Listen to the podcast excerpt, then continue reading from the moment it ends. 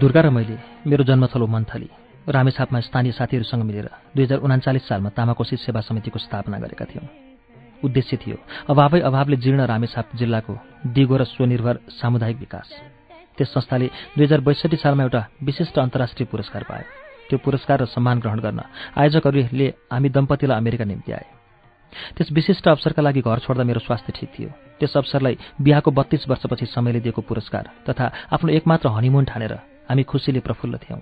जीवनको त्यस अति महत्त्वपूर्ण र उल्लासमय अवसरमा सहभागी हुन हामी दुई हजार त्रिसठी साल वैशाख एक गते अमेरिका पुग्यौँ तर समयले हाम्रो त्यो प्रफुल्लता सहेन। हामी अमेरिका पुगेकै दिन ढाडको हाड फ्र्याक्चर भएछ र म हलचल गर्न नसक्ने भएर डरेँ। बाँकी जीवन ढलेर बिताउनु पर्ने बाध्यताको मेरो त्यो पहिलो दिन रहेछ।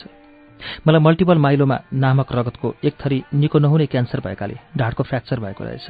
त्यसपछिका मेरा सबै दिनरात उपचारको क्रममा अस्पताल र घरको झ्यालखाना कोठाको कठघरा र ओछ्यानको पिँजडामा बितिरहेका छन्। दुर्गाले सानो पीडाले भनेकी होइनन् मेरा सुखका दिन गए।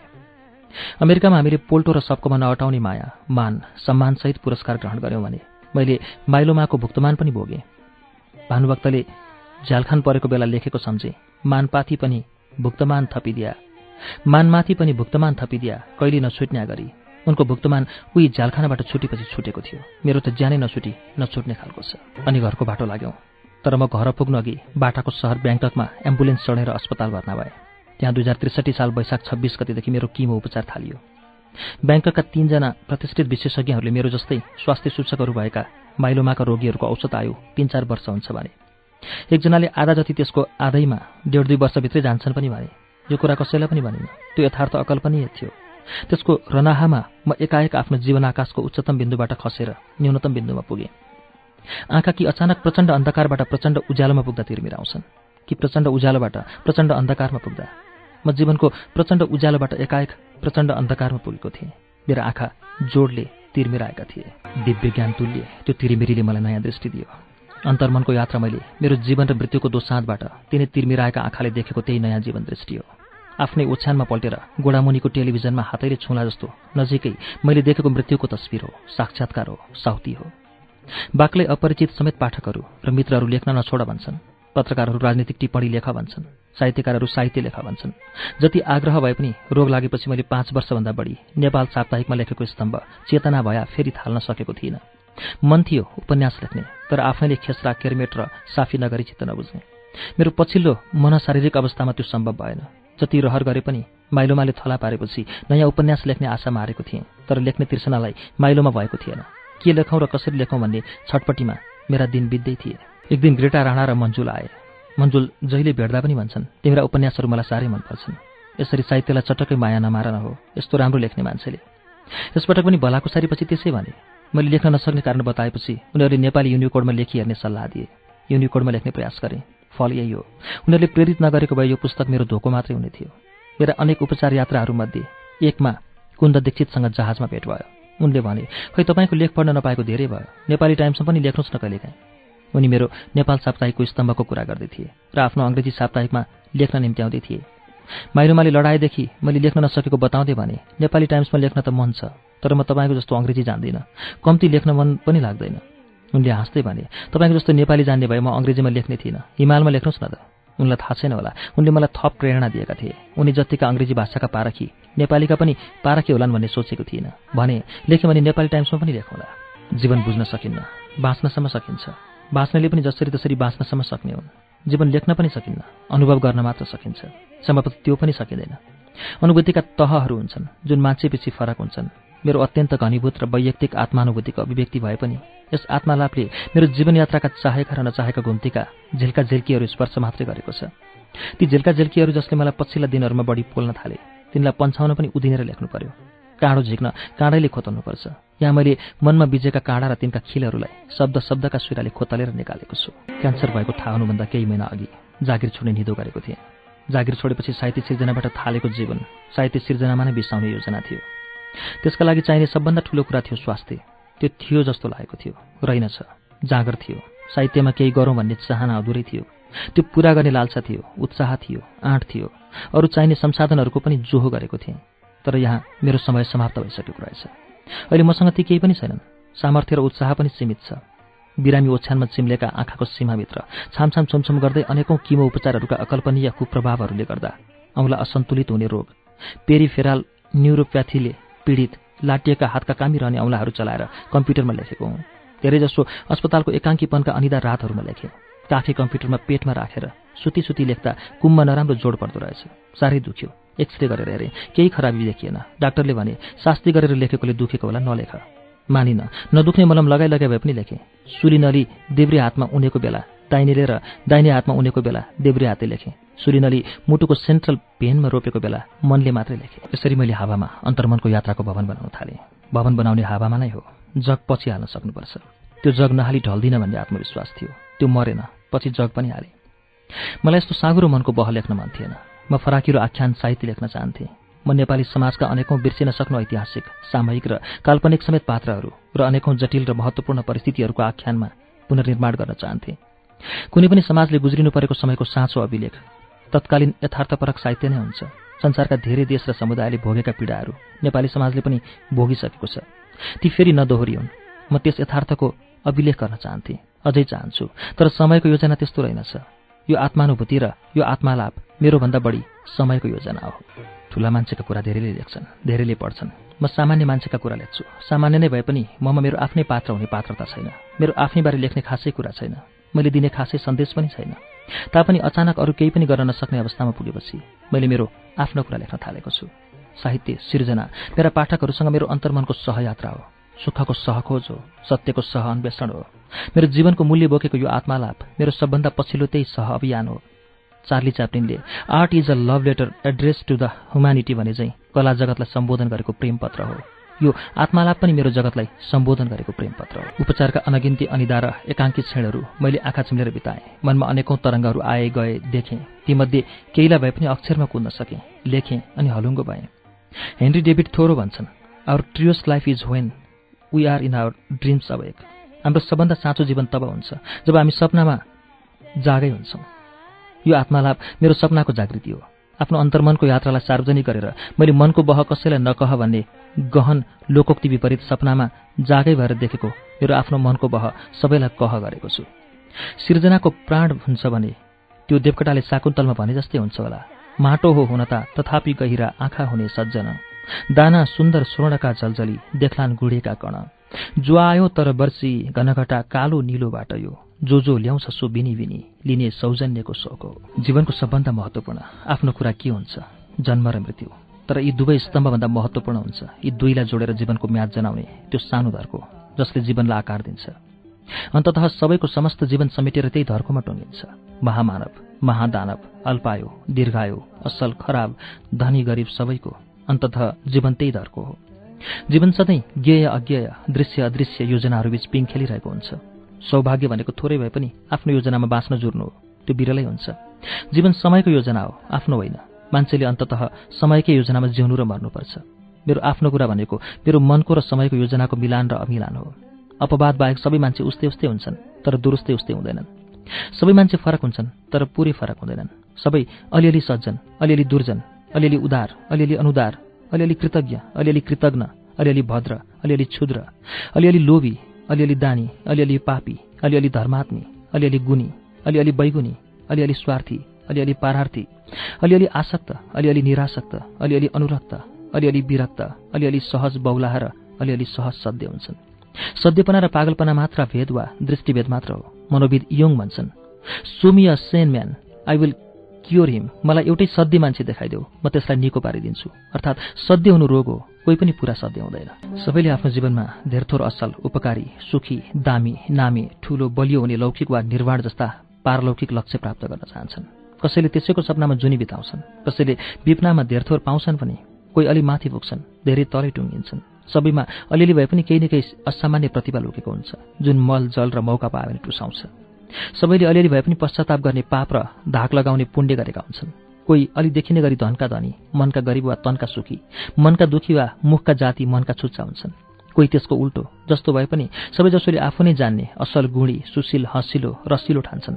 सबैले अरूकै कुकर्म देख्छन् अरूकै बैगुण देख्छन् अरूकै कमजोरी देख्छन् आफ्नो सबै राम्रै राम्रो र गुणै गुण मात्र देख्छन्। कोही हँसिला रसिला हुन्छन् कहिले नछिटुन् जस्ता कोही सधैँ ठस्केका कहिले नटाँसिउन् जस्ता कोही आउँदा रमाइलो आउँछ कोही जाँदा तर कसैमा पनि कुनै एकै प्रकृति वा प्रवृत्ति मात्र हुँदैन। सबैमा सबै गुणहरू हुन्छन् सबै वैगुणहरू हुन्छन् सबैमा सबै किसिमका भावहरू हुन्छन् अभावहरू हुन्छन्।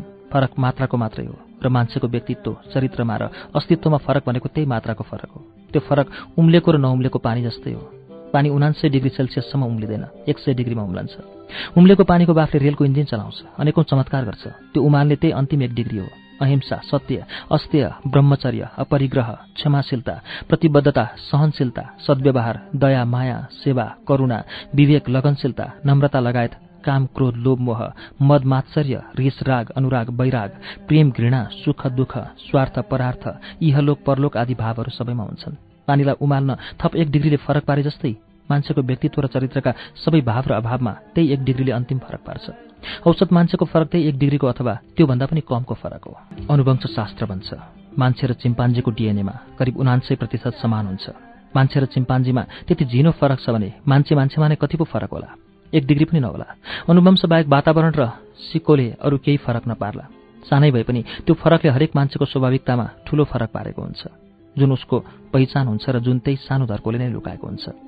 यहाँ म आफ्नो जीवन धर्कोको डोरीका पोयाहरू फुकाउँदैछु पोयाका बाबियाहरू फुकाउँदैछु बाबियाका त्यान्द्राहरू केलाउँदैछु। सेक्सपियरले the object of art is to give life a shape भने चाहिँ कलाको उद्देश्य जीवनलाई आकार दिनु हो भने यहाँ म आफ्नो जीवन धर्कोको आकार कुन्दैछु जीवनमा मैले शब्द साधना बाहेक केही गरिनँ अरूका र आफ्ना शब्दहरूमा रमाउने काम।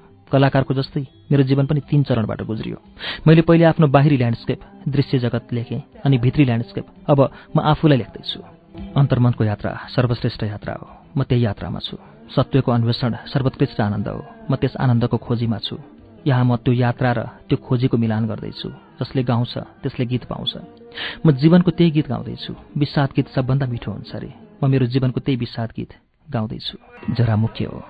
रुख जराकै भरले पहिरोमा पनि अडिन्छ। पहिरोमा पनि जागिन्छ। जरा नभइकन मूल हाँगा काँडा पात मुना कोपिला फुल फल बीज केही पनि हुँदैनन्। मेरा जरा नेपालमा छन् अन्त छैनन्। म जे छु जरा मूल हाँगा काँडा पात मुना कोपिला फुल फल बीजसहित नेपालमा नै छु अन्त छैन। म नेपालको रैथाने हुँ आदिवासी हुँ जनजाति हुँ सबै थोक हुँ किनभने म नेपालको साखै सन्तान हुँ। नेपालको सर्वस्व उनका साखै सन्तानहरू नै हुन् र उनका साखै सन्तानहरूको सर्वस्व पनि नेपाल नै हो। मेरा पुर्खा आजको नेपालभन्दा निकै आदिका बासिन्दा हुन्। त्यसैले आदिवासी हुन्।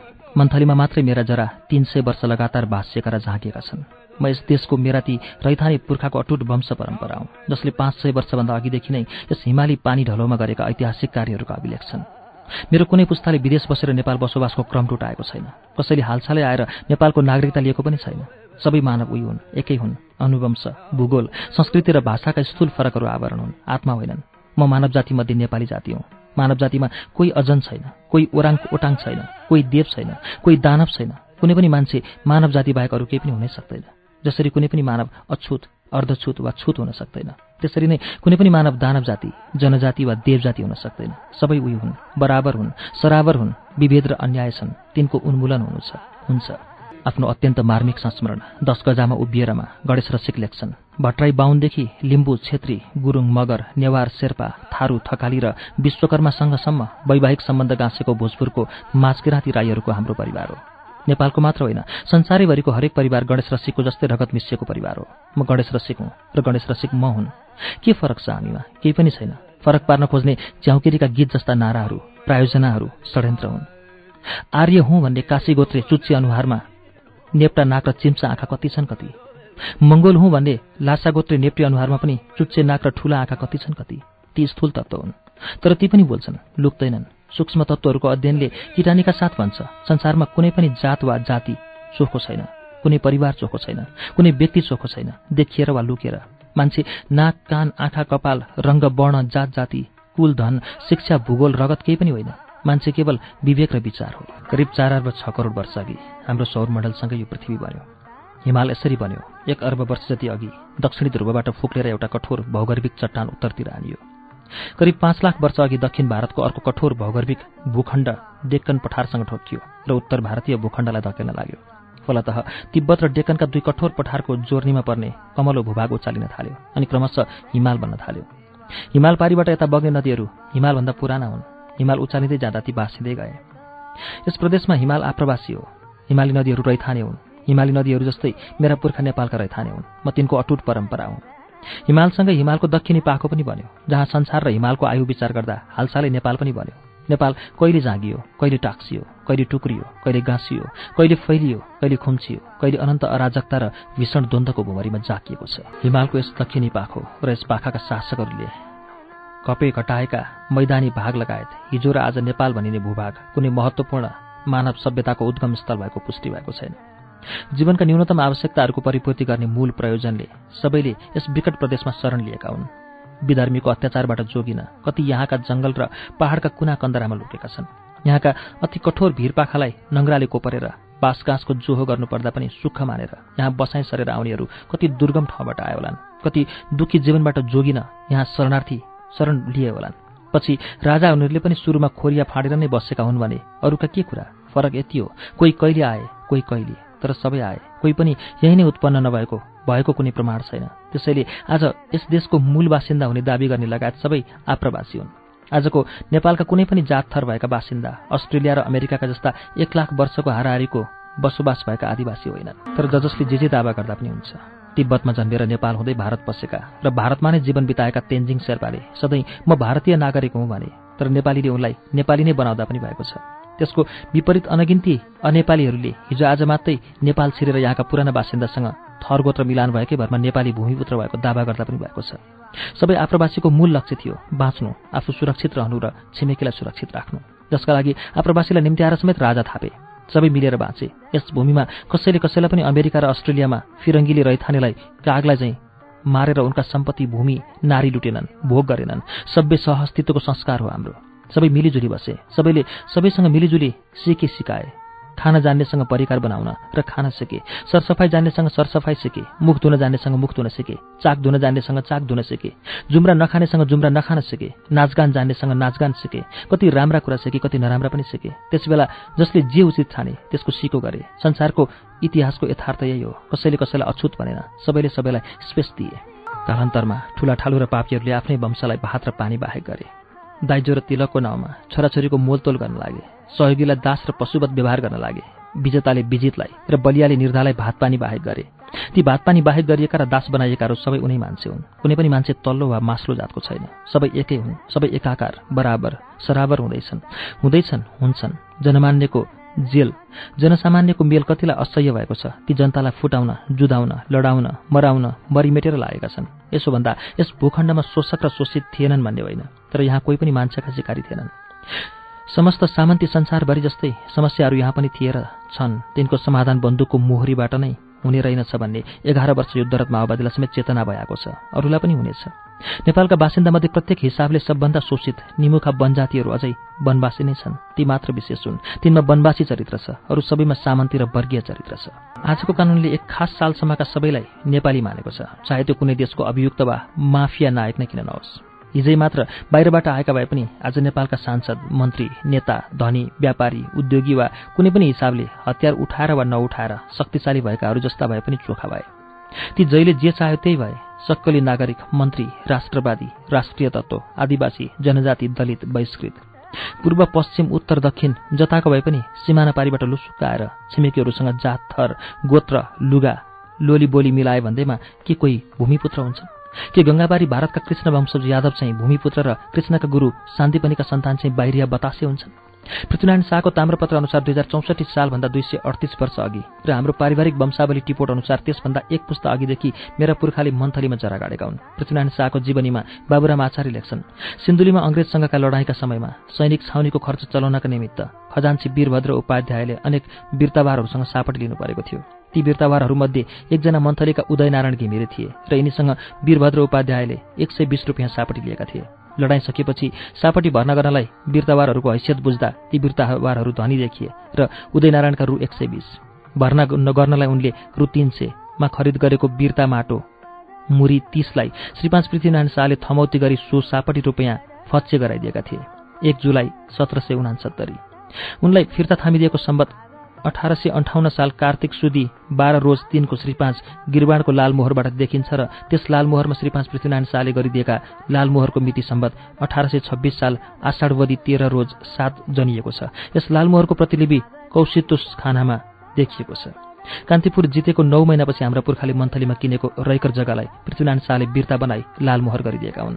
मन्थलीका घिमिरेका पुर्खा लमजुङका कुसुमाकरका सन्तान हुन्। केही इतिहासकारहरूको मतमा लमजुङमा राजा थिएनन्। छिमेकी कास्कीका राजा कुलमण्डन शाहका सात भाइ छोरा थिए। एक थरी लमजुङेहरूले उनका माइला छोरा कालु शाहलाई मागेर आफ्नो राजा बनाए तर अर्का थरी विरोधी लमजुङेहरूले कालु शाहलाई झुक्क्याएर मारे।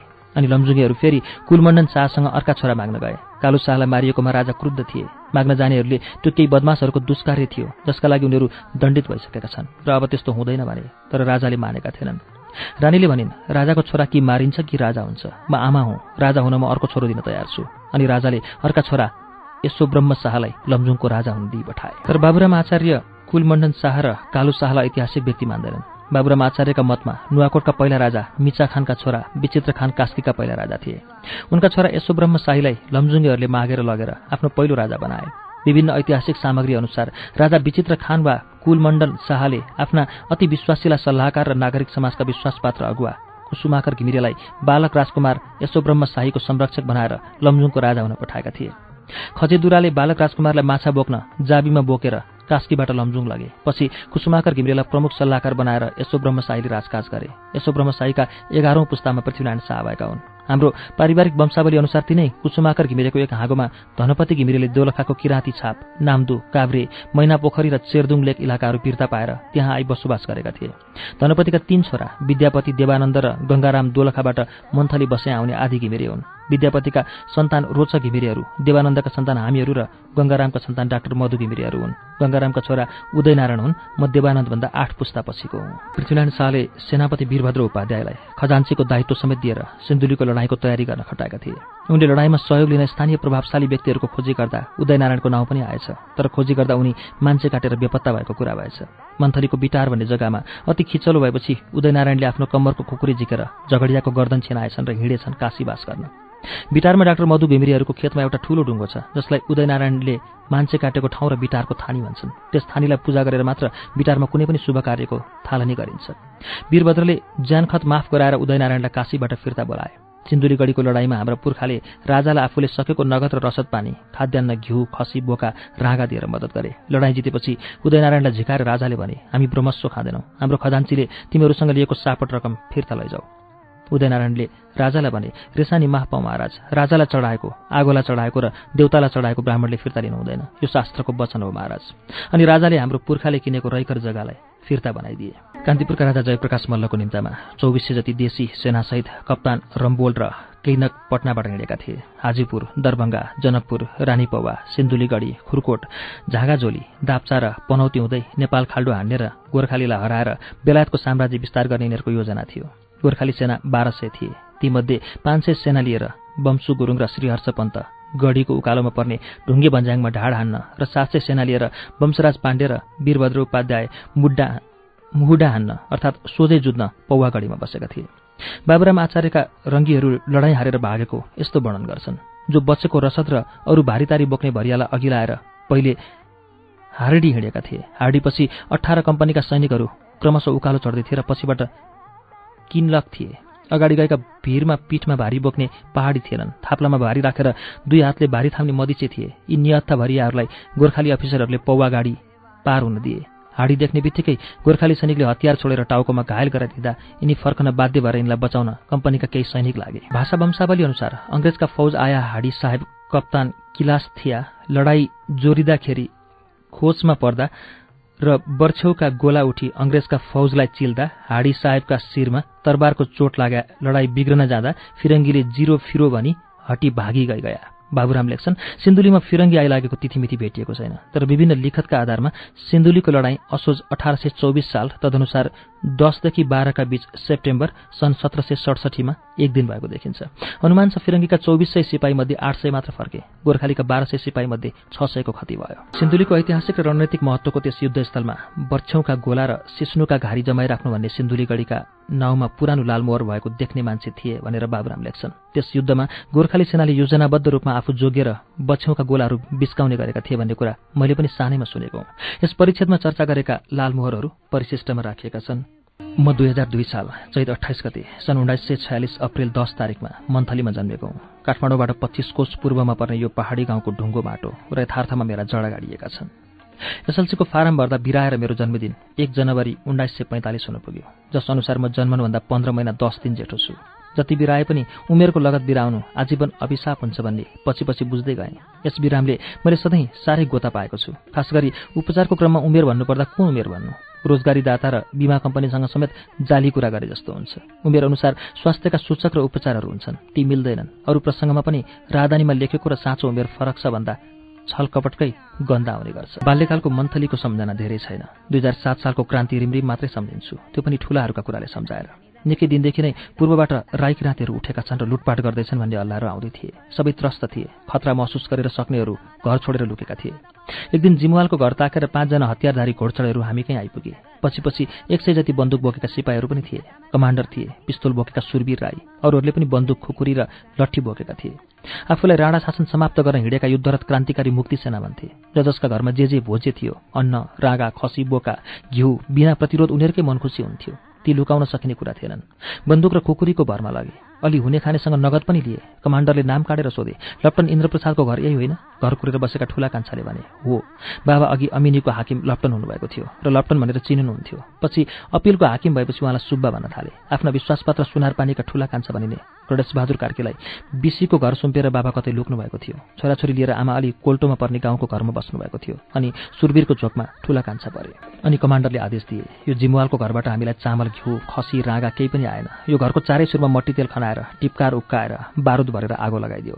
ठुला कान्छाले सोधे के विराम गरेको छ र आगो लगाउने? नाइकेले भन्यो को हो यो बोल्ने? ठोक यसलाई गोली। एउटा सिपाहीले ठुला कान्छातिर बन्दुक तिर्सायो ठुला कान्छा जागे। दुवै हाते दौराका तुना छिनाएर नाङ्गो छाती देखाउँदै चितुवा झैँ उफ्रेर आफ्नो चौडा छाती त्यो बन्दुकको मोहरीमा जोत्दै गर्जिए। ताकत छ भने ल गोली ठोक। के गरेको छ र गोली ठोक्ने? तिम्रा सिपाहीले छाके पछि खाएको चामल खसी राँगा र घिउ यही घरबाट पठाउने मै हुँ। अझ मलाई नै गोली ठोक्ने? ल गोली ठोक। ठुला कान्छाको रौद्र रूप तन्किएको छाती र ठडिएको शिरका अगाडि कमान्डर रत्रिए त्यस सैनिकको बन्दुक पनि रत्रियो कमान्डरले भने ए उसो भए त्यसले हामीलाई गल्ती कुरा सुनाएछ। त्यसलाई ठिक पार्नुपर्छ हिँडा केटा हो।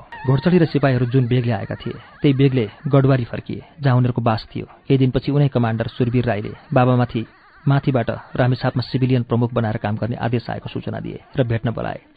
बाबाले सुरवीरलाई भेट्नुभयो। उनले सुरक्षाको लागि हाम्रो घरमा हतियारसहितका मुक्ति सेनाका गाडहरू राखिदिए। ती गाडहरू हरेक दुई घण्टामा बन्दुक पड्काएर रनबन थर्काउँथे रामेसाप नजितिउन्जेल उनीहरूले हाम्रो घरमा पहरा दिए।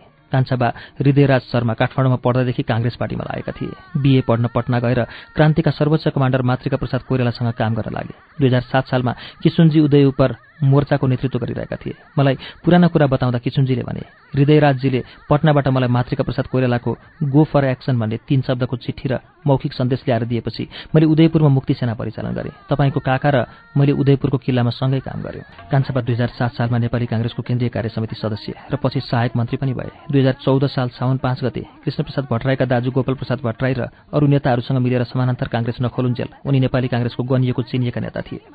पूर्व दुई नम्बर जिल्लाका तीन सदरमुकाम थिए। मालअड्डा चरीकोटमा बडा हाकिम रामेछापमा र अदालत सिन्धुलीगढीमा मुक्ति सेनाले माघ तेह्र गति अति कुशलतापूर्वक राणाका सिपाहीलाई आत्मसमर्पण गराएर रामेछाप कब्जा गरे। कोही मरेनन्। काठमाडौँतिर बढ्ने मूल बाटोमा पर्ने सिन्धुलीगढीको जिल्ला किल्ला जित्न बाँकी थियो। बाबाले सिन्धुलीगढी हान्न रसद पानी रागा खसी घिउ र भरियाको व्यवस्था गरिदिनु भयो नाइकेले बाबालाई सिन्धुली गढी हुँदै काठमाडौँतिरको लडाइँका लागि सँगै लिएर गए। परिवारका सबै डरले थर्कमान भए। मुक्ति सेनाको कुनै क्षति नभइकन नै सिन्धुली गढी पनि कब्जा भयो। रामेछाप र सिन्धुलीमा क्रान्ति सफल भयो तर दोलखामा केही प्रतिक्रान्तिका झिल्काहरू पनि देखिए। क्रान्ति सफल भएपछि पूर्व दुई नम्बरको शान्ति टोलीको नेतृत्व गरेर कान्छाबा आए। मूल उद्देश्य थियो क्रान्तिको नाममा सक्कली र नक्कली मुक्ति सेनाले जिल्लामा गरिरहेको लुटपाट साम्य पार्नु। क्रान्तिपछि पूर्व दुई नम्बरमा केही समय अन्तरिम शासन चल्यो जसमा बाबा कृषि मन्त्री हुनुभयो। पूर्व दुई नम्बरको क्रान्तिको इतिहास दुई हजार उनाचास कुलचन्द्र कोइराला बिपी अनुसन्धान तथा सेवा केन्द्र।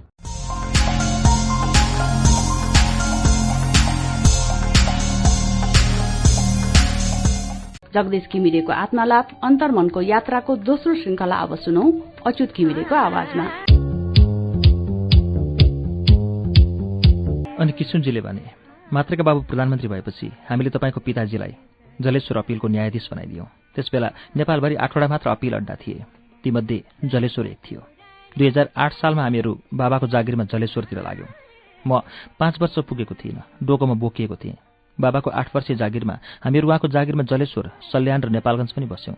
मेरो र दिदी बहिनी र भाइको प्रारम्भिक शिक्षा त्यहाँका स्कुलहरूमा भयो। जलेश्वर स्कुलमा थालेको मेरो पढाइ बाबाका सरुवाहरू सँगसँगै सरुवा भएर सल्यान र नेपालगञ्जका स्कुलहरूमा पनि पुग्यो। बाबाको जागिर सकिएपछि काठमाडौँको पद्मोदयबाट एसएलसी पास गरेपछि स्कुलले शिक्षा टुङ्गियो। जलेश्वरमा मैले साइकल भन्ने अद्भुत कुरा देखेँ। आफै ठडिन नसक्ने मान्छेले नडोराइकन नचढिकन हिँड्न पनि नसक्ने तर मान्छे बोकिसकेपछि बेपत्ता कुद्ने क्या गजब? कस्ता राम्रा चमचम चम्किने पाङ्रा कस्तो गजबको घन्टी टिन टिन टिन टिङ्लिङ टिङ्लिङ। एकजना मात्रै चढ्ने दुईजना पनि चढ्नुहुने तिनजना पनि चढ्नुहुने फनक्क घुम्ने सवारले राम्रै ढल्काए पनि नलड्ने नलडाउने। त्यसअघि मैले मान्छे बोक्नेमा घोडा मात्र देखेको थिएँ। साइकलले घोडाले जस्तो लात्ती पनि नहान्ने अरू कुनै बदमासी पनि नगर्ने तर चलाउन खेलाउन जानेन भने चोटपटक पनि लाग्ने। घोडाले सवार चिन्छ भन्थे साइकलले त सवार पनि नचिन्ने जसले सक्यो त्यसले चढ्यो। त्यो अद्भुत यन्त्र चलाउने चौचौले मलाई हैरान पार्यो तर ठुलाहरूले भनिदिए त सानै छस् अहिले सक्दैनस्। मलाई कहिले ठुलो हुँ र साइकल चढौँ भन्ने चौचौले धुरुक्कै पार्यो। मैले साना केटाहरूले पनि कैँची लाएर अर्थात् सिटमा नबसिकन डन्डीमुनिबाट एउटा खुट्टा छिराएर साइकल चलाएको देखेँ तर फेरि भने त्यो खतरनाक हुन्छ। तैँले सिटमा बसेर खुट्टाले भुइँ छुन सक्ने भएपछि मात्रै चलाउनु पर्छ सिक्नुपर्छ। तर म जस्तै बच्चाहरूले भुइँमा खुट्टा नपुगे पनि सिटमा नै बसेर राम्रैसँग साइकल चलाएको देखेँ। मेरो साइकल चलाउने सपना निकै वर्षपछि नेपालगञ्ज नजाउन्जेल पुरा भएन। मैले जलेश्वरमा अरू अनेक अद्भुत चिजहरू पनि देखेँ। रेडियो अर्थात् ट्याउ ट्याउ गर्ने चिटिक्क परेको कन्तुर क्या गजब क्या गाना आउँछ। तर बेला बेलामा स्याउ स्याउ घ्यार घ्यार गरेर बोली नबुझिने नारी घडी भित्ते घडी घन्टी बज्ने अलार्म घडी म्यान्टोलको हजार लाल्टिनी जस्तो प्रकाश। गोरु गाडा कार जिप बस पहिलोपटक मोटर पनि चढेँ। हटिया पिठिया देखेँ। पुरी कचौडी जिलेबी र अरू मिठाईहरू खाएँ। खसी रेटेर मारेको र छाला तरेको देखेँ। त्यसअघि मैले खसी मार हानेको मात्र देखेको थिएँ। बल्छीले माछा मारेको देखेँ। गुलेलीले चरा मारेको देखेँ। फुटबल देखेँ। एक दुई लात हाने। ब्याडमिन्टन देखेँ। खेलेँ। खेले के भन्नु? ऱ्याकेट खेलाएँ। यी सबै अद्भुत कुरा थिए। अलि जेठा एक मुसलमान साथी थिए। गुलेली र बल्छी खेल्थे। मटेङ्ग्राले घाइते भएको वा मरिसकेका चरा भए पनि मरिसकेको छैन दुखदुखी बाँकी छ भनेर मन्त्र पढ्दै हलाल गर्थे। भन्थे हामी मुसलमानहरू हलाल नगरेको कुनै पनि जनावरको मासु खाँदैनौँ। उनीहरूले माछा हलाल गरेको नदेखेपछि सोधेँ किन माछालाई हलाल नगरेको त? उनले माछाको घाँटीका छेउका पालहरू देखाएर भने माछाले त खुदाले नै हलाल गरेर पठाइदिएको हुन्छ। हामीले गर्नै पर्दैन। त्यस्तो जाति खुदाले अरू जनावरलाई चाहिँ किन हलाल नगरी पठाएका होलान् भन्ने? मैले त्यस बेला त बुझ्न सकिन सकिनँ अहिलेसम्म पनि बुझ्न सकेको छैन। मेरो जीवनको सबभन्दा ठुलो दुविधा त्यही हो। नौटङ्की भन्ने कुरा अर्को चमत्कार थियो। राजा भर्थरी सत्य हरिश्चन्द्र रामलीला हनुमान लैला मजनु जस्ता जोकरहरू कस्ता नाच गाना नौटङ्की रहस्य मैले त्यो बेला त बुझ्ने बुझेको थिइनँ थिइनँ अहिले पनि बुझ्न सकेको छैन। जगतमा जे भइरहेको छ त्यो सबै नौटङ्की नै हो जसलाई दैवको लीला भनिन्छ त्यो पनि दैव निर्मित दैव नौटङ्की हो। सेक्सपियरले जगत नौटङ्की हो त्यसै भनेको होइन। जगत मात्रै होइन सम्पूर्ण ब्रह्माण्ड नै नौटङ्की हो। त्यहाँ नाचगान गर्ने रन्डी हुन्छन् भन्ने सुने। रन्डी भनेको देह व्यापार गर्ने नारी हो भन्ने पनि सुने। त्यो खराब कुरा हो जुन खराब नर र नारीले मात्रै गर्छन् भन्ने पनि सुने। अनि सुने नौटङ्कीमा खेल्नेहरू साँच्चैका पति पत्नी पनि हुन्छन् रे तर त्यसबेला त्यो नौटङ्कीमा खेल्नेहरूको दाम्पत्य त्यो खराब व्यापार त्यो रन्डी भनेको के हो कस्तो हो पनि केही पनि बुझिनँ। अझै बुझेको छैन यस जगतमा कुन नर वा नारी रन्डा वा रन्डी हो र कुन होइन भन्ने। सर्कस झन् ठुलो चमत्कार थियो। तैपनि जलेश्वरका यी कुनै पनि अद्भुत कुराहरूले साइकलको अद्भुत ताला जितेनन्। तेल र इन्जिनको भरमा त आकाशमा हवाईजहाज नै उड्छन् भन्ने पनि सुनिसकेकाले मलाई ती यन्त्रहरू बिना इन्जिन बिना तेल कुद्ने तर आफै ठडिन नसक्ने साइकल जस्तो चमत्कारी लागेनन्। मेरो जलेश्वरको उपलब्धि भन्नु नै साइकल देख्नु छुनु र बेला मौकामा डबल लोडमा चढ्न पाउनुभयो। जलेश्वरपछि सल्यान गयौँ। भारतमा लामो रेल यात्रापछि दाङबाट हात्ती घोडा र खटौली चढ्दै सल्यान पुग्यौँ। मेरो सल्यानको उपलब्धि बन्दुक साधना थियो। सल्यानमा मभन्दा जेठा दुई मित्र थिए। पहिला प्रख्यात लाटो कामीका छोरा देवबहादुर विश्वकर्मा। देवबहादुरलाई म मेरो आग्नेयास्त्र गुरुका रूपमा बराबर सम्झन्छु र आदर गर्छु। दोस्रा मरिचमान सिंह जो पछि प्रधानमन्त्री भए उनीसँग भोज भत्तेरहरूमा कहिलेकाहीँ भेट हुन्छ सल्यानका सुरुकै दिनमा इयर्गन मेरो हातमा पर्यो। त्यसले मेरा दौतरीहरूलाई मात्रै होइन ठुलालाई पनि आकर्षित गर्थ्यो। पाँच पैसाको बाजी थापेर आठ दस गज परबाट इयर्गनले पाँच पैसा ढ्याकमा तारो हान्थे छिट्टै लगभग चोटै नबिराउने भए। हरेक दिन स्कुलबाट फर्केपछि केही छर्रा र इयरगन बोकेर पाखातिर जान्थे। धेरैजसो तारै हान्ने अभ्यास गर्थे। एक दिन मैले मेरो लक्ष्य वेदन साधनाको जाँच गर्ने सुरु गरेँ। मेरो पहिलो शिकार गौँथली भयो। घरमा गौँथली बसे लक्षण हुन्छ पवित्र चरो हो मार्नु हुँदैन भन्छन्। त्यसरी गुलेली खेल्नेहरू पनि गौँथलीलाई भगेराला जस्तो हान्दैनन् मार्दैनन्। छाती फर्काएर सुकेको आँगामा बसेको एउटा नबिच्केको गौँथलीलाई लुकेर नजिकै गएर ताकेर हाने। यरगनमा एउटा मात्र सानो गोली वा छर्रा हुन्छ। गौँथलीको छातीमा ताकेर लिभ्री ताने ताकेकै ठाउँमा लाग्यो। गौँथली उड्न खोजेर भुइँमा भ्यात्ता पछारियो। उसले छाती टेकेको थियो पखेटा फिजिएका थिए। तारो लाउन सफल भएकाले म खुसी भएँ नजिकै गएँ। उसले उड्ने प्रयत्न गर्नु सकेन। शरीरको अनुपातमा ठुल्ठुला बाटुला र रसिला आँखाले उसले मलाई हेऱ्यो। मैले उससँग आँखा जुदाउन सकिनँ मेरो आँखा निहुरियो। त्यस प्रथम हत्याले मेरो शिर नेउरियो मैले त्यो मेरो पहिलो शिकारलाई छुन सकिनँ। डर लाग्यो। मेरो मुटु जोडसँग ढुकढुक गर्न लाग्यो। अत्तालिएँ। मलाई दिसा पिसाब लाग्यो। के गरौँ के गरौँ? जस्तो भयो। घरतिर लागेँ। मैले गौँथली मारेको कसैलाई भनिनँ। फेरि कहिले गौँथली मारिनँ। तर सल्यानमा अनगिन्ती फिस्टा भगेरा र काग मारे। ती मेरा तारो मात्र थिए। निरुद्देश्य शिकार थिएन। सल्यानका पछिल्ला वर्षहरूमा देवबहादुरले मलाई भरुवा बन्दुक भर्न र हान्न सिकाए। भरुवा बन्दुकका बारुद केप छुसी र नालका मसिना कुराहरूबारे बताए। बन्दुकको कुन्दा कसरी खिपेर कुम र छातीको जोर्नीको मासुमा अड्याउनुपर्छ भनेर सिकाए। त्यो तालिम आग्नेयास्त्रमा एसएलसी सरह थियो। भरुवा बन्दुक चलाउन सिपालु भएपछि उनले मलाई घरबाट बाह्र बोर र टोटा ल्याउनु भने र त्यसमा पारङ्गत बनाए। यसरी मलाई उनले बन्दुक विद्यामा बाह्र बोरको स्नातक सरह गराइदिए। बाबाले बन्दुक खेलाएको शिकार खेलेको मैले कहिले देखिनँ सुनिनँ। तर उहाँले किन तीन नाल बाह्र बोर र दुई नाल यर्गन जोड्नुभयो? त्यसको औचित्य देखिनँ। सम्भवतः सात सालको क्रान्तिमा बन्दुकको भूमिका देखेर उहाँ प्रभावित हुनुभएको थियो। त्यसबेला मेरो हातमा हार्बिन परेको भए म सङ्गीत सिक्थेँ होला। पछि मलाई शिकार खेल्न मन लागेन। बन्दुक चलाउन छोडेँ। छोराछोरीले जति रहर गरे पनि अरू सबै खेलौना किनिदिएँ। खेलौना बन्दुक कहिले किनिनँ। त्यो मैले सानोमा गरेको प्राणी हत्याको सानै भए पनि प्रायश्चित थियो। सल्यान बजारको पुछारमा बादी टोल थियो। हिउँदमा नेपालगञ्ज र लखनऊतिर जान्थे अरे। बर्खामा सल्यान आउँथे। पर्वहरूमा हाकिम र गण्यमान्यका घरमा गएर बदिनीहरू नाचगान गर्थे। वादीहरू हार्बिन तबला बजाउँथे। मैले सल्यानमा बदिनीहरू देह व्यापार गर्छन् भन्ने सुने। एक शनिबार बाबाका सहायक न्यायाधीश खैराबाङ देवीको दर्शन गर्न जाने भएछन्। हाम्रो घोडा माग्न आएका सिपाहीबाट थाहा पाएँ। खैराबाङ देवी स्थान एक दुई घन्टा लाग्ने पल्लो डाँडाको टाकुरामा पर्थ्यो म पनि जान्छु भनेर कल गरेँ। मेरो बाल हटले जित्यो। मेरो लागि पनि एउटा घोडा तयार पारियो। खैराबाङ पुगेर देवीको दर्शन बलि र खानपिनपछि मैले कारिन्दा र सहायकहरूको खासखुसबाट के बुझेँ भने हालै सरुवा भएर सपत्नी सल्यान आएका ती अद्वैंशी न्यायाधीश सौन्दर्यको लागि प्रख्यात खैराबाङकी नवयौवना बदिनी देवीको सर्वाङ्ग दर्शन गर्नु पो आएका रहेछन्।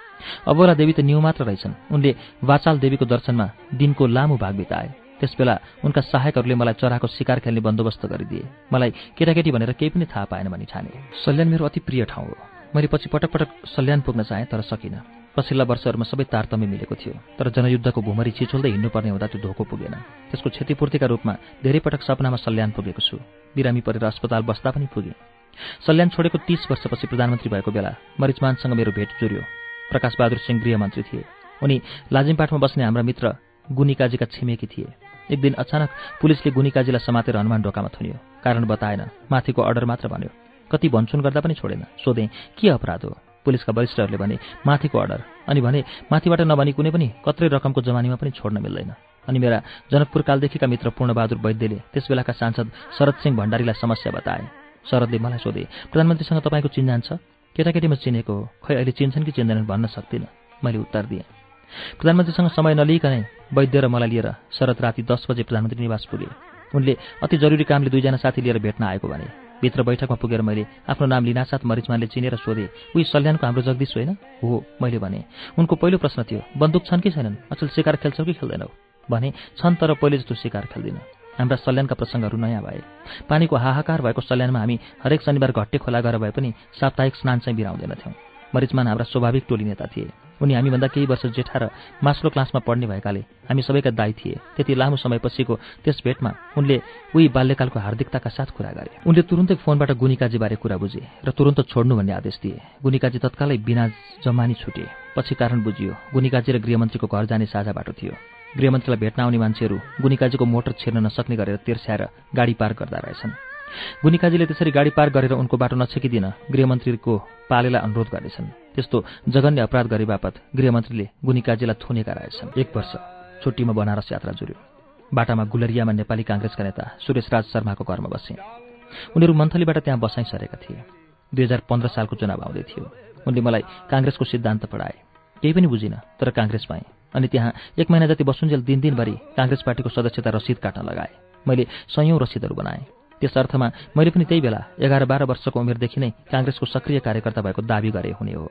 बनारसमा विद्यार्थी दाजुहरूसँग केही महिना बसेँ त्यो अर्को संसार थियो। गङ्गा गङ्गा नदीको अकल्पनीय विस्तार त्यस्तै थियो राजघाटको पुल बनारसका गल्लीहरू बनारस हिन्दू विश्वविद्यालयको भव्यता रिक्साको सवारी ठूला नाउहरू र झन् ठूला बजारहरूमा गङ्गाको सफर। रिक्सालाई छोला छोला जस्तै गरी कुद्ने विशाल बसहरू मान्छेको घुइँचो मिठाई पसलहरू पहिलोपटक सिनेमा हेरेँ। सिनेमामा बन्दुक ताक्यो मैलाई ताके जस्तो लाग्यो। मैलाई गोली लाग्छ कि भनेर यताउता ढल्केर छल्न खोजेँ। साथीले थाहा पाए काँथर भन्ला भन्ने डर थियो। यत्र मान्छेमा कसो मैला लाग्ला त भनेर चित्त बुझाएँ। सिनेमामा बन्दुक चल्यो तर हेर्ने मध्ये कसैलाई लागेको जस्तो लागेन। सोचेँ नक्कली बन्दुक रहेछ। सूर्यविक्रम गेवालीलाई मैले पहिलोपटक त्यही बेला देखेँ। भेटेँ उनका छोराहरू मदन र मोहन मेरा साथी थिए। पछि लक्कीदेवी सुन्दासले लेखेको गेवालीजीको संस्मरण परे जसको सार यस्तो छ।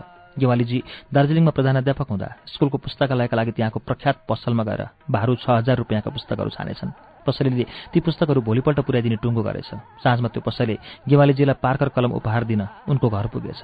गेवालीजीले त्यसको सातो त लिए लिए भोलिपल्टै पुस्तकहरूको दिइसकेको अर्डर पनि रद्द गरिदिए। पछि एकाडेमीमा हुँदा गेवालीजीको एउटा गोजीमा सधैँ राजीनामा पत्र पनि हुन्थ्यो अरे।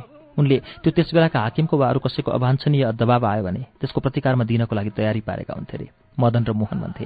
मान्छे गेवालीजीलाई घमण्डी भन्थे। उनी घमण्डीसँग घमण्डी र नम्रसँग नम्र थिए। उनी स्वाभिमानी थिए। मेरो कलिलो र अति जिज्ञासु मन र आँखाका लागि यात्राका नित्य नौला साधनहरूले पुर्याएको ती नित्य नौला ठाउँहरू नित्य नौला वातावरणहरू नित्य नौला मान्छे र साथी सङ्गातीहरू अति मूल्यवान प्राप्ति हुन्। यिनले मेरो कलिलो उमेरमा अनेकन चिन्तन सामग्रीका जग हालिदिएका छन्। यी सबैले मेरा नउग्रिएको आँखा उगारिदिएका छन्। थाहै नभइकन मेरो जीवनमा फरक पारेका छन्। तर ती कुनै पनि परिवेशमा मेरा जरा सहज आएनन्। पलाउन सल्बलाएनन् बढेनन् जबसम्म ती पुनः मन्थलीमा नै रोपिएनन्। मन्थली छोडेको खास सम्झना छैन तर आठ वर्षपछिको पुनरागमन सो रोमाञ्चक थियो। दुई हजार सत्र साल माघमा पद्मोदय स्कुलबाट एसएलसी दिएपछि फागुनमा बाबा आमा बहिनी विजया र भाइ समीरसँग मन्थली जान म काठमाडौँबाट जनकपुर आएँ। जनकपुरमा जम्मा एकाउन्न किलोमिटर खेवा भएको संसारको सबभन्दा सानो र सुस्त मनस्थितिको रेल थियो। अझै छ त्यही नै यातायातको एकमात्र र प्रमुख साधन थियो। त्यही चढेर मन्थली जान जनकपुरबाट हिँड्यौँ। आधा दिनमा बाइस किलोमिटर पर भुताहा पुगियो। त्यहाँबाट थालेको पदयात्रा एक सातापछि मन्थलीमा टुङ्गियो। ओड्ने ओछ्याउने खाजा सामल नुन भुटुन लालटिन मट्टीतेल र सामान्य ओखतीहरू बोक्ने भरियाहरूको लस्कर थियो। एउटा घोडा पनि थियो। बाबा आमा पालै पालो चढ्नुहुन्थ्यो। अरू पहाडी यात्राहरूभन्दा यसमा थप रमाइलो थियो। बाबा आमा र भाइ बहिनीहरू सँगसँगै हुनु र गन्तव्य सपनाको मन्थली हुनु। झिसमिसेको थालनी स्याउले छाप्रा लगायत पाटी पौवा परिचित र अपरिचितका घर गोठ प्रहरामा साँझ नपर्दै बेलैमा बस्नुपर्ने बासहरू। छिनछिनमा बदलिरहने भूमि पहाड वन वनस्पति खोला खोल्सा बादल आकाश लगायत टाढा नजिकको वातावरणका नित्य नौला दृश्यहरू। थप रोचक थियो प्रकृतिका विरुद्ध मान्छेको सङ्घर्ष। मट्याइलो चुरे पहाडका खण्ड खण्डमा खोपेर बनिरहेको आजको बिपी राजमार्गको प्रा बिपी राजमार्गको प्रारम्भिक रेखाङ्कन। आज पाँच दशकपछिसम्म पनि त्यो बाटो बनिसकेको छैन। यही हो नेपालको प्रगतिको गति। तर हालका दिनहरूमा प्रगतिको त्यो गति पनि छैन। सर्वतोमुखी अधोगति मात्र छ। बाबा आमा र भरियाहरूको कहिले अघि अघि कहिले पछि पछि हिँड्दै बाटै छेउका वनपाखामा भाइ बहिनीसँग लुकामारी खेल्दै त्यो यात्रा टुङ्गियो। त्यस यात्राले मेरो जीवनमा अमिट छाप पारेको छ। त्यस यात्राको उत्कर्ष थियो। बाबाको मुखबाट सिन्धुली गढीको युद्धमा गोर्खाली फौजले फिरङ्गीलाई हराएको गौरवमय इतिहास कथा सुन्न पाउनु। बाबाले गढी हान्न फिरङ्गी आएको गोरेटो र भागेको भिरपाखाहरू चिनाइदिनु भयो। सिन्धुलीगढीको युद्धस्थल ढुङ्ग्रे भन्ज्याङ आडा र पौवागढीका किल्लाहरू र भग्नावशेषहरू टेक्दै र तिनै गोरेटोहरूमा हिँड्दै त्यस लडाइँको कुरा सुन्न पाउनु मेरो सम्झनाको पहिलो रोमाञ्चक सौभाग्य थियो। त्यसपछि अनगिन्ती पटक त्यो बाटो हिँडेको छु। गाडीको उकालो काट्न एक बिहान लाग्यो। यति लामो उकालो पैदल हिँडेको मेरो यो पहिलो अनुभव थियो। सानो छँदा यस्ता यात्रामा ठुला मान्छे चढेको घोडाको काठीमा ठाउँ पाउँथे। अब मेरो त्यो सुविधा पाउने उमेर थिएन। कहिले घोडाको पुच्छरमा कहिले रिकापमा झुन्डिएर उकालो काटेँ। त्यसै उकालोमा बाबाले गढी युद्धमा हाम्रो पुर्खाको संलग्नताबारे पनि बताउनु भयो जति जति नजिक पुगेँ मलाई उति उति मन्थलीको आत्मीयताका तरङ्गहरूको अनुभव हुन थाल्यो। बाबालाई चिन्ने मान्छेहरू बाक्लै भेटिन थाले। सबैले हामी केटाकेटीहरूबारे चाख लिन्थे। बाटो काट्ने बेलोमा बाबाले मन्थली वरिपरिका गाउँ ठाउँ र मान्छेहरूको इतिहास बताउन थाल्नुभयो। अति रोचक लाग्यो। रजगाउँको चौतारोबाट तामाकोशी र मन्थली उपत्यकाको पहिलो झलकले म रोमाञ्चित भएँ। मन्थली बिसी पूर्व पश्चिम फैलिएको र उत्तर दक्षिण साँगुरिएको छ। यस उपत्यकाको सबभन्दा प्रमुख पात्र हो। एक छेउबाट नागबेली बगेको गाढा हरियो सिरुपाती तामाकोशी तामाकोशीको सिरानका रोलवालिङ हिमाल चुलीका दृश्यहरू उपत्यकाको बीचमा पानी कम बगर धेरै बढी भएका दुईटा खहरी खोला। उपत्यकाको बीचमा दुईटा एक हजार फिट जति अग्ला डाँडा र तिनका टाकुरामा पातलो बस्ती वरिपरि अलि अग्ला डाँडाहरू र वन पाखा खोरिया र बस्तीहरू। प्रवासमा हुँदा सुनेको चर्चाले मन्थलीबारे जिज्ञासा बढाएको थियो। फर्केर मन्थली पुगेपछि म एकाएक रमाएँ। मन्थली पुगेको केही दिनमा नै मलाई अनुभव भयो। मेरो जरा मन्थलीको आफ्नो माटो पाएर हलहली बढ्न लागेका छन्। किन त्यस्तो लाग्यो भन्न सक्दिनँ। मनका चेतन तुर्य अचेतन तहै तहपिच्छे हुने इन्द्रधनुषी संवेदनाको सञ्चार कसैले गर्न सक्दैन। कुनै पनि संवेदना वर्णनातीत हुन्छ। वर्णन गर्दा सौन्दर्य घट्छ। वर्णन गर्दा प्रेमको अवमूल्यन हुन्छ। वर्णन गर्दा सुखको ह्रास हुन्छ। यी अनुभव सुख हुन्। सुख दुःखको अनुभव पनि पुरै बताउन सकिँदैन। रमाइलो र नरमाइलोको अनुभव पनि सबै बताउन सकिँदैन। मनका भित्री पत्रहरूमा अनगिन्ती जलप लागेका हुन्छन्। सुख र दुःखका प्रेम र पीडाका रमाइला र नरमाइलाका। तिनलाई पुरै बुझाउन सकिन्न। जुन कृतिहरूले ती जलपहरूको कुशल संयोजन समायोजन र सम्प्रेषण गर्न सक्छ ती घत लाग्दा हुन्छन्। महाकवि माघ भन्छन् छिनछिनमा जहाँ नवीनता हुन्छ त्यही रमाइलो हो। छेडे छेडे एन्न वतामु पैती तदेव रूपम रमणीयताया। मन्थलीको प्रत्येक क्षण प्रत्येक कण प्रत्येक दृश्य प्रत्येक कुरा मलाई त्यस्तै छिनछिनमा बद्दिने दृश्य जस्तो गतिशील र रमणीय लाग्यो। सबै कुरामा सौन्दर्य हुन्छ तर सबै आँखाले ती टिप्दैनन्। मेरो मनले मन्थलीको रुखको पाखामा पनि त्यो सौन्दर्य देख्यो। त्यही बेलामा मात्रै देखेन सधैँ देख्यो। त्यसैले मेरो पढाइ टुटेको बेला र स्कुल कलेज छुट्टी भएको बेलाका हिउँद वा बर्खामा कुनै पनि अवसरका मौका पाउने बित्तिकै मलाई मन्थली पुऱ्यायो। अन्तत त्यसैको भावभूमिले मलाई मेरा अनेकौँ कथाहरू र पहिलो उपन्यास लिलाम लेखाइ छाड्यो। र मेरो सामुदायिक विकासको कर्मस्थल पनि बनाइछाड्यो चौतिस वर्ष अघि लेखेको कथामा मन्थली गाउँबाट देखिने तामाकोसी र मन्थलीको दृश्यको वर्णन मैले यसरी गरेको रहेछु। खरुकीको पाखा सम्झन्छु साल र सल्लाह सम्झन्छु सतीबयर काफल ऐसेलु आठ धङ्गेरो किन्दुक र सिरिसको वन सम्झन्छु पातले पँधेरा सम्झन्छु रमिते लिसन पानी केउरी पानी ठूलो पातलेमा गाई चराएको बन्दुक बोकेर बरालिएको सम्झन्छु। मेरो आँखा अगाडि बढी मुहानको उठेको डाँडो छ। त्यहाँमाथि थानापति महादेवको थान छ। ती महादेव बहिरा छन् रे। तिनीसँग कराएर वर माग्नुपर्छ रे। सुने भने मात्र मागेको दिन्छन् रे। कुमारीहरू लाजले केही माग्दैनन्। बच्चा पाउन इच्छुक गृहिणीहरू लाज पचाएर कराई कराई सन्तान माग्छन्। थानपतिले दिएका सन्तान यताहुँदी थुप्रै छन्। हाम्री आमाले सन्तान माग्नु परेन। हामी तेह्र थान फटाफट जन्म्यौँ। तीनवटा दाजुहरू हुर्केनन्। साढे पाँच फुटभन्दा अग्ला साठी किलोग्रामभन्दा गरौँ हामी चार भाइ जिउँदा छौँ सग्ला छौँ। आमा भन्नुहुन्थ्यो सबै भन्थे यस्ता छोराछोरीकी आमा कस्तो भाग्यमानी। मेरो आँसु थामिएन। त्यो डाँडाको पश्चिमतिर भटौली खोलाको गहिरो र परसम्म लामो खोल्चो देखा पर्छ। झन् पश्चिममा पकरबास डाँडा छ अनि छ भरे मैले उक्लनु पर्ने सान्यको नाक ठोकिने उकालो। पकरबास माडीका खेतहरू अनि तामाकोसी तामाकोसी तामाकोसी। तामाकोसी मेरी प्रथम प्रेमिका हो। तामाकोसीको सतह मन्थलीमा समुद्रभन्दा लगभग एक हजार फिट माथि छ। त्योभन्दा एक हजार फिट माथि हाम्रो बिसीको घर सानो डाँडाको टाकुरामा थियो। अब छैन सरकार लाग्यो। गाउँको घर पनि दुई किलोमिटर पर चार हजार फिट अग्लो डाँडामा थियो। अब छैन। आगलागीमा परेर खरानी भयो। दुई हजार पैँतालिस सालमा हाम्रो बिसीको घरबारी लगायत मन्थली उपत्यकाको त्यहाँका छयानब्बे घर बासिन्दाको पाँच सय रोपनी जग्गा अधिग्रहण गरेर रमेसाग डाँडाको सदरमुकाम मन्थली बिसी सारियो। घिमिरीहरूले तीन सय वर्षदेखि भोग गर्दै आएको घर घरबारी र कति खेत पनि सरकार लाग्यो। रुँदै घरबास छोडे। ती घरहरू गौँथलीकै गुण जस्ता थिए अरे तर गौँथलीकै गुणबाट पनि निकालाबास हुनु कति पीडादायक हुन्छ त्यो भोग्नेलाई मात्र थाहा हुन्छ। रमितेलाई होइन। धेरै वा थोरै जति रोपनी घरबारी हरण हुनेले पनि छ आना घडेरी पाए। कतिले ती घडेरीमा घर बनाए कतिले बेचेर बसाइ सरे। अधिग्रहण भएको सिमाना बाहिरको जग्गाको मोल भने निकै बढ्यो। जसको धेरै जग्गा अधिग्रहणमा परेर थोरै भए पनि जोगियो। मोल बढेको हुनाले तिनीहरूको केही क्षतिपूर्ति भयो। धेरै जोगिनेलाई धेरै फाइदा भयो। बाबा आमाले मन्थली त्यागिदिनु भयो। बाँचुन्जेल फर्केर मन्थली टेक्नु भएन। मन्थलीमा मेरो सबै थोक छ। मन छ। आफैले खोलेका र चलाएका सामाजिक नागरिक संस्थाहरू छन्। सामुदायिक विकासमा योगदान गर्ने अनन्त अवसर छ जग्गा छ जरा छ केही यस अवसर पनि छ भने त्यो पनि छ तर घर छैन। पुर्ख्यौरी घर हरण भएपछि अर्को घर बनाएको छैन। घर हरण भएपछि तासेसको पाहुना कोठा मेरो मन्थलीको घर भएको छ र रामेछापको सामुदायिक विकास अभियान मेरो मन्थली र रामेछापको मिसन भएको छ। मन्थली बिसी हिउँमा हिउँदमा न्यानो हुन्छ। मन्थली गाउँमा बर्खामा शीतल हुन्छ। हिउँदमा बिसी र बर्खामा गाउँमा बस्ने थिति सुखद हुन्छ। खास गरी हिउँदमा बिसी र बर्खामा गाउँ जुन मूल मन्थली हो र जसलाई मन्थली गाउँ भन्छन् मलाई अति रमाइलो लाग्यो। मन्थली गाउँबाट मन्थली उपत्यका त्यहाँ बग्ने तामाकोसीदेखि उत्तरमा छर्लङ्ग देखिने रोलवालिङ हिमाली चुचुराहरू सबभन्दा रमाइलो दृश्य हो। मन्थली गाउँमा घरभन्दा बढी रुख छन् वन छ त्यो अर्को सौन्दर्य हो। मन्थलीबाट एक दिनको बाटोभित्रै मधेसदेखि हिमालसम्मको प्राकृतिक दृश्य जलवायु वनस्पति अन्न फलफूल जनावर र मान्छेको सान्निध्य सुख पाइन्छ। एक घण्टाको पदयात्राभित्र वर्षैभरि पाइने गाउँ बिसीको प्राकृतिक जलवायुको अनुकूलता र भौगोलिक सुख मन्थलीको एउटा रमाइलो हो। तर मेरो मन्थली त्यही मात्र र त्यति मात्र थिएन। मन्थलीमा मेरो मन थियो रे छ। अहिलेसम्म देखि बसेका हरेक ठाउँका आफ्ना आकर्षण र रमाइला थिए तर मन्थलीमा भिन्नै आकर्षण थियो। मन्थली मेरो आफ्नो थियो। मन्थलीमा त्यो इतिहास थियो त्यो आफ्नोपना थियो त्यो आत्मीयता थियो जुन अन्त थिएन। हरेक नयाँ ठाउँमा हरेक नयाँ परिस्थितिमा मेरो परिचय दिनु पर्थ्यो मन्थलीमा परेन। सानोमा सीमित ठाउँहरू देखेको थिएँ। आज संसारका सबैजसो महादेशका दर्जनौ मुलुकहरू र तिनका धेरै गाउँ ठाउँहरू पनि नजिकैबाट देखेको छु। अनेकौँ प्रख्यात पर्यटक स्थलहरू पनि देखिसकेको छु। तैपनि मलाई मन्थली नै सबैभन्दा बढी रमाइलो लाग्छ। मनपर्छ। यो भावना हो। भावना तर्कभन्दा पनि पर हुन्छ। वातावरणले आफ्ना पशु पक्षी वनस्पतिलाई स्वभावतः चिने जस्तो मन्थलीले मेरो मनलाई चिनेको थियो। त्यहाँ मलाई नदेखेकाले पनि देख्ने बित्तिकै चिन्थे नसुनेकाले पनि सुन्ने बित्तिकै चिन्थे। उनीहरूलाई मेरो र मेरो पुर्खाको इतिहास थाहा थियो। यो मेरो आफ्नै पहिचान थिएन। म फलानु गाउँको फलानुको छोरो फलानुको नाति भनेर नचिनाइकनै चिनिन्थेँ। परिचित हुने सर्वश्रेष्ठ उपाय थियो यो।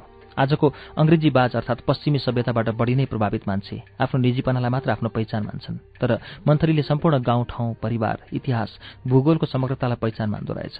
गाउँको विशेषता रहेछ यो। यो गाउँ शताब्दीौँदेखि बदलिएको थिएन। केही जनसङ्ख्याको थपघट बाए म फेरि मन्थली बिसी पुग्दा। हाम्रै गोर्खाले पुर्खाले गुठी राखेको जग्गामा लगाएका बरपिपलका जोर चौताराको माझमा बनाएको महादेवको मन्दिर परिसरको पाटी मासेर प्राथमिक पाठशालाको नयाँ घर बन्दै थियो। कान्छाबाले दुई हजार बाह्र सालमा त्यसको स्थापना गरेका थिए। त्यसबेला पाटी मासेर पाठशाला भवन बनाउनु क्रान्तिकारी कुरा थियो। नेपाली र संस्कृतका गुरुहरू त थिए तर एसएलसी पास एकमात्र शिक्षक शङ्कर दाई थिए। एसएलसी दिएर आएकाले म दोस्रो अङ्ग्रेजी बाज अर्थात् अङ्ग्रेजी पढिटो पलेको थिएँ। आफूभन्दा जेठा पाँच कक्षाका विद्यार्थीहरूलाई अङ्ग्रेजी र गणित पढाउने जिम्मा पाएँ। कनिकुथी भए पनि पढाउन बाध्य भएँ नत्र मैले एसएलसी दिएको बेइजत हुने भयो। स्कुल बाहिर तिनै विद्यार्थीहरू मेरा साथी र अगुवा भए। खेतबारी खोला कोसी दाइँका खला चहार्ने र गिर खेल्ने। एक्लै ढुङ्गी ख्याएर मुल्कै मुल्को बग्ने कायाकिङ भनिने खेलका लागि निकै ठाडो र कठिन मध्य गनिने तामाकोसीमा मध्यवर्खाको भेलमा घागी मार्नु अति रोमाञ्चक हुन्थ्यो। घागी मार्नु अर्थात् कोसीको भेलको माझ मुल्कोमा हाम फालेर डरलाग्दो र ज्यान जाने प्रवाहमय चुल्टीसँग लहरिँदै बग्दै डुब्दै उत्रिँदै सकेसम्म तल पुग्नु ख्याउँदा ख्याउँदा हात गलेपछि पाखा लाग्नु केही बेर तातो बालुवामा लडीबुडी गरेर जिउ तताउनु अनि फेरि कोसीको भेलको माझ मुल्कोमा हाम फाल्नु र दिनभरि त्यसै गरिरहनु। त्यो खेल अति रमाइलो हुन्थ्यो। दिन बितेको पत्तै हुँदैन थियो तर खतरा पनि उत्तिकै हुन्थ्यो। अलिकति बिरायो भने बगिने र ज्यानै जाने डर हुन्थ्यो। एकचोटि म तामाकोसीको मुल्कै मुल्को दुई तिन सय गज जति बगेर झन्डै मरेको। साथी गोठालाहरू बगायो बगायो भनेर किनारै किनार कुद्न लागे बल्ल तल्ल पाखा लागेर बाँचे। भोक लागे कोसी किनारकै खेतका हरिया मकै पोल्यो खायो। नजिकैमा धेरैजसो आफ्नै र आफन्तकै खेतहरू थिए। जिउ र अनुहार भने घामले डढेर एक दुई दिनमै भैँसीको छाला जस्तो कालो हुन्थ्यो। कलेजको छुट्टी र बर्खामा मन्थली भएको बेला गाउँभरिका गोठालाहरूसँग मिलेर घागी मार्थे। मलाई पाँच तारे होटलका स्विमिङ पुलमा पौडी खेल्न घिन लाग्छ। लाग्छ। त्यहाँ मान्छेको फोहोर भटुलिएको छ। शङ्का लाग्छ। सानाले सुसु गरिदिएका छन् कि? त्यसमाथि किटाणु मार्न हालिने क्लोरिनको असह्य दुर्गन्ध। केही वर्ष अघिसम्म तामाकोसीको सङ्लो पानीमा पौडी खेल्दै थिएँ। तर जब तामाकोसी छेउछाउ बस्ती धेरै बढ्यो त्यो पनि छाडिदिएँ। दाइँ सकेर तान थन्काइसकेपछि बिसीको काम गरिन्छ। गर्मी पनि चढ्न लाग्छ र गाउँको बसाइ सुरु हुन्छ। हाम्रो गाउँको घर साढे छ हजार फिट अग्लो तिरेको स्थान डाँडाको कम्मरमा पर्थ्यो। वरिपरि सल्लाहघारी र मध्य पहाडी वनस्पति थिए। जीवन बिसीको भन्दा अलि अर्कै थियो। जात जाति पनि फरक थिए।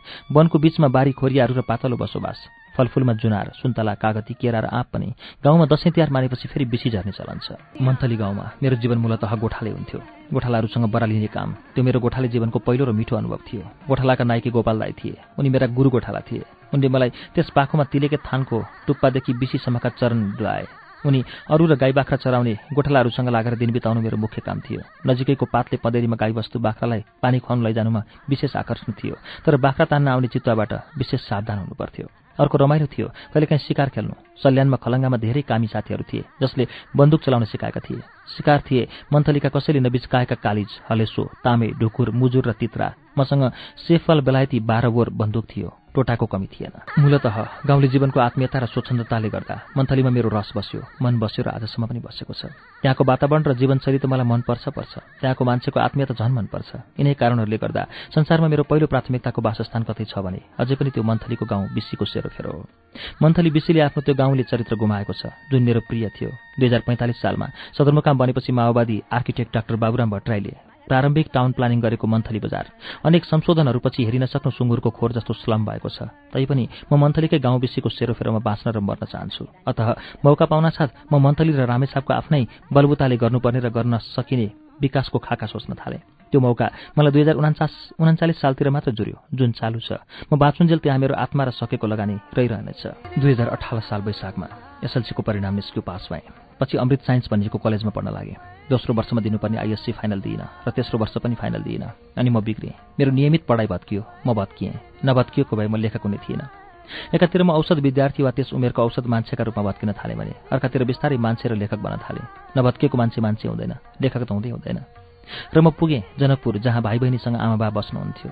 मैले पढाइ छोड्न चाहेको थिइनँ। म भूस्कोल विद्यार्थी पनि थिइनँ।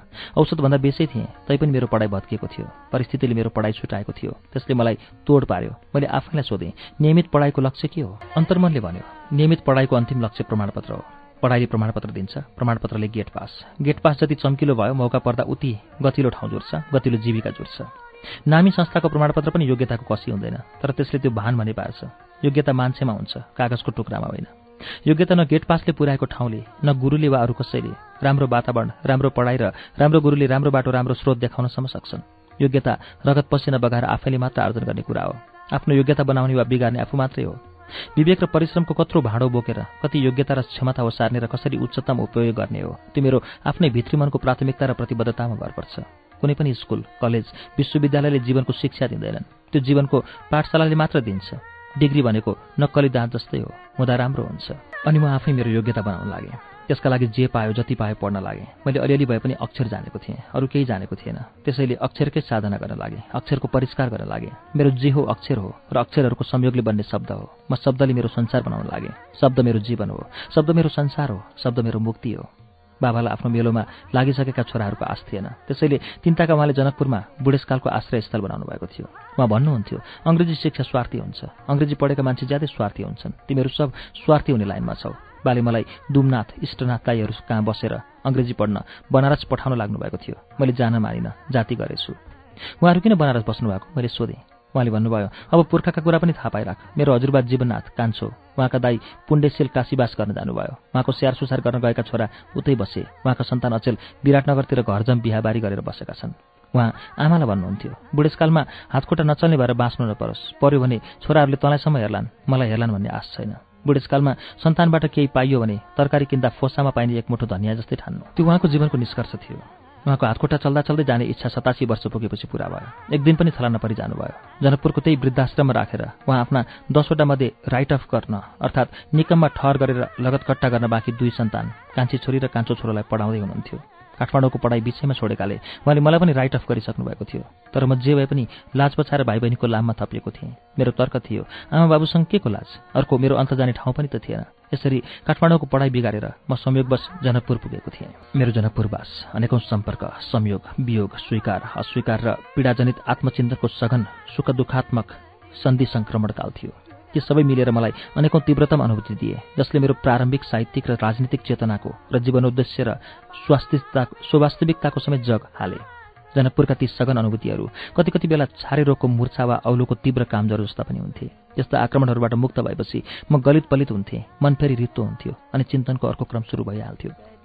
त्यसबेला यिनको एकल प्रभाव धान्न पनि मेरो कलिलो मन र मथिङ्गालाई निकै कठिन थियो तर सबै किसिमका मानसिक पारिवारिक र राजनीतिक थोक प्रभावहरू एकमुष्ट थ्याग्नु परेको थियो। पछि यिनै सघन आत्मानुभूतिहरू मेरो भिजन भविष्य दृष्टि वा जीवन दृष्टिका आधार भए। यसै कालमा म जीवन र जगतबारे बढी जिज्ञासा राख्न थालेँ। साहित्य र जीवनको अध्ययन चिन्तन मनन र लेखन मार्फत तथा मृत अर्थात् पूर्ववर्तीहरूका किताबहरू र जीविका अर्थात् समकालीनहरूको जीवनयात्राको अवलोकन अध्ययन मनन र उनीहरूसँगको विचार विमर्शबाट। त्यसले मलाई आफ्नो र आफ्नै मात्र कायाको माया र स्वार्थभन्दा बाहिर निस्कन र सोच्न बाध्य गरायो। म आफ्नो पीडामा अरूको पीडा पनि बनाउन थालेँ र अरूको पीडामा आफ्नो त्यही स्वानुभूतिले त्यही सोचले मलाई त्यो बनायो जे आज म छु र मेरो साहित्य छ। जीवन र जगतबारेका बहुप्रचलित दार्शनिक र राजनीतिक सिद्धान्तहरूले मलाई आकर्षित गरेनन्। सिद्धान्त र दर्शन बग्रेल्ती छन्। जे खोजे त्यही पाइन्छ। जेको पनि समर्थन वा खण्डन गरे हुन्छ। मान्छे जे चाहन्छन् त्यो अँगाल्छन् र बाँकी मिल्काउँछन्। मेरो सबभन्दा ठुलो गुरु जीवनको यथार्थ हो। सम्भवतः सबैको यही हो। गीता भन्छ इन्द्रियहरूभन्दा पर मन मनभन्दा पर बुद्धि र बुद्धिभन्दा पर आत्मा छ। गीतामा नै कृष्ण इन्द्रियहरूमा मन हो भन्छन्। धम्मपद भन्छ मन नै सबै थोक हो पतञ्जली भन्छन् सबै थोकको मूल चित्तवृत्ति हो। आदि शङ्कराचार्य निर्वाण शतकमा मनका सबै पक्षलाई जलाउन मन बुद्धि चित्त अहङ्कार भन्छन्। यिनमा विवेक र विचार कहाँ पर्छन् थाहा छैन कतै न कतै पर्नुपर्छ। जनकपुरका ती दिनहरूमा मेरो विवेक विचार लगायत सम्पूर्ण मन ऋतु थियो। ममा अनेकन सुनामीहरू चलिरहेका थिए। सबै किसिमका विचार चिन्तन र अनुभव गर्ने जिज्ञासा र उत्सुकता थियो। मेरो मन प्रत्येक कुराको खुला प्रयोगशाला बनेको थियो। सदा झैँ त्यसबेला पनि नेपाल गर्ने छिमेकीहरू र संसारैको मालिक हुन खोज्ने महाशक्तिहरूको नेपालभरि स्वयं नेपालकै भन्दा बढी तीव्र चाख र उपस्थिति थियो। सदाझैँ नेपालमा तिनका आधिकारिक अनाधिकारिक सञ्चार विचार र कार्यक्रमहरू क्रियाशील थिए। सदाझैँ कति नेपाली राजनीतिक नेता कार्यकर्तालाई ती विदेशी शक्तिहरूले किनेका थिए। संसदीय व्यवस्था खुइलिँदै थियो र पञ्चायती जबानीमा रङ चढ्दै थियो। समस्त राजनीतिक अभ्यास विभिन्न छविहरूसहित मूलत राजावादी काङ्ग्रेसी र वामपन्थी धारमा विभक्त थियो। वामपन्थीहरू रुसी र चिनिया धारमा बाँडिएका थिए र एकले अर्कालाई गद्दार भन्थे। सदाझैँ नेपाली राजनीतिक मानसिकतामा व्याप्त हुने भारत चीन रुस र अमेरिका परस्तीका यथार्थ र विवाद तीव्र थिए। सिमानावारी निर्विकल्प पञ्चायत थियो। माओवाद नक्सलवाददेखि प्रजातन्त्रवादसम्मका सबै प्रतिपक्षी राजनीतिक विकल्पहरू सिमाना पारी भारतमा थिए। सबैजसो प्रमुख राजनीतिक नेताहरू सिमानाका सहरहरूमा यात्रा गरिरहन्थे। युवाहरूलाई बटुलेर आफ्नो विद्रोही मतको शिक्षा दीक्षा दिन्थे। विद्रोहको आह्वान गर्थे। सिमाना सञ्चार र सम्पर्क सदाझैँ नामको मात्र र बेरोकटोक थियो। विकल्परहित पञ्चायतमा कुनै पनि तहका पञ्चला आस्था थिएन। सबै नौटङ्की राजाको नाममा राजा रिझाउन चलिरहेको थियो। राजनीतिक कामभन्दा गफ गर्ने मेलो थियो। बढी नेताहरू आफ्ना हिसाबले लागेकै थिए। छोटी नेताहरू नयाँ मुल्लाले जस्तै नौचिटी नमाज पढ्थे। गफ बढी गर्थे। काम अपवाद थियो। कटगराका चिया पसलहरूमा फरीको लाएका भट्टीहरूमा चमेना घरहरूमा हुने अनन्त छलफल र बहसको नाममा दिन कटाउने र खानपिन गर्ने मेलो हुन्थे। यिनमा विकल्पको खोजी गरिन्थ्यो तर निष्कर्ष एउटै हुन्थ्यो सबैको आफ्नै मत ठिक अरूका मतहरू सबै ठिक। सबै पञ्च नेपाली सबै नेपाली पञ्च भन्ने पञ्चको मूर्खताको पराकाष्ठा उद्गार पछि मात्र शब्दमा व्यक्त भयो। तर त्यो भावना उही बेलादेखि प्रबल थियो जो पञ्चको विरोध गर्थे ती काङ्ग्रेस हुन्थे जो काङ्ग्रेसको पनि विरोध गर्थे ती वामपन्थी हुन्थे। जो एक थरी वामपन्थीको विरोध गर्थे ती अर्का थरी वामपन्थी हुन्थे रुसपन्थी वा चिनपन्थी जो एकअर्काका बाप बैरी थिए। अरू दलहरूसँग बहस गरे पनि यी दुई थरी वामपन्थीहरू एकअर्कामा तर्किन्थे। मौका पर्दा कटाक्ष गर्थे जो लकिरको फकिर थिएन र वामपन्थी लगायत सबैको विरोध गर्थ्यो त्यो सिद्धान्त हिँड पिद नभएको लोटा भनिन्थ्यो जस्तो कि म। राजनैतिक सिद्धान्त बट्टामा बन्द सङ्कीर्ण मानसिकता हो। सिद्धान्तको बट्टामा कैदी नभई सक्कली सिद्धान्तवादी भइँदैन। कडा सिद्धान्तवादी हुन नेताले पार्टीले तोकेको गोरेटोभन्दा दायाँ बायाँ नगर्ने लकिरको फकिर हुनैपर्छ। विवेक र सिद्धान्तको इन्भर्स कोरिलेसन अथवा विपरीत परस्परता हुन्छ। सबैसँग मेरो मैत्री थियो तर कुरा कसैसँग पनि मिल्दैन थियो। म भन्थेँ चिनमा खान पाइन्छ बोल्न पाइन्न। भारतमा बोल्न पाइन्छ खान पाइन्न। नेपालमा खान पनि पाइन्न बोल्न पनि पाइन्न। हामीलाई खान पनि पाइने बोल्न पनि पाइने परिपाटी चाहिन्छ। यो कुरा म राजनीतिमा क्रियाशील आफूलाई बौद्धिक भन्ने साथीहरूलाई पनि बुझाउन सक्दिनथेँ। कुनै पनि पार्टीमा नलागेकाले म काँचो केटाकेटी ठहरिन्थेँ र तिनले गम्भीरता पाउँदैनथे। बढीमा म उदीयमान लेखक थिएँ जसको विचारको कुनै मूल्य थिएन। उनीहरू सहानुभूतिपूर्वक भन्थे लेखक भनेको कल्पना लोकको प्राणी हो। विचारालाई सांसारिक यथार्थ के थाहा? त्यसबेला त त्यसबेलै भयो। म बच्चा थिएँ। आज बुढो भइसक्दा पनि मलाई उनीहरूको त्यो गहन सांसारिक यथार्थ राम्ररी अझै थाहा छ।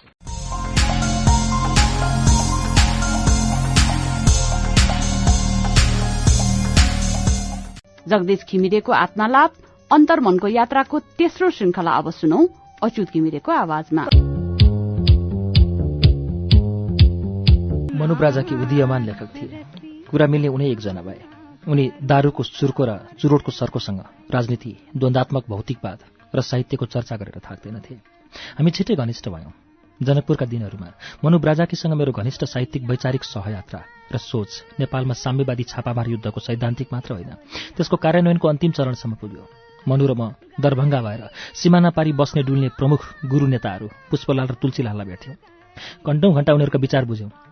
तर कुनै पनि कम्युनिस्ट पार्टीको सदस्य भएनौँ जस्तो भए पनि आफ्नै सङ्गठन बनाउने निदो गर्यौँ। सकेसम्म इस्पाती समर्थकहरूको सानो समूहबाट नै थाल्ने रणनीति बनायौँ। किनभने हामी भूमिगत सङ्गठन बनाउँदै थियौँ। हामीले चिनेका र पत्याएका त्यस्ता मान्छे सिँगै हामी दुईजना थियौँ।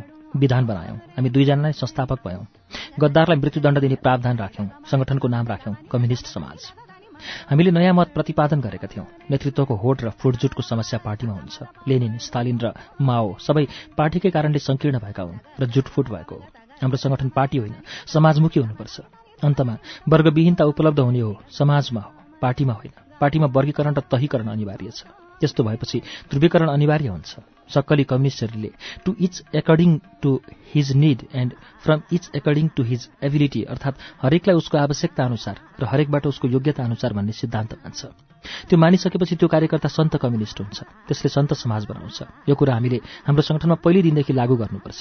त्यो मूलभूत आदर्श नाउँले नै बताउन सक्नुपर्छ भनेर। हामीले हाम्रो सङ्गठनको नाउँ कम्युनिस्ट पार्टी होइन कम्युनिस्ट समाज राखेका थियौँ। बाबाको नाउँमा लाइसेन्स भएको मैले चलाउने गरेको दुई नाले बेलायती बाह्र बोर बन्दुक हाम्रो छापामार युद्धको पहिलो हतियारको रूपमा छानियो। एक साँझ म त्यो बन्दुक तीन ठुन्कामा फुकालेर छापामार युद्धको लागि समर्पण गर्ने घरबाट चोरेर लाँदै थिएँ। नसोचेको अवस्थामा भर्याङमा अचानक आमासँग भेट भयो। मैले केही भारी चिज लैजान लागेको देखेर सोध्नुभयो के हो बाबु यो? कहाँ लैजान लागेको? मैले चोरी गरेको थिएँ। म अत्तालिएँ हतारमा भने बन्दुक सफा नगरेको धेरै भयो सफा गर्न आँटेको। किन बोरामा हालेको त? धुलो नपरोस् भनेर। म हिन्दीमा भन्ने जस्तो सफेद झुट बोल्दै थिएँ। त्यो सिमेन्टको बोरा धुलाम्बे थियो। किन यो बेला नको बेला? अरू बेला त दिउँसो घाममा तेल लाएर सफा गर्थेस् त। म नाजवाफ भएँ। चोरी समातिएकोमा म जति डराएको थिएँ उहाँले त्यो कुरा त्यति गम्भीरतापूर्वक लिनु भएन यति झुट बोलेर भए पनि त्यो खड्गो टारेपछि फेरि बन्दुक चोर्ने आँट भएन। बन्दुक हरायो भने म नै चोर ठहरिन्छु भन्ने लाग्यो। छापामार युद्धका लागि रहेकै भए बन्दुक चोर्ने अरू अवसर र उपायहरू पक्कै निस्कने थिए तर त्यो अवस्था आएन। सिन्धुलीमा मनुको ससुराली थियो। सिन्धुलीको मरिन खोलामा पनि हाम्रो जग्गा थियो जहाँ म बराबर जान्थेँ। म त्यस इलाकाको भूगोलको प्रमुख जानकार थिएँ।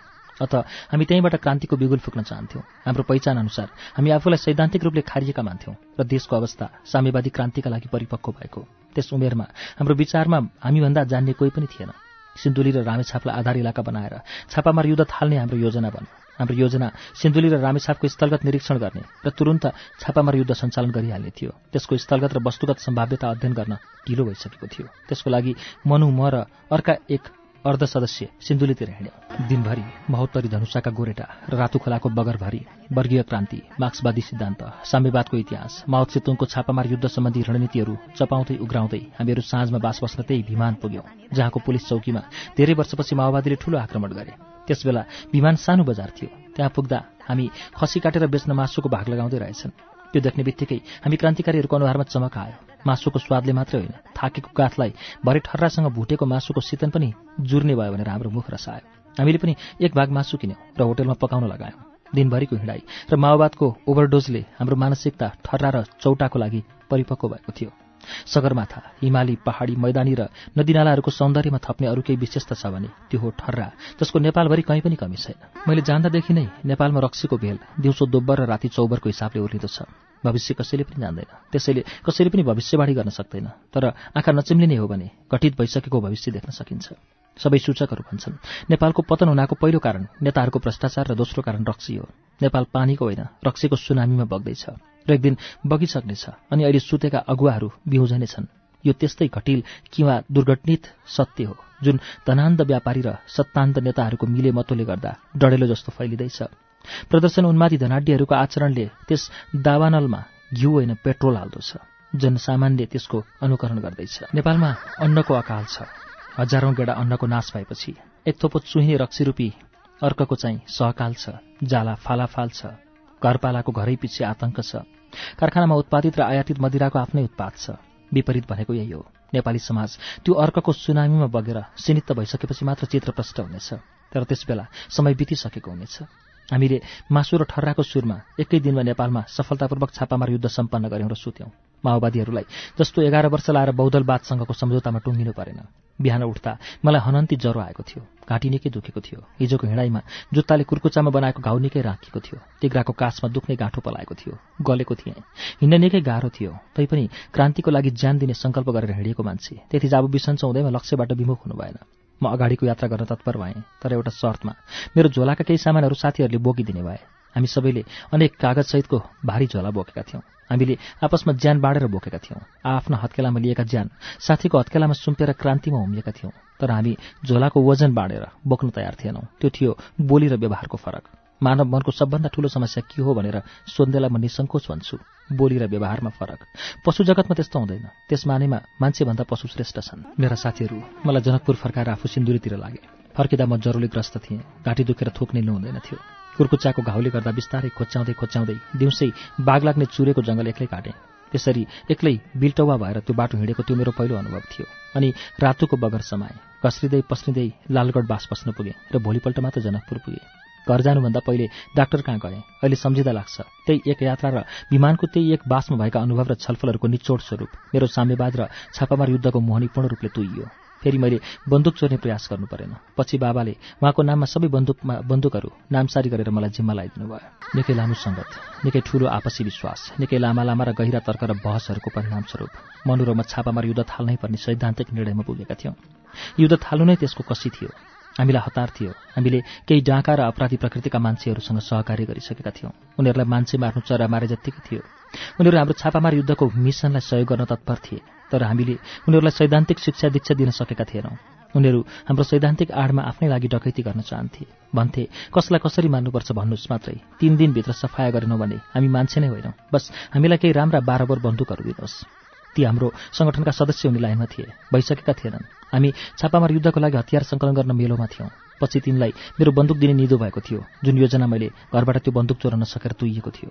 विमानको त्यस सानो घटनाले हाम्रो छापामार युद्धको सम्पूर्ण योजना भङ्ग हुनुपर्ने थिएन। तर म हाम्रो मूल सैद्धान्तिक प्रेरणा चीनको माओवादी छापामार युद्ध र माओ चेतुङको मोहनीबाट क्रमशः मुक्त हुँदै थिएँ। माओबाहेक हाम्रा प्रेरणाका अरू स्रोत पनि थिए। विश्वका क्रान्तिकारी आतंककारी लगायतका हामीले पढे सुनेका भूमिगत छापामार विद्रोहहरू तर माओ मूल थिए। चीनमा सांस्कृतिक क्रान्ति चिप्पिँदै थियो र न्यायभन्दा बढी अन्याय हुँदै थियो। चीनको सांस्कृतिक क्रान्ति साम्यवादको तार्किक र व्यवहारिक निष्कर्ष हो।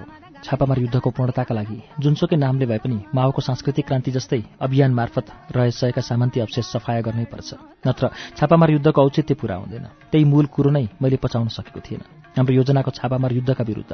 मभित्र भने अर्को प्रति छापामार युद्ध चल्दै थियो जसलाई विमानको त्यो सानो घटनाले पूर्णता दियो। मेरो लागि हाम्रो त्यो छापामार युद्ध त्यहीँ समाप्त भयो। त्यसपछि छापामार युद्धमा मेरो आस्था नभएको कुरा मनुलाई बताएँ। अनि त्यो छापामार युद्ध कहाँसम्म पुग्यो मलाई थाहा भएन। मैले केवल पलायन गरेको र गद्दारी नगरेको हुनाले कम्युनिस्ट समाजले मेरो ज्यान नलिएको होला। मेरो दोस्रो उपन्यास सावितीको म पात्रका आत्मालापहरूमा मैले मेरो त्यस छापामार युद्धसम्मको यात्रा र त्यसबाट बहिर्गमनका कारणहरू खुलाएको छु। पछि त्यही मैले चोर्न नसकेको बन्दुकले मेरो साथी वैद्यको जान जोगायो। त्यो बन्दुक मेरो एक हाते थियो र हाम्रा बन्दुकहरूमध्ये सबभन्दा गतिलो थियो। म वैद्यको गाउँमा बस्दा त्यही बन्दुक लिएर जान्थेँ चराचुरुङ्गीको शिकार खेल्न। तर डाका लाग्ने ठाउँमा बन्दुक दुई धारे तरवार हुन्छ। एक धारले सुरक्षा दिन्छ भने अर्को धारले बन्दुक लुट्ने डाकालाई पनि निम्त्याउँछ म नभएको बेलामा पनि कहिलेकाहीँ बन्दुक वैद्यकै गाउँमा हुन्थ्यो। यस्तै बेलामा एकपटक बन्दुक लुट्न दिउँसै आएका डाकाले वैद्यलाई आँगनमै खुकुरीले हाने उनको टाउकोमा निकै चोट लागे पनि उनी जसरी तसरी घरभित्र पसे र डाकाहरूलाई त्यही बन्दुक पड्काएर भगाए। अमेरिकी कवि रबर्ट फ्रस्टको अमर कविता छ जङ्गलको गोरेटोमा बाटो छुटियो। जङ्गलको गोरेटोमा बाटो छुटियो र मैले बेचल्तीको बाटो रोजेँ। सबै फरक त्यसैले पारेको छापामार युद्धबाट मुक्त भएपछि मेरो जीवनको जङ्गलमा पनि बाटो छुटियो। अनि मैले पनि बेचल्तीको साहित्यको बाटो रोजेँ र मेरो जीवनमा फरक त्यसैले पारेको हो। मेरा सामु राजनीति खेती ठेक्का व्यापार लगायत अनेक विकल्प थिए। तिनमा मैले साहित्य रोजेँ र निर्वाणसम्म पुग्ने निदो गरेँ। छापामार युद्धको मोहनी समाप्त भएपछि म एउटा घनीभूत वैचारिक सङ्घर्ष र चिन्तनको मेलोबाट गुज्रिएँ र माओवादी गुफाबाट बाहिर निस्केँ। त्यसैको रनाहामा पहिलो प्रतिक्रिया स्वरूप दुई हजार छब्बिस सालमा साबिती लेखेँ। त्यसअघि दुई हजार चौबिस सालमा सर्वव्याप्त अन्यायको विरोधमा पहिलो उपन्यास लिलाम लेखेको थिएँ। लिलाममा मैले नेपालको प्रमुख समस्या पहिचान गर्ने चेष्टा गरेको छु। लिलाम मेरो माओवाद अन्तर्गमन यात्राको कारण जनाउने प्रयास हो। त्यसबेला म छापामार युद्धको तयारीमा भए पनि मैले लिलामलाई नारावादी बनाइन। साबिती भने म किन त्यो छापामार युद्धबाट विमुख भएँ? भन्ने कारण खुलाएको साबिती बयान हो। दुई वर्षको फरकमा लेखिएका यी दुवै उपन्यासहरू त्यसबेलाका दिनदिनका तीव्र अनुभूति थिए भने अहिले चालिस वर्ष जति पछि लेखेको यो अन्तर्मनको यात्रा हालका छिनछिनको अर्को तीव्र अनुभूति। रामेसापका अग्रणी लेखक र ईर्ष्यायोग्य स्पष्ट वक्ता दिवंगत पण्डित साम्ब भक्त सुवेदी। आफ्नो साहित्य साधना कोठालाई भोजनालय र राजनीतिज्ञ छोरा तत्कालीन राष्ट्रिय पञ्चायत अध्यक्ष नवराज सुवेदीको बैठकलाई शौचालय भन्थे। उनको तर्क थियो साहित्यप्रेमीहरूले भरिएको उनको कोठामा सात्विक चिन्तन हुन्थ्यो भने राजनीतिज्ञहरूले भरिएको छोराको कोठामा तामसिक। त्यो मलाई घत लाग्थ्यो। म पनि साहित्य र राजनीतिलाई त्यसै गरी हेर्न थालेको थिएँ। उनको त्यो उक्तिलाई कवि केदारमान व्यथितले लेखकहरूबीच लोकप्रिय बनाए। व्यथितले बारम्बार भोजनालय र शौचालय दुवै चाखिसकेको हुनाले साहित्यकर्मीहरूले उनको त्यो उक्तिलाई उनकै भनेर प्रामाणिक पनि माने। त्यसैले धेरैले त्यो उक्ति व्यथितको नै हो भन्छन् तर होइन। जनकपुरका दिनहरूमा म जीवन बुझ्न हदैसम्म तिर्खाएको थिएँ। कसैले जीवन बुझाउन सकेन साहित्यले बाहेक।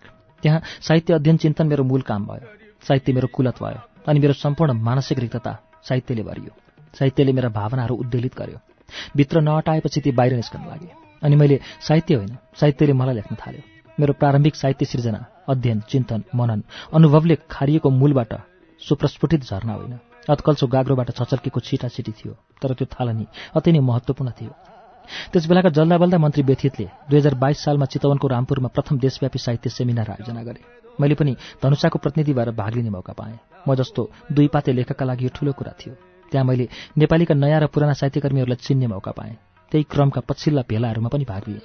ती भेलाहरूले मलाई वर्ष्यौनी साहित्यिकको रूपमा खारिन प्रेरित गर्यो। लेखकको रूपमा अरूसँग भन्दा पनि बढी मेरो आफैसँग प्रतिस्पर्धा पर्यो।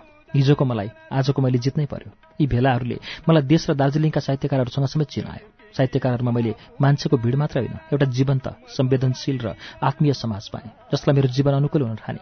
ती अनुभवहरू मेरो जीवनमा चेतना विस्तार र साहित्य यात्राका लागि महत्त्वपूर्ण कोसे ढुङ्गा हुन्। जनकपुरमा मेरो वृत्त सानो थियो। डाक्टर धीरेश्वर झा धीरेन्द्र मनु प्राजाकी लीला सिंह कर्मा दिनेश गिरी राप्रभु पोखरेल लेखनाथ शर्मा इलामका दुई भाइ भक्तबहादुर देवान र कथाकार कमल गजमेर अमेरिकी शोधकर्ता रिचर्ड बगहाट काठमाडौँका नयाँ पत्रिका पुस्तकहरू र निजी पुस्तकालयका उत्कृष्ट साहित्यिक पुस्तकहरूको कोसेलीसहित रोचक घिमिरे जनकपुर निरैको खेतीमा आउँदा जाँदा वर्षको एक दुई पटक झुल्किन्थे। यिनै ताका केही समयसम्म नगेन्द्र दाई पनि जनकपुरमै थिए। फाटाफुटा नै भए पनि रमाइलो साहित्यिक वातावरण पनि हुन्थ्यो। त्यसबेला जनकपुरभरिमा नेपाली साहित्यको दियो बालेर बसेका सिंगै एकजना थिए गोपाल पाण्डे असिमका भाइ लोकराम पाण्डे। बेला बेलामा साहित्यिक गोष्ठीहरू आयोजना गर्ने जिम्मा उनकै थियो। ती अवसरहरूमा काठमाडौँबाट प्रतिष्ठित लेखकहरू र छोरी रमा शर्मालाई लिएर गोपाल पाण्डे असिम पनि आइपुग्थे। नेपाली भाषाका सर्जकहरूलाई सम्झने जिम्बा तिनै दाजुभाइको थियो। त्यसपछि राजस्वको संवाददाता भएर थपिए लीलासिंह कर्मा त्यसपछिका जनकपुर कर्मभूमि बनाउने साहित्यकारहरू म र मनु नै हौ भन्दा पनि हुन्छ तर म धेरै बसिनँ। जनकपुरको यस्तै एक देवकोटा जयन्तीको समारोहमा मैले बालकृष्णसम्म सिद्धिचरण श्रेष्ठ र कमलमणि दीक्षितलाई भेटेको हुँ। मनु र मेरो रणनीति साहित्यको आवरणमा हाम्रो छापामारा लुकाउनु पनि थियो। हामी साहित्यमा देखिएर सक्रिय थियौँ जुन हाम्रो छद्मवेश थियो। हामी चाहन्थ्यौँ लोकले हामीलाई केही मानव पशुले भन्ने जस्तो समाजका लागि काम नलाग्ने खान नदिने अथवा अनुत्पादक साहित्यमा लागेका निकम्माहरू भनेर चिनोस् जसको आवरणमा हाम्रो छापामार लुकोस्। तिनै ताका हामीहरूको समेत प्रयासमा जनकपुरको स्टेसन निरको चौबाटोलाई भानुचोक नामाकरण गरियो अनि रामजानकीको थलो जनकपुरमा भानुभक्तको शालिग बनाउन कम्बर कसेर लाग्यो। देउसी भैलो खेलेर र सामूहिक रूपमा बजार घुमेर समेत चन्दा बटुल्यौँ एउटा जापानी आर्किटेक्टले भानुभक्तको शालिगको नक्सा बनाइदिए। त्यो शालिग बन्दा मैले जनकपुर छाडिसकेको थिएँ। दुई हजार त्रिसठी सालको मधेस आन्दोलनले त्यो शालिग टाल्यो पशुको भाषा हुन्छ तर साहित्य हुँदैन। मानवमा पनि केही पशु हुन्छन् जो हाताहाती कमाउने भाषा मात्र जान्दछन् तात्तातै नकमाउने साहित्य जान्दैनन् अनि भन्छन् साहित्य अनुत्पादक हो किनभने साहित्यले खान दिँदैन। समाजमा मानव जस्ता देखिने यस्तो सोच राख्ने मानव पशु बाक्लै हुन्छन्। तर मानव पशुले पनि बुझ्नुपर्ने कुरा के भने साहित्य त्यो विचार र विवेक हो जसले दाल भात खानै त दिँदैन तर खाद्यान्न उत्पादन र वितरणको मात्रै होइन समग्र जीवनशैलीको न्यायपूर्ण प्रणालीको पथ प्रदर्शन गर्छ। त्यो मात्रै होइन साहित्य कला पनि हो जसको रसास्वादनबाट पशु जगत वञ्चित छ तर विज्ञान भन्छ। पशु जगत र वनस्पति जगत समेत मानव निर्मित सङ्गीत कलाको रसास्वादनबाट पनि वञ्चित छैन।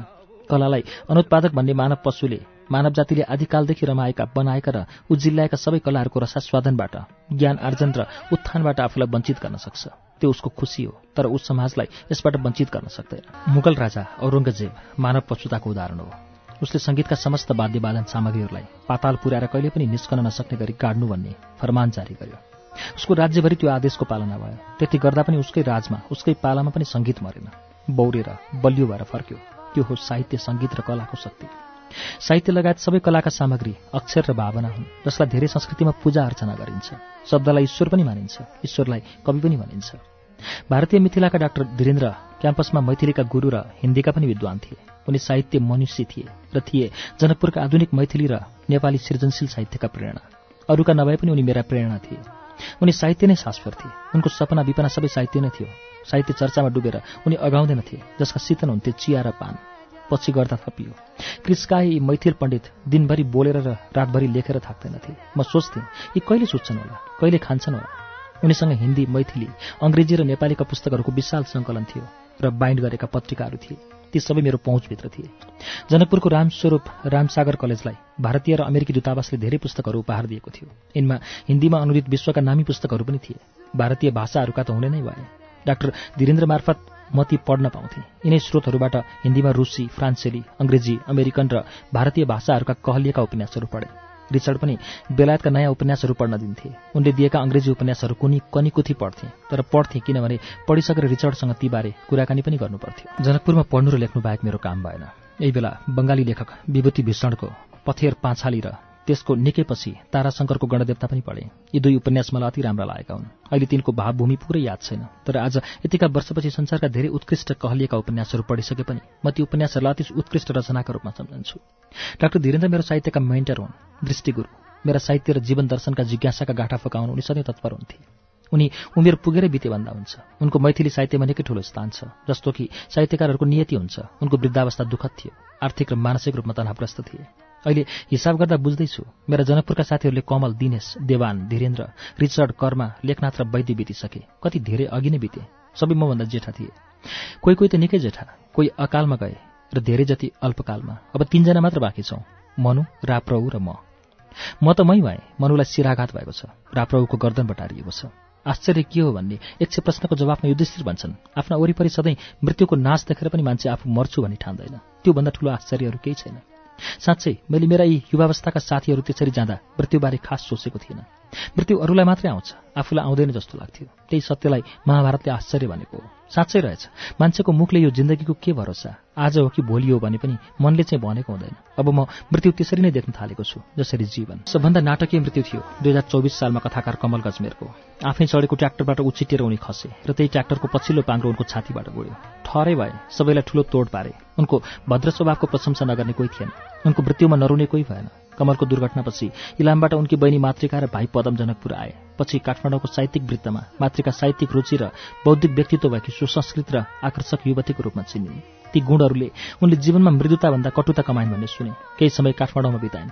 दुई हजार उनासाठी सालमा कालेबुङ प्रोजेक्ट भ्रमणबाट फर्कँदै गर्दा सहकर्मी इलामकी सरस्वती गौतमले मातृकाको ठाउँ ठेगान बताएपछि गाडीलाई अघिल्लो मोडबाट घुमाएर टोलीसहित म तीन धारे पुगेँ। मातृका त्यहाँको बालिका स्कुलमा प्रधान अध्यापिका रहेछन्। हाम्रो डप्फालाई बिहानको खाना खुवाइन् सकेको सत्कार गरिन् जीवनका दुःख सुखका कुरा गरिन् घर घराइसी कुरा गरिन् कमलको दुर्घटनाले बनाएका पुराना घाउहरू आला भए छुट्टिँदा भनिन् दाजुको न्यास्रो मेटिदिनु भयो फेरि पनि यता आउँदा बाटो नकाट्नुहोस् है।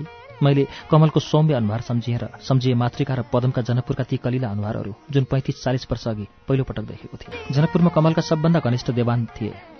साहित्यप्रेमी कृषि कार्यकर्ता भक्तपुर देवान भक्त भक्तबहादुर देवान मेरा र वैद्यका घनिष्ठ मित्र थिए। उनलाई हरेक साँझ दुई चार गिलास ठहर नचढाइ हुँदैन थियो। चढाएन भने उनको शब्दमा फुकको खोकी लाग्न थाल्थ्यो। साँच्चै ख्याक पनि गर्न थाल्थ्यो। ठर्रा स्वाट्ट तन्काएपछि ख्याक पनि बिसेको हुन्थ्यो। शीतन पनि नुन चाटे पुग्थ्यो। अरू केही चाहिँदैन थियो। हामी सिकारहरू नाकबो बङ्गाएर मिठो शीतनको लागि कनी कनी ठर्रा सुन्थ्यौँ कमलको मृत्युपछि देवान रक्सीको भेलमा बगे। भातको साटो रक्सी खान थाले। हामी उनलाई भात दाल तरकारी खुवाउन बल गर्थ्यौँ। उनी रक्सीसँग मुछेर भात खान थाले। उनले आत्मघात रोजे पारिवारिक विघटन रोजे। हामीले जति गरे पनि उनलाई रक्सीको भेलबाट उतार्न सकेनौँ। म काठमाडौँतिर लागेपछि उनी इलामतिर लागेछन्। त्यहाँ रक्सीको मामिलामा राम्रैसँग गति छाडेरे। दुःखी हुनुभन्दा उपाय भएन। त्यही यात्रामा फर्कँदा इलाम पनि पुगे। देवानकी श्रीमती शशी भाउजू र छोरी प्रमिलाको खोजी गरे। उनीहरूलाई पनि मैले पैँतिस वर्षदेखि भेटेको थिइनँ। पत्तो लागेन तर बजारैनिर भक्तबहादुर देवान मार्ग भेटेँ। आफ्नै मित्रको नाउँमा बाटाको नामाकरण भएछ भनेर खुसी मान्दै सँगै बिताएका पुराना सुख र दुःखका दिनहरू सम्झँदै त्यो पुरै बाटो हिँडेर छिचोले रिचर्ड बर्घाटलाई लन्डनको School of African and Asian स्टडिजले शोध छात्रवृत्ति दिएर पठाएको थियो। त्यसबेला नेपालको रमाइलो पहाडी भेगमा नगएर उराट लाग्दो दक्षिणी भेगमा शोध गर्ने उनी अपवाद हुन्। पछि म बेलायत पढ्दा लन्डनमा काम गर्दा र गृहस्थ भएर बस्दा उनी मेरा झन घनिष्ठ भए आजीवन घनिष्ठ रहे। ब्रेन ट्युमरले गर्दा उमेरमै बिते। उनले नेपालबारे गरेका अनुसन्धान लेख र पुस्तकहरू निकै गहकिला छन्। म बेलायतमा कार्डिफको बेल्स विश्वविद्यालयमा पढ्दा रिचर्ड सुहासमा पढाउँथे। म छुट्टीमा लन्डन गएको बेला रिचर्डले मलाई त्यहाँ हिमाली हिमाली मानवशास्त्रका पितामह प्रोफेसर क्रिस्टोफर भन फुरर हाइमन्डोर्फलाई मात्रै होइन एभोकाडो नामक फललाई पनि चिनाए। त्यसबेला प्रोफेसर हाइमन्डोर्फ सुहासका अध्यक्ष थिए। रिचर्डले मलाई हाइमन्डोर्फसँग चिनाउन उनीका नै खाना खाने निम्तोको मेलो दिए। एपेटाइजर अर्थात् मुख्य भोजन पूर्वको चमेना आयो। मैले कहिले नदेखेको नखाएको कट्मिरो आँप जस्तो हरियो बोक्रा तर सेतो र कमलो गुदी भएको फल आइपुग्यो। आधी पारेर कोया झिकेको उत्तानो फ्याक मेरो रिकापीमा आयो। मैले सोधेँ यो के हो र कसरी खाने? रिचर्डले भने यो एभोकाडो भन्ने फल हो। मैले जस्तै गरी खाऊ अनि उनले कोयाको डोबमा व्हाइट वाइन हालेर सानो चम्चाले गुदी खुर्किँदै त्यो वाइनसँग मिसाएर खान थाले। हाइमन्डोर्फ दम्पति पनि त्यसै गर्न थाले। मैले पनि त्यसै गरेँ। खास मिठो लागेन। एभोकाडो र वाइन भोजन पूर्वको विशिष्ट चमेना मानिदो रहेछ। त्यसपछि त्यसरी एभोकाडो खाएको छैन। तर पछि जब एभोकाडोलाई चाना पारेर नुन र मरिच मात्रै छर्केर खान थाले मिठो लाग्यो। निकै महँगो फल रहेछ। पछि थाहा पाएँ। जनकपुरमा मेरो साहित्य सृजना अवरोध हुन थाल्यो। सम्पादन गर्न थाले। एउटा कथा सङ्कलन हिमालको छायामा र सामयिक सङ्कलन पर्वत निकाल्यौँ। पर्वतले प्रशासनलाई क्रुद्ध बनायो। प्रेसबाट त्यसका प्रतिहरू जफत गरेपछि जिल्ला प्रमुखले भने सम्पादकजी प्रशासनलाई सहयोग गर्नु पर्यो अनि पो प्रशासनले पनि सहयोग गर्छ। एक हातले तारी बज्दैन। उनले नुनको सोझो सन्देश दिएका थिए। पञ्चायती व्यवस्थाको चाकरी गर नत्र ती पचभैयाले तँलाई बाँच्न गाह्रो पार्छन्। जति जति म आफ्नो लेखन र विचारको लागि चिनिन थालेँ। सानो जनकपुरमा मेरो बास उति उति असजिलो हुन थाल्यो। जनकपुर मलाई साँगुरो हुन थाल्यो। एकातिर वामपन्थी दलको सदस्य हुन नेता पाउन थाले भने अर्कातिर पञ्चायतको समर्थनमा लेख्न र बोल्न दबाव। मलाई दुवै स्वीकारी थिएनन्। मेरो छापामार युद्धको मोहनी तुइसकेपछि र त्यस्ता साना ठुला पीडाहरू अति हुन थालेपछि मेरो जनकपुर बास असह्य भयो। म निसासिन लागेँ अनि कुम्लो बोकेर हानिए काठमाडौँतिर। तेइस वर्षको थिएँ। सबभन्दा ठुलो कुरा म आफ्नै खुट्टामा उभिन चाहन्थेँ। लेखक भएर बाँच्ने प्रबल तिर्सना थियो। एक दिन जनकपुर चुरोड कारखानाको सित्तै काठमाडौँ पुऱ्याइदिने ट्रक भेटेँ। एउटा दोकाँते झोलामा स्लिपिङ ब्याग र आफ्ना पाण्डुलिपीहरू बोकेर जनकपुर छाडेर लागे काठमाडौँतिर भाग्य अजमाउन। लेखक भएर नै बाँच्ने प्रयोग गर्न। काठमाडौँ महानगरीमा पुग्दा मसँग साथमा जम्मा डेढ सय रुपियाँ थियो र थियो अनिश्चित भविष्य। अफसरले कसैलाई खोज्दैन। अफसरलाई आफैले खोज्नुपर्छ। लेखेर बाँच्ने अवसरको खोजीमा म दुई हजार छब्बिस सालमा काठमाडौँ आएँ। लेखिन मेरो पहिलो प्रेम भए पनि जनकपुरमा त्यो मौलाउन सम्भव भएन। काठमाडौँमा नै बसेर गरी बुझ्नु गरी सिक्नु गरी जान्नु जरुरी थियो। त्यो रहर पुर्याउन पनि काठमाडौँको बाटो समाएको थिएँ। काठमाडौँको साहित्यिक वातावरणमा धकफुकाएर पढ्ने लेख्ने र छापिने आशा र आदर्श थियो तर यथार्थ अर्कै भयो। काठमाडौँमा मेरो हालत दिल्लीबारे गालिबले भने जस्तै भयो। कुनै बेला साहित्यिक वातावरणकै लागि दिल्ली बस्न चाहने उर्दू महाकवि मिर्जा गालिबले लेखेका थिए हामीले माना कि दिल्लीमा रहे लेकिन खाएंगे क्या? दिल्ली बस्ने कुरा त माने तर खाने के नि? अन्तिम मुगल राजा बहादुर शाह जफर सायर थिए। उनले आफ्ना अग्रज र महान सायर गालिबलाई आफ्नो उस्ताद अर्थात् गुरु बनाएर राज्याश्रय दिए। त्यसरी उनले गालिबको खाने मेलोको मात्रै होइन स्वाभिमानको समस्याको पनि समाधान गरिदिएका थिए। गालिब महान सायर त थिएनै उनको स्वाभिमान पनि उत्तिकै ठूलो थियो। गरिबीले पिल्सिएको बेला गालिबले दिल्लीको एक प्रतिष्ठित कलेजमा फारसी पढाउने जागिर स्वीकार गरे। त्यो पद बहाली गर्न कलेजमा पुग्दा प्राचार्यको दूतले उनलाई ढोकामा स्वागत गर्यो। गालिबले आशा गरेका थिए पहिलो दिन स्वयं प्राचार्य नै ढोकासम्म आएर उनलाई स्वागत गर्लान्। त्यसो नभएपछि उनी ठाडै खुट्टा फर्किएर यो सारी लेखे। बन्दगी में भी ओ आजादाओ खुद भी है कि हम। बंदगी में भी वो आजादाओ खुद भी हैं कि हम। उल्टे फिर आए दरे काबा अगर वा न हुआ। ईश्वरको वन्दना गर्दा पनि म यति स्वच्छन्द र अभिमानी छु कि काबाको अर्थात् भगवानको ढोका खुलेन भने त्यसै फर्किनेछु स्वाभिमान उनले लेखेनन् मात्रै बाँचे पनि। उनको स्वाभिमानले त्यो प्राचार्यलाई भन्यो त जस्तो मान्छेले त के? देउताले पनि मलाई उचित मान गरेनन् भने म उनलाई पनि बहिष्कार गर्छु। उनी भोके बसे तर त्यो जागिर खाएनन्। लेखक कलाकारभित्रको त्यो स्वाभिमानको म वन्दना गर्छु। म चाहन्छु त्यो स्वाभिमानको सानो अंश भए पनि सबै लेखक कलाकारमा होस्। म चाहन्छु त्यो ममा पनि होस्। तर काठमाडौँमा मेरो दिल्लीमा गालीको जस्तो कुनै मेलो बसेन। नेपाली साहित्यमा उस्ताद सागिर्द अथवा गुरुचेलाको परम्परा छैन। भएकै भए पनि मेरो न कसैको उस्ताद हुने औकात थियो न मेरो स्वाभिमानले मलाई कसैको सागिर्द हुन दियो। नेपालमा उस्तादी सागिर्दी चाकरीमा मात्रै थियो र छ। यहाँ उस्तादका पनि उस्ताद र सागिर्दका पनि सागिर्द चाकरीबाज थिए र छन्। अनि म चाहिँ गालिबको प्यारोडी सोच्ने अवस्थामा पुगेँ। हामीले माना कि काठमाडौँमै रहे लेकिन खाएँगे क्या? काठमाडौँको आकाश जनकपुरको जस्तो साँगुरो थिएन।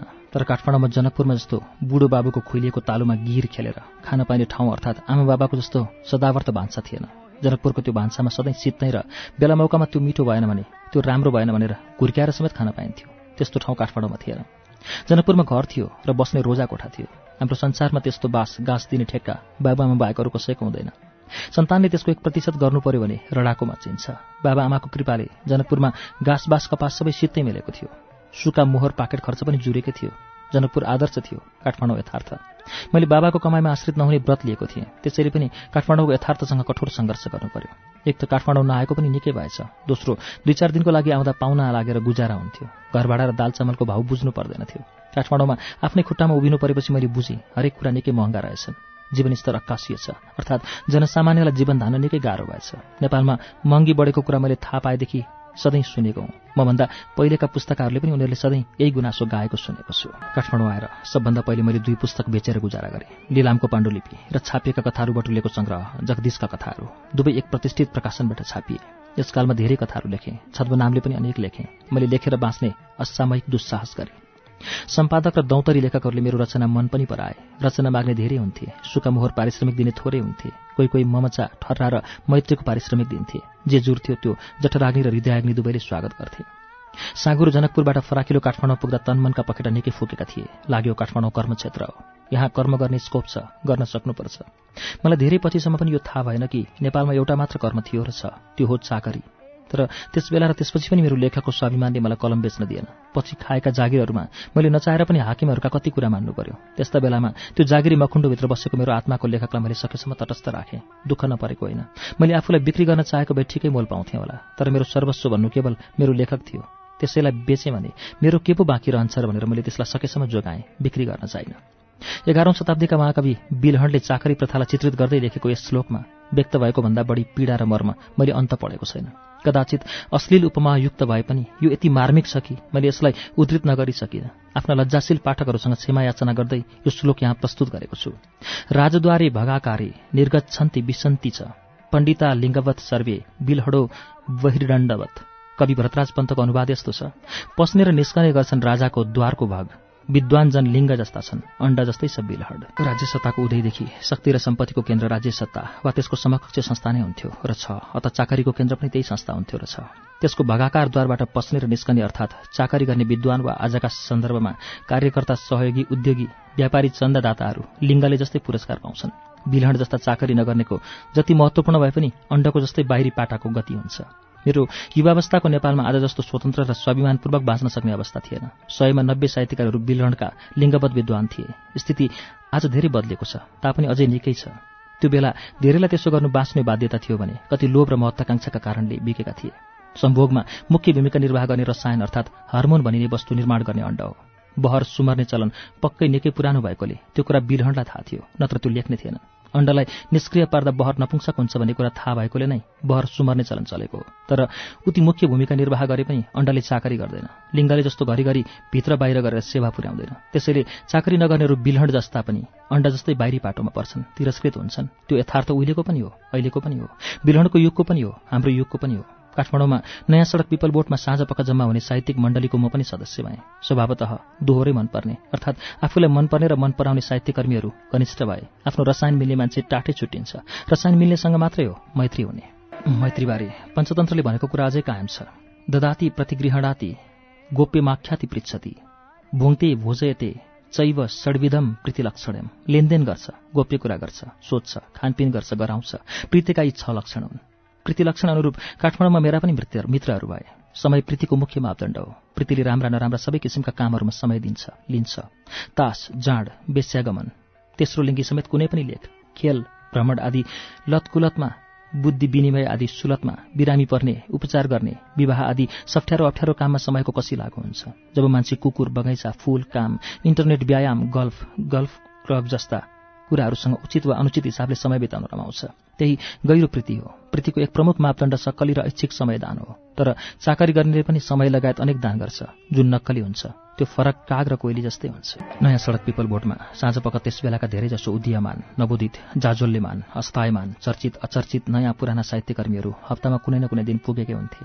कोही अलि बढी जान्थे कोही अलि घटी कोही स्थायी जस्ता थिए र कोही अन्तरा जस्ता कोही साथी भेट्न जान्थे कोही दारूको शिकार खोज्न सम्पादकहरू लेख खोज्न र लेखकहरू सम्पादक खोज्न कोही गफ गफ भलाकुसारी गर्न कोही चर्चा परिचर्चा गर्न सुन्न कोही नयाँ पत्रिका पुस्तक बाँड्न कोही माग्न कोही प्रतिक्रिया बुझ्न कोही प्रतिक्रिया दिन सबै त्यसले सबै थोक पाउने प्रमुख सञ्चार केन्द्र थियो त्यसबेला त्यो पिपल बोर्ड त्यस युगका धेरै लेखकहरू त्यही बोर्डको छारीमा हुर्केका हुन्।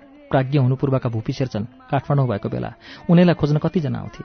उनीहरू भूपीको खल्ती काटेर साँझ झम्काउने सुरमा हुन्थे। पिपल बोर्डमा भूपी पटक पटक टक्टकिएको सुनेको छु।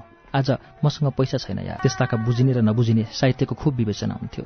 नबुझिनेका अगुवा मोहन कोइराला थिए। एक साँझ मोहन दाईको र मेरो बेलैमा पिपल बोर्डमा भेट भयो। भर्खरै निस्केको र हामी आफैले रूपरेखा कार्यालयबाट ल्याएको छापा गनाउँदैको रूपरेखा पत्रिका हामी दुवैका हातमा थियो। लेखकहरू रूपरेखा कार्यालयमा गए भने रूपरेखा सित्तै पाउँथे। रूपरेखाका सबैजसो लेखकहरू त्यो लिन्थे। त्यही उनीहरूको पारिश्रमिक थियो। त्यसमा उनको कविता थियो। चियाको सुरको तान्दै मैले उनलाई उनकै नयाँ कविता बारे भने। मोहन दाई यसको अर्थ अलिक बुझिन। बुझाइदिनुहुन्छ कि? कविलाई नै भेटेको बेला बुझ्न खोजेको। कविताको हरफ केही यस्तो थियो पढेर सुनाए। कैँसीले समय काट्दै लोटेकाले खुसी खुसी उनी कविताको अर्थ लाउन चाहँदैनथे। त्यस्ता प्रश्नबाट तर्किन्थे। गाह्रो मानेर भन्थे कविताको अर्थ लाग्नै पर्छ र प्रुफिडरले बिगारिदियो होला। लेखनको लक्ष्य संसार हो भने नबुझिनु वा गलत बुझिनु आत्महत्या सर हो। नबुझिने लेख्नु नसुनिने बोल्नु जस्तै हो। मुखै मात्र चलाउनु र बोली नसुनाउनु जस्तै लक्ष्य हो भने कुरा बेग्लै हो। कहिलेकाहीँ त्यसो गर्नु पनि सार्थक हुन्छ। होला सोद्देश्य हो भने। तर साहित्यको प्रमुख तत्व संसार हो जुन दोहोरो हुन्छ संसारका तह हुन्छन्। सबैले संसारका सबै तह उही स्तरमा बुझ्दैनन् तर जति जति बुझाउन बुझ्न सकिन्छ त्यो साहित्य त्यति सार्थक हुन्छ। नबुझिने भएर नै कुनै पनि कृति महान हुने होइन। ईश्वर बल्लभ दाईसँग मेरो परिचय झापा साहित्य बेलामा भएको थियो र सँगसँगै दार्जिलिङ गएका थियौँ। सानो दार्जिलिङ सहरमा नेपालबाट गएको टोलीको त्यस बेला त्यहाँका सबैजसो नेपालभाषी लेखकहरूसँग परिचय भयो। पछि पटना विश्वविद्यालयमा पढ्दा एमएको प्रबन्ध पत्रको लागि मैले दार्जिलिङमा नेपाली परिवार विषय छाने तथ्याङ्क सङ्कलन गर्न दार्जिलिङ पुगेँ। कलिलै भए पनि नेपाली भाषाको लेखक भएकाले नै त्यहाँ मैले सबैबाट बिर्सिन सक्नु माया र सहयोग पाएँ। सबैभन्दा बढी सहयोग पाएँ ईश्वर बल्लभ र लक्कीदेवी सुन्दासबाट। त्यसबेला मैले नेपाली भाषाका लेखकहरू इन्द्रबहादुर राई अगमसिंह गिरी सुभाष घिसिङ देवकुमारी थापाहरूलाई चिन्ने र बात मार्ने मौका पाएँ। पछि वल्लभदाई नेपाल परिवार नियोजन सङ्घमा मेरा सहकर्मी पनि भए। वल्लभदाई दार्जिलिङबाट काठमाडौँ फर्केपछि र म पटनाबाट फर्केपछि उनी र म पिपल बोर्डका नियमित ग्राहक जस्तै भएका थियौँ। उनी थापाथली बस्थे र म बानेश्वर बस्थेँ। पिपलवुडबाट कहिलेकाहीँ हामी सँगसँगै फर्कन्थ्यौँ र कहिलेकाहीँ बागबजारमा अमर गुरुङको डेरामा बस्थ्यौँ। त्यहाँ गीत सङ्गीत मात्र होइन साँझमा उनको भान्सामा पाकेको र भाउजूले प्रेमपूर्वक घाँस काटेर दिएको भोजन पनि सहज भावले ग्रहण गर्थ्यौँ। धेरै पटक बल्लभदाई र म अम्बरदाईको जहानमाथि अनायास र अनामन्त्रित भएर थपियौँ। अम्बरदाईका छोराछोरी सानै थिए तर अम्बरदाई र भाउजूको आँखा र अनुहारमा सदैव त्यस्तो खुला मायालु निन्ता हुन्थ्यो। जसले गर्दा त्यहाँ जान र भान्सामा पाकेको बाँडीचुडी खान कहिल्यै धक लाग्दैनथ्यो।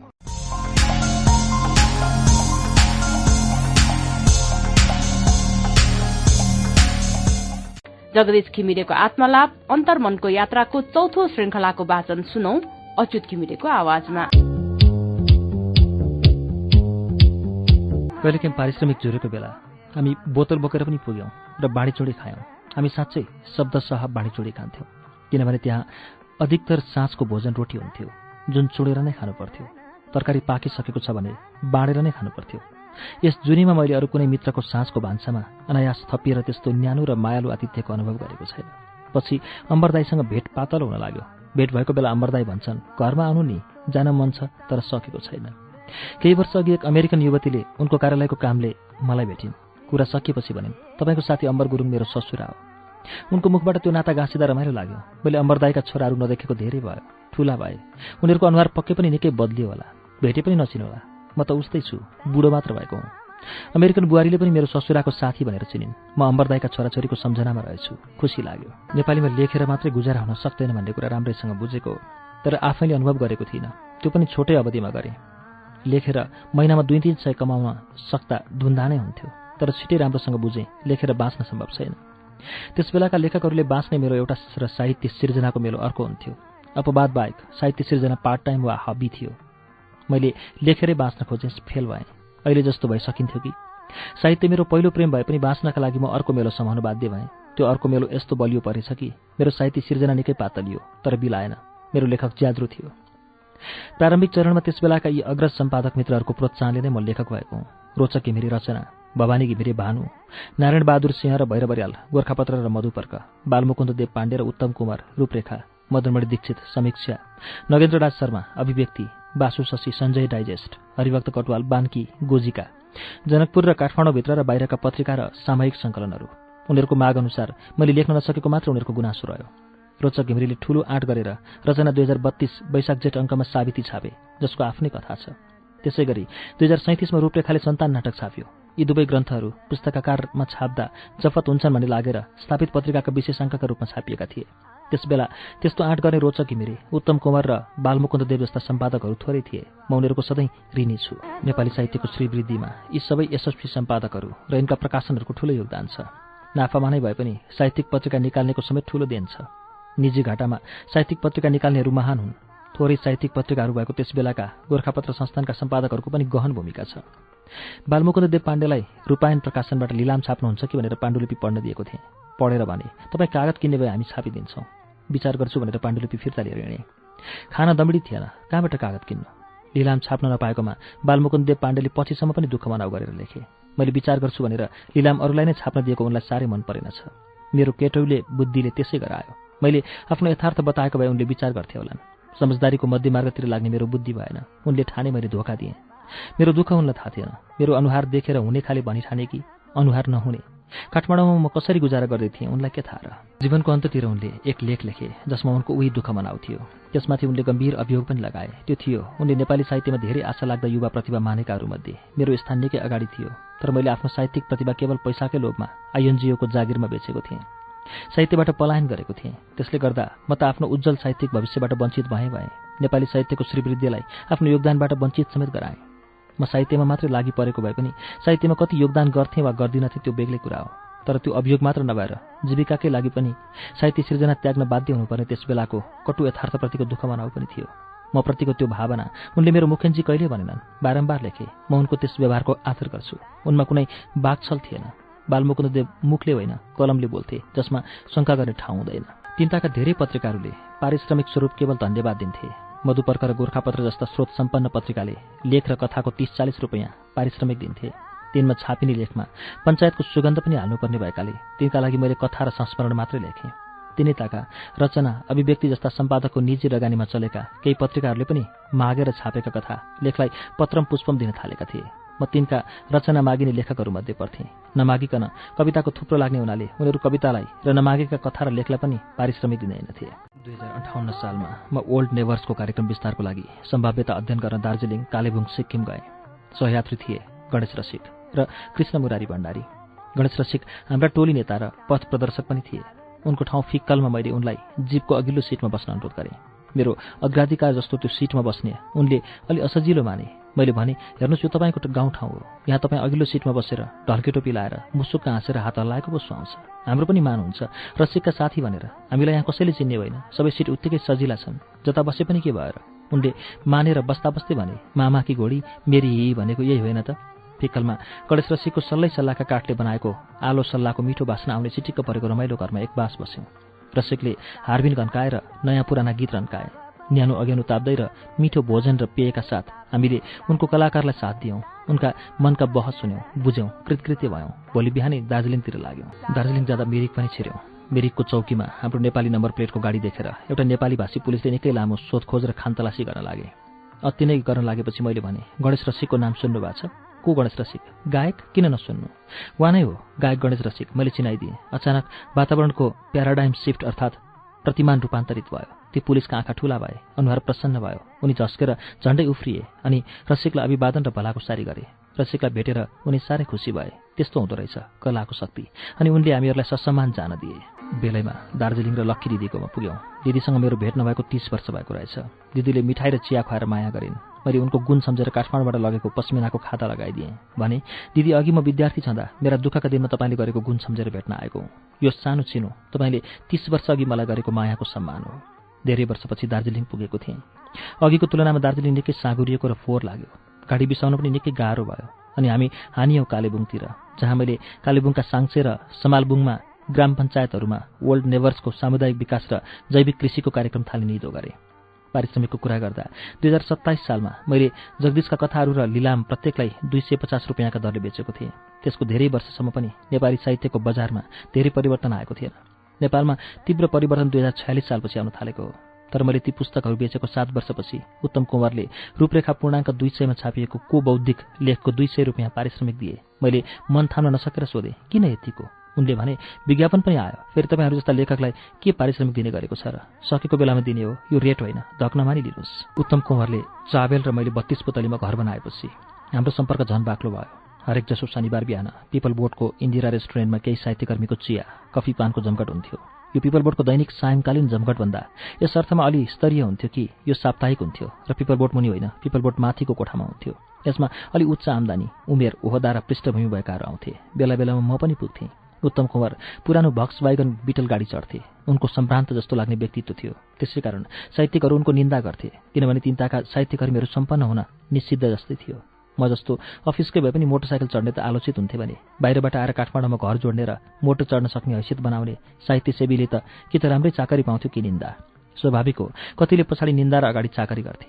पहिलो तर्क साहित्यकर्मी हुनु विपन्न हुनैपर्छ अनि पो उसले साहित्य सेवा गर्छ। सम्पन्नले त किन साहित्य जस्तो दुःखी व्यवसाय गर्नु पर्यो नेपाली साहित्यका सबभन्दा लथालिङ्ग व्यक्तित्व लक्ष्मीप्रसाद देवकोटा र उनको अभावग्रस्त जीवन सबको आदर्श थियो। अपवाद बाहेक अरू निकै नामी र कम नामी साहित्यकर्मीहरू पनि पुगेस पुगेसकै जीवन बाँच्दथे दोस्रो तर्क सम्पन्न साहित्यकर्मी कि त कतै बिकेको छ दरबार पञ्चायत वा कुनै धनीमानीको लापलुप पारेर देखावटी साहित्यकर्म गरेको छ। सम्पन्न मान्छेको व्यवसाय साहित्य होइन यो त सधैँ अभावग्रस्त अहिले खाए भरे के खाउँ भन्ने जस्ताको पो व्यवसाय हो। मान्छे केही पाउनकै लागि स्तुति गर्छन् तर निन्दा भने निन्दाकै लागि मात्र पनि गर्छन्। मान्छे अर्काको राम्रो होइन नराम्रो भन्न र सुन्नमा रेस लिन्छन्। निन्दा रसिलो हुन्छ प्रशंसा निरस। अर्काको सम्पन्नताको निन्दा गर्दा मान्छेले आफ्नो विपन्नताको औचित्य सिद्ध गरिरहेको हुन्छ। एक लामो यात्राबाट फर्किँदा फर्किँदै मैले उत्तम कुमार अचानक बितेको कुरा सुने।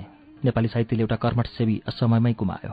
पत्याउनै गाह्रो भयो। शान्ति कुँवरको पनि यस्तै असामयिक निधन भयो।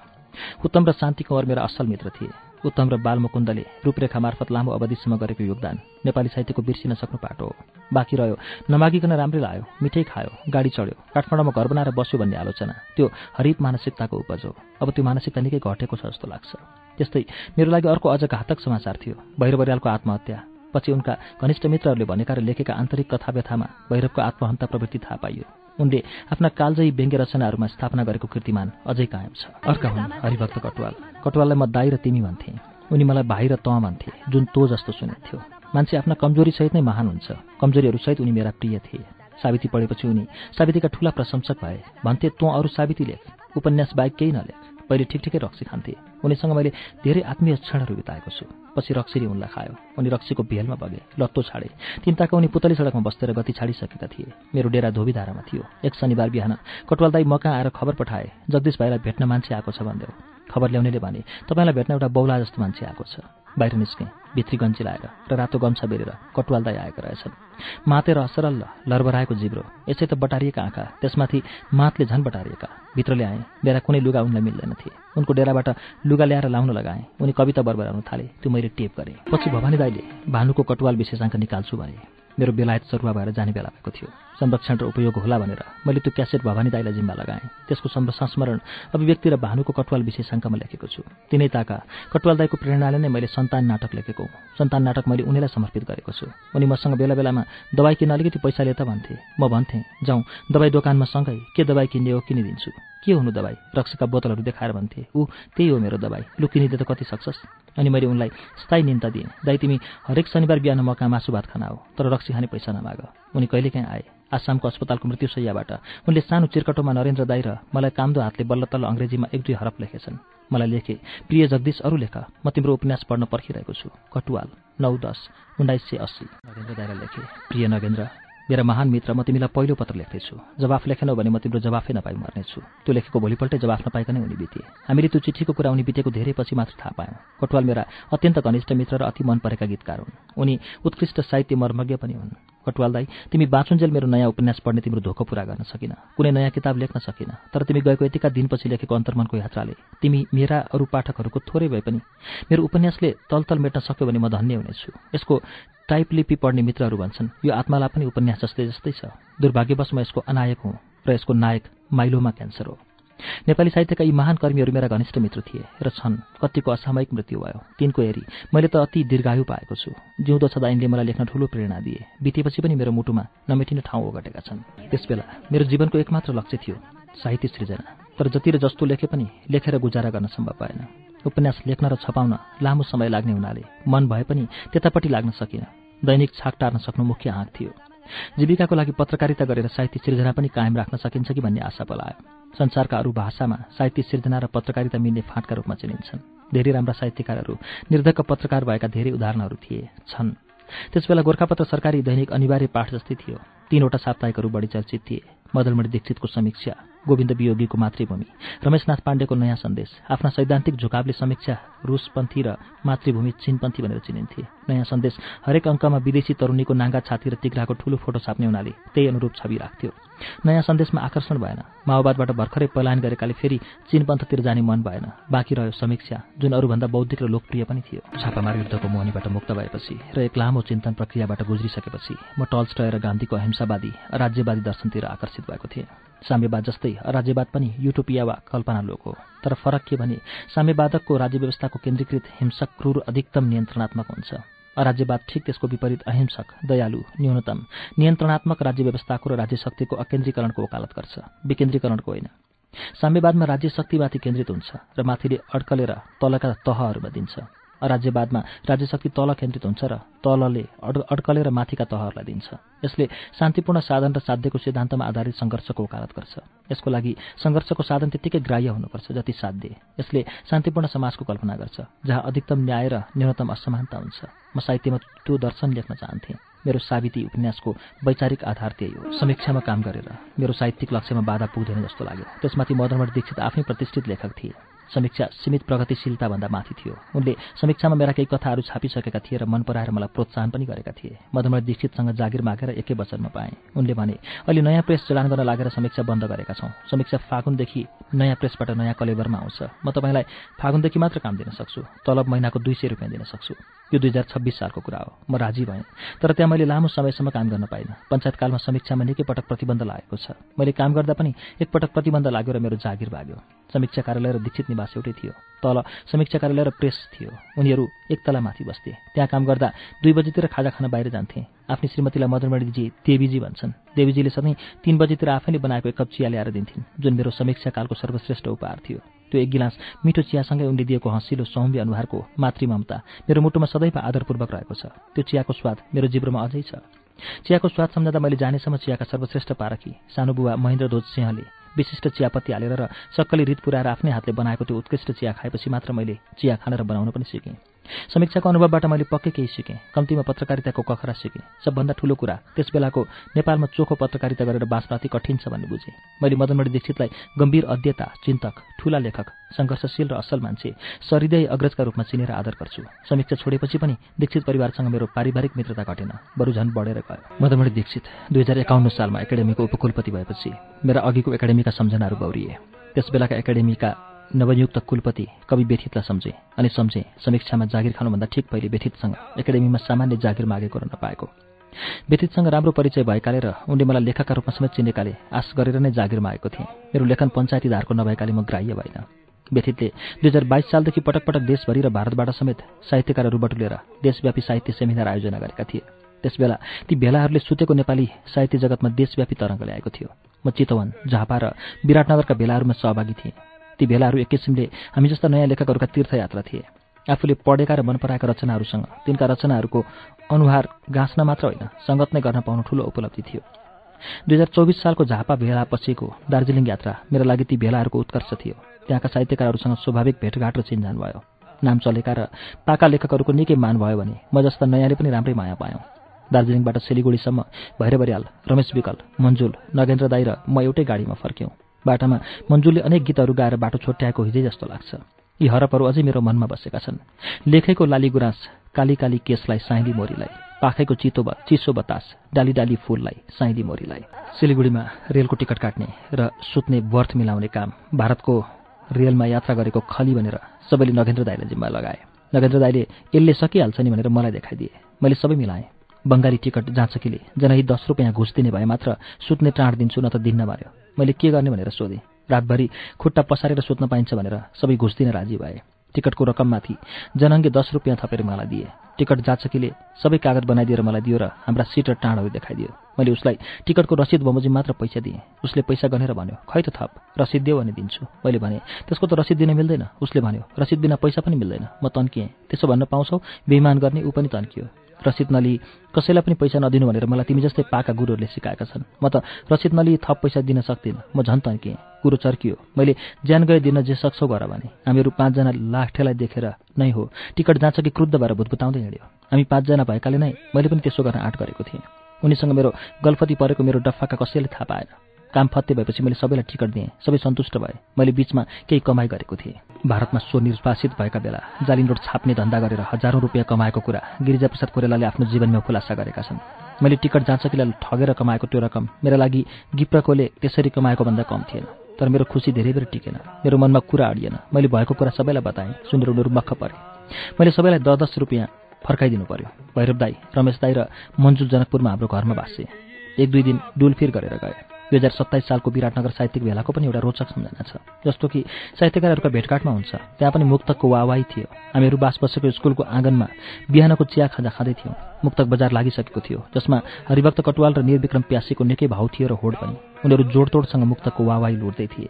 मदन रेग्मीले मलाई खुसुक्क भने जगदीश तिमी हेरिराख यो प्यासीलाई म चर्बीमा पनि कविता पाठ गराउन सक्छु। अनि प्यासीलाई भने हेर प्यासी शौचालय खाली भएको छ तर म गइहालौँ नत्र फेरि लाममा पछि परिन्छ।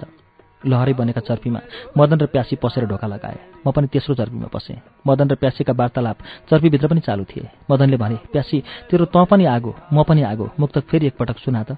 प्यासी औनाले चुरोट च्यापी पिच्छे सल्केको चुरोटलाई सम्बोधन गर्दै प्रदर्शन गर्दै र चुस्तै एउटा मुक्त खुब भनिरहन्थे तँ पनि आगो म पनि आगो दुवैमा जलन। अनि भन्थे हेर यो पुल्ने चुरोट मैले त्यसै खाएको होइन। मेरो हृदयमा आगो छ आगो। त्यसभन्दा प्यासीले दारा किटेर मुठी बाँधेका हुन्थे। मदनको कुरा सुनेर प्यासी धारा प्रवाह भाषण गर्न थाले। हेर मदन तेरो तडपन जलन र आँसुका कविताहरूको अगाडि सब भारेभुरी कविहरू फिक्का छन्। नबुझिने कविता लेख्ने त पनि फिक्का छस्। यो जिन्दगीमा पाएको छस्।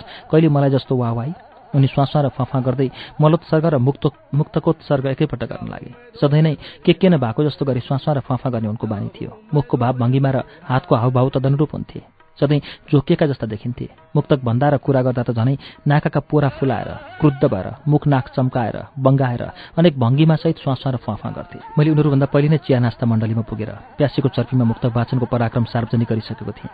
ती भेलाहरू रमाइलो थिए। तिनै भेलाहरूपछि राजा महेन्द्रले एकाडेमीको कुलपति पद व्यथितलाई सुम्पे। मान्छे जतिसुकै ठुलो आसन सिंहासनमा बसे पनि आखिर बस्ने त आफ्नै पिँधमा हो। राजाकै पिँधले तताएको घुमाउने कुर्सीको न्यानो आसनमा बसेपछि व्यतीत छोइन सक्न भए। आश्रयको न्यानो एउटा कुरा भयो। उनले त राजाकै कुलपति पद समेत पाएका थिए। उसै त जोशीलाई व्यथित। त्यसमाथि उनलाई त्यो पद बाँदरलाई लिस्नु जस्तो भयो। धुन्धानसँग एकाडेमीको पुनर्गठन र नयाँ नियुक्तिहरू गर्न लागे।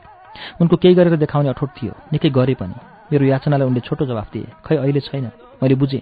मेरो लागि कहिले पनि छैन। मेरो साहित्यिक पृष्ठभूमि व्यथितलाई थाहा थियो।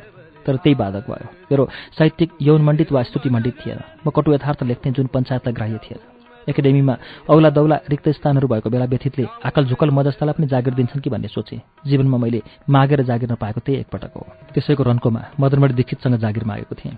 मैले पुसमा जागिर मागे फागुनमा पाएँ। त्यो मेरो पहिलो जागिर थियो। यी दुई महिनामा पोखरा र चितवनमा भौतारेँ पोखरामा मैले भूपी शेरचनसँग अन्तर्वार्ता लिएँ। त्यही दुई महिनामा साबिती पनि लेखी सिद्धाएँ पछि मदनमणिजीलाई भने तपाईँले मलाई दुई महिनापछि जागिर दिएकाले। त्यो खाली खण्डमा परेको बेला साबिती लेख्न सकेको हुँ तपाईँले तुरुन्तै जागिर दिएको भए मबाट कहिले पनि साबिती लेखेको थिएन।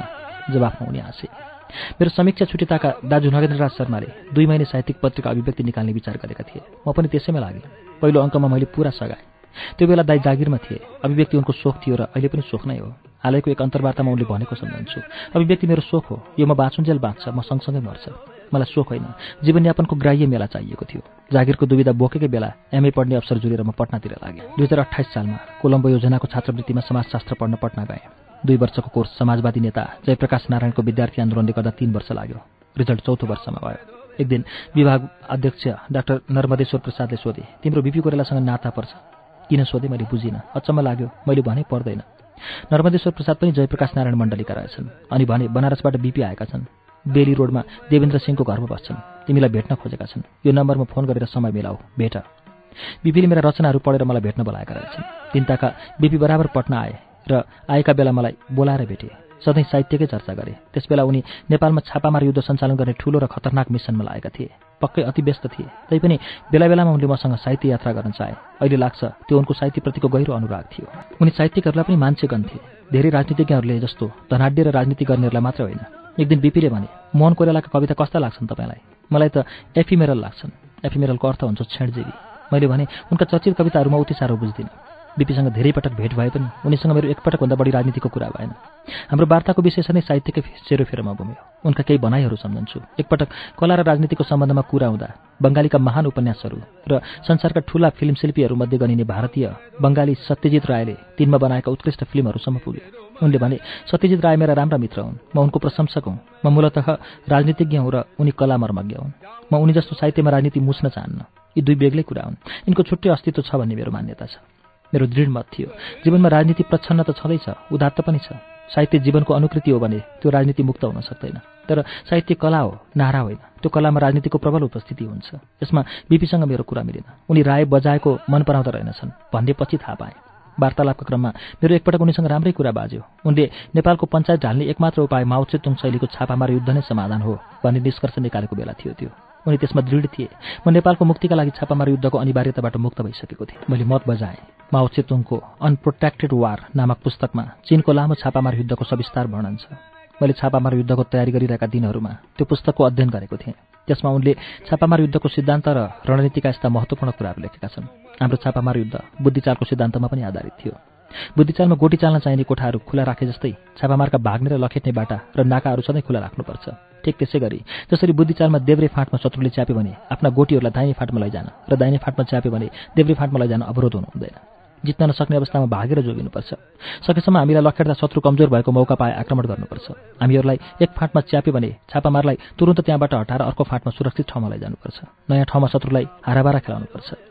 सबभन्दा महत्त्वपूर्ण कुरा जहाँ हाम्रो विजय हुन्थ्यो त्यहाँ स्थानीय सामन्तको सफाया गरेर हाम्रा स्थानीय सहयोगी सर्वहाराहरूको स्वायत्त सरकार गठन गर्थ्यौँ र उनीहरूलाई नै स्थानीय सरकार सञ्चालन गर्ने जिम्मा लगाइदिन्थ्यौँ। अनि हाम्रो न्यूनतम उपस्थिति र न्यूनतम सहयोगमा त्यस क्षेत्रको हाम्रो छापामार युद्ध सदैव आफै चालु रहन्थ्यो।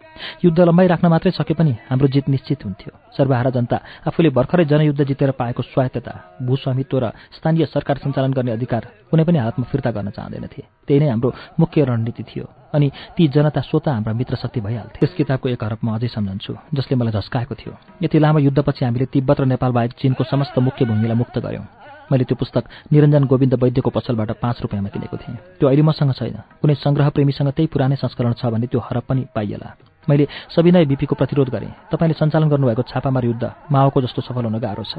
किनभने तपाईँहरूले युद्ध जितेको क्षेत्रमा पनि माओले जस्तो त्यो क्षेत्रको जिम्मा लिने सर्वहाराको स्वायत्त सरकार बनाएर युद्धलाई सुस्फूर्त निरन्तरता दिन सक्नुहुन्न। माओले जस्तै काङ्ग्रेसले आफ्ना त्यहाँका मित्र शक्तिहरूलाई भूस्वामित्व दिन पनि सक्दैन। सर्वहाराको तानासाई लाद्न पनि सक्दैन। स्थानीय काङ्ग्रेसहरूमा भूमिपतिहरूकै बाहुल्य होला। तिनीहरूले आफ्नै जस्ता जग्गा गरिबलाई कसरी बाँड्छन्? जुन माओको मूल रणनीति थियो त्यसो गर्न नसकेपछि कसरी थेगिन्छ छापामार युद्ध? स्थानीय स्तरमा जिति नै हाले पनि। नङ्ग्रा लगाएर हात्ती बाघ हुँदैन। दारा लगाएर बाघ हात्ती हुँदैन। दुवैको आफ्नै प्रकृति छ। त्यस्तै माओ शैलीको छापामार युद्ध अलोकतान्त्रिक लोकतान्त्रिक होइन। साम्यवादी व्यवस्था अनुकूल हुन्छ भन्ने मेरो मान्यता हो। अहिले पनि छ। मेरो यस विचारमा बिबीले लगभग झर्किँदै भने तपाईँलाई थाहा छैन तपाईँको गडबारीको माझी तपाईँभन्दा प्रतिक्रियावादी हुन्छ। उनको अभिप्राय थियो। स्थानीय स्तरमा त्यो युद्ध वा विजय त्यही मध्यमार्ग निम्न मध्यमवर्ग र काङ्ग्रेस कार्यकर्ताले थेक्छ जुन अहिले छापामार युद्धमा उमिएको छ। उनको मुखबाट मन्थलीको माझी गाउँ गडबारीको नाउँ सुन्दा मलाई अचम्म लाग्यो। गडबारीको पृष्ठभूमिमा मैले लिराम लेखेको थिएँ। मैले उनलाई उनको गडबारीको जानकारीबारे सोधेँ अनि उनले मेरा कान्छाबा लामै समयसम्म उनका सहकर्मी र साथी भएको। मन्थलीमा हाम्रो घरमा उनी गणेशमानजी र काङ्ग्रेसका अरू प्रमुख नेताहरू बसेको र उनलाई त्यस इलाकाको राम्रो जानकारी भएको कुरा बताए। दुई हजार पन्ध्र सालमा एक सय नौवटा निर्वाचन क्षेत्र थिए र ती सबैमा नेपाली काङ्ग्रेसले उम्मेदवारी दिएको थियो। रामेसापको मन्थली सहितको इलाका तेह्र नम्बर क्षेत्र थियो जसबाट बिपी कोरेलाले हालेको मनोनयन पत्र प्राविधिक कारणले रद्द भएको थियो। यस अर्थमा दुई हजार पन्ध्र सालतिर पूर्व दुई नम्बर जिल्ला र त्यसको पनि रामेसापको त्यो इलाका उनको लागि निकै महत्त्वको रहेछ। नेपाल फर्केपछि बिपीले युवा साहित्यकारहरूलाई आफ्नो मित्र पार्कको निवासमा बोलाएर पटक पटक भेटघाट गरे। ती अवसरहरूमा म पनि बोलाइन्थेँ। उनी चार अम्मलको सानो कागतमा आफैले लेखेको एक हरपे निम्ता पठाउँथे। औपचारिकता अनौपचारिकता आत्मीयता र मितव्ययताको त्यो रमाइलो सम्मिश्रण हुन्थ्यो। मेरो स्मृतिमा उनको निम्तोको केही यस्तो भाव अङ्कित छ केही युवा साहित्यिक मित्रहरूसँग भेटघाटको अवसरमा निम्ति आएको छु। ती भेलाहरूमा जहिले पनि युवाहरूकै बाहुल्य हुन्थ्यो। बुढाहरूबाट उनलाई धेरै आश थिएन तिनताका बिपी भन्थे अब म साहित्यमा बढी समय दिन चाहन्छु तर सकेनन् राजनीतिले नै जित्यो। उनलाई हामी जस्ता ठिटाले मत बुझाएको पटक्कै मन पर्दैनथ्यो भन्ने कुरा हरेक पटक प्रष्ट अनुभव गर्न सकिन्थ्यो। पछि चक्र वास्तुतला वास्तुलाले भने बिपीका ती पटना यात्राहरू सशस्त्र विद्रोहका लागि हतियार किन्न भएका हुन्। पटनामा हाम्रो हतियार सप्लायर थियो। म त सधैँ उहाँसँगै हुन्थेँ। खै तपाईँसँग त एकपटक पनि भेट भएन। मैले भने पिपीले भेट गराउन चाहनु भएन। भेट भएन। त्यहाँ भेट भएको भए अचल जस्तो भेट हुन्न थियो कि? पटनामा एउटा समाजवादी अखडा थियो कफी हाउस। त्यहाँ हरेक आइतबार बिहान फणेश्वरनाथ रेणु देवेन्द्र सिंह पत्रकार जितेन्द्र सिंह र स्थानीय र बाहिरबाट आएका लेखक पत्रकार राजनीतिज्ञहरूको मण्डली जन्थ्यो। साहित्य र राजनीतिको चर्चा हुन्थ्यो। बेला बेलामा मेरा मित्र जगदीश सिन्हा र म पनि पुग्थ्यौँ। त्यही अखाडा मार्फत। मेरो परिचय हिन्दीका वरिष्ठ लेखकहरू फणेश्वरनाथ रेणु र सर्वेश्वर दयाल सक्सेनासँग भयो। उनीहरूले मलाई प्रतिनिधि नेपाली कविताहरूको हिन्दी अनुवाद गर्ने प्रस्ताव राखे। मैले प्रतिनिधि कविताहरू सङ्कलन र प्रारम्भिक अनुवाद गरेर सक्सेनालाई दिएमा उनले भाषा परिमार्जन गरेर छपाउने जिम्मा लिए। मैले र किशोर नेपालले कविता छान्ने र सङ्कलन गर्ने काम गऱ्यौँ हिन्दी अनुवाद मैले र जगदीश सिन्हाले गऱ्यौँ सक्सेनाले थप परिमार्जन गरे। सक्सेनालाई सङ्कलित कविताहरूको अनुवाद बुझाएर र त्यसपछिको काम किशोर नेपाललाई जिम्मा दिएर दुई हजार बत्तीस सालमा म उच्च अध्ययनका लागि बेलायततिर लागेँ। त्यो किताब राजकमल प्रकाशनले नेपाली कविता आए नामले छापेछ। सक्षना बितिसकेका थिए। मैले निकै वर्षपछि दिल्लीमा राजकमल प्रकाशन कार्यालयमा नै गएर त्यसका पुस्तकका प्रतिहरू देख्न पाएँ। पारिश्रमिक कुन सम्पादकले पायो थाहा भएन। लेखकहरूले पनि केही पाएको थाहा पाएन। प्रमुख सम्पादक सक्सेना र दोस्रो सम्पादक किशोर रहेछन् तेस्रो सम्पादक म भएछु। जगदीश सिन्हाको नामै छैन। लोकोक्ति सम्झे। काम गर्ने हनुमान जस पाउने डेढु पटनामा बिहारीहरूले मेरो जातमा चाख लिएर हैरान पार्ने हुँदा म तिनीहरूसँग तर्किन्थेँ। नेवार हुँ भन्थेँ। के हो नेवार भनेको भन्थे। नेवार हिन्दू जाति व्यवस्थाभन्दा बाहिरको समूह हो भन्थे। जातको चासो नगर्ने मुसलमानहरू मेरा मित्र भए। निहालुद्दिन अहमद सबभन्दा घनिष्ठ थिए। निहाल रक्सी चुरोट बियर खाँदैनथे तर उनको बाबुको एक मुख्य भोजन रक्सी थियो। निहाल भन्थे मेरो बाला हरेक रात ठुलो एक बोतल हुस्की चाहिन्छ। आधा आफू खान्छन् र आधा चाटुकारहरूलाई दिन्छन्।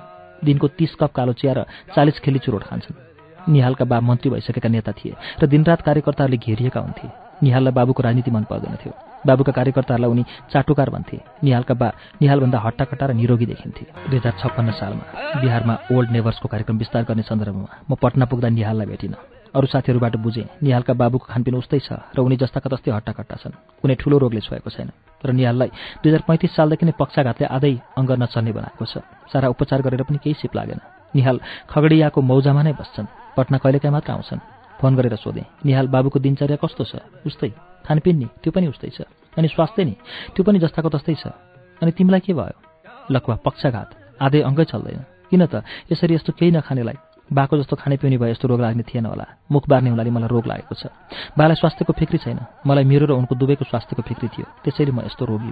पटनाबाट फर्केपछि मैले अनुबन्ध बमोजिम शिक्षा मन्त्रालयलाई सूचित गरेँ। त्रिभुवन विश्वविद्यालयमा समाजशास्त्र विभाग खोल्ने योजना अनुसार मलाई र म जस्ता अरूहरूलाई पनि छात्रवृत्ति दिएर पढ्न पठाइएको थियो। त्यो योजना समयमा लागू गर्न नसक्ने भएपछि सरकारले हामीलाई मनखुसी गर्न छोड दियो। मेरो जीविकाको दुविधा त्यहाँ जहाँको त्यहीँ थियो। त्यही बेला दुई हजार एकतिस सालमा परिवार नियोजन सङ्घका महासचिव बासु शशीले मलाई सङ्घमा कार्यक्रम अधिकृत हुने निम्ता दिए। त्यो मेरो पहिलो सम्मानजनक निम्ता र दोस्रो जागिर थियो। पटना जानु अघि र पटनाबाट फर्केपछि पनि मैले बासुदाईसँग लेखन सम्बन्धी निकै काम गरेको थिएँ।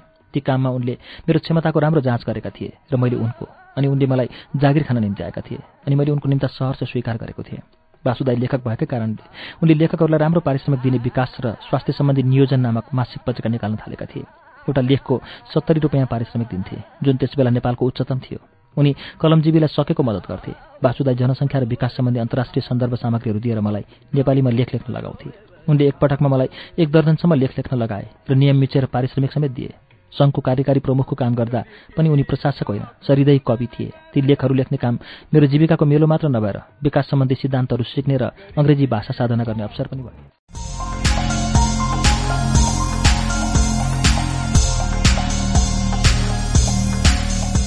जगदीश घिमिरेको आत्मालाप अन्तर्मनको यात्राको पाँचौं श्रृङ्खला।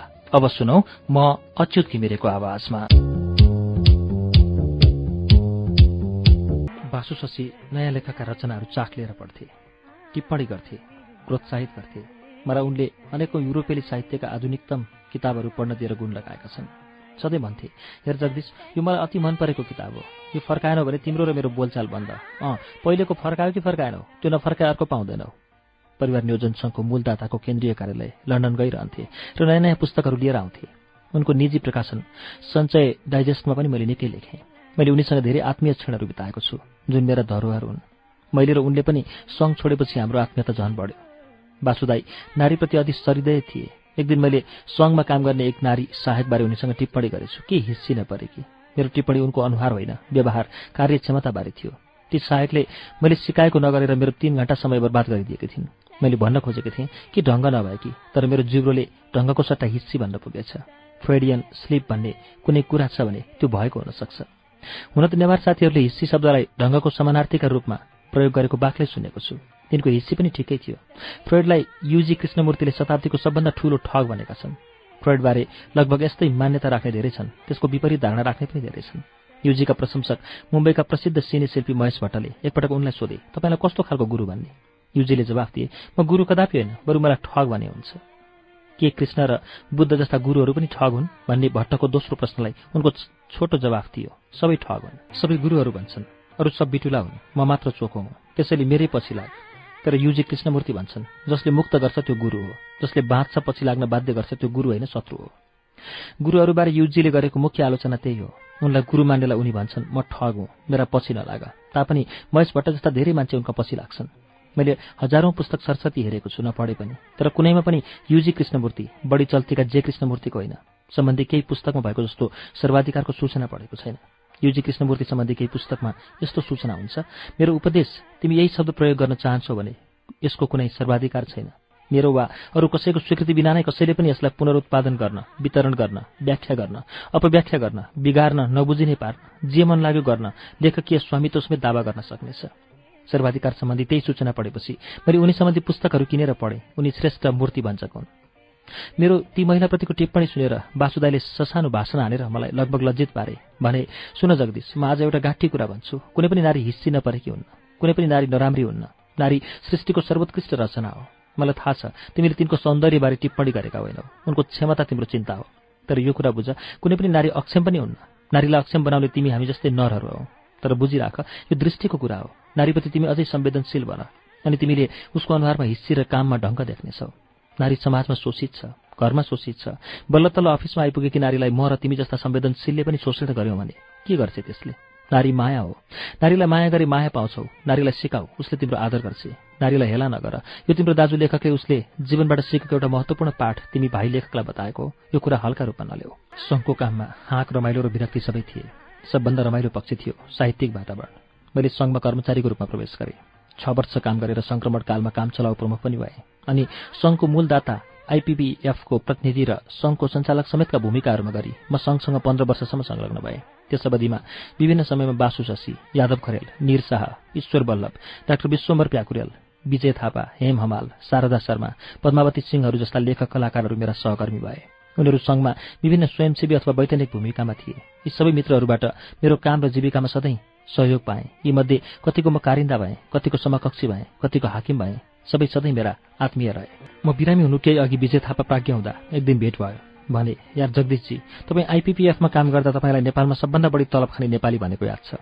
यो कुरा बिस पच्चिस वर्ष अघि नै मलाई तपाईँले होइन राजाका सचिव चिरन थापाले भनेको। अहिले त झन् कति खानुहुन्छ होला? तपाईँको चोबारको घर म वारिपट्टिबाट देख्छु र तपाईँलाई सम्झन्छु। तपाईँको बगैँचाबाट खुब राम्रो भ्यू देखिन्छ अरे। एक दिन तपाईँको बगैँचामा दिनभरि जमाउँ यार। खुब मजासँग जमाउँ। तपाईँसँग नजमेको धेरै भयो। मैले भने अवश्य जमाऊ विजयजी। पुराना मनमिल्ने साथीहरू बसेर दिनभरि जमाउला।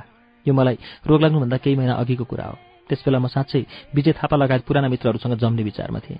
विजयजी रोगग्रस्त भएपछि मेरो जम्ने दिन गए। पग्लिने दिन आएका छन्। तर स्वस्थ भएँ भने एक दिन म तपाईँहरूलाई मेरो बगैँचामा अवश्य जमाउनेछु। मैले सङ्घबाट धेरै सिकेँ। सङ्घले राम्ररी के सिकायो भने कुनै पनि किसिमको संस्थाको सफल व्यवस्थापनका गाठी कुरा मान्छे हुन्। अरू कुरा तपसिलका हुन् नेतृत्व मान्छेको गरिन्छ व्यवस्थापन वस्तुको। सफल नेतृत्व भनेको अगुवाले पछुवालाई विश्वास पार्न सक्ने क्षमता हो। पछुवाले आफ्नो अगुवालाई विश्वास गरेन नेता मानेन भने त्यो नेता असफल हुन्छ। यो कुरा मैले यसरी सिकेँ।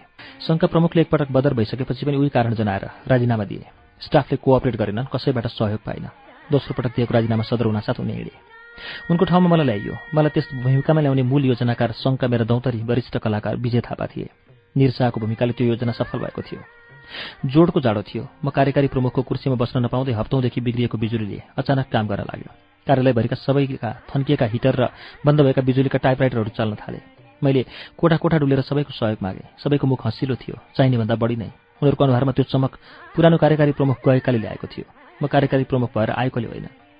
हेड ड्राइभर नुचे मर्जनलाई बोलाएर सोधेँ बिजुली के भएर बिग्रेको थियो र कसरी भन्यो उनले भने सबै स्टाफ मिलेर मलाई बिजुली बिगारिदियो भन्यो। अनि मैले बिगारिदिएको थिएँ। बिजुली त ठिकै थियो। अहिले सर प्रमुख भएपछि सबले बनाइदियो भने अनि बनाइदिएँ। मलाई आश्चर्य लागेन। त्यो तलका कर्मचारीको खेल रहेछ। उनीहरूले मलाई र अरू मासला कर्मचारीहरूलाई थाहा दिएका थिएनन्। कर्मचारीहरू चिडिए भने कति छुच्चा हुन सक्दा रहेछन्। त्यति मात्र होइन। सङ्घले मलाई संस्थागत निर्वाचन र राजनीतिक स्वार्थ र दाउपेचका राम्रा र नराम्रा नमुनाहरू देखायो। तीबाट जोगिन पनि तिनको नालीबैली जानेको उपयोगी भयो। सङ्घबाट मैले संयुक्त राष्ट्र सङ्घको संलग्नतामा बेलायतको वेल्स विश्वविद्यालय कार्डिफमा सञ्चालित जनसङ्ख्या र विकास सम्बन्धी उच्च अध्ययनको अवसर पाएँ। विभिन्न क्षेत्रीय र अन्तर्राष्ट्रिय तालिम र सम्मेलनहरूमा सहभागी भएँ र उच्च स्तरीय व्यवस्थापकहरूलाई तालिम दिने टोली सदस्य समेत हुने अवसरहरू पाएँ। यी सबै कुराहरूले मेरो ज्ञान सिप व्यवसाय र आत्मविश्वासका नयाँ आयामहरू खोले। म र वासुदाई दुवैले परिवार नियोजन छोडेको धेरै वर्षपछि उनी जुलुम भाउजूसँग लन्डन र युरोपका केही स्थानहरूको भ्रमणमा जाने भएछन्। मैले लन्डनमा लामै अवधिसम्म काम गरेकाले होला सोधेँ लन्डनमा तिम्रा कोही साथी छन् कि? मैले रिचर्ड बर्घाटको ठेगाना दिएँ र वासुदाईको चिनारी पत्र दिएँ। फर्केर आएपछि एक साँझ आउन यतै खान भनेर फोन गरेँ। गएँ। आश्चर्य! सधैँ देवपाटनको ठर्रा खुवाउने वासुदाई स्कचको बोतल पो खोल्छन्।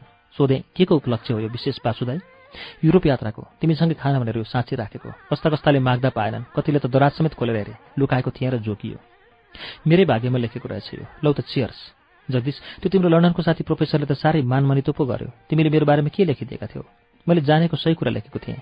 मैले तपाईँ नेपालको गतिलो साहित्यकार र मेरो हितैसी भनेर लेखेको थिएँ। तिमीलाई साह्रै मान्दो रहेछ।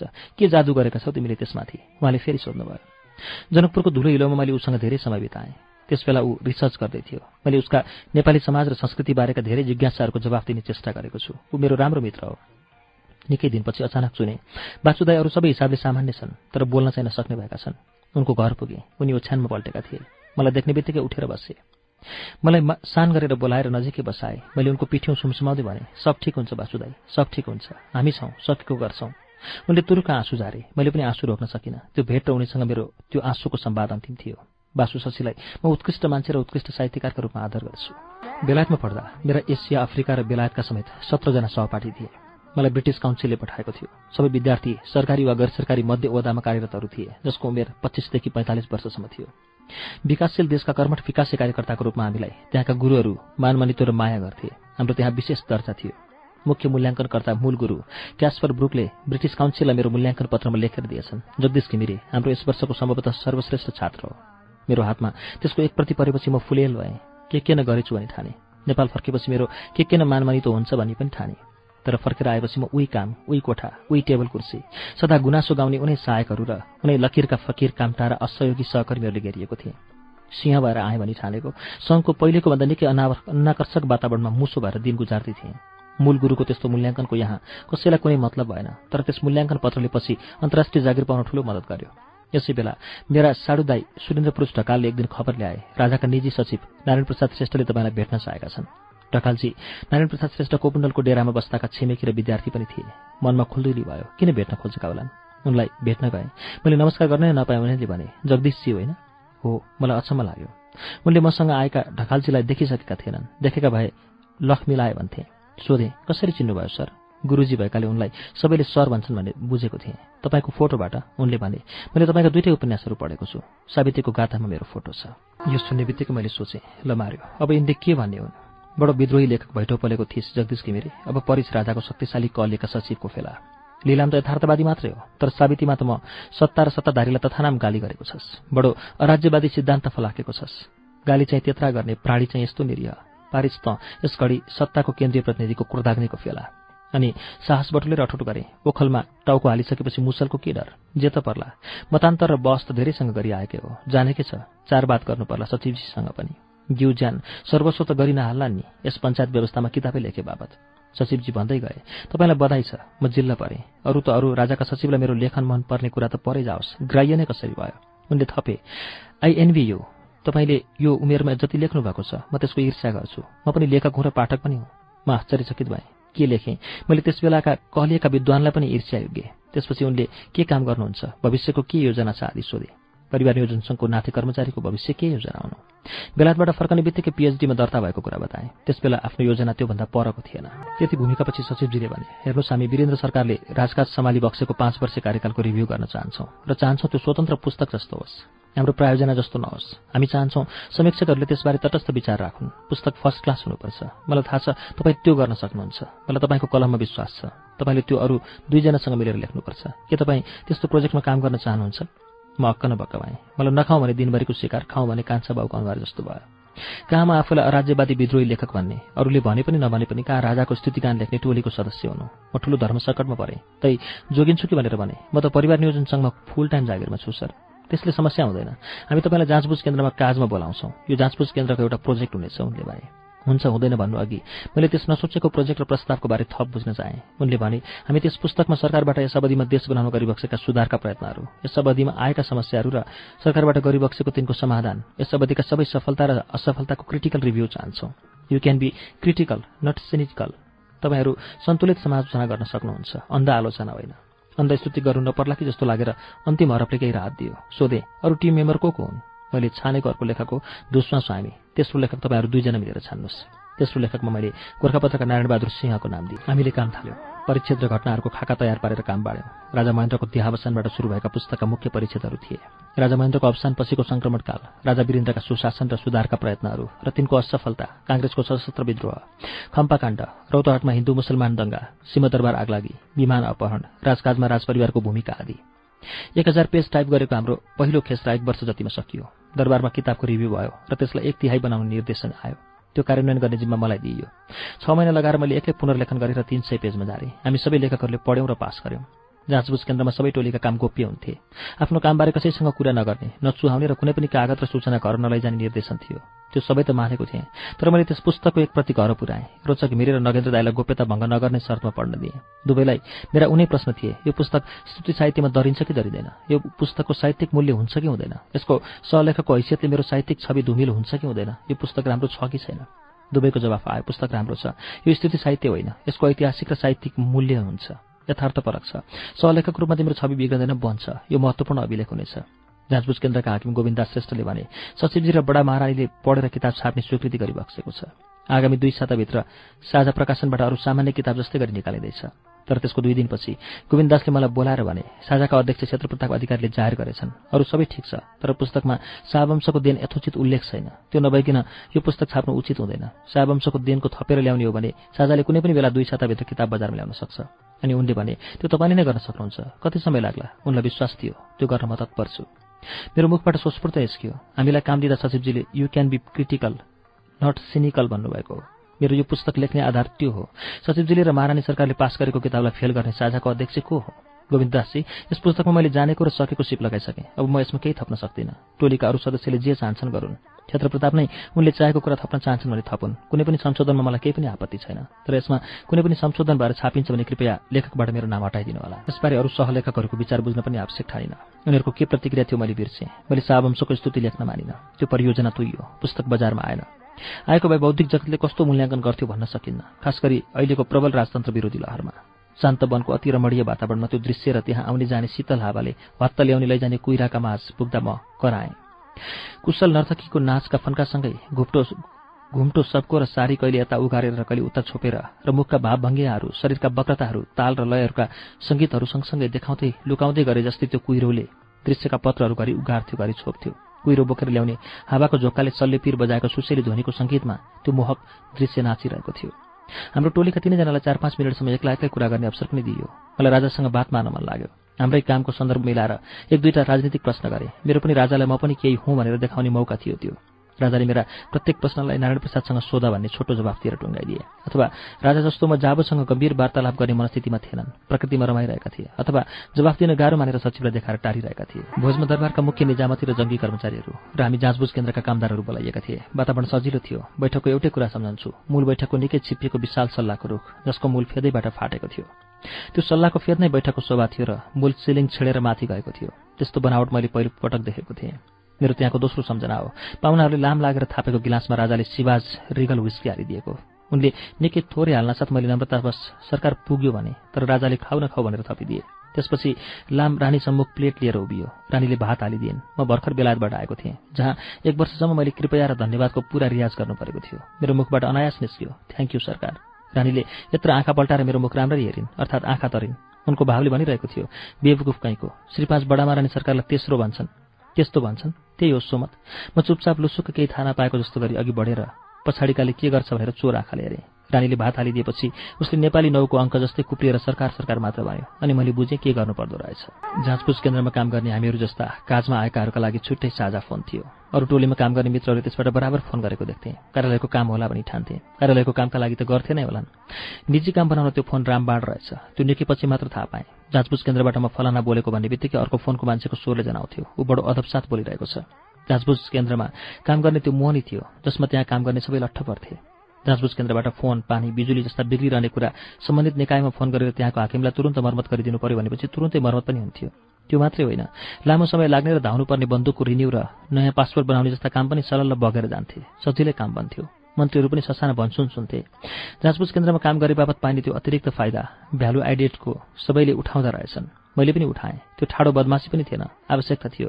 घरमा त्यस्ता कामका लागि धाउने अर्को मान्छे नभएको अवस्थामा कार्यालय समयमा आफू जहाँ छ त्यहीँबाट फोन गरेर ताकिता गर्ने हो। कहाँबाट फोन गरेको भनेर सोध्नेलाई जाँचबुझ केन्द्रबाट भन्नु झुट पनि होइन। जाँचबुझ केन्द्रबाट बोलेको नभनिकन गरिने फोनलाई कसैले टेरपुच्छर लाउने पनि होइन। दिवङ्गत दुष्मा सामीसँग मेरो चिन्जान त्यही बेला भएको हो। छिट्टै उनीसँग मेरो रसायन मिल्यो। म उनलाई भावुक लेखकको रूपमा आदर गर्छु। सावित्री पढेपछि उनी सावित्रीका ठूला प्रशंसक थिए।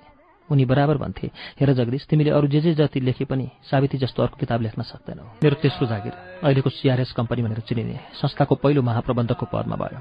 त्यो जागिर मलाई दुई हजार सैँतिस सालमा त्यसका अमेरिकी सल्लाहकार जिम मेसेकले निम्त्याएर थिए उनको अंश समय सल्लाहकारको रूपमा मैले काम गरिसकेको थिएँ। नेपालको मेरो सबभन्दा ठूलो जागिर त्यही थियो। यसै बेला मैले सबभन्दा बढी देश दर्शन गर्ने अवसर पाएँ। दुई वर्ष कार्यकालमा नेपालभरि गाडी पुग्ने सबै ठाउँमा पुगेँ। म जे व्यवसायमा भए पनि मेरा मित्रहरू साहित्यकारहरू नै थिए। उनीहरूलाई उनकै थलोमा भेटे। त्यस बेलाको एउटा रोचक अनुभव छ। एकमात्र प्रसारण संस्था रेडियो नेपालले परिवार नियोजनको साधन कन्डोमको नेपाली नाम ढालको विज्ञापन गर्न मानेन। रेडियो नेपालका निर्देशक कहाँ पुगे? संचार सचिवलाई देखाइदिए सचिव कहाँ पुगे मन्त्रीलाई देखाइदिए मन्त्री कहाँ पुगे दरबार देखाइदिए। परिवार नियोजन धेरै वर्षदेखि राष्ट्रिय कार्यक्रम थियो। सिआरएस प्रोजेक्ट नेपाल सरकारको अनुरोधमा आएको। अनुदान पाएको अमेरिकी सरकारको सहयोग थियो। यसको कार्यक्रम सरकारले अनुमोदन गरेको हुन्थ्यो। नेपाली नामाकरण भएका परिवार नियोजनका साधनहरूको व्यापक विज्ञापन र घाटा खाएर देशव्यापी बिक्री वितरण गर्नु यस प्रोजेक्टको मुख्य कार्यक्रम थियो। तर सरकारको एउटा अङ्ग नै अर्को अङ्गको कार्यक्रमलाई सहयोग गर्दैनथ्यो दायित्व बोक्न कोही चाहँदैनथे दायित्वको पदमा बसेकाहरू निर्णय गर्न भने निर्णय टार्न प्रवृत्त थिए। त्यो अहिले पनि बदलेको छैन। नोकरतन्त्रको विशेषता निर्णय गर्नु होइन निर्णय टार्नुहुन्छ। नेपाल यसमा निकै अगाडि छ। अनि पुगे दरबार। सम्बन्धित सचिव चिरन थापालाई मर्का बताए। उनले हाँस्दै भने रेडियो नेपालले ढालको विज्ञापन गर्न मानेन। ए त्यसो पो। यो कुरा त सरकारलाई जाहेर गर्नुपर्छ। एक हप्तापछि भेट्नुहोस् न। एक हप्तापछि फेरि भेटेँ। सोधेँ के हुकुम भयो? सरकार हाँसी बक्स्यो। रेडियो नेपालको निर्देशकलाई भनिदिन्छु उनीसँग सम्पर्क गर्नुहोस्। यसरी राजा बक्साएर मात्र रेडियो नेपालमा ढालको विज्ञापन पुग्यो। जब ढालको विज्ञापन फुकाउन पनि राजा कहाँ पुग्नुपर्ने व्यवस्था? दुई हजार छयालिस सालसम्म टेक्नु पनि उदेकै हो त्यस बेलाको त्यो रियालिटी आजको एब्सर्डिटी देखिन्छ जीवन र जगतको यथार्थ यही हो। हिजोका धेरै यथार्थ आजका विसङ्गति हुन्छन्। तर आजका मान्छेले आजको यथार्थलाई यथार्थ मात्रै होइन सदा सङ्गत र शाश्वत यथार्थ भनी ठान्छन्।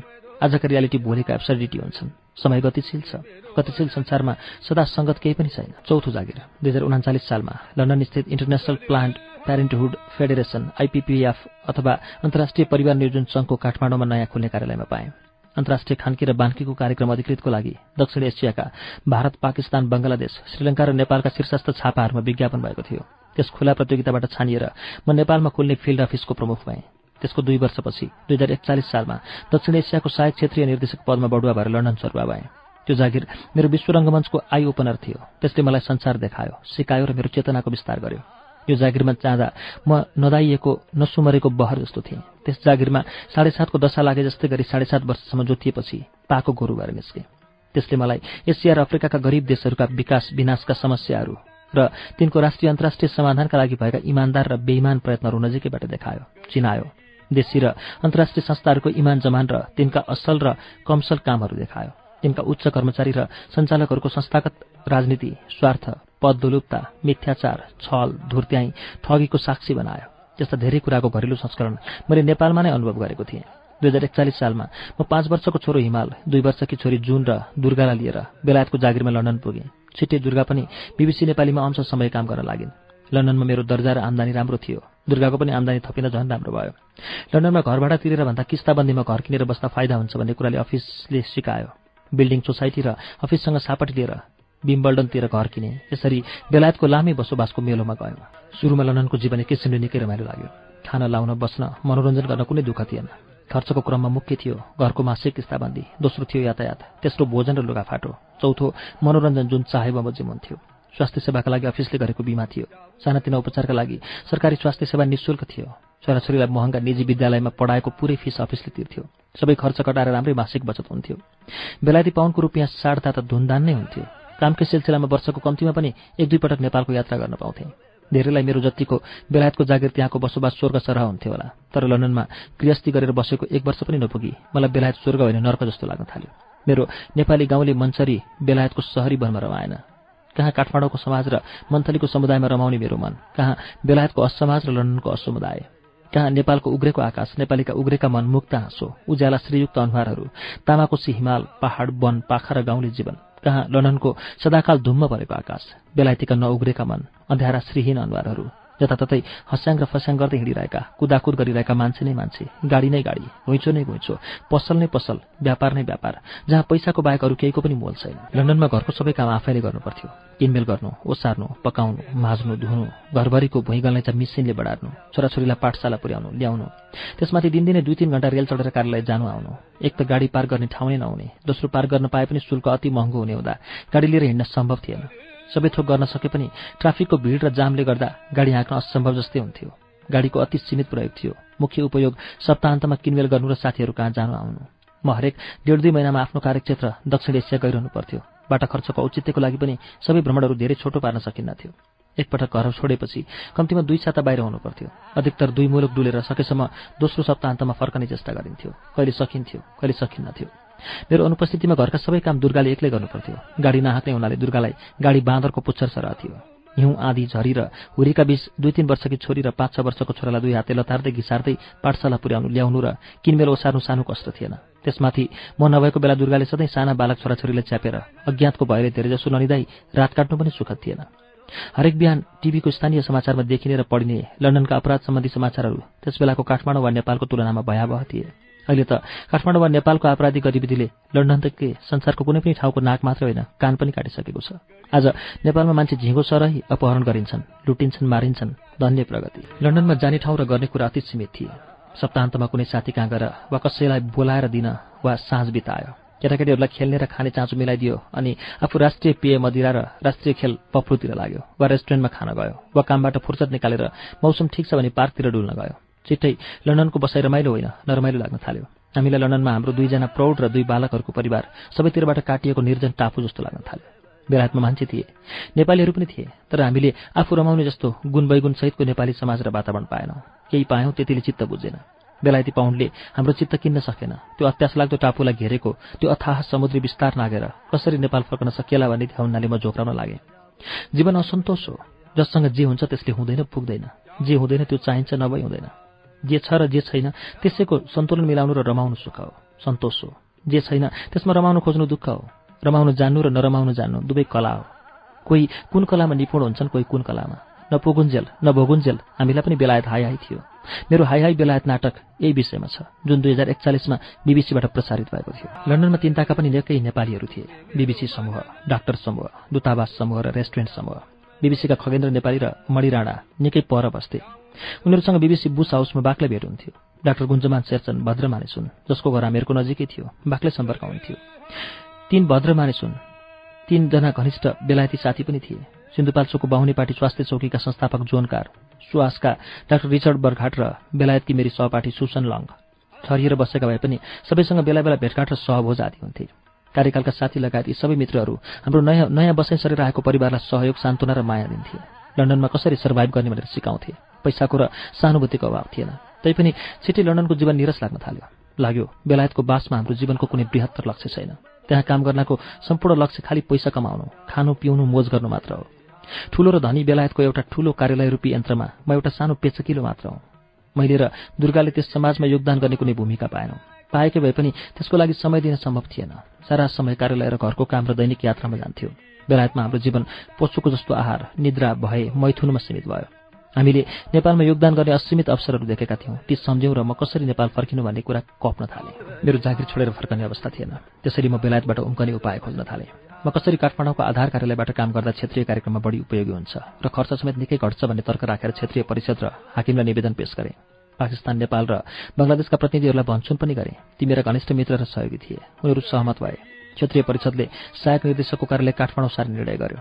मुखमुखमा आएको बेलायतमा बसाइ सदाईको कानुनी सम्भावना लत्याएर दुई हजार त्रिचालिस सालमा सहायक निर्देशकको पदसहित काठमाडौँ फिर्ता भए र काठमाडौँमा नयाँ क्षेत्रीय कार्यालयको प्रमुख भएर काम गर्न लागे। चारै वर्षमा त्यो कामबाट पनि अगाएँ। दुई हजार छयालिस सालमा स्वेच्छाले जागिर छोडेर रामेछापको सामुदायिक विकासमा लागे जसको चर्चा पछि गरेको छु। लन्डनको प्रारम्भिक घर गृहस्थीका दिनमा जोन र उनकी श्रीमती एलिसन हाम्रा ठूला सहयोगी भए। उनीहरू नेपालबाट फर्किसकेका थिए र संयोगले हाम्रो घरबाट बिस किलोमिटर मात्रै टाढा सरी भन्ने गाउँ ठाउँमा बस्थे। ट्राफिक कम हुँदा हामी आफ्नो गाडीमा उनीहरू कहाँ बिस मिनटमा पुग्थ्यौँ। उनीहरू हाम्रा दुई हजार एकतिस सालदेखिका साथी थिए। जोन स्वयं नर्स थिए र उनकी पत्नी एलिसन पनि नर्स थिइन्। त्यस बेलाको बौद्ध गाउँ थियो। दुवै मिलेर बौद्धमा स्वास्थ्य चौकी खोले। अनि दोस्रो स्वास्थ्य चौकी बौद्धबाट सुन्दरजले हुँदै हिँडेर एक दिनमा पुगिने बाहुने पार्टीमा खोले। यी दुई ठाउँ बौद्ध र बाहुने पार्टीको नाम र प्रारम्भिक कामबाट बिपिपीको नाम बनेको। बिबिपीलाई आइपिपिएफबाट प्रारम्भिक सहयोग जुटाउने सम्पर्क सूत्र पनि हुने थिए। आइपिपिएफले परिवार नियोजन सङ्घ मार्फत जोनको प्रस्तावलाई सहयोग गरेको थियो। त्यसरी उनी सङ्घसँग गाँसिन पुगेका थिए। त्यो प्रोजेक्ट जोनको निष्काम कर्म थियो। मान्छेले कुनै हदसम्म निष्काम कर्म गर्न सक्छ भने म सङ्घको कार्यक्रम अधिकृत भएकाले त्यो प्रोजेक्ट मैले हेर्नु पर्थ्यो त्यसबेला म सङ्घमा काम गर्थेँ। एक राति गर्भवती दुर्गालाई अति पेट दुखेर प्रसुति गृहमा भर्ना गर्नु पर्यो अनि उनले पहिलो बच्चा अधिग्रो जन्माइन्। आकस्मिक कोठामा पीडाले रोइ कराई गरिरहेकी दुर्गालाई एक नर्सले भनिन् फ्याँक्न खोज्या थियो होला अनि यस्तो भयो मैले मनमा नै भने स्याबास नेपाली फ्लोरेन्स नाइटिङ्गल। फ्याँक्नै खोजेको भए पनि यस संसारमा नेपाली फ्लोरेन्स नाइटिङ्गल बाहेक अरू कसैले पनि पीडाले चित्कार गरिरहेको बिरामीलाई यस्तो दुच्छर वञ्चनबाट हान्दैनन्। यस्तो थियो त्यस बेलाको नेपालको नर्सिङ सोमतको तालिम। अहिले कस्तो छ नि दुर्गालाई निजी कोठामा राखिए पनि राति लोग्ने मान्छेले कुर्न मनाइ थियो मैले पहिलो रात जसरी तसरी बाहिर डुलेर र दुर्गाबारे बेला बेला सोधखोज गरेर बिताएको थिएँ। भोलिपल्ट रातभरि कुर्ने महिला चाहियो। को हुन सक्थ्यो? मेरा र दुर्गाका सोजनलाई गुहारियो। सबैले राति आफ्नै बच्चा स्याहार्नुपर्ने भएकाले असमर्थता बताए। बौलाले मलाई अस्पताल गनाउँछ त्यसरी बस्न सक्दिनँ पनि भने। दिनभरि कतैबाट पनि केही उपाय नलागेपछि साँझमा जोन कहाँ पुगेँ? मैले आफ्नो समस्या बताएँ। एलिसन आफै पनि नर्स हुनाले कोही नभए म आनै जान्छु भनेर लुगा फेर्न लागिन्। त्यही बेला छिमेकमा बस्ने उनीहरूको सहायक नर्स पेमा शेर्पा आइपुगिन् र एलिसनलाई रोकेर आफू जान तयार भएन। त्यस रातपछि दुर्गालाई घर ल्याइयो। चारैतिरबाट चेपारी बाढीहरू बर्सिए जीवन्तै चेपारे यथार्थ हो। त्यो एक रात त्यस महान शेर्पिनीले गरेको गुण हामीले जीवनभरि तिर्न सकेका छैनौँ। पेमालाई पहिले छाडे एकमात्र छोराले हेरिन्। त्यसको बिस वर्षपछि पेमाको त्यो बिच्छली थाहा पाएर दुर्गाले उनलाई जागिर दिने प्रस्ताव गरिन्। त्यो उनले बोलिदिए होइन गएका आँसुले स्वीकार गरिन्। एबिसीको डाँची स्वास्थ्य चौकीमा निकै वर्ष काम गरेपछि अहिले उनी एबिसीकै पुनस्थापना गृहमा काम गर्छिन्। बुढी भइन् अनेक रोगग्रस्त छिन् तापनि काम गर्दैछिन् जीवन धान्दैछिन्। आखिरमा जीवन भनेको धान्ने प्रक्रिया हो जसले जसरी सक्छ त्यसै गरी धान्छ। पाँचौँ र अन्तिम जागिरका रूपमा दुई हजार पचपन्न सालमा अमेरिकी अन्तर्राष्ट्रिय गैर सरकारी संस्था वर्ल्ड नेभर्सबाट दक्षिण एसिया प्रतिनिधिको रूपमा काम गर्ने प्रस्ताव आयो। यो मैले सोचेको खोजेको चाहेको र मागेको जागिर थिएन। तर प्रस्ताव आएपछि अस्वीकार गर्न सकिनँ। मैले उनीहरूको सल्लाहकार भएर नेपाल र अमेरिकाका सम्मेलनहरूमा काम गरेको थिएँ। कुनै औपचारिक वा अनौपचारिक अन्तर्वार्ता बिना नै उनीहरूले मलाई छानेका थिए। यसरी ठिक दस वर्ष अघि छोडेको जस्तै भने पनि हुने अन्तर्राष्ट्रिय जागिरमा फेरि प्रवेश गरेँ। म आइपिपिएफमा दक्षिण एसियाको सहायक निर्देशक थिएँ र काम गर्ने त्यो बेला परिवार नियोजनको कार्यक्रम भएका पाँच मुलुकहरूमा थियो। वर्ल्ड नेबर्समा दक्षिण एसिया प्रतिनिधि भए।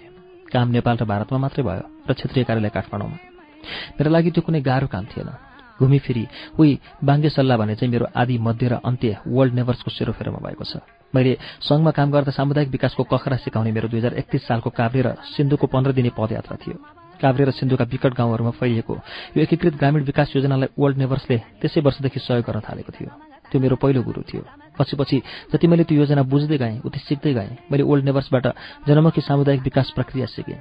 सामुदायिक विकासमा मैले जे जति गर्न सकेँ त्यसमा मेरो ओल्ड नेभर्सको अनुभवको नै मुख्य भूमिका छ। वर्ल्ड नेबर्स अन्तर्राष्ट्रिय विकास संस्था हो यो अमेरिकी जनता र संस्थाहरूको अनुदानमा मात्र सञ्चालित छ। डाक्टर जोन पिटर्सले दुई हजार सात सालमा यसको स्थापना गर्दा भनेका थिए। अमेरिकाले युद्धमा जति खर्च गर्छ त्यसको दशांश मात्रै शान्ति र विकासमा खर्च गर्ने हो भने संसार शान्तिमय र समृद्ध हुने थियो। त्यसैले उनले स्थापनादेखि नै वर्ल्ड नेबर्सको नीति अमेरिकी सरकारको सहयोग नमाग्ने र नलिने बनाए। त्यही नीति अहिलेसम्म कायम छ। त्यसै कारणले नै वर्ल्ड नेबर्स सुपरिचित र अपरिचित दुवै छ। सुपरिचित यसकारण छ कि अमेरिकामा अमेरिकी सरकारको सहयोग अस्वीकार गर्ने विकास संस्था एक दुईटा मात्र छन्। अपरिचित यसकारण छ कि शक्तिशाली अमेरिकी सरकार अमेरिकी अन्तर्राष्ट्रिय विकास संस्थाहरूलाई वर्षेनी करोडौँ डलर अनुदान दिन्छ। अमेरिकी अन्तर्राष्ट्रिय विकास संस्थाहरूमा जुन डलरको चमक देखिन्छ त्यो मूलतः अमेरिकी सरकारको डलर हो। अर्को शब्दमा संस्थाहरूले अमेरिकी सरकारको युद्ध नीति लगायत परराष्ट्र नीतिको अनुमोदन गरेको पुस्तक स्वरूप त्यो डलरको उपहार पाएका हुन्। ती नेपाली सरकारी वा गैर सरकारी संस्था जसले अमेरिकी सरकार वा अमेरिकी सरकारको अनुदान लिने अन्तर्राष्ट्रिय संस्थाको सहयोग लिन्छन्। तिनले अमेरिकी युद्ध नीतिको समर्थन गरिरहेका हुन्छन्। वर्ल्ड नेबर्सले अमेरिकी सरकारको युद्ध नीति लगायत परराष्ट्र नीतिको अनुमोदन नगर्ने हुनाले नीतिगत रूपमा अमेरिकी सरकारको अनुदान त्याग गर्दछ। अत वर्ल्ड नेबर्स सामान्य अमेरिकी जनताले आफ्नो घाँस काटेर दिएको ससानो अनुदानका भरमा चलेको छ। यसरी थोरै बजेटमा चलेको मितव्ययी वर्ल्ड नेबर्सलाई कसले चिन्ने? वर्ल्ड नेबर्स पनि मूल बाटोमा नपरेर गोरेटोमा पर्ने संस्था हो। अमेरिकी सरकार जस्तो भए पनि त्यहाँ जनताको स्तरमा व्यक्तिगत र संस्थागत रूपमा दान गर्ने संस्कृति व्यापक छ। अनेक धनी व्यक्ति वा कम्पनीले स्थापना गरेका लाखौं स्वायत्त गैसस र फाउन्डेसनहरू छन्। त्यहाँ भोग नभएको सम्पत्ति दान गर्ने चलन छ। यहाँ जस्तो मर्दा लिएरै जाने होइन। अमेरिकाका दानेछु व्यक्ति र संस्थालाई दान दिने सत्पात्र छान्ने समस्या छ। तर त्यसको पनि जनस्तरको समाधान छ। त्यसका लागि अमेरिकामा अनेकौं संस्था छन्। दुईटा बढी चिनिएका हुन्। बेटर बिजनेस ब्युरो र च्यारिटी नेभिगेटर। यिनले वर्षेनी अमेरिकाका नागरिक संस्थाहरूको योग्यता क्षमता र मिसन अनुसार काम गरे नगरेको मूल्याङ्कनको रिपोर्ट वेबसाइटमा राख्छन् जसले गर्दा दातालाई कसलाई दान गर्ने वा नगर्ने भन्ने निदो गर्न सहयोग हुन्छ। त्यस्ता मूल्याङ्कनहरूमा ओल्ड नेबर सधैँ निकै माथि हुन्छ। ओल्ड नेबर्स उच्च तलब भत्ता पेन्सन र सुविधाका लागि प्रख्यात छैन। यो संस्था मितव्ययी समुदाय आधारित दिगो अन्तर्राष्ट्रिय विकासको रणनीतिको लागि चिनिन्छ। ओल्ड नेबर्ससँगको मेरो लामो सम्बन्धका लागि मलाई गर्व छ। अझ आफ्नै देशमा बसेर आफ्नै देशलाई प्राथमिकता दिएर आफ्नै देशका कुना काप्चाका सीमान्त समुदायहरूको विकास गर्न पाउनु मेरो सौभाग्य हो। त्यसैले पनि ओल्ड नेबर्सबाट काम गर्ने प्रस्ताव आउँदा अस्वीकार गर्न सकेको दुई हजार एकसठी साल कार्तिकमा म ओक्लोहामा गएको थिएँ। अध्यक्ष र कार्यकारी प्रमुख मेलनी म्याकडोनल्डलाई भेटेर भने म औपचारिक रूपमा एकसठी वर्ष भइसकेँ। अब रिटायर हुन चाहन्छु। सेवानिवृत्त भएर साहित्यको रसास्वादन गर्ने मेरो धोको र योजना थियो। उनले भनिन् किन यति चाँडै? मेरो दुई हजार एकहत्तर सालमा रिटायर हुने योजना छ। तिमीहरू म सँगसँगै रिटायर भए हुँदैन। मेरो लागि त्यो जवाफ अप्रत्याशित थियो। रिटायर हुन चाहने म जस्तो एकसठी वर्षको मान्छेलाई यस्तो कुनै जवाफ आउला भन्ने सोचेको थिएँ। हुन त तिमी हामी तिमीलाई मिस गर्छौ तर तिम्रो जाने इच्छा छ भने जाने योजना गर। र सोचेको थिएँ अनि म आफ्नो कुम्लो कुटुरो मिलाउने सुरमा लागुला। मलाई के भनौँ के भनौँ जस्तो भयो। एकातिर मेरो अरू त्यतिका वर्ष काम गर्ने मन थिएन। अर्कातिर उनको टिप्पणी मेरो उच्च मूल्याङ्कन थियो। मेरो मुखबाट अचानक निस्कियो। हुन त हुन्छ तर म त निकै बुढो भइसक्छु। तिमी मभन्दा तीन वर्ष कान्छी छौ। तिमीलाई पो दुई हजार एकहत्तर सालमा रिटायर हुँदा ठिकै हुन्छ त। जगदीश तिम्रो स्वास्थ्य राम्रो छ। तिमी अरू आठ वर्ष मजासँग काम गर्न सक्छौ। तिमी मभन्दा पहिले ओल्ड नेबर छोड्न पाउँदैनौ। उनले भनिन् मेलानीसँग यो कुरा भएको पाँच महिनापछि मलाई माइलोमा भएको थाहा भयो। जीवनमा एकछिनपछि के हुन्छ भन्ने थाहा हुँदैन भने लामा लामा निजी योजनाहरूको के अर्थ हुन्छ? हरेक दिनलाई हरेक छिनलाई जीवनको अन्तिम दिन र छिन मानेर बाँच्न सक्नु नै बुद्धिमानी हो। महात्मा गान्धीले भनेका छन् प्रत्येक रात निदाउँदा म मर्छु र प्रत्येक बिहान बिउजाँदा म बिउजन्छु म जन्मन्छु। उनी महात्मा थिए सिद्धि प्राप्त गरेका थिए होलान् सक्थे होलान्। म पनि चाहन्छु प्रत्येक रात म निदाउँदा मरौँ र प्रत्येक बिहान बिउजाँदा स्वस्थ जन्मियो तर सक्दिनँ। म बिरामी भएपछि हाकिमहरूले भने तिमीलाई जति चाहिन्छ बिदा बसेर उपचार गर। ठिक भएपछि तिमी जे सक्छौ त्यो र जति सक्छौ त्यति काम गर। सके पुरा समय काम गर। आफू पार्ट टाइम प्रतिनिधि भएर तिमी मुनि कोही भर्ना गर्न चाहन्छौ भने त्यो पनि गर्न सकिन्छ। वा अर्को प्रतिनिधि राखेर आफू सल्लाहकार हुनु ठिक हुन्छ भन्ने ठान्छौ भने त्यो पनि सोच्न सकिन्छ। ती सबै विकल्पहरू खुला छन्। जे सबभन्दा उचित हुन्छ त्यो गरौँला।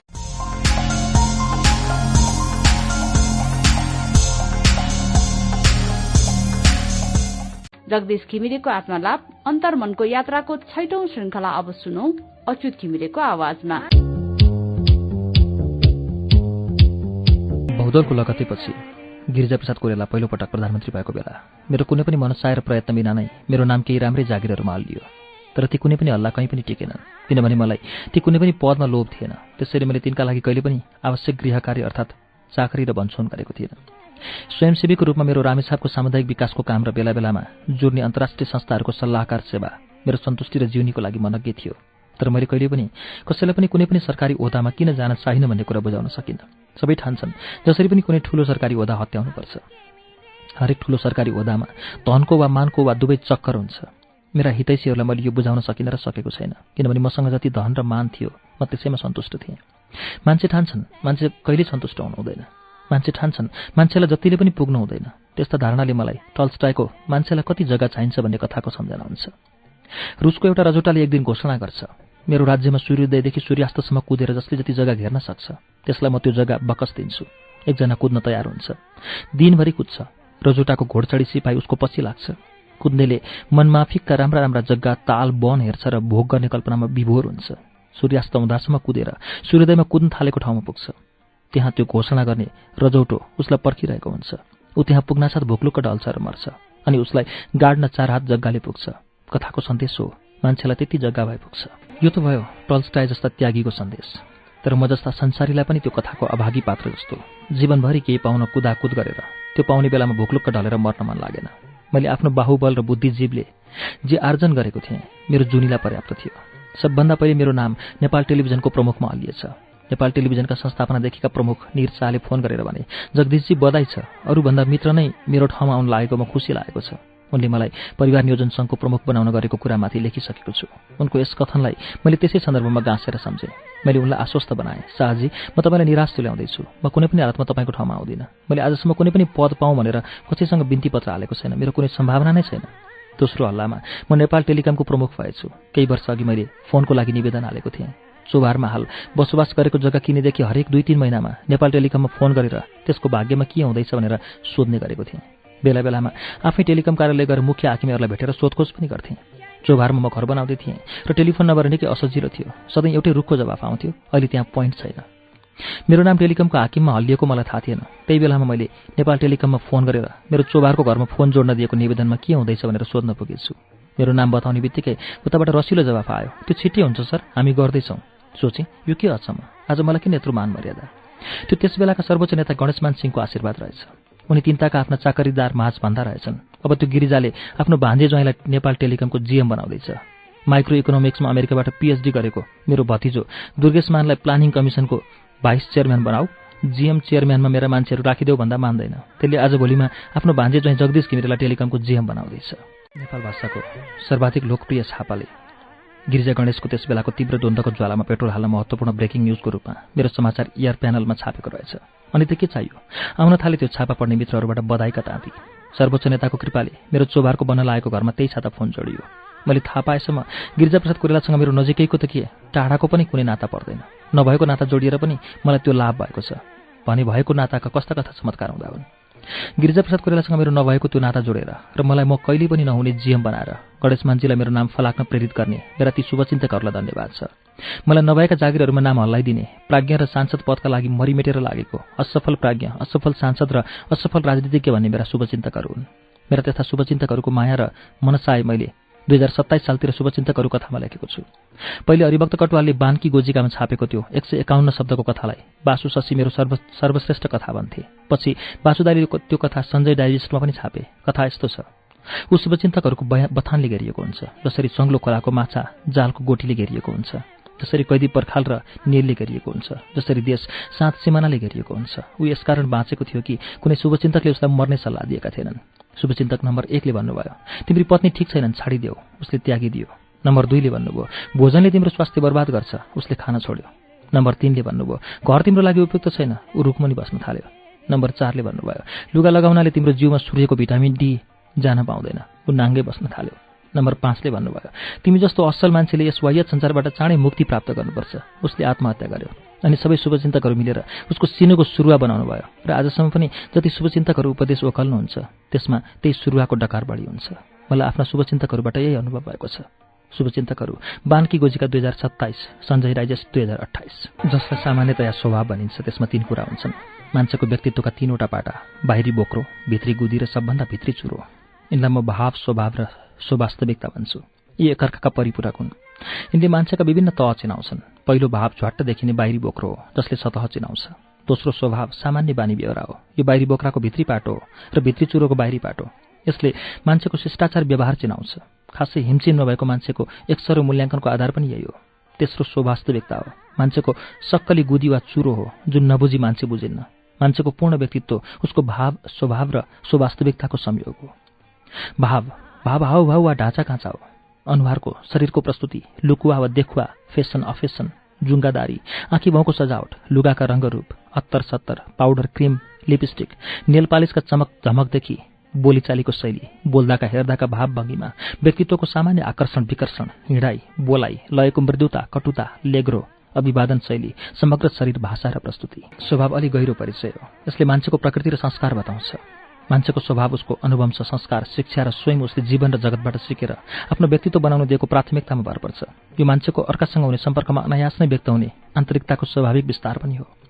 आफ्नो अनायास प्रस्तुति नै उसको विवेकशीलता संवेदनशीलता विद्वता विनयशीलता वा मूर्खताको पहिलो परिचय हो। बोली नै मान्छेको व्यवहारको पहिलो कसी हो र व्यक्तित्वको पहिलो अभिव्यक्ति सन्त कबीर भन्छन्। शब्द सम्हारे बोलिए शब्द के हात नपाऊ। शब्द सम्हारे बोलिए शब्द के हात नपाऊ। एक शब्द औषधि करे एक शब्द करे घाउ। यही भाव मेरो आत्मीय गायक उदय मनिला सोताङको गीतमा यसरी बोल्छ कोही बोलीमा रस हुन्छ कोही बोलीमा रिस। यही बोलीले गर्दा पिउँछन् मानिसहरूले विष। अमृतको धारा हुन्छ कोही बोलीमा धार। यही बोलीले गर्दा छाती हुन्छ वारपार। दुःख पर्दा हात दिन्छ कोही बोलीले घात। यही बोली व्यवहारले गर्दा छाती वारपार हुने अनुभव गर्न म जस्तो बिरामी र अशक्त हुनुपर्छ। यो गीत मैले बिरामी हुनुअघि पनि पटक पटक उदय मनिलाकै मुखबाट समेत सुनेको। राम्रो लागेको तर बिरामी भएपछि जब म अरूको बोली र व्यवहारमा आश्रित भएँ यो गीत मेरो मुटुमा बसेको छ। कति राम्रो गीत लेखेका पूरणगिरीले बधाई। मान्छेले जानेर वा नजानेर आफ्नो औपचारिक र अनौपचारिक बोली बच्छन् र व्यवहारमा ओखती वा बिख अमृतको धारा वा चुराको धार सहयोगी हात वा प्रहारक घात संसार प्रहार गरिरहेको हुन्छ। बिरामी भएपछि मैले ती प्रहारक घात र सहयोगी हातहरूको अति तीव्र र सघन अनुभव गर्न थालेको छु। व्यवहार मान्छेको स्वभाव हो। स्वभावको गहना नम्रता हो। नम्रता हिंता होइन नम्रता अहङ्कारहीनता हो। कसैले अहङ्कारीलाई उसको व्यवहारको कमजोरी बारे सङ्केत गर्यो भने कसैलाई पनि सङ्केतभन्दा बढी गर्न गाह्रो हुन्छ। अहङ्कारीले त असम्भव हुन्छ। पहिले उसले स्वीकार नै गर्दैन दोस्रो सुधार्नै चाहँदैन। कदाचित स्वीकार गरेर सुधार्न चाहिहाल्यो भने पनि समय लाग्छ। समस्या त्यो हो। तर समस्या समस्यामा हुँदैन। समस्या मान्छेमा हुन्छ। समस्या मान्छेको अहङ्कार मूर्खता र स्वार्थमा हुन्छ। समस्या तब हुन्छ जब मान्छेले आफ्नो समस्या आफूमा होइन अरूमा देख्छ। समस्या तब हुन्छ जब मान्छेको समस्या हेर्ने दृष्टि नै समस्या हुन्छ। समस्या तब हुन्छ जब मान्छेले आफू मात्रै जान्ने छु भनी ठान्छ अनि त्यसको समाधान हुँदैन। मान्छेका स्वभावका केही दुखान्तहरू छन् जस्तो मान्छे जति मूर्ख भयो आफूलाई उति बुद्धिमान ठान्छ जति विवेकहीन भयो उति विवेकवान ठान्छ जति विश्वमती भयो उति सोमतिलो ठान्छ। परिवार कार्यालय मित्रमण्डली सम्पर्क र चर्चा मण्डली जस्ता साना वृत्तहरूमा हरेक मान्छेको बुद्धि विवेक र बेहोरा नाङ्गिएकै हुन्छ जसका लागि ऊ माया प्रशंसा वा उपहासको पात्र भएको हुन्छ। नम्रताले उसले माया र श्रद्धा पाउँछ भने घमण्डले घृणा। त्यति जाब कुरा बुझ्न प्रकाण्ड पण्डित हुनु पर्दैन आइन्स्टाइन हुनु पर्दैन लियोनार्दो दाभिन्सी हुनु पर्दैन। शुक्रातको प्रख्यात उक्ति छ म केवल यो जान्दछु कि केही पनि जान्दिनँ। शुक्रात आफूलाई केही नजान्ने भन्छन्। लाल बुझक्कडहरू आफूलाई सर्वज्ञ भन्छन्। अज्ञानीलाई आफ्नो ज्ञान थाहा हुन्छ। ज्ञानीलाई अज्ञान। ज्ञानीले आफ्नो अज्ञानको खोजी गर्छ। जान्नु भनेको आफ्नो अज्ञान जान्नु हो।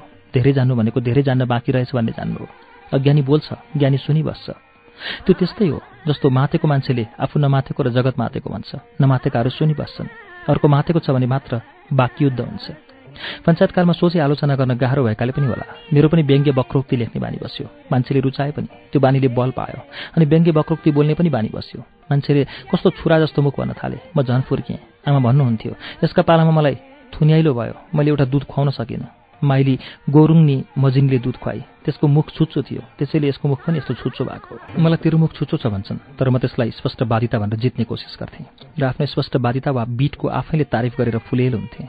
बल्ल अब आफ्नो छुच्चो मुख कमजोरी भएको स्वीकार गर्न थालेको छु। म एकपटक मेरी बुबुदाई माइली गौरुङनीलाई भेट्न गएँ। उनका छोरा कान्छा गौरुङसँग भेट भयो। उनी गडवारी गाउँका सबभन्दा गरिब मध्येका हुन्। ज्याला बनी गरेर गुजारा गर्छन्। भने मैले तिम्रो भाग दुध खोसेर खाएको छु। तिमी गरिब छौ। म यो गाउँको हुने खाने हुँ। मैले तिम्रो आमाको ऋण र तिम्रो गुण खाएको छु।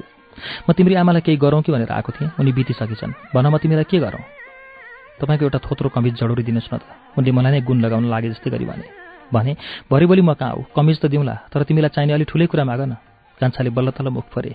नापी हुँदा मुखियाले हाम्रो तिन रोपनी जग्गा आफ्नो नाममा दर्ता गरेछन्। म त सानै थिएँ। पछिसम्म पनि जग्गा फिर्ता देऊ भन्न जाँदा हुन्छ हुन्छ भन्थे। कागत गरेर कहिले दिएनन्? जहिले पनि चलन गरिराखेका छस् चलन गर्न पाए भइहाल्यो नि तँलाई भनेर टारे। त्यसै भन्दा भन्दै बुढा मरिहाले भगवान् छन् भने तिनको नर्कमा बास भएको होला। छोरा पनि हुनुहुन्छ भन्थे आउँदै आउँदैनन्। उतै नेपालतिरै बस्छन् रे। सक्नुहुन्छ भने त्यो जग्गा फिर्ता गराइदिनुहोस्। त्यो मबाट हुन सक्ने काम थिएन।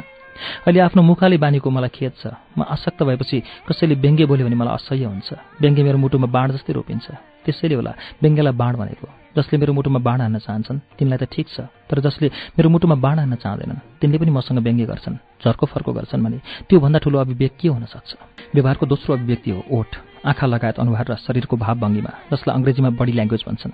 बोलीले बोल्नु पर्दैन शरीर बोल्छ भाव बोल्छ भङ्गीमा बोल्छ अनुहार बोल्छ व्यवहार बोल्छ त्यो झन् टड्कारो हुन्छ। कोही नम्रतापूर्वक बोल्छन् कोही गच्केर कोही अरूसँग नमस्ते माग्छन् कोही अरूलाई नमस्ते बाँड्छन्। जसले पहिले नमस्ते गर्दा पनि हुने सम्बन्धका दुईजना बिच आँखा जुतिसकेपछि कसैले पनि हात उठाएन भने त्यो एकले अर्कासँग नमस्ते मागेको हो। तर ती मान्छेहरू ठान्छन् उनीहरूको त्यो मूर्ता अरूले बुझ्दैन किनभने मान्छे मूलत अविवेकी प्राणी हो जो आफ्नो अविवेक देख्दैन अर्काको मात्रै देख्छ। अरूबाट मात्र विवेक खोज्छ आफूबाट होइन। लोकमा अविवेकको राज्य छ सयमा उनान्सय मान्छे अविवेकी छन्। परिवारमा समाजमा देशमा र विश्वमा जो जति ठुलो बलियो धनी सम्पन्न छ त्यो त्यति बढी अविवेकी छ। अविवेक कमन सेन्सको अभाव हो। तर जसलाई अङ्ग्रेजीमा कमन सेन्स र नेपालीमा सामान्य ज्ञान भन्छन् त्यो सामान्य होइन असामान्य ज्ञान हो। म त्यसलाई मनज्ञान भन्छु। संसारका सबै संस्कृति र भाषाका आहान र लोकोक्तिहरू असामान्य र लामा अनुभवजन्य ज्ञानका छोटा र अति मार्मिक अभिव्यक्ति त्यसै भनिएको होइन। आहान छ। आफ्नो आङमा भैँसी नदेख्ने अर्काको आङमा जुम्रा देख्ने। अभिव्यक्तिले आफ्नो आङमा भैँसी मात्रै होइन हात्ती पनि देख्दैन। जुन ऊ बाहेक अरू सबैले देखेर हाँसिरहेका हुन्छन् तर उसैले अर्काको आङमा ढाडी मात्रै होइन लिखा चम्कना पनि प्रष्टै देख्छ। आजीवन शिष्टाचारको दुविधामा मैले सिकेको पाठ हो। दुर्जनम प्रथमम बन्दे सज्जनम तदनन्तरम। मुख प्रक्षा मुख प्रक्षालनता लनाथ पूर्वम गुद प्रक्षालनाथ यथा। बिहान उठेपछि मुख धुनुभन्दा पहिले चाक धोए जस्तै सज्जनलाई भन्दा पहिले दुर्जनलाई ढोग्नुपर्छ। जसमा जति बढी कमजोरी र दुर्गुणहरू हुन्छन् उसले अर्काका कमजोरी र दुर्गुणहरू खोताल्न उठी चाख लिन्छ। मान्छेले आफन्तको कमजोरी किन खोतल्छ भने उसमा तिनै कमजोरीहरू व्याप्त हुन्छन्। उसले अरूको निन्दा गर्न साँचो कुरा गरेको भन्छ। अरूले उसको साँचो कुरा गर्दा मेरो निन्दा गरे भन्छ। मान्छेले आफूलाई जे होइन त्यो हो र जे हो त्यो होइन भनेर बुझेको हुन्छ। आफूलाई कसैले चिन्दैन। अर्काको आँखामा म कस्तो छु भन्ने थाहा पाउँदैन। गुण वैगुण कमजोरी मूर्खता घमण्ड पाप र लोभका लागि ऊ लोकको उपहास वा निन्दाको पात्र भएको हुन्छ। तिनमा ऊ गर्व गर्छ। ऊ आफूलाई ठान्छ महात्मा तर हुन्छ दुरात्मा। लोकमा दुरात्माहरू सर्वसुलभ छन्। महात्माहरू अत्यन्त दुर्लभ छन्। लोक साना ठुले दुरात्मामय छ। मनस्यनेद वचनस्यनद कर्मण्ड्यत दुरात्मनाम। मनस्यकम वचस्यकम कर्मण्ड्यकम महात्मनाम। हितोपदेश। दुरात्माको मन वचन कर्म फरक हुन्छ। महात्माको मन वचन कर्म एकै हुन्छ। औषध मान्छे महात्मा हुन सक्दैन। उसको मन वचन र कर्म एकै गर्न सम्भव छैन। तर मान्छे महात्मा नहुने बित्तिकै दुरात्मा नै हुँदैन। महात्मा र दुरात्माका बीच निकै खुड्किलाहरू हुन्छन्। इन्द्रणीका जस्तै धेरै रङ र तिनका जोर्नी पिच्छेका अनेकन छाया छविहरू जस्तै। तर मन वचन र कर्ममा जति कर्म फरक भयो मान्छे उति गतिलो हुन्छ। त्यसको लागि ऊ स्पष्ट चिन्तक स्पष्ट वक्ता र स्पष्ट कर्ता हुनुपर्छ। जसलाई लोकले छुच्चो पनि भन्छ तर त्यो मनजोगी मान्छे सन्त हुन्छ। मान्छेको स्वभावमा उसको वृत्ति र व्यवसायको पनि गहन भूमिका हुन्छ। बाहिरी वृत्तिको नियामक र परिचालक भित्री वृत्ति अथवा मनोवृत्ति हुन्छ जुन जीवनोद्देश्य र स्ववास्तविकता अनुरूप हुन्छ। औषध कर्मचारी मनोवृत्ति पद पूजक हुन्छ पद उसको जीवनोद्देश्य हुन्छ। रकमी कर्मचारीले पदको राम्रै उपयोग गर्छ उसको वृत्तिले माथिकालाई रिजाउनु समानसँग मिल्नु र मुनिकालाई झुकाउनुपर्छ तलबले खान पुग् नपुग्ने धेरै कर्मचारीको सम्पन्नता शक्तिको दुरुपयोग जन्य हुन्छ। अभाव खप्ने तर नबिग्ने सुकिला सचेत र स्वाभिमानी कर्मचारीहरू पनि बाक्लै हुन्छ। औषधि व्यापारी मनोवृत्ति धनपूजक हुन्छ। धन उसको जीवनोद्देश्य हुन्छ। सफल र ठूलो हुन व्यापारीले पैसाले शक्ति किन्नै पर्छ र शक्तिले पैसा बनाउनै पर्छ। सामान्यतया पैसा र शक्ति नै उसको निर्माण हुन्छ। विभिन्न सोझा र बाङ्गा उपायहरूबाट प्राप्त हुने पैसा पैसाजन्य शक्ति र त्यो शक्तिको सदुपयोग वा दुरुपयोग जन्य सुख सुविधाहरू उसका चारित्रिक विशेषता हुन्छन्। आज उद्योग व्यापारमा तिनै शीर्षस्थ छन् जसले यी सबै कुरामा श्रेष्ठता हासिल गरेका छन्। तिनीहरूका लागि मान्छेको मूल्याङ्कनको प्रमुख आधार धन हुन्छ जुन दिनको मुखबाट वाक्कै आउन्जेल सुनिन्छ। फलानु मान्छेले एसेट वा धन यति करोड यति अर्ब यति खर्ब तिनीहरूको लागि मान्छे भैँसी हो जसको मूल्याङ्कन फाँचोको आधारमा गरिन्छ। धनकै बलमा तिनले संसार विजय गर्न चाहन्छ र धेरै हदसम्म गर्छन् पनि। उसले आफ्नो व्यवसाय धान्न र सफल हुन उचित नाफा गर्न मात्र होइन घुस खुवाउन र बाँड्नका लागि समेत पुग्ने गरी अनुचित नाफा पनि कमाउनुपर्छ। त्यो अनुष्ठान सामान्य उपभोक्ताको घाँटी काटेर र निमुखा जनताको रगत चुसेर सम्पन्न हुन्छ। त्यो रगतको थोपा थोपाका दावेदार हुन्छन्। राज्य सत्ता सञ्चालन गर्ने मुख्य दलहरू प्रतिपक्षहरू पदहरू तिनका स्वजनहरू कर्मचारीहरू सुरक्षा संयन्त्रका विभिन्न तहहरू चन्दायाचकहरू र डाकाहरू तिनलाई फूल पाती नैवेद र अर्घ नचढाइकन व्यापारी उद्योगीको गुजारा हुँदैन। तर विषम परिस्थितिमा पनि अस्मिता जोगाउने सचेत उद्योगी व्यापारीहरू पनि हुँदै नभएका होइनन् छन्। औसत राजनीतिज्ञ मनोवृत्ति शक्तिपूजक हुन्छ। शक्ति उसको जीवनोद्देश्य हुन्छ। शक्ति नभएको नेता दारा नग्रा नभएको बाघ हो। उसको गर्जन अरण्य रोदन हुन्छ। प्रजातन्त्रको पुनस्थापनापछि देखियो। कुनै बेलाका नरसिंह जस्ता सबैका सर्वमान्य गणेशमान सिंहको गर्जन पनि शक्ति क्षीण भएपछि सर्वमान्यको जस्तै अरण्य रोदन मात्र भयो। किसुनजीको पनि त्यस्तै गति भयो। दुई हजार सात सालका सर्वोच्च कमान्डर र राणा शासन समाप्त भएपछिका पहिला प्रधानमन्त्री मातृका प्रसाद कोइरालालाई त पार्टीले कारवाही गरेर निकालेको मान्छेले बिर्सी पनि सके। जीवनको उत्तरार्धमा अपमानको ज्वालामा पिल्सिएर काङ्ग्रेसका यी दुवै शेखर पुरुषहरूले पार्टी त्यागेको घोषणा गरे। न पार्टीको उनीहरूलाई त्याग्ने आँट भयो न उनीहरूको अन्तिम इच्छाको कदर गर्ने। उनीहरूको भावनाले मानको ठाउँमा थप अपमान मात्र पायो। नेपाली काङ्ग्रेसले महामानव भनेका बिपी कोइरालालाई पनि कुनै बेला उनकै पार्टीले कारवाही गरेर निकालेको हो। त्यस्तो इतिहास भएका बलवान नेताहरूको त यस्तो दुर्गति भयो भने अरूको के कुरा? मान्छे त्यही हो जे उसको वास्तविकता हो। मान्छे आफ्नो जीवनोद्देश्य प्राप्तिका लागि जे गर्छ त्यो उसको स्ववास्तविकता हुन्छ। जीवनोद्देश्य अनुरूप नै मान्छे आफ्नो जीवन कुनै कुराप्रति समर्पित गर्छ यदि गर्छ भने। चाहे त्यो माफी मागेर नबाँच्ने सिद्धान्तमा समर्पित स्वाभिमानी सहित सपुत होस् वा कुनै पनि दुष्कर्ममा समर्पित कपुत वा अरू कुनै सुलत लत वा कुलतको लागि जीवन समर्पण गर्ने नर वा नारी होस्। जीवन समर्पण जसले जेका लागि गरोस् सुहित वा परहितका लागि उसले आफ्नो सुवास्तविकताको आदेश अनुरूप नै गरेको हुन्छ। अङ्ग्रेजीमा सेल्फ एक्चुअलाइजेसन भनिने त्यही सो वास्तविकता हो। मान्छे भाव अनुरूप देखिन्छ स्वभाव अनुरूप चिनिन्छ र सो वास्तविकता अनुरूप जिउँछ अथवा मर्छ। सो वास्तविकता मान्छेको नितान्त निजीपना हो उसको मन वचन कर्म भोग त्याग मुमुक्षा तितिक्षा आचार व्यवहार आकाङ्क्षा वैराग्य कर्म कुकर्म समेत जीवन र व्यक्तित्वका सबै आयामहरूको समग्रताको अर्थात् जीवनोद्देश्यको पहिचान। मान्छेको सो वास्तविकता उसकै लागि सबभन्दा अर्थपूर्ण र महत्त्वपूर्ण हुन्छ। सो वास्तविकताको फरकले गर्दा नै मान्छे फरक हुन्छ। कोही महात्मा गान्धी हुन्छ भने कोही बिन लादेन वा इदी अमिन। यस्ता ध्रुवीय फरक टड्कारा हुन्छन् औषध मान्छेको स्वास्तविकता यति निजी हुन सक्छ कि अरूले धेरथोर देख्न वा नदेख्न चिन्न वा नचिन्न बुझ्न वा नबुझ्न पनि सक्छन् किनभने तिनका छाया छवि उस्तै उस्तै औषध नै हुन्छन् टड्कारा हुँदैनन् म यस देशको यस कालको सामान्य गृहस्थ हुँ सामान्य पहाडी परिवारको सामान्य पहाडी मधेसी परिवेशहरूमा हुर्केको संयोगवश साहित्यमा आकर्षित भएको सामान्य पुत्र पति पिता बन्धु छिमेकी सामान्य विद्यालयहरूमा पढेको सामान्य विद्यार्थी।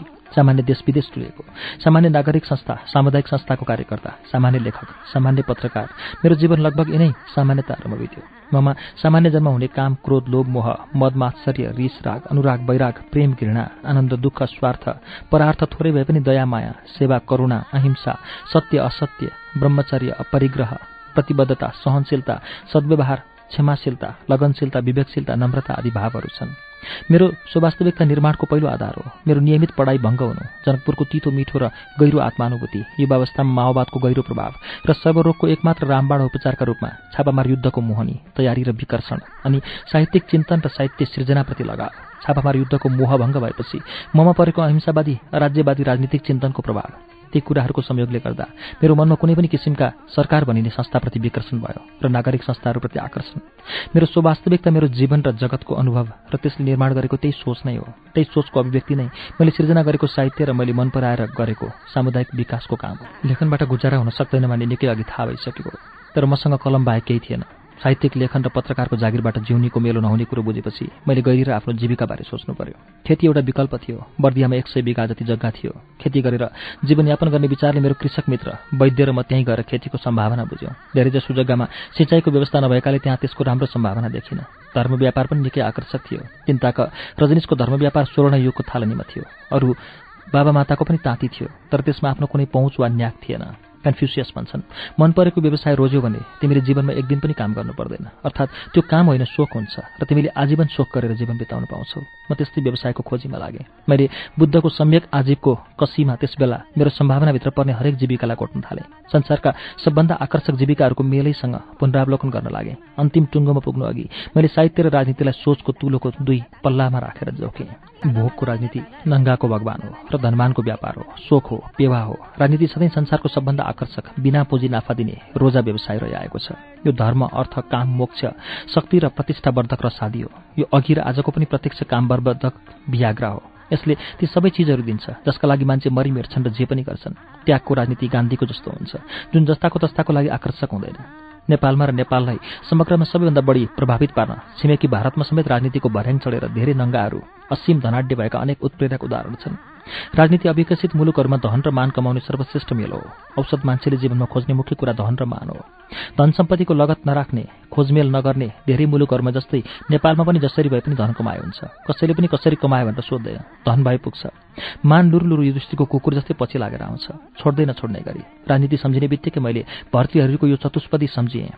सम्यानृता च परुषा प्रियवादिनी च हिस्राम हिमश्राम दयालुरपी चार्थपरा बदान्या नित्य व्याया प्रचुर नित्य धानागमा छ। बाराङदेव नृपिति निरके करूपा कहिले सत्य कहिले असत्य कहिले कठोर कहिले मधुर बोल्ने कहिले घातक कहिले दयालु कहिले लोभी कहिले दानी सधैँ खर्चिरहने र निरन्तर प्रचुर आम्दानी पनि भइरहने राजनीति बेस्या जस्तै बहुरूपी हुन्छ। राजा भर्तृहरि योद्धा थिए सौन्दर्यका पारखी थिए राजनीतिका पण्डित थिए विद्वान र कवि थिए उनी भोगी थिए योगी थिए र अन्त्यमा जोगी पनि भएका थिए। त्यस बेलाको राजनीतिलाई उनले जसरी वर्णन गरेका छन् त्यसबाट के थाहा हुन्छ भने उनी त्रिकालदर्शी पनि थिए उनले आजको राजनीतिलाई देखेका थिए। आज राजनीति भर्तृहरिको बेलाभन्दा धेरै बिटुलो छ। आज राजनीति भर्तीहरूले भनेको देह व्यापार जति पनि चोखो छैन। देह व्यापारमा देहको व्यापार हुन्छ। राजनीतिमा देहको भन्दा बढी चेतनाको व्यापार हुन्छ। आजको राजनीति मूलत कल बल छल हो। जसले जति कल गर्न सक्यो जति छल गर्न सक्यो जति बल गर्न सक्यो आजको राजनीतिमा त्यसले पनि त्यति नै अग्रस्थान ल्याउँछ। म राजनीतिको लागि उपयुक्त पात्र थिइनँ र छैन। हुन त धेरै अपात्र र कुपात्रहरू राजनीतिमा छन्। पात्रता जीवनोद्देश्य र स्वास्तविकताको संयोग प्रभावी हुन्छ सुन्दर हुन्छ। वियोग निष्प्रभाव मात्रै होइन कुरूप पनि हुन्छ। हाम्रो राजनीति मूलत दुवै छ निष्प्रभाव र कुरूप। यस देशबारे मैले थाहा पाएदेखि र मैले पढेको यस देश र धेरै देशहरूको इतिहासमा राजनीतिले जनतालाई धेरै पीडा र थोरै सुख दिएको छ। साहित्य त्यो सदाबहार रुख हो जुन जति विशाल काय भए पनि बोझिल हुँदैन। साहित्यिक रुखको विशालताको सार सानो फूल जस्तो सुगन्धमय र मिठो फल जस्तो सरस हुन्छ। सबै श्रेष्ठ साहित्यमा प्रश्न शेष रहन्छ त्यसैले त्यो साहित्य हुन्छ। सबै व्यवहारिक राजनीतिमा प्रश्न शेष रहन्न त्यसैले त्यो राजनीति हुन्छ। राजनीतिले जस्तै ठूलो प्रश्नको पनि जवाफ दिन्छ। चाहे त्यो एटम बमले नै किन दिनु नपरोस्। सानातिना प्रश्नको जवाब सानातिना हतियारले नै भ्याउँछ। वर्तमान नेपालको राजनीति त्यसको साक्षी हो भोक्ता हो। साहित्यसँग त्यस्तो केही हुँदैन विचार मात्र हुन्छ। तर संसार हाँक्ने विचारले नै हो। साहित्य सत्यको अनुसन्धान हो राजनीति झुटको खेती। साहित्यमा प्रतिभा नयाँ हुन्छ राजनीतिमा जालसाजी। साहित्य उधारो हो राजनीति नगद। साहित्यको वाहन चन्दन जस्तो सुवासित विवेक हो। राजनीतिको वाहन श्रीखण्डकै भए पनि दाउराको सैद्धान्तिक भारी बोक्ने विवेक शून्य गदा हो। साहित्यमा चेतना अगुवा हुन्छ राजनीतिमा स्वार्थ। साहित्य जीवन र जगतका समस्याहरूको असमाधान हो। राजनीति जीवन र जगतका समस्याहरूको गलत समाधान हो। तर साहित्य गोरेटो हो राजनीति मूल बाटो तर मानव जीवनमा साहित्य र राजनीति दुवैको आफ्नो ठाउँ छ। अस्तित्वको चानाले मलाई लेख्न लोप्यायो साहित्य मेरो अस्तित्वको आधार हो। मलाई बेलैमा साहित्यमा रस बस्यो। त्यही नै मेरो मूल पहिचान हो। मलाई साहित्यमा डुब्न उत्रिन बग्न घागी मार्न रमाइलो लाग्यो। तामाकोसेमा जस्तै जति सकेँ पौडी खेँ साहित्य मेरो मन बुद्धि चित्त अहङ्कार चेतना र हुन्छ भने त्यसभन्दा परसमेतको यात्रा हो। राजनीति र साहित्यका शिखर विश्वेश्वर प्रसाद कोरेलाले आफ्नो युवावस्थामा साहित्य साधना गरेका थिए। पछि जेलको छेकोमा सर्वाधिक साहित्य सिर्जना गरे। सुन्दरीजल जेलमा दुई हजार बिस एक्काइस सालमा लेखेको आफ्नो कथामा उनी भन्छन् मानिसले मरुन्जेलसम्म पनि कुनै न कुनै स्वप्न अगालेर बस्छ अरे जसलाई पछि फुर्सदमा विपनामा परिणत गरौँला भनेर। कहिले न कहिले राजनीतिबाट फुर्सद पाउला र साहित्यको मनगिएर संसाधन गरौँला भन्ने धोको मनमा लिएर बसेको छु। मेरो पनि त्यस्तै धोको छ। साहित्य मेरो सर्वस्व हो मसँग अरू केही छैन। साहित्य मेरो स्वाभिमान हो मान्छेका रूपमा स्वाभिमान गर्ने मसँग अरू केही छैन। स्वाभिमान नभएको स्रष्टा हुँदैन। साहित्य बिनाको म पाउने छ फुट अग्लो दिनहीन प्राणी मात्र हुँ। मबाट साहित्य झिकिदिने हो भने म शून्य हुन्छु। साहित्य भनेको ज्ञान सिप विचार विवेक हो। समाज र राष्ट्र विश्व निर्माण र सञ्चालनको आधार हो। त्यो झिकिदिने हो भने म मात्रै होइन। संसारैभरिका भूत वर्तमान भविष्यका सबै मान्छे शून्य हुन्छन्। किनभने मान्छेले समाज र राष्ट्रलाई नै कुराहरूको आधारमा योगदान गर्छ बनाउँछ वा बिगार्छ। साहित्य नामधारी वस्तुले वा साहित्यकार नामधारी जन्तुले तत्कालै तातो भात पस्किँदैन। त्यसैले तिनको कुनै पनि आर्थिक उपादेयता छैन भन्ने विवेक शून्यहरू पनि छन्। पैँतिस वर्ष पछ्याएको जीविका वृत्तिबाट निवृत्त भएर म एकपटक फेरि साहित्यको र संशोधनमा लागेको छु। हेरौँ कति गर्न सक्छु? म आफूलाई सबै मानव सरह मान्छु घटी पनि होइन बढी पनि होइन। यो चेतना मलाई मेरो साहित्यकारले दिएको हो साहित्यले दिएको हो। लेखक हुनु मेरो गर्व र गौरव हो। मान्छेले मलाई स्वाभिमानी देख्छन् भने तिनले म भित्रको साहित्यकार देखेका हुन्। महाकवि लक्ष्मीप्रसाद देवकोटाले भनेका छन् साथी तिम्रो विश्व मेरो बाल। जगतले पागल बनाएको देवकोटाको स्वाभिमानी लेखकले भनेको त्यो बाल पक्कै पनि तालुको होइन। म भित्रको लेखकले पनि भन्छ साथी तिम्रो धन मान पद ऐश्वर्य वैभव शक्ति फूर्ति जसलाई तिमी जीवन जगतको सार्थकता भन्छौ त्यसलाई म देवकोटाले जस्तै बाल ठान्छु। किनभने उनी देवकोटाले भनेका छन् गौरीशङ्करको नजिक चुचुरा उठ्छन् अरू बामन। देवकोटा मेरा गौरीशङ्कर हुन् भने पनि म उनको फेदीमा बामन डिस्कोसम्म त हुँ। देवकोटा जस्तै रचनाधर्मी जातको र खालको स्वाभिमानी लेखक। मैले जहिले र जति सकेँ आफ्नो सम्पूर्ण समय र शक्ति साहित्यलाई नै समर्पित गरेँ। म मान्छे पढ्छु र मान्छे देख्छु ठुलै दावा गर्दैछु। मान्छे जति सानो हुन्छ दावा उति ठुलो हुन्छ।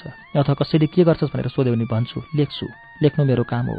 पढ्नु लेख्नु नै सधैँ मेरो जीवनको सबैभन्दा मूल काम रह्यो। परिस्थितिले दिएसम्म लेखेँ। कथा कविता उपन्यास नाटक राजनीतिक टिप्पणीहरू र अब यो आत्मालाभ म विचार हुँ। म विचार गर्छु र विचार देख्छु।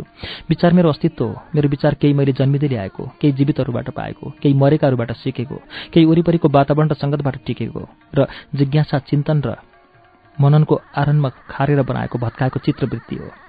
मरेकाहरूको आत्मा उनीहरूको किताबमा हुन्छ। उनीहरूका ती आत्मालोकमा विचरण गर्दा मलाई पनि सधैँलाई जस्तै मरेकाहरू बिच साँच बाँचेको जस्तो लाग्छ। सधैँ जसको नामबाट स्याडिजम बनेको छ। भन्छन् म मरेकाहरू बिच बाँच्दछु। मलाई लाग्छ म पनि मरेकाहरू बिच नै बढी बाँच्दछु। यत्रो विधि गर्यो बनेको मेरो विचारमा मौलिकता छैन। आज विचार यति संश्लेषित भइसकेको छ कि कसैको पनि कुनै पनि राजनीतिक सामाजिक आर्थिक विचार नयाँ छैन। मौलिक छैन। केवल सान्दर्भिक वा असान्दर्भिक छ। राम्रो वा नराम्रो छ। उपयोगी वा अनुपयोगी छ। मेरो विचारभित्र मेरो चित्तवृत्तभित्र मेरोभन्दा अरूको बढी उपस्थिति छ। एन्टन चेकअपले भनेको जस्तै कलामा प्रतिभा बाहेक केही पनि नयाँ हुँदैन there is nothing new in art except talent मान्छेको आफ्नो भन्नु दृष्टि शैली र प्रस्तुति हो जुन उसको सुवास्तविकताको प्रतिबिम्ब हो प्रतिभा अथवा ट्यालेन्ट भनेको पनि त्यही हो। चेखव आफै अभ्यासरत डाक्टर थिए भनेका छन् साहित्य मेरी पटरानी हो र डाक्टरी पेसा रखौटी। डाक्टरको जीवनमा आधारित उनको एक प्रख्यात कथा छ। एउटा डाक्टरलाई उसले उपचार गरेर ठूलो रोग निको पारेको रोगीले कृतज्ञतावश अति बहुमूल्य र विशिष्ट उपहार दिन्छ। त्यस बहुमूल्य उपहारको कसरी सदुपयोग गर्ने भनेर डाक्टरलाई धेरै दिनसम्म ठूलो दुविधा हुन्छ। पत्नीलाई दिउँ कि नदिउँ भन्ने ठूलो मानसिक द्वन्द्वपछि त्यो उपहार उसले आफ्नै प्रेमिकालाई दिन्छ। डाक्टरकी प्रेमिकाले त्यो उपहार आफ्नो प्रेमीलाई दिन्छ। प्रेमीले त्यो उपहार आफ्नो प्रेमिकालाई दिन्छ। त्यो त्यही डाक्टरकी पत्नी हुन्छ। अनि डाक्टरले त्यो उपहार आफ्नो पति डाक्टरलाई दिन्छ।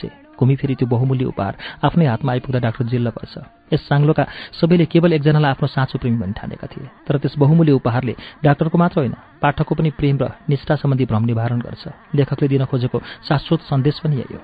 त्यसै गरी राजा भर्तृहरीले एउटै बहुमूल्य उपहार आफ्नी पटरानी पिङ्गलालाई दिन्छन्। पिङ्गलाले त्यो उपहार आफ्नो प्रेमी अश्वपाललाई दिन्छन्। अश्वपालले त्यो उपहार आफ्नो प्रेमिका दरबारकी नर्तकीलाई दिन्छ। नर्तकीले त्यो उपहार आफ्नो प्रेमी राजा भर्तीहरूलाई दिन्छे। अनि भनाइ छ भर्तीहरूले तलको श्लोक लेखे राजपाट त्यागेर जोगी हुन्छन् र हिँड्छन्।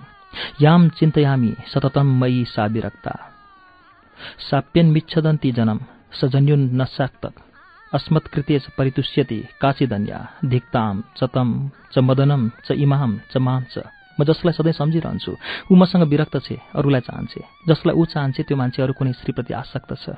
ऊ जोसँग आसक्त छ त्यो स्त्री मसँग प्रसन्न छे मलाई चाहन्छे। अत मेरी रानीलाई रानीको प्रेमीलाई त्यसले चाहना गरेकी यो केटीलाई मलाई र कामदेवलाई समेत धिक्कार छ।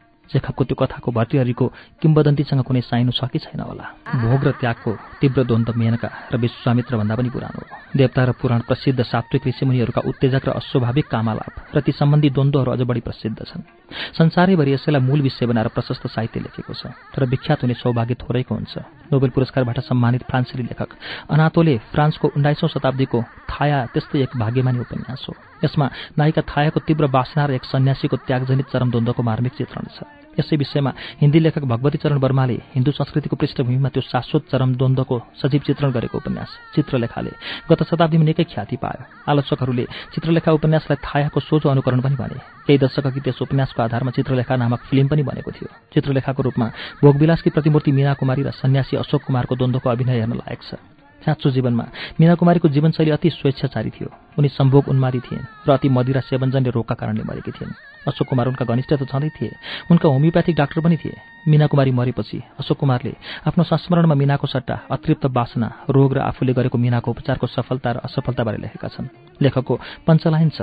सब जानती थिए कि मीना एक निम्फो थिए। अर्थात् मीना निम्फोम्यानियाक अथवा सम्भोग उन्मादी थिइन् भन्ने सबैलाई थाहा थियो। उनलाई जति बेला पनि सम्भोगरत हुने प्रबल चाहना हुन्थ्यो। उनी पाएका अवसरहरूको निर्वाध उपयोग गर्थिन्। यही कुरा प्रख्यात उर्दू लेखक शाहादत हसन मन्टोले पनि आफ्नो फिल्मी संस्मरणमा मीना कुमारी वा नेपाली मूलकी विख्यात नर्तकी सितारा देवीका बारेमा पनि भनेका छन्। मानव जीवनको यो यथार्थसँग धेरैलाई लाज लाग्छ। धेरै मान्छे त्यस्तो स्वेच्छाचारी जीवनका लोभी हुन्छन्। लुकीछिपी बाक्लै गर्छन्। तर सितारा देवी र मीना कुमारीले जस्तो खुल्लम खुल्ला गर्ने आँट थोरैको मात्र हुन्छ। बिपी कोरेलाको सुम्निमाको विषय पनि यही हो। यसमा ब्राह्मण संस्कृतिको खोक्रो आदर्श र किराँत संस्कृतिको खँदिलो यथार्थको द्वन्द्व छ। सोमदत्त र उनकी पत्नी फुलोमा त्यागको रापमा मिल पिल्चिएर जीवन बिताउँछन् भने सुम्निमाको भोग स्वाभाविक छ। आठ दिनमा सुन्दरजल बन्दीगृहमा किराँत संस्कृतिको महिमामा लेखेको उपन्यास। सुम्निमा नेपाली आख्यान साहित्यको महत्त्वपूर्ण कोसेढुङ्गो हो विश्वेश्वर प्रतिभाकै साँध लागेर यो चम्केको छ। प्रश्न छ के भगवती चरणलाई बहुचर्चित थायाबारे थाहा थिएन? के बिपीलाई बहुचर्चित थाया र चित्रलेखाबारे थाहा थिएन जबकि सुम्निमाभन्दा निकै वर्ष अघि बिपीका भाइ तारिणी प्रसाद कोरेलाले गरेको चित्रलेखाको नेपाली अनुवाद बजारमा आइसकेको थियो। बिपीको दोषी चस्मा चेखबको एउटा कथाको छायानुवाद भनिन्छ। बिपी कोरेला आफ्नो कथामा भन्छन् कथा साहित्यमा मलाई चेखब र मोपाम्सा दुवैले खुब प्रभावित पारेका छन्। कथा साहित्यमा म मोपाम्सालाई पनि चेखबकै समकक्ष राख्छु। यद्यपि मलाई लाग्छ चेखब सायद श्रेष्ठतर साहित्यिक थिए। मेरा कथाहरूलाई मैले उनैको आदर्शमा चलाउने कोसिस गरेको छु। देवकोठाको चारु र वोटचोतको लुसी ग्रेमा कति समानता छ वा छैन। देवकोठाको सत छ सुन्दरै सुन्दर छ सत। त किट्सको ब्युटी इज ट्रुथ ट्रुथ ब्युटीको छायानुवाद होइन। देवकोटाको महान कविता पागल र शाकुन्तल र मुनामदन जस्ता महान कृतिहरूमा प्रतिभाकै पाइनलले पाइनलले चम्केका छन्। लेखनाथका उत्कृष्ट काव्य र समाका उत्कृष्ट नाटकहरू पनि प्रतिभाकै चमक हुन्। त्यसपछि लेखकहरूलाई चम्काउने पाइन पनि प्रतिभा नै हो। संसारमा जसरी मान्छे चोखा छैनन् त्यसै गरी विचार पनि चोखो छैन। चोखो प्रतिभा मात्र हो। अन्तर्राष्ट्रिय जीविकामा नआउँछन् साहित्य सिर्जनामा राम्रै समय दिन सकेको थिएँ। त्यसपछि पनि पुस्तकाकार नभए पनि फुटकर रचनाहरू लेखि नै रहेँ। साहित्य सिर्जना मेरो आत्मासन्तुष्टि अथवा सुवास्तविकता थियो। त्यसबेला चाकरी साहित्य नलेख्नेसँग न धन थियो न मान। त्यसबेला चाकरीमा नलागेका दुई अग्रज बासु शशी र भूपी शेरचनलाई आत्मीय वार्तालापमा सोधेको थिएँ किन लेख्नुहुन्छ दुवैले निसङ्कोच स्वस्फूर्त जवाफ दिएका थिए अहमको तुष्टिका लागि। गुरु धीरेन्द्र भन्थे समाजलाई दिने केही छैन भने लेख्नु व्यर्थ हो त्यो साहित्य होइन राहित्य हो। साहित्यकार स्रष्टा हुँदैन द्रष्टा हुन्छ। देख्नेले सृष्टि गर्दैन दर्शन गर्छ। लेख्नुभन्दा देख्नु ठुलो हो। देख्ने द्रष्टा हुन्छ लेख्ने स्रष्टा। वेद सृष्टि होइन दृष्टि हो। वेदका ऋषिहरूलाई मन्त्रद्रष्टा भनिएको छ मन्त्र स्रष्टा होइन। कुरान पनि सृष्टि होइन दृष्टि हो। निरक्षर मुहम्मदका माध्यमबाट प्रवाहित। वेदमा त एक मन्त्रद्रष्टा शर्मा नामक कुकुर्नेको पनि नाउँ आउँछ। बाइबल पनि दृष्टि हो। बुद्धका उपदेशहरू पनि लिखितम होइनन् बकितम हुन्। यी सबै ग्रन्थहरू स्मृतिका आधारमा पछि लिपिबद्ध गरिएका हुन्। यो साझा तथ्य माननीय छ। जब लेखकको समस्त विवेक चिन्तन मन बुद्धि अहङ्कार उद्वेलित हुन्छ त्यो भावनाको वेगमा उसलाई सृष्टि गरिरहने समय हुँदैन। केवल हेर्ने समय हुन्छ। अनि सिर्जना सृष्टि होइन दृष्टि हुन्छ। त्यो दृष्टिपछि लिपिबद्ध हुन्छ। मेरो सुवास्तविकताले पहिले ममा कहिले नमर्ने गरी साहित्य रोपिदियो अनि कहिले तलबी प्रकृतिको कामबाट छुट्टी लिएर जीवनोद्देश्य अनुरूप मन खुसी प्रकृतिको काम पाउला भन्ने चाहनाले भरिदियो। त्यसका लागि मैले रामेछापको सामुदायिक विकासको हाँक स्वीकार गरेँ र त्रिचालिस वर्षको उमेरमा हुँदा खाँदाको घर बसी बसी पाएको अन्तर्राष्ट्रिय स्तरको उच्च जागिर लत्याएर त्यसमा होमिएँ। समय पाए अनुसार लेखिरहेँ त्यही मेरो सुवास्तविकता थियो। मेरो सुवास्तविकताले मलाई दृष्टि दियो जसले गर्दा मैले लेखेँ देखेँ र गरेँ। मेरो देखेको र लेखेको साहित्य र गरेको सामुदायिक विकासका काम उही दृष्टिका दुई व्यक्ति हुन्। तिनीले मलाई जीवन दिएका छन्।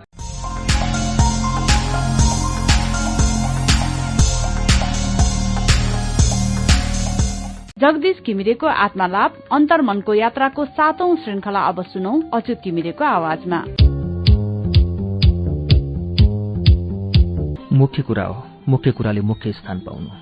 मेरो जीवनमा साहित्यले मुख्य स्थान ओगटेको छ। लिखित वा अलिखित प्रत्यक्ष वा अप्रत्यक्ष रूपमा साहित्यकै हाराहारीमा अर्को कुनै कुराले स्थान पाएको छ भने त्यो हो सामुदायिक विकास। मेरो जीवनमा कुनै ठाउँले मुख्य स्थान लिएको छ भने त्यो हो मेरो जन्मस्थल मन्थली र रामेछाप जिल्ला। मेरो साहित्यको मूल भावभूमि र जग मेरो मन्थलीको अनुभव र रामेछापको गाउँले पृष्ठभूमि हो। यो ठाउँमा यो कामको संयोग मेरो लागि यति मुख्य भयो कि मेरो पाको उमेरको मुख्यभन्दा पनि मुख्य सम्पूर्ण लगानी मन्थली र रामेछापको सामुदायिक विकासमै भयो। म रामेछापको उपज हुँ। मैले जे सकेँ त्यो रामेछापकै भाटोलाई दिएँ। त्यही मेरो जीवनको सार्थकता हो। म नेपालको उपज हुँ। मैले जे सकेँ त्यो नेपाली भाषालाई दिएँ। त्यही मेरो जीवनको सार्थकता हो। काठमाडौँबाट तिन चार दिन हिँडेर पुगिने मन्थलीमा दुई हजार सैतिस साल पुस पाँच गतिदेखि पिलाटस पोर्टर भन्ने एक इन्जिनको छ यात्रुवाहक जहाज ओर्लन थाल्यो। हवाई यातायातसँगै मेरो रामेछापमा काम गर्ने मेलो बस्यो। मेरो केही वर्षदेखि टुटेको मन्थली यात्रा र लामो बसाइलाई त्यसले फेरि जोडिदियो।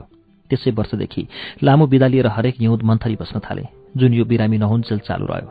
आफ्नो जरा चिनुन् र त्यहाँको रस बसोस् भनेर छोराछोरीलाई पनि सँगै लैजान्थे। बीचमा लन्डनमा घरजम गरेर बस्दा ताका दुई वर्ष बाहेक हरेक हिउँदमा हाम्रो सकेसम्म लामो मन्थली बास भयो। बाबा आमा जनकपुरमा सहजाउनु भएन र जनकपुरको सृष्टि कान्छो छोरालाई जिम्बा लगाएर मन्थलीमा नै बस्न थाल्नु भएको थियो। त्यसले मलाई मन्थली जान र बस्न झन् सजिलो भयो। मन्थलीमा मेरा सम्झनाहरू सजीव हुन्थे। काठमाडौँको जाडो र एक रस्ता पनि छिरिन्थ्यो। अर्को सबभन्दा ठूलो आकर्षण थियो। रामेसापको दिगो विकासको काम। यो हाँकको भारी मैले स्वेच्छाले बोकेको थिएँ र पार लगाई छाड्ने अठोट गरेको थिएँ।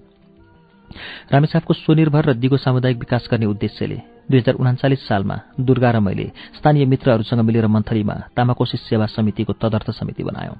आफ्नै गोजीको दुई हजार रुपियाँ बीज कोष रोपेर मसिना काम गर्न थाल्यौं। तासेसो दुई हजार चालिस साल पुसमा रामेछाप जिल्लामा दर्ता हुने पहिलो र समाज कल्याण परिषदमा आबद्ध हुने अडसठीौं संस्था भयो। रामेछापको अन्धकारको आँधीमा दिगो विकासको दियो त सल्कायौं तर दुई वर्षपछि नै अनेक आँधी बेरीमा दिएको त्यो धिपधिपे बत्तीलाई जोगाउनु पर्ने बेलामा मेरो लन्डनमा सरुवा बडुवा भयो। त्यो सरुवा बडुवा मलाई नखाउँ भने दिनभरिको शिकार खाउँ भने कान्छा बाउको अनुहार जस्तो भयो। खाएँ लन्डन गएँ आफ्नै खुट्टामा उभिने निदो गरेर। जनकपुर छोडेपछि काठमाडौँको पन्ध्र वर्षे वनवासमा मैले लेखक पत्रकार गैर सरकारी संस्थाको अधिकृत विज्ञापन व्यवसायी महाप्रबन्धक र बेलायती संस्थाको नेपालस्थित फिल्ड अफिस प्रमुख लगायत अनेक अनुभव यात्रा गरे। साहित्यमा सक्रिय रहे। भारत र बेलायतमा उच्च अध्ययन गरे। अन्तर्राष्ट्रिय पुरस्कार पाउने विज्ञापन व्यवसायी भए। यी सबैले मेरो रामेसाबको सामुदायिक विकास अभियानको जग हालेका थिए। त्यसपछिका अनुभवहरूले त्यो जग उठाउने काम गरे। यिनै कामहरूका सन्दर्भमा मैले दक्षिण एसियाली र अफ्रिकी मुलुकहरूका राष्ट्रिय र अन्तर्राष्ट्रिय विकास सम्बन्धी कार्यक्रमहरूको अध्ययन भ्रमण गरे। ममा जान्ने बुझ्ने र सक्षम प्रबन्धक हुने अदम्य तिर्खा थियो। ती सबै अवसर मेरा स्वप्नलोक त छँदै थिए। मेरो सिक्ने बेलाका अमूल्य निधि पनि थिए। तिनको मैले पूर्ण उपयोग गरेँ। तिनले मलाई निकै हदसम्म राष्ट्रिय र अन्तर्राष्ट्रिय विकासका इमान्दार र बेइमान प्रयत्नका सिद्धान्त र व्यवहार देखाए बुझाए सिकाए। सबभन्दा ठूलो कुरा आफ्नै ठाउँमा केही गर्नुपर्छ र साँच्चै लागि पर्ने हो भने गर्न सकिन्छ भन्ने चेतना र प्रेरणा र सिप समेत दिए। दुई हजार त्रिचालिस सालमा लन्डनबाट फिर्ता भएपछि तासेसम्म सक्रियता बढाए। हरेक हिउँद कहिले उडेर कहिले गुडेर र हिँडेर जसरी पनि मन्थली जाने क्रम चल्यो। मेरो वार्षिक विदाको एक महिना मन्थलीको बास हुन्थ्यो तासेसो सामान्य गतिमा काम गर्दै थियो तर म सन्तुष्ट थिइनँ। म रामेछापको सामुदायिक विकासलाई पूरा गति दिन नसकेर पिरो लिन लागे। त्यसका लागि मैले रामेछापमा नै बसेर बढी समय दिन सक्नु पर्थ्यो अन्तर्राष्ट्रिय जागिर खाएर दुवै हातमा लड्डु लिन सम्भव थिएन। मेरो अन्तरात्माले एक हातको लड्डु रोज भन्न थाल्यो। मेरो साहित्यको लड्डुले क्रमशः कम प्राथमिकता पाउन थालिसकेको थियो। जीवनको त्यस मोडमा। मैले रविन्द्रनाथ ठाकुरको कविताका यी हरफहरू सम्झेँ। कसले सम्हाल्छ मेरो काम? सोध्छन् साँझका रवि।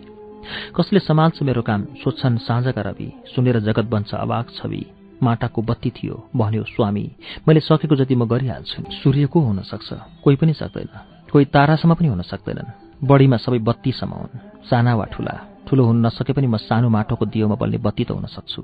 त्यही अठोटले अन्तर्राष्ट्रिय ग्लामर सुविधा दहन महान प्रतिष्ठाको साटो। मैले अनकन्टार रामेछापको उकालो ओह्रालो धुलो हिलो बगर अकाल अभावमा केही गर्न अवसर रोजे। रामेछापको असीम अन्धकारका विरुद्ध आफैले आठ वर्ष अघि बालेको तामाकोशी सेवा समिति नामक दियोमा आफैले सलेदो ठोस्ने तेल थप्ने र बत्ती उकास्ने निदो गरे र एक्लै हिँडे एकलव्य जस्तै। मसँग गुरुदक्षिणा माग्न द्रोणाचार्य जस्तै माइलोमा आइसकेपछि पनि हिँडिरहेको छु। हेरौँ कति थेक्न सक्छु। संसारमा अन्धकारको कमी छैन। सृष्टि रहन्जेल अन्धकारका टाटाहरू रहिरहनेछन्। हरेक मान्छेले आफ्नो शारीरिक आयतनको लागि मात्र नबाँचेर त्यस बाहिरको सानै सोच राख्दा सानै प्रयत्नबाट थाल्दा र निरन्तर लागि पर्यो भने कोही पनि सानो बत्ती हुन सक्छ। केहीले मात्र ससाना बत्ती बढ्यो भने पनि अनगिन्ती बत्ती बल्छन्। त्यति मात्रै भयो भने पनि संसार यति विधि अन्धकारमय हुने थिएन। रामेछापमा समय दिने अठोट गरेर मैले जागिर राजीनामा गर्ने सुरु गरेँ तर एकाएक यति आकर्षक जागिर छोडिहाल्ने ह्याउ भएन।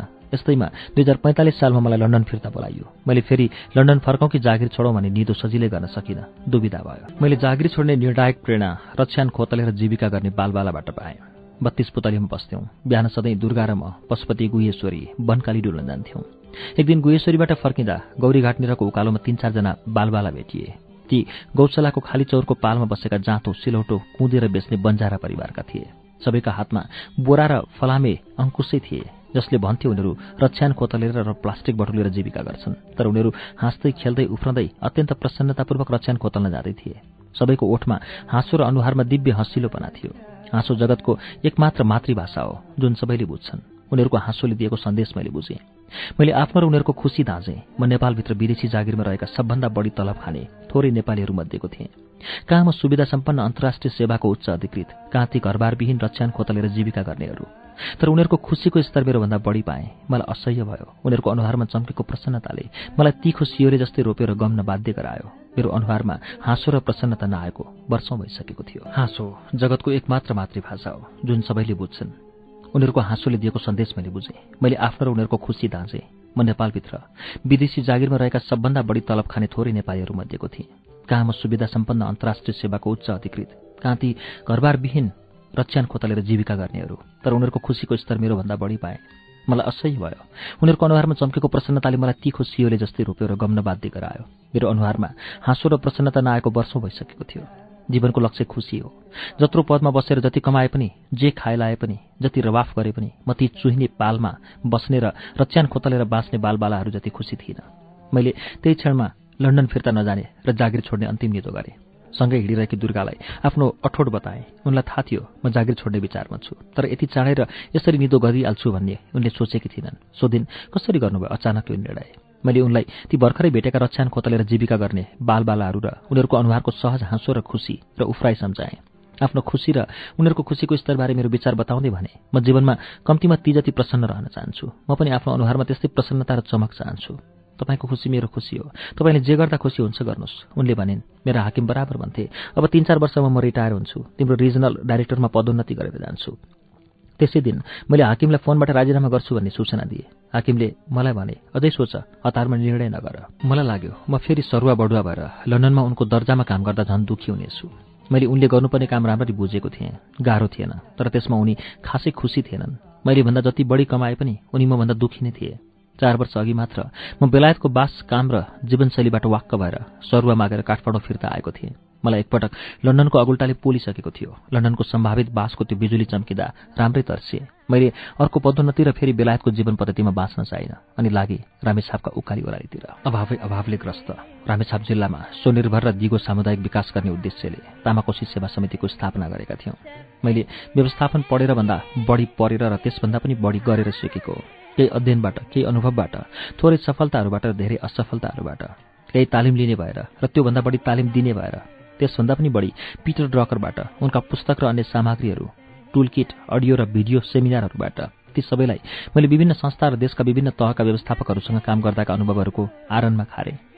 आधुनिक व्यवस्थापनका पिता पिटर ड्रकर मेरो व्यवस्थापन अभ्यासका सेन्टर अथवा दृष्टिगुरु हुन् र उन मेरो गैर सरकारी संस्था मार्फत सामुदायिक विकास प्रयत्नका प्रेरणा। पिटर डकर भन्छन् सरकारहरूले असफल परिणामहरू प्राप्त गर्नको लागि गर्ने भन्दा धेरै कम खर्चमा गैर सरकारी संस्थाहरूले सफल परिणामहरू प्राप्त गर्छन्। संसारमा स्वयंसिद्ध यस सूत्र नेपालमा पनि सिद्ध गर्न मैले जीवनको ठूलो भाग लगाएँ। धेरै परिश्रम गरेँ धेरै सङ्घर्ष गरेँ अनेक जेनामसिना युद्ध पनि गरेँ। रामेछापमा अनेकौं दलका नेताहरू पाइलै पछि थिए। ती विकासका गफ चपाउँथे उग्राउँथे डकार्थे तर विकासको नाममा सिनको पनि भाँच्दैनथे। उनीहरूको जीवनोद्देश्य चुनाव जित्नुहुन्थ्यो र छ। दुई हजार छयालिस सालभन्दा अघि वा पछिका कुनै पनि नेताले रामेछाप जिल्लामा मैले जति सामुदायिक विकास गरेका थिएनन् र छैनन् भन्नुपर्दा मलाई गर्व होइन दुःख छ। त्यसबेला गैसस्व र सामुदायिक विकासको बाटोमा आजको जस्तो आकर्षण थिएन। त्यसैले आजको जस्तो घुइँचो पनि थिएन। अर्थात् आलोचकहरूले जथाभावी भन्ने गरेको डलरको खेती पनि थिएन। भए पनि निकै सीमित थियो जस्तो महेन्द्र प्रकृति संरक्षण कोष जस्ता केही शक्तिशाली एनजिओमा। त्यो बेला दस बिस हजार रुपियाँको वार्षिक बजेटमा चलेका हाम्रो जस्ता फाटे फुटे गाउँले संस्थामा होइन। त्यो रकम पनि दाताले परिषदको खातामा जम्मा गर्नुपर्थ्यो र संस्थाले बहत्तर प्रति त्रैमासिक रिपोर्ट बुझाएर परिषदको चित्त बुझाएपछि मात्र त्रैमासिक किताबमा निकासा पाइन्थ्यो। त्यो किन रे भने परिषदको वृहत समितिमा बहत्तरजना सदस्य थिए। ती रिपोर्टरहरू कसैले पढे पनि नपढे पनि ती सबै सदस्यहरूको पाउमा एक एक प्रति चढाएर ढोग्नु पर्थ्यो हाम्रा जस्ता डुहुरे संस्थाले त्यो परिपञ्च मिलाउनु सिसिफसले दिनदिनै ढुङ्गो बोकेर डाँडाको टुप्पामा पुर्याउनुभन्दा कम थिएन। त्यसबेला अहिले जस्तो नयाँ नयाँ दाताहरू हक अधिकार सम्बन्धी नयाँ नयाँ सेक्सी थिम र डलरको वैरो पहिरो लिएर नेपाल पछिसकेका थिएनन्। नयाँ नयाँ दाताहरूले जे भने पनि मान्ने जस्तो धुनमा पनि नाच्ने सेक्सी पार्टनर वा सहयोगी संस्थाहरू जन्माउन बनाउन पनि भइसकेका थिएनन्। बौद्धल आएपछि मात्रै संस्थाको बजेट परिषदको खातामा जम्मा हुने र बहत्तर प्रति त्रैमासिक रिपोर्ट बुझाउनु पर्ने स्थिति बदलियो। नेपालमा बौद्धल सँगसँगै स्वदेशी गैसको पनि बाढी आयो र विदेशी गैसहरूको पनि बाढी आयो। अघि पश्चिमाहरू कम विकसित विश्वमा पानी जहाज र घोडा चलेर आउँथे र तोपबाट गोलाहरू हानेर साम्राज्य विस्तार गर्थे।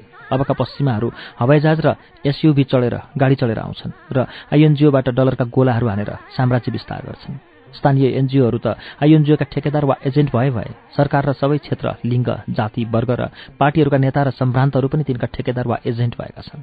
दुई हजार सडचालिस सालदेखि दुई हजार सन्ताउन्न सालसम्म म अवैधानिक अध्यक्ष भएर तासेसाको क्षमता विकास र रामेछापको दिगो सामुदायिक विकासमा एकचित्त लागे।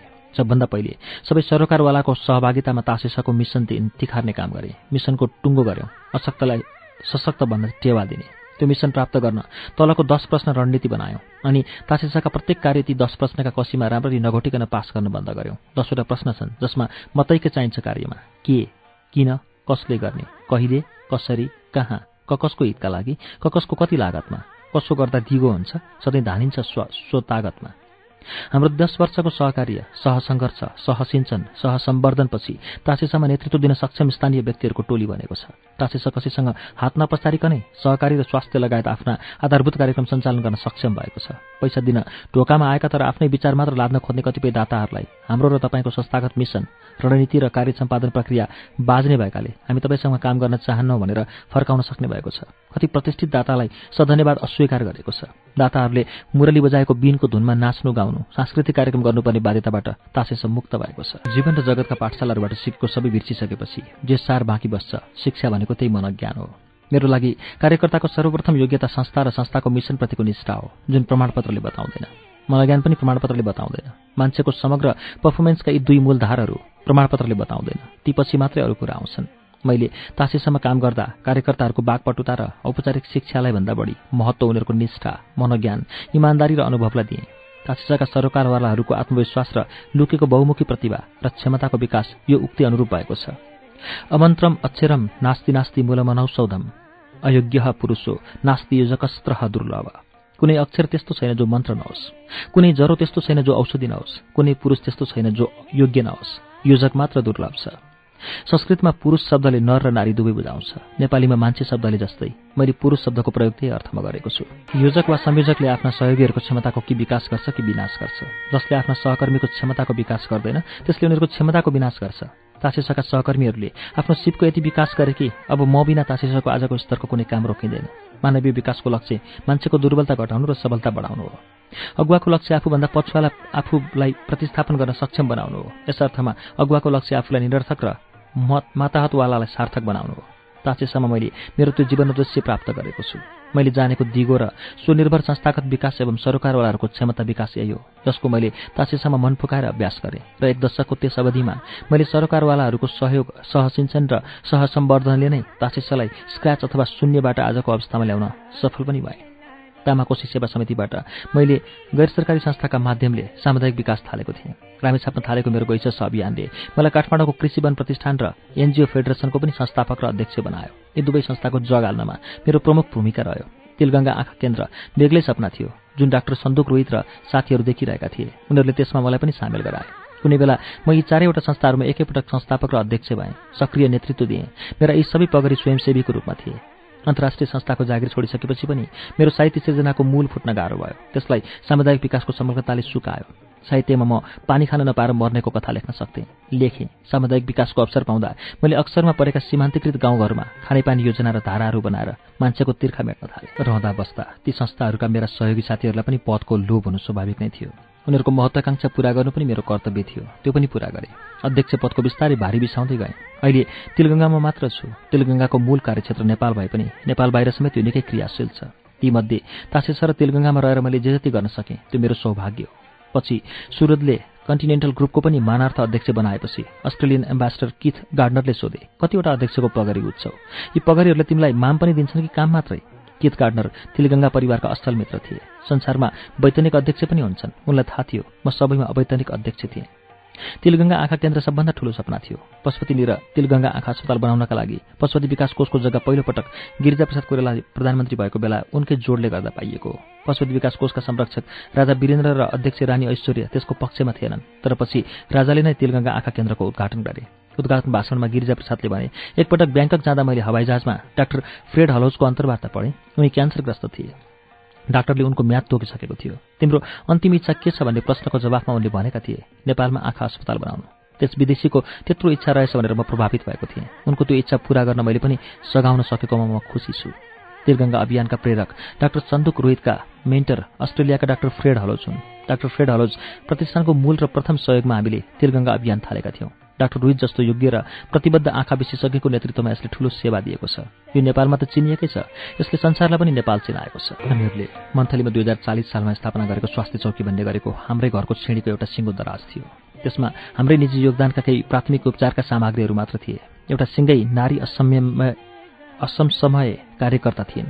दुई हजार पैँतालिस सालमा हाम्रो घर घडेरी अधिग्रहण भएपछि हाम्रो उठी बास त भयो भयो। हाम्रो घरको छिडीमा रहेको तासिसाको कार्यालय र स्वास्थ्य चौकीको पनि बास नभएर बिचल्ली हुने भयो। मन्थली गाविसले दया गरेर तासेसलाई थादबारीको खुर्री खण्ड पाखोमा छरो पनि भयो भिर दियो। मन्थली गाविसको नगर विकासमा पदोन्नति भएपछि त्यो सित्तै पाएको भिरलाई तासेसले पैसा हालेर किन्नु पर्यो।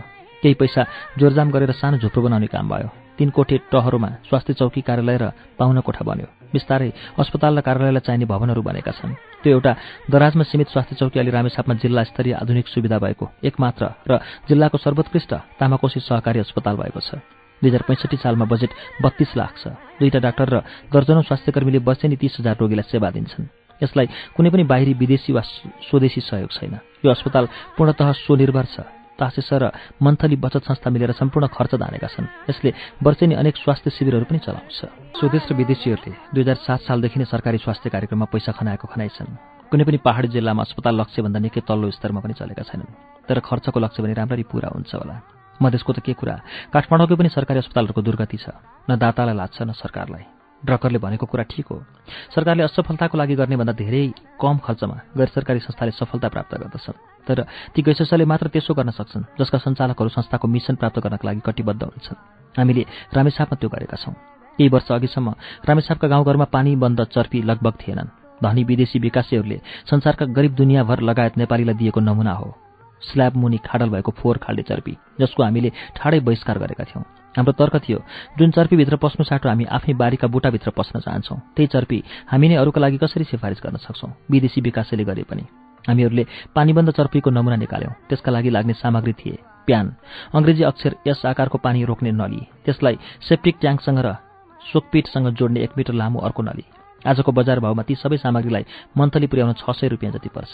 त्यति सामग्री र प्राविधिक सहयोग दिएर दस वर्ष अघि थालेको तामाकोशी अभियान अन्तर्गत आज रामेछापमा चौध हजार पानीबन्द चर्पी बनिसकेका छन्। आगामी दस वर्षमा रामेछाप जिल्लाका सबै बयालिस हजार घरधोरीमा पानीबन्द चर्पी बनेको पनि मैले सपनामा जागे भएर देखेको छु। नेपाल आउने विकासे विदेशीहरूमध्ये तलब भत्ता र सुविधाहरू गरेर वर्षको एक दुई करोड रुपियाँ खाने निकै हुन्छन्। नेपाल सरकारले एउटा ब्याङ्कमा वर्षको चार पाँच करोड खाने विदेशी हाकिम पनि राखेको थियो। आजको मोल भाउमा एक करोड रुपियाँमा हामी रामेछापमा सोह्र हजार पानीबन्द चर्पी बनाउन सक्छौँ। पाँच करोडमा अस्सी हजार चर्पी बन्न सक्छन्। यस देशको विकासका लागि कुनै पनि विदेशी विकासको वार्षिक मूल्य अथवा उपादेयता अस्सी हजार त के? एक हजार पानीबन्द चर्पी बराबर पनि हुन सक्दैन।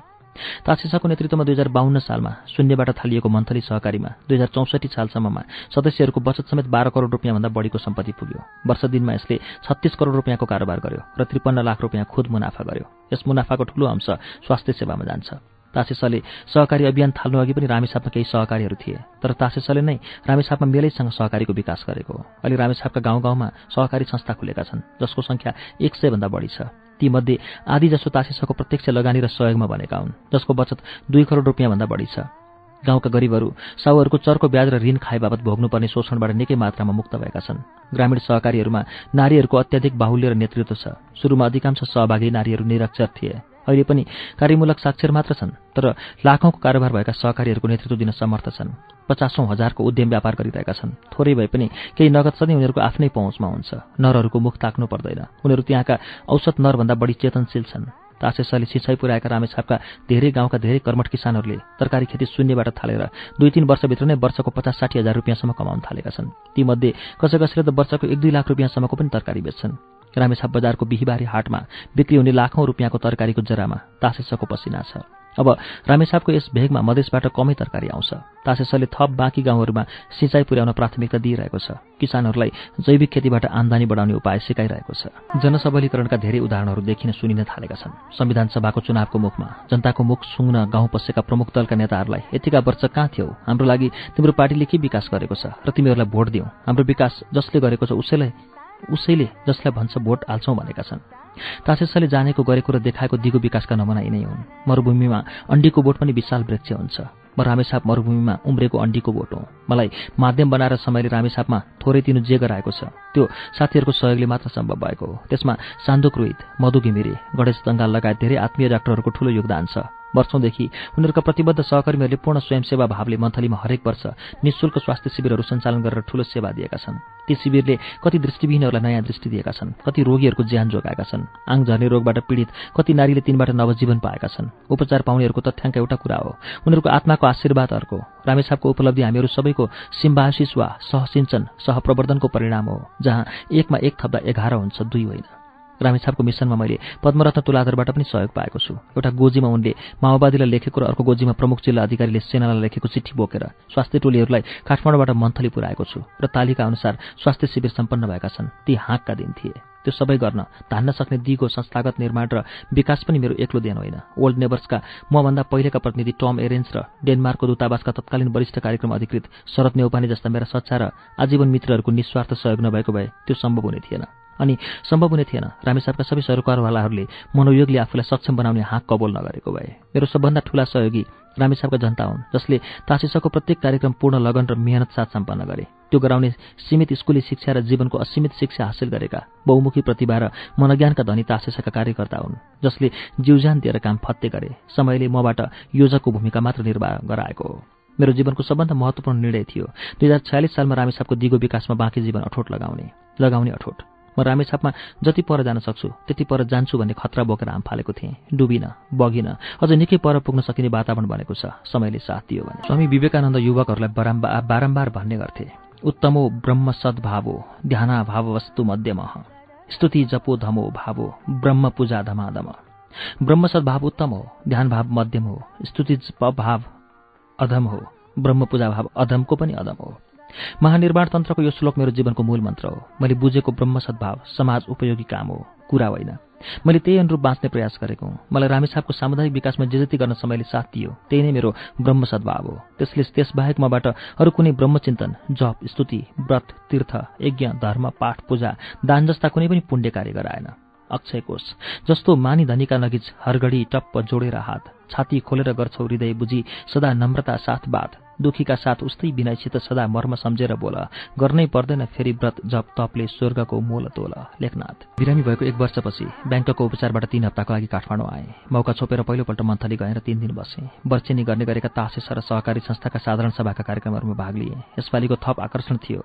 मन्थली सहकारीले किनेको जापानी एम्बुलेन्स सेवाको थालनी। त्यो भयो। गरिबलाई पैसा बाँड्नु समाधान होइन भनेर नै तासेसले आफ्नो स्वास्थ्य चौकीबाट पहिलो दिनदेखि नाफा नलिकन लगभग परल मूल्यमा ओखती बेच्न थालेको। हो गरिबले ओखती पाउनुपर्छ भन्ने स्थानीय जनताको ठूलो माग थियो। तर हाम्रो सपना तासेसको स्वास्थ्य सेवालाई स्वनिर्भर बनाउनु पनि थियो। काठमाडौँको खुद्रा मूल्यमा ओखती बेचेर र लगभग परल मूल्यमा अरू स्वास्थ्य सेवाहरू दिएर पनि पच्चिस वर्षको तपस्यापछि मूलत मन्थली सहकारीको सहयोगले गर्दा आज हाम्रो तामाकोशी सहकारी अस्पताल स्वनिर्भर भएको छ। सेवाको त्यो एउटा पक्ष हो तर कथा यहीँ टुङ्गिँदैन। तासेसको स्वास्थ्य सेवाबाट एउटा अति नै ठूलो विपन्न र सीमान्तकृत समुदाय बहिष्कृत छ वञ्चित छ। तासेसको स्वास्थ्य सेवाबाट अति विपन्न समुदाय होइन मास्लो वर्ग नै लाभान्वित छ। अति नै विपन्न समुदायलाई हाम्रो सेवाप्रति कुनै आकर्षण छैन किनभने उनीहरूसँग दैनिक सामर पिठो किन्ने नै अभिगत छैन। औषधि किन्नु त निकै परको कुरा भयो। पेटमा पिठो सबै रोगको मूल औषधि हो। पेटमा पिठो पार्न तासेसले अनेक काम गरिरहेको छ तर उनीहरू स्थिति यति नराम्रो छ कि जस्तै रोग लागे पनि कुनै हातमा पनि र तासेसले जति सस्तोमा बेचे पनि उनीहरूले त्यो औखति किन्ने हविगत छैन। यसरी सबै किसिमले वञ्चित रामेसापका अति विपन्न वर्गका बिरामीहरूलाई कम्तीमा तासेसको स्वास्थ्य सेवाबाट वञ्चित हुनु नपरोस् भनेर उनीहरूको निशुल्क सेवाका लागि एउटा व्यवस्था हुनुपर्छ भन्ने कुरा हामी सबैले महसुस गऱ्यौँ त्यसको पनि मेलो बस्यो। त्यसका लागि मेरो परिवारले केही आर्थिक बिउ रोप्यो सहयोगी संस्थाहरू उस्तै उद्देश्यको कोष बनाउन चाहने दाताहरू र आत्मीयहरूले पनि थपे। सत्ताइस लाख रुपियाँ जतिको अक्षय कोष खडा भयो तेह्र प्रतिशत ब्याजमा मन्थली सहकारीमा मुद्दतीमा राखियो।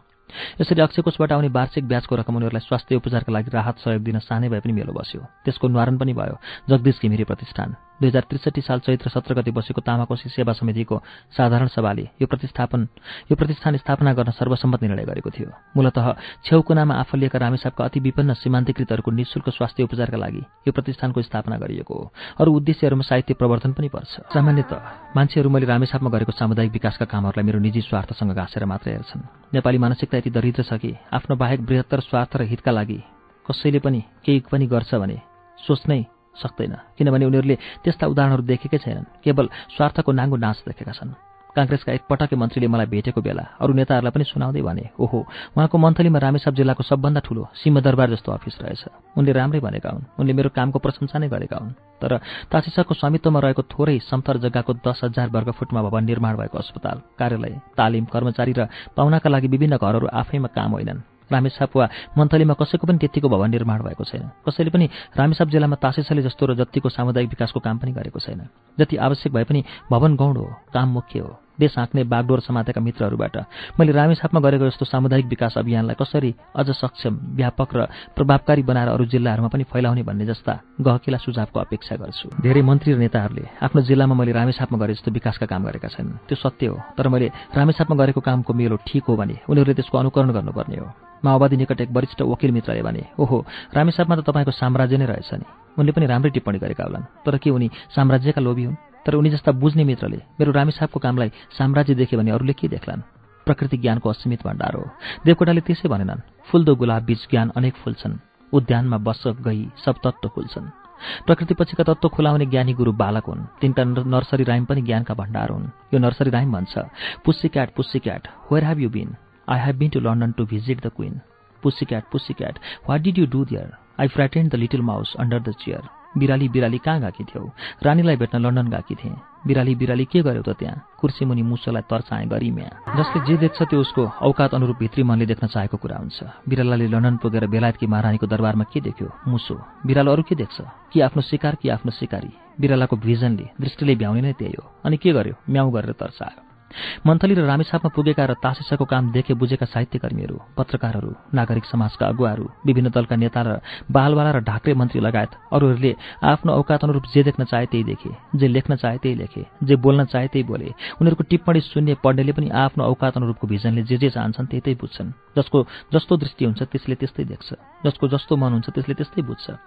विभिन्न विचारधाराका तर धेरै कम राजनीतिकर्मीहरू नागरिक संस्थाका अगुवाहरू र साहित्यकारहरूले मात्र रामेछापमा तासेसाको कामको मेलो बुझ्न चाख लिएका छन् र कतिले मन्थलीमा तासेसाको कार्यालयमा पुगेकै बेला त्यहीँबाट फोन गरेर मलाई प्रोत्साहित पनि गरेका छन्। जगदीश घिमिरी प्रतिष्ठानले दुई हजार चौसठी साल पुसमा रामेछाप साहित्य महोत्सव आयोजना गर्यो। काठमाडौँका दुई दर्जन जति साहित्यकार पत्रकार बौद्धिकहरूले रामेछाप जिल्ला र अझ मन्थलीलाई पवित्र पारे। तिनमा सबै इन्द्रधनुषी रङका विचार र विवेकको प्रतिनिधित्व गर्ने मित्रहरू थिए। सामुदायिक विकासको प्रच्छन्न उपस्थिति भएको त्यस तीन दिने महोत्सवले लोकले साहित्य स्रष्टा मात्र भनेर चिन्ने भावनाजीवीहरू कल्पना लोकका मात्र होइन यथार्थ लोकका पनि उत्तिकै संवेदनशील स्रष्टा र सहभागी हुँदो रहेछन् भन्ने चिनारी पनि गरायो। तिनै मञ्चहरूमा कल्पना तामाङ बासु अधिकारी अनु फुयाल सुनिमा केसी जस्ता रामेसापका दर्जनौँ नयाँ प्रतिभाहरू पनि उदाए। मन्थलीमा एउटै मञ्चबाट जीवन कोरेलाको रामेछापका साहित्यिक संस्थाहरू विमल भौकाजीको जसको जोत उसको पोत र डाक्टर सुमन कर्मचारीको आत्माहरू बुद्ध भए जस्ता उत्कृष्ट अनुसन्धान व्यङ्ग्य र काव्यका कृतिहरूको लोकार्पण हुनु प्रेरणादायक थियो। छिमेकी जिल्ला सिन्धुलीका जीवन कोरेलाले रामेछापका पुराना स्रष्टाहरूको दुर्लभ फोटोसहित जीवन्त खोजमेल गरेका थिए। विमल भौकाजी आफ्ना क्षेत्रका परिचित नहुन् रामेछापकै संवेदनशील कवि सुमन कर्मचारी नयाँ सम्भावना लिएर उदाएका थिए। मैले नरहरी आचार्यलाई राजनीतिज्ञका रूपमा चिनेको थिएँ। अन्तर्मनको यात्रा लेख्ने र परिमार्जन गर्ने क्रममा उनलाई साहित्य मर्मज्ञका रूपमा पनि चिने। नगेन्द्र दाईले मन्थलीको आफ्नो स्वच्छन्द र सानन्द बाल्यकालका सम्झनाहरू सुनाए। थोरै दिनका लागि मात्रै भए पनि उनको नियास्रो मेटिएको थियो। रोचक घिमिरीले रामेसापमा जन्मेका कृष्णलाल अधिकारी र धरणीधर कोइराला नेपालका प्रथम जनतन्त्री र गणतन्त्री स्रष्टा भएको जानकारी बाँडे। डाक्टर गोविन्दराज भट्टराईले तन्मयतापूर्वक गरे गराएका उत्तर आधुनिकतावादी र अन्य विचार विमर्शहरूले सुनमा सुगन्ध मात्रै थपेनन्। काठमाडौँको धपेडीमय संसारी जीवनमा एकअर्कालाई भेट्न नपाउने कहिलेकाहीँ भेटे पनि औपचारिकतामा सीमित रहने अति व्यस्त स्रष्टाहरूबीच सान्निध्य सुख र समझदारी बढाए र साँझ बिहानका बेलाहरूको अति जीवन्त सदुपयोग गरे। विष्णु विभू घिमिरे डाक्टर ज्ञानु पाण्डे शारदा शर्मा धर्मेन्द्र नेमाङका उत्कृष्ट कविता विचारहरू र राप्रौ पोखरेल विमल भौकाजी कुमार कोइराला व्याकुल पाठक लगायत सबैका सहभागिताले दिउँसोको औपचारिक कार्यक्रम मात्रै होइन ती अनौपचारिक भेट विमर्शहरू झन् जीवन्त बनाए। फोटोकपी कुमार आलेले म अनुहारको होइन जीवनको तस्विर खिच्न चाहन्छु भनेर हामीलाई उनी शब्दकवि हुन् कि फोटोकपी दुविधामा बारे। उनले खिचेका फोटो र भिडियोहरू यस ऐतिहासिक अवसरका दृश्य प्रतिमान हुनेछन्। ज्ञानुवाकरका गजल टुक्का र संस्मरणहरूले रमाइलाका नयाँ आयाम थपे। जीवन कोरेलाले रामेछापका साहित्यिक संस्थाहरूको जीवन्त खोजमेल र गोडमेल गरे। अध्य व्यवसायी पत्रकार सरोजराज अधिकारीभित्रको तिखो कवि सरोज शार्दुल बाहिर निस्क्यो। जयदेव भट्टराई र सूरज कुमारका टिप्पणीहरूले ओझेलमा परेका अक्षरहरू देखाए। अशोक सुवेदीले मन्थलीका जिम्वालको शोषणको पीडा मात्र बाँडेनन्। दिनभरि चलेको कवि गोष्ठीलाई माओवादी सौन्दर्य शास्त्रको रसास्वादन पनि गराए। उनैको सक्रियतामा माओवादी कलाकर्मीले आयो हाम्रो विजयका दिन लाल झण्डा बोकेर र तिमीसित मिठो माया बस्यो जलजला जस्ता गीत र नृत्यहरू प्रस्तुत गरेर नयाँ सन्देश दिए। त्यसरी रामेसाप साहित्य महोत्सव सबै थरी विचारहरूको समावेशीकरण र सह अस्तित्वको सम्मानको प्रतिमान बन्यो गोष्ठीका उद्घोषकले भने आयोजक जगदीश घिमिरे प्रतिष्ठान त्यसका संरक्षक जगदीश घिमिरे सभापति दुर्गा घिमिरे म सञ्चालक रामचन्द्र वियोगी घिमिरे अब कविता पाठ गर्ने कवि पनि घिमिरे विष्णु बिबु घिमिरे तीन चार सय श्रोताले एकैपटक हाँसोका फोरा छुटाए। मेरो छेउमा बसेका मुख्य अतिथि नरहरी आचार्यले सुटुक भने म पनि आधा घिमिरे हुँ मेरा मावली घिमिरे हुन्। रामेसाप जिल्ला र खास गरी मन्थली वरिपरि घिमिरेहरू बाक्लै छन्। जिल्लाभरिका र अन्तका घिमिरेहरूले पनि नेपालको चलनअनुसार आपसमा नाता लाएर नै कुरा गर्छन्। धेरैको म काका वा दाजु हुन पुग्छु। म मन्थलीको आठौँ पुस्ताको घिमिरे भए पनि अहिले रामेसापमा तेह्र पुस्तासम्मका घिमिरेहरू जन्मिसके जति पुस्ता परका भए पनि ती जम्मै मेरा नाति पनाति भए।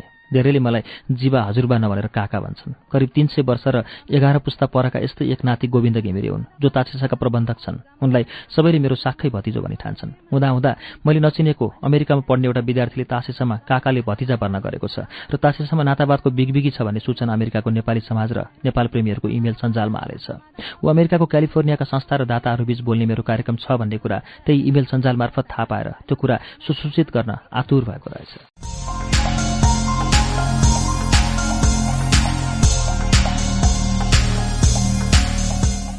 जगदीश घिमिरेको आत्मालाप अन्तर्मनको यात्राको आठौं श्रृङ्खला अब वाचन हुन्छ। माओवादीले दुई हजार बाहन्न साल फागुन एक गते प्रतिक्रियावादी राज्य सत्तालाई ध्वंस गर्दै नयाँ जनवादी सत्ताको स्थापना गर्न जनयुद्धको बाटोमा अघि बढौँ भन्ने नारा दिएर जनयुद्धको घोषणा गरेका थिए। त्यसै दिन रोल्पा रुकुम र मन्थलीबाट छकोस पर सिन्दुरी गढीको चौकी र गोर्खाको कृषि विकास बैङ्कमा आक्रमण गरेर त्यो युद्धको उद्घाटन गरेका थिए। यसरी उनीहरूले आफ्नो मिसन र प्राथमिकता जनाएका थिए। त्यो थियो छापामार युद्ध हतियार र पैसा सङ्कलन र अन्तत उनीहरूको राज्य।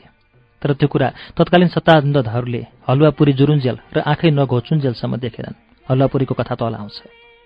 दुई हजार सन्ताउन्न सालसम्ममा जनयुद्ध सञ्चालनमा माओवादीको चरम आक्रामक क्षमता र सबै कानै चिरिएका जोगी सरकारहरूको त्यसलाई सम्बोधन गर्ने चरम अक्षमता देखेपछि मलाई पोल्न थाल्यो। मैले गर्न सक्ने केही थिएन तर मसँग कलम थियो। यही बेला मलाई कृष्ण मुरारी भण्डारीले नेपाल साप्ताहिकमा स्तम्भ लेख्न आग्रह गरे। म चेतना भया स्तम्भ लेख्न थालेँ। मेरो लक्ष्य जनयुद्ध सम्बोधन गर्ने तत्कालीन सरकारहरूको अक्षमता र माओवादीको क्षमताको विश्लेषण गर्नु थियो।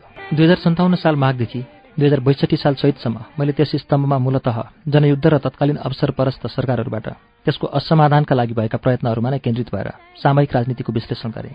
त्यसपछि माग र इच्छा हुँदाहुँदै पनि बिरामी भएकाले लेख्न सकिनँ। अत यहाँ म जनयुद्ध सम्बन्धी मैले पहिले गरिसकेका विश्लेषणहरू नदोहोऱ्याएर रामेछापको अनुभवमा मात्र केन्द्रित भएको छु। मेरो रोजा राजनीतिक टिप्पणीहरूको सङ्कलन चेतना भया प्रकाशोन्मुख छ। त्यसमा तलको लेख पनि परेको छ। यसमा मैले बौद्धलपछिको कुनै पनि सत्ताले आजसम्म जनयुद्ध वा कुनै पनि प्रमुख राष्ट्रिय समस्याको समाधानका लागि किन कुनै प्रभावकारी पाइला चालेन भन्ने बारे लेखेको छु। यो अझै उत्तिकै सामयिक र सत्य छ। सामान्य सम्पादनसहित त्यसको प्रमुख अंश यस्तो छ। एकादेशमा हात्तीले माला लगाएर नयाँ राजा छान्थ्यो। एकपटक त्यसरी छानिने राजा जोगी परेछ। जनताले सोचे जोगीहरू त्यागी हुन्छन्। त्यागीहरू काम क्रोध लोभ र मोहको मोहनीबाट मुक्त हुन्छन्। अत उनीहरू देश हित गर्छन्। तर त्यो जोगी सक्कली होइन नक्कली परेछ। ऊ देश हितभन्दा बढी सुहितमा चिन्तित भएछ र हलुवापुरीमा रमाएछ। अघि जोगी हुँदा ऊ हवाई चप्पल लगाएर दैलो दैलो मागी मागी छाट टार्थ्यो भने अब राजा भएपछि पल्टी पल्टी अहिलेको भन्सारमुक्त प्राडो पजेरो वाहनहरूमा सुखसयल गर्थ्यो र हलुवापुरीमा रमाउँथ्यो। गरिब जनता झन् गरिब हुँदै गए र ऊ लगायत उसका वरिपरिका नाता गोता चाप्लुस र भ्रष्टहरू झन् धनी हुँदै गए। बेरोजगारी र अन्यायले सीमा लाग्यो देशव्यापी विद्रोहको ज्वाला उठ्यो। उसलाई भनियो विद्रोहीहरूले जङ्गलबाट विद्रोह सुरु गरेका छन्। उसले त्यो सुन्नै चाहेन। त्यसको गम्भीरतामा उसले कुनै वास्ता गरेन। प्रतिक्रियामा उसले सोध्यो मेरो हलुवापुरी त ठिक छ नि? जवाफ आयो ठिक छ। उसले भन्यो उसो भए सब ठिक छ। केही समय बित्यो। फेरि अखबार आयो। विद्रोहीहरूले गाउँहरू कब्जा गरे। उसले उसै गरी सोध्यो मेरो हलपुरीमा कुनै गडबड त छैन नि? जवाफ आयो सब ठिक छ कुनै गडबड छैन। उसले भन्यो उसो भए सब ठिक छ। अनि फेरि खबर आयो विद्रोहीहरूले जिल्लाहरू कब्जा गरिसके। उसले उसै गरी सोध्यो मेरो हल्लापुरीको व्यवस्थामा सब ठिकठाक छ न? जवाफ आयो सब ठिकठाक छ। उसले उसै गरी भन्यो उसो भए सब ठिकठाक छ। जबसम्म हल्लापुरी ठिकठाक छ तबसम्म सब ठिकठाक छ। अन्तमा खबर आयो विद्रोहीहरूले राजधानी नै कब्जा गरे। उसले उसै गरी सोध्यो तब मेरो हल्लापुरीको के हाल छ? जवाफ आयो अब हल्लापुरीको बिहाल छ। अब यस राज्यले तिमीलाई हलुवापुरी दिन सक्दैन। उसले भन्यो उसो भए खै कहाँ छ मेरो कमण्डलु देऊ? म जहाँबाट आएको थिएँ त्यहीँ जान्छु भिक्षा माग्न। जब यहाँ हलुवापुरी नै छैन भने मेरो यहाँ के काम छ? थोर बहुत आफूले जे जम्मा गरिलिएको छु र आफन्तहरूले पनि जे आज जम्मा गरिलिएका छन् त्यो त लिएर जान पाइहाल्छु नि। आफ्नो र आफन्तहरूको गुजारा भइजान्छ। देश भड्खालोमै परे पनि म जोगीलाई के? त्यो एकादेशको यही देश हो। त्यो राजा छान्ने हात्ती यहीको बौद्धलीय व्यवस्था हो। परापूर्वकालको त्यो जोगी राजा विगत एघार वर्ष बौद्धलीय हात्तीले माला लगाएर छानेका विभिन्न दलका एकल र संयुक्त सरकारहरू हुन्। ती सबै सरकार र सरकार प्रमुखहरूले जुन जोगी आए पनि कानै छिरेका भन्ने उखान सार्थक पारेर देखाएका छन्। उहिलेको हल्लापुरीको समकक्ष नयाँ नयाँ इन्द्रिय सुखहरू र निजी स्वार्थमा रमाएर। विगत एघार वर्षमा सरकारहरूको सम्पूर्ण शक्ति राज्यको हलुवापुरी सेवन गर्न लाग्यो। जबसम्म हलुवापुरी जोडिरह्यो शासकहरूलाई कुनै पनि विद्रोहको न्यायोचित सामना गर्ने सुन्ने बुझ्ने र बदलिने चेता आएन। किनभने बौद्धलको हात्तीले माला लगाएर सत्तामा पुर्याएकै थियो। सत्तामा सुखसाल र हलुवापुरीको कमी थिएन। देशको समस्या समाधान गर्न सत्तामा गएको भए पो विद्रोहीका कुरा सुन्ने गुन्ने बुझ्ने र समाधान गर्ने कुराले प्राथमिकता पाउँथ्यो। सत्तामा जाने प्राथमिकता हलुवापुरी थियो र त्यो जुरेकै थियो। जनयुद्धबाट थालिने भएको विद्रोह जाति युद्ध सम्प्रदाय युद्ध र भाषा युद्धका बाटाहरू छिचोल्दै गृहयुद्धमा परिणत हुने प्रबल सम्भावना छ। आज भदौ चौबिस गते यो लेख लेख्ने दिनको छापाहरूमा त्यस क्रूर यथार्थका धेरै सङ्केतहरू देखा परेका छन्। वर्षमा तेइस गते भएको माओवादी प्रतिकार राजनीतिक सङ्घर्ष मात्र नभएर जातीय युद्धको थालनी हुन सक्छ। भाषागत साम्प्रदायिक दलित अदलित र जात जातिगत समूहहरूमा यति कटुता छ कि कुनै पनि बेला यसले युद्धको रूप लिन सक्छ। कतिपय राजनीतिक दलहरू आपसमा काटाकाट गर्न तत्पर छन्। सत्ताको होड अगाडि आयो भने कुनै पनि बेला त्यो विस्फोटन हुन सक्छ। माओवादीका कारवाहीहरू त छँदै थिए। तिनका प्रतिकारका कारवाहीहरू पनि सुनिन थालेका छन्। पहिलोपटक माओवादी विरुद्ध सेनाले आफ्नो क्रियाशीलता देखाएको छ। गोर्खामा पहिलोपटक सेनाले माओवादीमाथि गोली चलाएको छ। रोल्पामा सेना र प्रहरी सक्रिय भन्ने समाचार आएको छ। देशव्यापी रूपमा सुरक्षाका सबै नाकाहरूमा सुरक्षाका सबै निकायहरू क्रियाशील गरिएका छन् भन्ने दावी सुनिएको छ पढिएको छ। यी सबै कुराले गृहयुद्धको सूतक लागिसकेको सङ्केत गर्छन्। अन्यायको पराकाष्ठाप्रतिको विद्रोहको प्रथम विस्फोट जङ्गलमा भयो। शासकहरूले नसुनेको जस्तो गरे हलुवापुरी खाइरहे। जङ्गलबाट विद्रोह गाउँ पस्यो नदेखेको जस्तो गरे हलुवापुरी खाइरहे। गाउँ गाउँबाट विद्रोह जिल्ला जिल्लामा पुग्यो नबुझेको जस्तो गरेर हलुवापुरी खाइरहे। अब विद्रोह राजधानीमा पुग्दैछ र हलुवापुरी उपलब्ध नहुने अवस्था सिर्जना हुँदैछ। अब हेर्नु छ शासकहरू कमण्डलु बोकेर फेरि मुसो भएर डाँडा काट्छन् कि समस्याको न्यायपूर्ण समाधानका लागि कम्बर कस्छन् जुन हलुवापुरी सेवन संस्कृतिभन्दा झन् बढी कठिन छ। हलुवापुरीको संस्कृति नेपाल साप्ताहिक असोज एकदेखि पन्ध्र दुई हजार अन्ठाउन्न। रामेछापको पहिलो ठूलो घटना थियो। माओवादीद्वारा दुई हजार त्रिपन्न साल पुस उन्नाइस गते बेथान प्रहरी चौकीमा आक्रमण र कब्जा। यसमा दुवैतिर केही ज्यान गए। उनीहरूले यसको चार वर्षपछि मात्र रामेछापमा अर्को ठूलो कारवाहीमा दोरम्बाको प्रहरी चौकी कब्जा गरे। दुई हजार सन्ताउन्न सालसम्ममा माओवादीहरूले एकै दिनमा अनेक ठाउँमा ठुल्ठुला आक्रमण गर्न थालिसकेका थिए। देशभरिका धेरै ठाउँमा प्रहरी बेस क्याम्पहरू इलाका प्रहरी कार्यालयहरू बैङ्कहरू र डोल्पाको सदरमुकाम दुनै समेत कब्जा गरिसकेका थिए। त्यसपछि त जनयुद्ध झन् चर्किँदै गयो। सदरमुकामहरूमा भयानक आक्रमणहरू माओवादीका लागि सामान्य जस्तै भए। सुरक्षाकर्मीहरू लङ्गडा हाँस जस्ता र माओवादीहरू सिपालु शिकारी जस्ता भए। राजा सरकार प्रमुखहरू चाटुकारहरू मन्त्रीका नाचका जमुरे अर्थात् बाँदर बाँदरनी जस्ता भए। माओवादीहरू बाँदर नचाउने मदारी जस्ता भए त्रस्त जनता रमिते भए। त्यसपछि सबै छिमेकी जिल्लामा निकै रापताप बढाएपछि जनयुद्ध मेलो मिलाएर रामेछाप पसेको थियो। अरू जिल्लाहरूमा जस्तै रामेछापमा पनि माओवादी र राजा वीरेन्द्रको सहकारी राम्रो थियो। माओवादी विरुद्ध सेना परिचालन हुनु अघि गाउँको गोरेटोमा हतियार र वर्दीधारी माओवादी लस्करसँग गस्तीमा गएका सेनाको जम्काभेट हुन्थ्यो। त्यस्ता बेलाहरूमा सेना आफू एक छेउको अप्ठ्यारो बाटोबाट हिँडेर माओवादीहरूलाई हिँड्न अर्को छेउको बाटो सजिलो पारिदिन्थे। जिल्लाका सेना प्रमुखलाई सोधे के हो यस्तो? माओवादीलाई केही गर्नु भन्ने हामीलाई आदेश छैन। उनले जवाफ दिए। गाउँका प्रहरी चौकीहरूलाई गाउँमा नै थ्याक्न नसकेर सरकारले ठूला चौकीहरूमा गाभ्यो अथवा सदरमुकामहरूमा सार्यो सरकार त्यसरी माओवादीहरूलाई दूरस्थ ग्रामीण इलाकाहरूमा बिना सङ्कोच चलखेल गर्न दिन बाध्य भयो। त्यो माओवादीको ठूलो रणनीतिक सफलता थियो। अनि गाउँहरूमा उनीहरूको एक छत्र राज्य भयो। माओवादी जिल्ला जनसरकार बनाउन लागे। एक वर्ष अघिदेखि नै माओवादी देशको अस्सी प्रतिशत ग्रामीण जिल्ला इलाकामा आफ्नो लट्ठी मुङ्री बन्दुकको शासन भएको दावी गर्न लागेका थिए। यो धेरै हदसम्म सत्य थियो। माओवादी जनयुद्धले मलाई मेरो अग्निसूत्र कविता सम्झाउँछ जुन दुई हजार छयालिस साल फागुनमा बौद्धलको आन्दोलनको घोषणा हुनु छ महिना अघि असोजको मधुपर्कमा छापिएको छ। यो कविता लेखेपछि केही महिना छाप्ने आँट भएको सम्पादकको खोजीमा बित्यो। पञ्चायतको पुरा रापताप थियो र त्यति चाँडै ढलिहाल्ला भन्ने विश्वास कमैलाई थियो। त्यसबेलाका मधुपर्कका सम्पादक मेरा अग्रज र उत्कृष्ट कवि कृष्णभक्त श्रेष्ठको आँटले मात्र यो छापिएको नेपालमा दुई हजार छयालिस सालमा सुरु भएको अग्निवर्षा बौद्धलले काम गर्ने राम्रो मौका पाएर पनि थामिएन बौद्धल र जनयुद्ध मिलेर अर्को अग्निवर्षा ल्याए अहिले नेपालभरि अग्निवर्षा व्याप्त छ। यो कविता अझै पनि प्रासङ्गिक छ। जब आगो वर्षन्छ तिमीहरूले अग्नि स्नान गर्नुपर्नेछ। अघि पानी वर्षन्थ्यो तिमीहरू पानीका जङ्घार तर्दथ्यौ तापनि गुनासो गर्थ्यौ। अब आगो वर्षन्छ तिमीहरूले ज्वालाको प्रवाहमा हेलिन सक्नुपर्नेछ। अब अकाल वर्षन्छ पाकेको बालीमा केवल भोग फल्नेछ। अघिका सहकालहरू सम्झिँदै पेट पाल्ने न्युमा तिमीहरूले एकअर्कालाई जिउँदै दार्नुपर्नेछ। अब व्याधि वर्षन्छ अघिका सुदिनहरू सम्झिँदै उपचारको क्रममा सहयोग गर्न तिमीहरूले एकअर्कालाई मार्नुपर्नेछ। अब रगत वर्षन्छ तिमीहरू रगतमा मुसिनेछौ रगतका छिटा पर्दा झस्केका अवसरहरू सम्झिँदै तिमीहरूले रगतको नदीमा पौडी खेल्नुपर्नेछ। अब आगो वर्षन्छ अब अकाल वर्षन्छ अब व्याधि वर्षन्छ अब रगत वर्षन्छ भोक हुनेछ तिमीहरूको सामल। त्यो सामल बोकेर रगतको नदीमा पौडिन सिक व्याधि हुनेछ तिमीहरूको कवच। त्यो लगाएर आगोको नदीमा आफ्नै पाइला हाल्न सिक। अब तिमीहरू अग्नि स्नात भएर मात्र पारी पुग्नेछौ केही गरी पुग्यो भने अब तिमीहरू रक्त स्नात भएर मात्र पारी पुग्नेछौ केही गरी पुग्यो भने अब तिमीहरूको दीक्षा केवल आगो र रगत हो। सपनाहरू सकिए। विपनाको कालकुट आत्मसात गर्न सिक। अग्निसूत्र। घृणा न युद्धको बिउ हो। प्रेम न युद्धको मारक हो। प्रेमको शक्तिले शक्तिको प्रेमलाई जितेपछि मात्र संसार शान्तिमय हुन्छ। तर बलियो मान्छेले निर्दो मान्छेलाई जिउँदै खाने आजको यस संसारमा प्रेमको शक्तिले शक्तिको प्रेमलाई जित्ला भनेर चिताउनु असम्भव छ। माओवादीको शक्ति प्रेमलाई प्रेमको शक्तिले जितेको छैन। सिंहकै एक युगपछि माओवादीका तर्फबाट शान्ति आउन लागेको छ कि जस्तो वाहनले सुख दिएको छ। त्यो भानमा मान्छे रमाएका छन्। माओवादीले चाहेको शक्ति र वैधता पाएका छन्। तर माओवादीले हिँडेर शक्तिमा पुगेको छोटो बाटोले अरू दर्जनौं शक्ति प्रेमीहरूलाई यति प्रेरित गरेको छ कि उनीहरू त्यही बाटोमा जीव ज्यान दिएर लागेका छन्।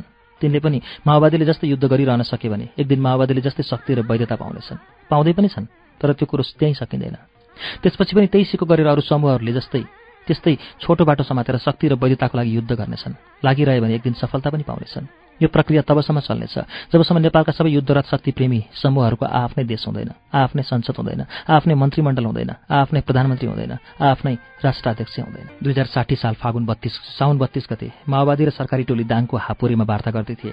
त्यही दिन सेनाले रामेसापको दोरम्बामा उनाचासजना माओवादीलाई मुठभेडमा मारेको दावा गरे। त्यो कुरा पछिका दशी र कसीहरूले झुटो ठहरियो। त्यसको दस दिनपछि माओवादीले युद्धविराम र वार्ता भङ्ग भएको घोषणा गरे। यसरी रामेछापको दोरम्बा काण्ड नै युद्धविराम र वार्ता भङ्गको ऐतिहासिक कारण बन्यो। त्यसपछि जनयुद्ध झन् थेगिन सक्नु गरी चर्कियो।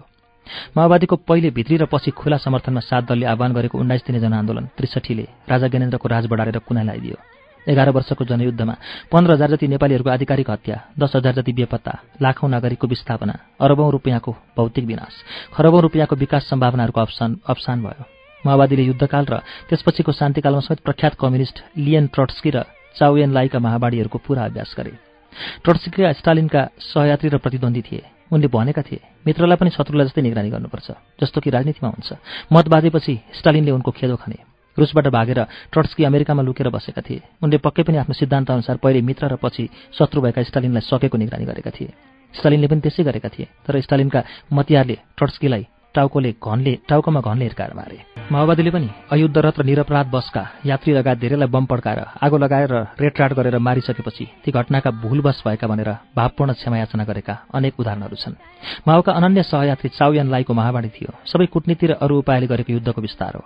युद्धविराम कालमा डाक्टर बाबुराम भट्टराईबाट यसको प्रतिध्वनि बारम्बार सुनियो। वार्ताको टेबल युद्धभूमिकै विस्तार हो। माओवादीले यी दुवै सिद्धान्त अनुरूप जनयुद्ध युद्धविराम र शान्तिकालमा प्रमुख दलहरूसँग व्यवहार व्यवहार गरिरहेका थिए र छन्। यसमा माओवादीहरू प्रोएक्टिभ वा पूर्व सक्रिय छन् र प्रमुख दलहरू रियाक्टिभ वा पश्च सक्रिय जस्तो चितुवा शिकार गर्दा प्रोएक्टिभ हुन्छ जम्टन्छ उसले उसको शिकारले भाग्ने रियाक्सन गर्छ। दुई हजार सन्ताउन्न सालसम्म चरीकोट फेदीको तामाकोसीको नयाँ पुलसम्म मात्रै मोटर जान्थ्यो। पछि खेम्ती जलविद्युत आयोजना स्थल किर्निटारसम्म पुग्यो। अब मन्थलीभन्दा पर पुग्छ। यस दशकमा म अनगिन्ती पटक पहिले नयाँ पुल र पछि किर्नेटारसम्म मोटरमा र त्यसपछि हिँडेर मन्थली गएको छु। तामाकोसी किनारको त्यो पट्यार लाग्दो गोरेटोमा मलाई एउटा दृश्यले सधैँ आकर्षित गर्थ्यो। त्यो थियो। मन्थलीभन्दा तीन किलोमिटर वर हलेदे बिसीमा बाटामुनिको एउटा घरको धुरीमा फरफराइरहेको हँसिया घन अङ्कित झण्डा लाग्थ्यो। एउटा सक्कली कम्युनिस्ट त्यहाँ रहेछ। त्यो झण्डा बौद्धल आएदेखि दुई हजार उनासाठी साल भदौ अठार गति माओवादीले झपटबहादुर बुढाथोकीको हत्या नगरेसम्म अटुट फरफरायो। उनको लास घरभन्दा तीन सय मिटर पर पाइयो। जिउमा तीन गोली लागेका थिए। घटनास्थलमा माओवादी सेनाका लुगाका टुक्रा र जुत्ता फेला परेका थिए जसबाट अनुमान गर्न सकिन्थ्यो उनले माओवादीहरूसँग अन्तिम साससम्म सकेको सङ्घर्ष गरे। उनी जण्ड मिजाजका थिए। आखिर उनी पनि उनलाई मार्ने नव कम्युनिस्टभन्दा पुराना र खारिएका कम्युनिस्ट थिए। माओवादी थिएनन् तर कम्युनिस्ट धर्म नमान्ने विधर्मी काफिर पनि थिएनन्। झपटसँग मेरो परिचय यसरी भयो। एक यात्रामा म थरक मार्न र चिया खान झपटको पसलमा बसेँ। चिया बनाउँदै गर्दा उनले भने तासेसले जिल्लाभरि खानेपानी बनाउँछ। यो गाउँलाई हेर्दैन। कोसीको पानी खाँदा खाँदा झाडाबान्ता लागेर मर्न लाग्यो। कति केटाकेटी मरिसके। बर्खाभरि बाढीको लेदो खानुपर्छ।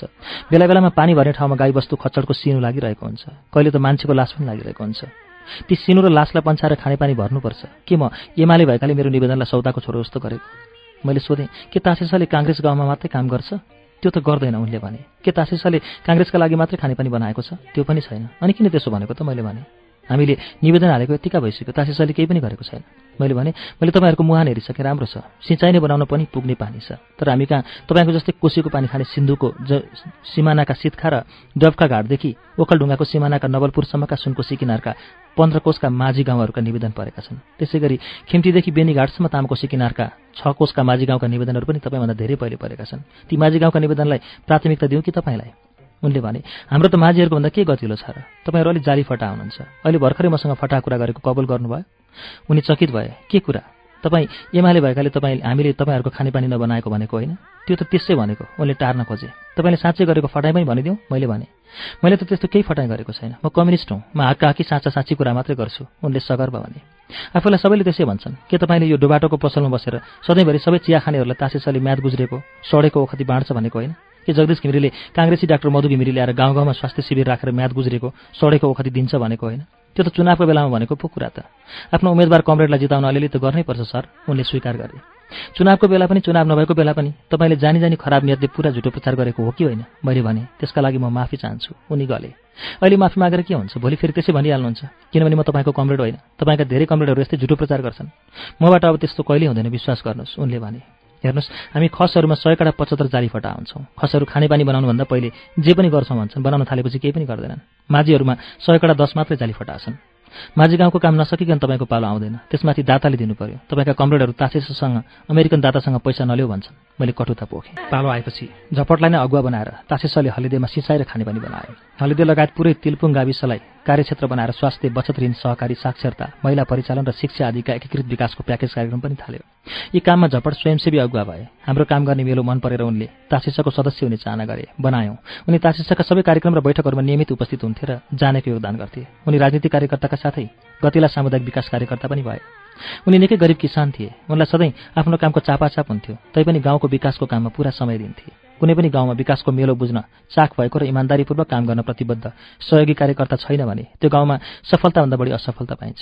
चपटको त्यस ठाउँको विकास गर्ने दृढ लगन र प्रतिबद्धताका कारणले नै हामीले त्यहाँ काम गरेका थियौँ। हलिदेमा सबै काम राम्रोसँग सम्पन्न भए। तर झपट र उनका दाजु मिनबहादुर बुढाथोकी बाहेक अरू कुनै किसानले पनि तरकारी खेती गरेर आम्दानी बढाएनन्। बाह्रै महिना सिँचाइ गर्ने पानी भए पनि धान र मकै मात्रै लगाए त्यहाँका अरू खसहरूले अल्छी गरेर आफैलाई ठगे। झपट कट्टर एमाले भए पनि दुई हजार छप्पन्न सालको चुनाव अघि मसँग भने सर यसपालि टिकट लिएर आउनुहोस्। टिकट ल्याएर के गर्नु? तपाईँको पार्टीले लक्ष्मण घिमिरेलाई हराएको जस्तो मलाई पनि हराइदिइहाल्छ नि। मैले भने तपाईँ लक्ष्मण घिमिरे हो र हराउन सक्छ? म र म जस्ता धेरै एमाले कार्यकर्ताले तपाईँको समर्थन गर्नेछन्। म त खोलेरै लाग्छु। पार्टीले कारवाही गरे जान्छु काङ्ग्रेसमा आफ्ना सबै साथीहरू लिएर। विद्रोह नै गरे पनि म जतिको कार्यकर्तालाई एमाले गुमाइहाल्दैन। तपाईँभन्दा यो जिल्लामा बढी विकास गरेको अरू कोही उम्मेद्वार बनाओ अनि त्यसलाई समर्थन गर्छु भन्छु। को छ र त्यस्तो? कोही छैन। र त त्यो अड्को थाप्छु भनेको उनले भने न मैले कहिले टिकट ल्याएँ न उनले कहिले एमाले छोडे। झपट लामा कपाल र दारी पाल्थे। मैला दैला किसान अलि साना काठीका कालमाग जस्ता देखिन्थे। उनका ठेलाले पुरिएका हत्केला उनको कठोर परिश्रमका साक्षी थिए। मारिदा अडचालिस वर्षका थिए। उमेरमा भारत गएर काम गरेका थिए र उही कम्युनिजमको दीक्षा लिएर आएका थिए। उनी सदैव कट्टर कम्युनिस्ट रहे। उनको के अपराध थियो सार्वजनिक भएन। एमाले काठमाडौँमा उनको शोक सभा गरे। आयोजकहरूले त्यसमा राख्न मसँग उनको फोटो मागे थिए। रामेछापमा सेनातिरबाट कुख्यात दोहोरोमा घटना लगायत अनेकौं हत्या भए। मारिनीहरू यातना र गोलीको शिकार भए भने घाइते हुनेहरू र पक्राउ पर्नेहरू कुटपिट र अनेक थरीका यातनाका शिकार भए। कुन पक्षले कति अचाक्ली गरे त्यसको वास्तविकता गर्ने र गरिनेलाई मात्र थाहा हुन्छ। उनीहरूले गरेको वर्णन पनि घटी बढी हुन्छ। स आयास र अनायास दुवैतर्फबाट एकै गोलीमा खाएर मर्नेहरू भाग्यमानी भए नभए अभागी। दुवै पक्षबाट कुटपिटले थङथिलो पारिनु हातखुट्टा बाँचिनु किचकाच पारिनु ठाउँ ठाउँमा सिरेर नुनचुक दलेर भुत्ते हतियारले रेटराट गरिनु अनेक शारीरिक र मानसिक यातना दिनु। विवत्स घाइते बनाएर कसरी उपचार वा सहयोग गर्यो भने त्यसको पनि यही गति हुनेछ भनिनु त्रासद धम्कीसहित सडेर वा स्यालले लुछेर मर्नका लागि छाडिनु सामान्य भयो। फलत सैकडौँ परिवार विस्थापित भए देशैभरि जे जस्ता घटना भए यो जिल्लामा पनि दुईतिरैबाट भए त्यो कुनै नौलो कुरा भएन। तर मलाई स्तब्ध पार्ने कुरा के हो भने झपट जस्तो आफ्नो गाउँको विकासका लागि मरिमेट्ने मान्छे त्यो पनि खारिएको कम्युनिस्टको किन त्यसरी हत्या भयो? झपट बाहेक अन्य एकजना मेरा विकास कार्यका सहयोगीको हत्या र अर्का एकजनाको विभत्स अङ्गभङ्गबाट म अत्यन्त खिन्न भएँ। यी दुवै मित्रहरूले आफ्ना गाउँमा खानेपानीको मुहान र पाइपलाइन खन्ने गोरेटो वितरण ट्याङ्की र धाराहरूको स्थानको टुङ्गो गर्न उपभोक्ताले पैसा जम्मा गरेर मर्मत सम्भार कोष बनाउन प्रेरित गर्ने तथा बचत ऋण कार्यक्रम सञ्चालन गर्ने काममा तासेसलाई ठूलो मद्दत गरेका थिए। पानीको हाहाकार भएका ती गाउँमा दिनदिनै घन्टौँ टाढाबाट पानी बोक्न बाध्य महिलाले उनीहरूकै त्याग तपस्याले घर छेउमा धाराको सुख पाएका थिए। गाउँलेहरूले सफा पानी खान पाएका थिए। बचत ऋण कार्यक्रमले गाउँलेलाई थोरै भए पनि स्थानीय साउको चर्को ब्याजबाट मुक्ति दिएको थियो। यी आफ्ना गाउँको विकासका अगुवा थिए। यिनको आँगनमा बसेर दिन दिनभरि गाउँलेहरूसँग छलफल गरेको यिनको दलानमा रात बिताएको र यिनको परिवारले साग सिस्नुले सत्कार गरेको मेरो सम्झना आलै छ।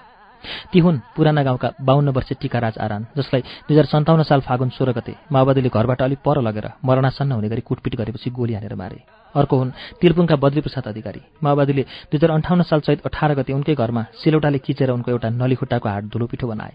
पछि मैले रामेछापका सम्बन्धित माओवादी नेतालाई तिनको अपराधबारे सोद्धा भने दाई हामीले केही गरेका होइनौँ। हामीले हाम्रो मूलबाटाका तगारा मात्रै बाँचेका हौँ। चाहे ती टिकाराज आरान हुन् झपटबहादुर बुढाथोकी हुन् वा बद्रीप्रसाद अधिकारी हामीले जनयुद्धको बाटाका तगारा मात्रै बाँच्दै हिँडेका हौँ। दुई हजार साठी साल मङ्सिरमा मैले नेपाल साप्ताहिकको आफ्नो चेतना भए स्तम्भमा युद्ध गीत शीर्षकको तलको कविता लेखेँ। औ गीत गाउँ युद्धको। हत्या र हिंसाको कहिल्यै नरोकिने श्रृङ्खलाको। समय बदलिएको छ नयाँ सहस्राब्दीमा। खेलको नियम होइन खेल नै बदलिएको छ। अघि जस्तो भोगटे होइन। बम लात्ते भूखण्ड भएको छ। सुन्तला होइन। ग्रेनेड खाने कुरा भएको छ। लट्ठी होइन। राइफल डन्डी भएको छ र कारतुस बियो भएको छ। खेल मार्ने र मर्ने भएको छ। नयाँ खेल भन्छ ठोक ठोक ठोक। हान मार काट सिद्ध्या बम पड्का आगो लगा खबरदार त्यो उम्खन नपाओस्। त्यो हाम्रो शत्रु हो। जसरी पनि त्यसलाई मार्नु छ त्यसको बाबुलाई मार्नु छ त्यसको छोरालाई मार्नु छ त्यसकी छोरीलाई मार्नु छ त्यसकी स्वास्नीलाई मार्नु छ त्यसको लोग्नेलाई मार्नु छ त्यसको स्वजनलाई मार्नु छ त्यसको मतियारलाई मार्नु छ मार्नु छ मार्नु छ मार्नु छ खेल यही हो कि मार्नु छ कि मर्नु छ उसले हान्न नपाउँदै आफूले हान्नुपर्छ उसले मार्न नपाउँदै आफूले मार्नुपर्छ दसैँमा मार्नुपर्छ तिहारमा मार्नुपर्छ तिजमा मार्नुपर्छ ईदमा मार्नुपर्छ होलीमा मार्नुपर्छ छठमा मार्नुपर्छ लोसारमा मार्नुपर्छ बुद्ध जयन्तीमा मार्नुपर्छ ईसा जयन्तीमा मार्नुपर्छ घरमा मार्नुपर्छ बसमा मार्नुपर्छ जात्रामा मार्नुपर्छ यात्रामा मार्नुपर्छ मार्नुपर्छ मार्नुपर्छ मार्नुपर्छ। ताछेर चिरेर नुनचुक दलेर मार्नुपर्छ घोचेर मार्नुपर्छ रेटेर मार्नुपर्छ ढुङ्गाले किचेर मार्नुपर्छ पासो लाएर मार्नुपर्छ ठटाएर मार्नुपर्छ निसासेर मार्नुपर्छ पानीमा चोपलेर मार्नुपर्छ करेन्ट लगाएर मार्नुपर्छ नङमुनि सियो रोपेर मार्नुपर्छ जसरी पनि मार्नुपर्छ। अरू कुनै उपाय छैन। त्यसलाई मारेर नै सक्नुपर्छ। त्यसलाई मारेर नै जित्नुपर्छ। नमारे अर्धमृत बनाएर छाड्नुपर्छ। कोही उपचार गर्न सहयोग गर्न तम्सियो भने त्यसलाई पनि तिनै उपायले ठेगान आउनुपर्छ। एकैपटकमा मार्नु हुँदैन। एकै गोलीले मार्नु हुँदैन। एकै चोटमा छिन्नु हुँदैन। नाक काट्नुपर्छ आँखा खोप्नुपर्छ दाँत फुकाल्नुपर्छ हात बाँच्नुपर्छ गोडा बाँच्नुपर्छ कुहेर मर्न छाडिदिनुपर्छ जिउँदै गाडी दिनुपर्छ गोडाको नङदेखि किच्दै मार्नुपर्छ हातको अर्थुङ्गादेखि फुकाल्दै मार्नुपर्छ पाता र निउडी खुस्कँदै मार्नुपर्छ प्रत्येक अङ्ग तास्दै चिर्दै मार्नुपर्छ प्रत्येक अङ्ग भङ्ग गरिसकेपछि मात्रै मार्नुपर्छ बिस्तारै बिस्तारै यातना दिएर मार्नुपर्छ यातनाको मजा लिएर मार्नुपर्छ। लड्दा लड्दै सबै मर्नुपर्छ। हार्ने त मरेकै हुन्छ जित्ने पनि मर्नुपर्छ। सबै मरिसक्नुपर्छ सबै ध्वस्त भइसक्नुपर्छ। परिवार ध्वस्त हुनुपर्छ समुदाय ध्वस्त हुनुपर्छ राष्ट्र ध्वस्त हुनुपर्छ पुलहरू भत्किसक्नुपर्छ। अस्पतालहरू ध्वस्त भइसक्नुपर्छ पाठशालाहरू खरानी भइसक्नुपर्छ सञ्चारहरू भङ्ग भइसक्नुपर्छ। सबै थोक भत्ताभङ्ग हुनुपर्छ सबै थोक समाप्त हुनुपर्छ। युद्ध यथार्थ हो। युद्ध विज्ञान हो। युद्ध कला हो। युद्ध गर्नुपर्छ। युद्ध त्यतिन्जेल गर्नुपर्छ। जतिन्जेल एकजनासम्म पनि जिउँदो हुन्छ। मृत्यु नै नियम हुनुपर्छ। यो सिद्ध हुनुपर्छ कि मृत्यु सबभन्दा सजिलो छ हत्या सबभन्दा सजिलो छ। अपराध भन्ने कुनै कुरा छैन। अपराध बोध नै अपराध हुनुपर्छ। त्यस युद्धको अन्तिम विजेता त्यो लास हुनुपर्छ जसले मुर्दा शान्ति प्राप्त गर्नेछ। अनि यो देशले जुन अहिले अर्धमसान छ पूर्णता प्राप्त गर्नेछ र पूर्ण मसान हुनेछ। अनि जित्नेले पनि हार्नेछ। र हार्नेले पनि जित्नेछ। यसका लागि युद्ध गर्नुपर्छ। युद्धको कुनै विकल्प छैन। युद्ध गर्नुपर्छ। युद्धको गीत गाउनुपर्छ। अनेकौँ युद्धहरू युद्ध विरामहरू भङ्गहरू रणनीतिक र कूटनीतिक चालहरू र प्रतिचालहरूपछि औपचारिकता रूपमा मात्र भए पनि एघार वर्षपछि त्रासद जनयुद्ध समाप्त भएको भान परेको छ। तर युद्ध चालु छ। दुई हजार छयालिस सालको अग्निसूत्रबाट मैले यस देशमा देख्न थालेको अग्निवर्षाले दुई हजार त्रिसठी साल कार्तिक तीस गते माओवादी र सात दलबीच भएको विस्तृत शान्ति सम्झौता र माओवादीद्वारा सशस्त्र सङ्घर्षको अन्त्यको घोषणापछि केही विश्राम पाएको छ। तर देशव्यापी अग्निवर्षा चालु छ।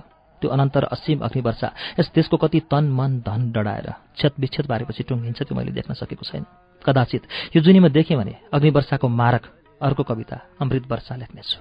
तासेसका स्वयंसेवक कर्मचारी सहयोगी र काम गरेका समुदायहरू एक ढिक्का भएर मेरो पक्षमा नउभिएका भए रामेछापमा सामुदायिक विकास गर्ने मेरो सपना नेताहरूका कारणले अधुरो मात्र होइन धुलो पिठो नै हुने थियो।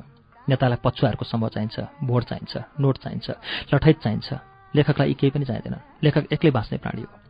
रामेछापका सक्कली नेताहरूले के बुझेनन् भने मेरो रगतमा सोझो लेखक थियो। म उनीहरू जस्तो काइती नेता थिएन उनीहरूले आफै जस्तो ठालेर मलाई पछाडिबाट छिर्की हाने म सोझै जुधेँ।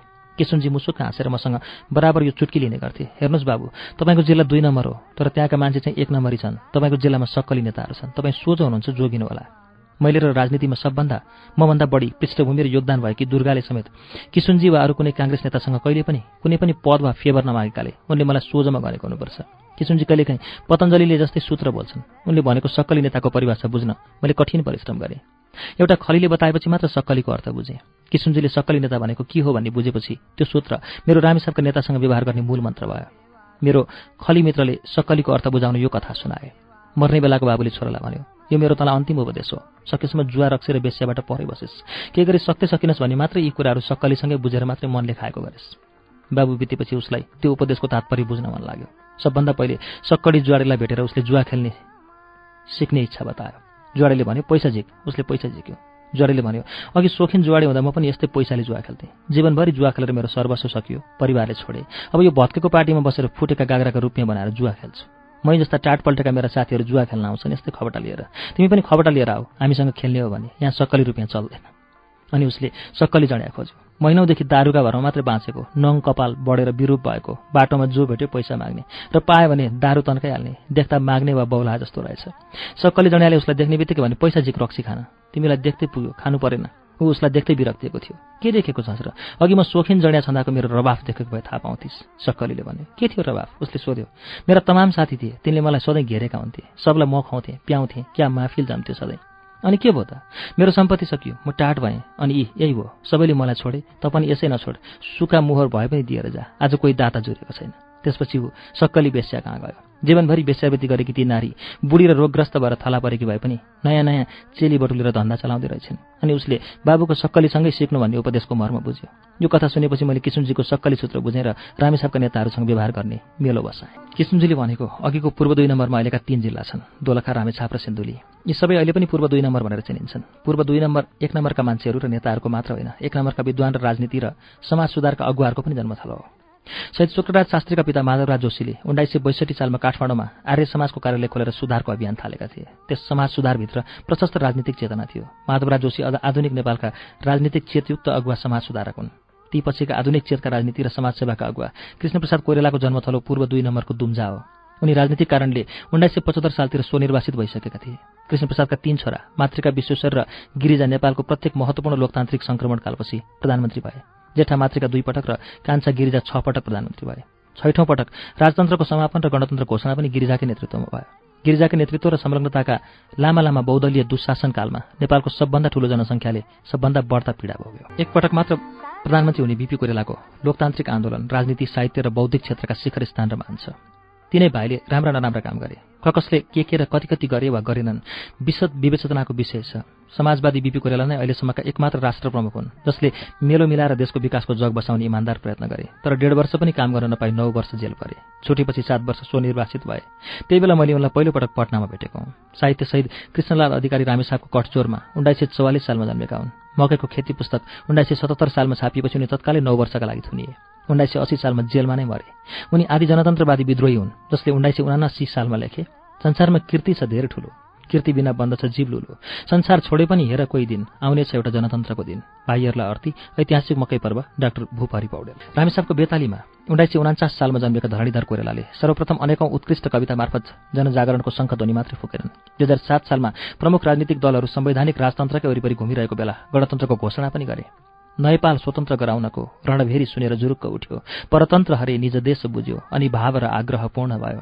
गणतन्त्र गराउन गर्जी उठ्यो छरितो र छिटो नयपाली ठिटो नयपाली ठिटो नैवेद्य कविता सङ्ग्रह दुई हजार सात साल। तत्कालीन राजतन्त्रको विरोधमा जनतन्त्र र गणतन्त्रको शङ्खध्वनि हन्काउने यी पण्डितहरू नेपालको जनतान्त्रिक गणतान्त्रिक अभियानका आदि अभियन्ता हुन्। शहीद गङ्गालाल श्रेष्ठ र उनका भाइ कम्युनिस्टका आदि पुरुष पुष्पलाल श्रेष्ठ पनि रामेसापको भङ्गेरीमा जन्मेका हुन्। तर यी कसैको पूर्व दुई नम्बर कर्मभूमि भएन। पूर्व दुई नम्बर कर्मभूमि भयो। त्यसपछि काङ्ग्रेस पार्टीको पर्दामा आउने यी दिवंगतहरूको हृदयराज घिमिरे बोधप्रसाद घिमिरे सूर्यप्रसाद उपाध्याय र शङ्कर घिमिरे। म रामेछापमा सामुदायिक विकास गर्छु भनेर आएको केही समयभित्रै दुई हजार छयालिस साल चैत्र छब्बिस गति अचानक बौद्धलीय व्यवस्था आयो। त्यो टुप्पाबाट आएको थियो। जराबाट होइन। गाउँघरका त के कुरा? केन्द्रकै पनि कति नेता समेत धेरैलाई बौद्धलीय व्यवस्था यसरी र यति चाँडै झट्टा आइहाल्छ भन्ने विश्वास थिएन। मेरो मन्थलीमा काम गर्ने निर्णय र बौद्धलको आगमन केवल काकताली थियो। बौद्धल के आउनु थियो? सबले रामेछापको रुखको पाखोमा राजनीति नै सबभन्दा मलिलो र रसिलो देखे। हिजोका पञ्चायतका प्रबल प्रवक्ताहरू सिद्धिचरणले मेरो प्यारो ओखलढुङ्गा भने चाहिँ मेरो प्यारो मातृ संस्था भन्दै काङ्ग्रेसमा फर्के। कोही मबाट हिमालय ब्लन्डर भयो भनेर माफी माग्दै फर्के। कोही पार्टीले खटाएर पो त म कट्टर पञ्च भएको। मेरो हृदयमा त काङ्ग्रेसकै बास थियो भन्दै फर्के। कोही गर्वैदेखिको काङ्ग्रेस हो भन्दै फर्के। कोही जन्मजात काङ्ग्रेस हो भन्दै फर्के। कोही बाँके फुट्दा नै प्रजातन्त्र भनेको हो भन्दै फर्के। बसाइ सरेका फर्के जागिरदार फर्के ठेकेदार फर्के विद्यार्थी फर्के बेरोजगार फर्के सबका सब अवसर परस्तहरू फर्के। काङ्ग्रेस त मास पार्टी पार्टीभन्दा पनि बढी पार्टी। जो आए तिनले नै गरेर भए पनि बनाउन सकेको ठाउँ पाए पार्टीमा जस्तै। सुखरात भन्छन् जतिसुकै सामान्य मान्छे पनि नसिकेको काम गर्दैन। तर सरकार चलाउने राजनीति जस्तो सबभन्दा कठिन कामका लागि भने सबैले आफूलाई सुयोग्य पात्र भनी ठान्छन् सुखरातको बेलामा त राजनीति पेसामा त्यस्तो आकर्षण थियो भने अहिले के मारा मार्न होस् संसारको सामान्यभन्दा सामान्य पेसाको लागि पनि उपयुक्त शिक्षा गरी जान्ने तालिम जान्नेको सहायक भएर सिक्ने योग्यता चाहिन्छ। बिँडी बेर्न सिक्नुपर्छ रिक्सा हाँक्न सिक्नुपर्छ घाँस काट्न सिक्नुपर्छ दाउरा चिर्न सिक्नुपर्छ तर राजनीति गर्न सरकार जस्तो जटिल संस्था चलाउन केही सिक्नु पर्दैन उमेर पुगे हुन्छ। बौद्ध आएपछि सबैको राजनीति गर्ने धोको र आँट मन फुकाएर बाहिर निस्क्यो। सबै फान्टी फुन्टी नेता भए कार्यकर्ता कोही भएन राजनीति गर्नेको बोझ धरतीमातालाई थेगिन सक्नुभयो। भर्खर सदरमुकाम बनेको। केही पनि आधारभूत निर्माण नभएको सुनसान मन्थली गाउँमा अनेक दलहरूका नेता र कार्यकर्ताको घुइँचोले बाटो छाड्न पाइन छाड्यो। गाई जात्रा जस्तै भयो। जे जस्ता लज होटेल नामदारी थिए ती सधैँ भरिन लागे। बेला बेलामा मन्थली र वरिपरिका गाउँका घरका कोठा चोठा दलान भुइँगलहरू पनि मान्छेले भरिन लागे। बेरोजगार मान्छेले त रोजगारी पाए पाए सबभन्दा सुखद दुःखद कति ठाउँमा छोरी बुहारीका यौवनले समेत रोजगारी पाउन लागे। मन्थलीको शताब्दीौँदेखिको गाउँले चरित्र अचानक ध्वस्त भयो। त्यो भयावह रूपान्तरण मेरै आँखा अगाडि भयो। म त्यसको साक्षी भएँ। त्यो मेरो जीवनको अति कटु अनुभव थियो। मन्थलीका एकमुठी रैथानेहरू घरबारी र जग्गा अधिग्रहण हुनासाथ भौतिक तवरमा विस्थापित भइसकेका थिए। म पनि तिनै मध्येको थिएँ। त्यसमाथि जिल्लाभरिका मान्छेहरूको अतिक्रमणले गर्दा मन्थलीका सबै रैथानीहरू जस्तै म पनि आफ्नै मन्थलीमा पराई र बिरानो भएँ। अनि मानसिक रूपले पनि विस्थापित भए। रामेश्वरका त्यस बेलाका जीवित नेताहरूको त्यस्तो दुःखद स्थिति थियो भन्ने सम्झनाले मलाई पीडा हुन्छ। उनीहरू जीवनभरि राजनीति गरेर लोककथाका सक्कली जुवाडे जड्या बेस्याको जस्तै अवस्थामा पुगेका थिए। कोही नवपञ्च भएर कोही कुनै दल वा नेताको नामसम्म जपेर तर केही नगरेर कोही जागिर खाएर कोही बसाइ गएर जीविका तानेर पञ्चायतलाई वज्रतुले देखेका थिए। ढल्ने कुनै छाड देखेका थिएनन्। आश गरेर बसेको बेला अचानक बौद्ध लागेपछि सक्कली जुवाडे जस्तै फुटेका गाग्राका खबटाले भए पनि राजनीतिको जुवा भने खेल्दै थिए। सक्कली जडिया जस्तै मागेर भए पनि दारू खाँदै थिए। सक्कली बेस्या जस्तै नयाँ चेला बटुलेर राजनीतिको सानोतिनो भए पनि धन्दा चलाउन जुर्मुराएका थिए। चाकरीकै भरमा पनि राजनीतिको खाल धान्दै थिए। उनीहरूले मेरो सामुदायिक विकास प्रयत्नलाई आफ्नै राजनीति जस्तै छलछाम ठाने। म पनि उनीहरू जस्तै रुखको रामेछापमा मलिलो र रसिलो राजनीति देखेर धमिलो पानीमा माछा मार्न आएको भने। म काङ्ग्रेसका रूपमा परिचित थिएँ। मेरा काङ्ग्रेसका शीर्षस्थ नेताहरू कृष्णप्रसाद भट्टराई र गिरिजाप्रसाद कोइरालासँग राम्रै परिचय थियो। दोस्रो पुस्ताका धेरै नेताहरू राम्रा मित्र पनि थिए। डाहा गर्नेहरूले मेरो त्यो पहुँच झन् खतरनाक ठाने। स्वाभाविक थियो। मैले संसद ताकेको खण्डमा मेरो पहिलो प्रतिस्पर्धा काङ्ग्रेसकै संसद प्रत्याशी नेताहरूसँगै हुने भएकोले त्यो समस्या जिल्लाका सबै दलका नेताहरूसँग भए पनि काङ्ग्रेसका नेताहरूसँग नै बढी भयो। अत सबभन्दा ठूला शत्रु मेरो आफ्नै दल काङ्ग्रेसका मान्छे भए। रामेछापमा संसदका दुई स्थान छन्। ती दुई स्थानका लागि हरेक दलमा आधा दर्जन स्थायी दावेदार छन्। काङ्ग्रेसमा त झन् बढी छन्। काङ्ग्रेसका नेताहरू भन्छन् हाम्रो पार्टी वामपन्थी पार्टीहरू जस्तो क्याडर बेस्ट होइन मास बेस्ट हो। त्यसको अर्थ हो यसमा जो पनि साधारण सदस्य हुन पाउँछ लगभग जो साधारण सदस्य पनि क्रियाशील सदस्य हुन पाउँछ लगभग हरेक क्रियाशील सदस्य जिल्ला कार्य समितिको सदस्य हुने सपना देख्छ। हरेक कार्य समिति सदस्य सांसद हुने सपना देख्छ। हरेक सांसद मन्त्री हुने सपना देख्छ। हरेक मन्त्री प्रधानमन्त्री हुने सपना देख्छ। यस्तै छ यो ठुलो मर्मत चाहिने बेला भएको यो काङ्ग्रेस पार्टी। अनि आकाशको फल जस्तो सांसदको पद अङ्कुशेले छुनेर झार्ने झिनो भए पनि आश भएका काङ्ग्रेसका विधिवङ्गत पद्मशङ्कर अधिकारी जस्ता र उनी पछिका नेताहरूको स्वार्थ मेरो सामुदायिक विकासका प्रयत्नहरूसँग बढी जुदा लाग्यो। उनीहरूले मलाई आफ्नो भाग खोज्न आएको बलियो सौदा नै देखे। उनीहरूको दावा थियो उनीहरूलाई सांसद बनाउनको लागि नै रामेसाप जिल्ला बनेको मेरो दावा थियो रामेसापमा मैले सामुदायिक विकासका काम गर्ने अधिकार छ। उनीहरूको दावा थियो त्यो जिल्लालाई राजनीतिका फोस्रा कुरा बाहेक केही पनि चाहिँदैन। त्यसैले जगदीश जस्ताको कुनै काम छैन। मेरो दावा थियो यो जिल्लामा विकास गर्ने मान्छेको मात्रै काम छ फोस्रा कुरा गर्नेहरूको होइन। तासेस कुनै नेता वा दलको मित्र वा अमित्र थिएन तटस्थ थियो। यो केवल निर्दा जनताको मित्र थियो। नेताहरू आफ्नो र आफ्नो दलको स्वार्थका लागि काम गर्थे। तासेस विभिन्न जनताको स्वार्थका लागि काम गर्थे। नेताहरू चाहन्थे तासेस पनि उनीहरूका मान्छेका लागि मात्र काम गरोस्। त्यो कुरा तासेसको मिसन विपरीत थियो। समस्या त्यही भयो।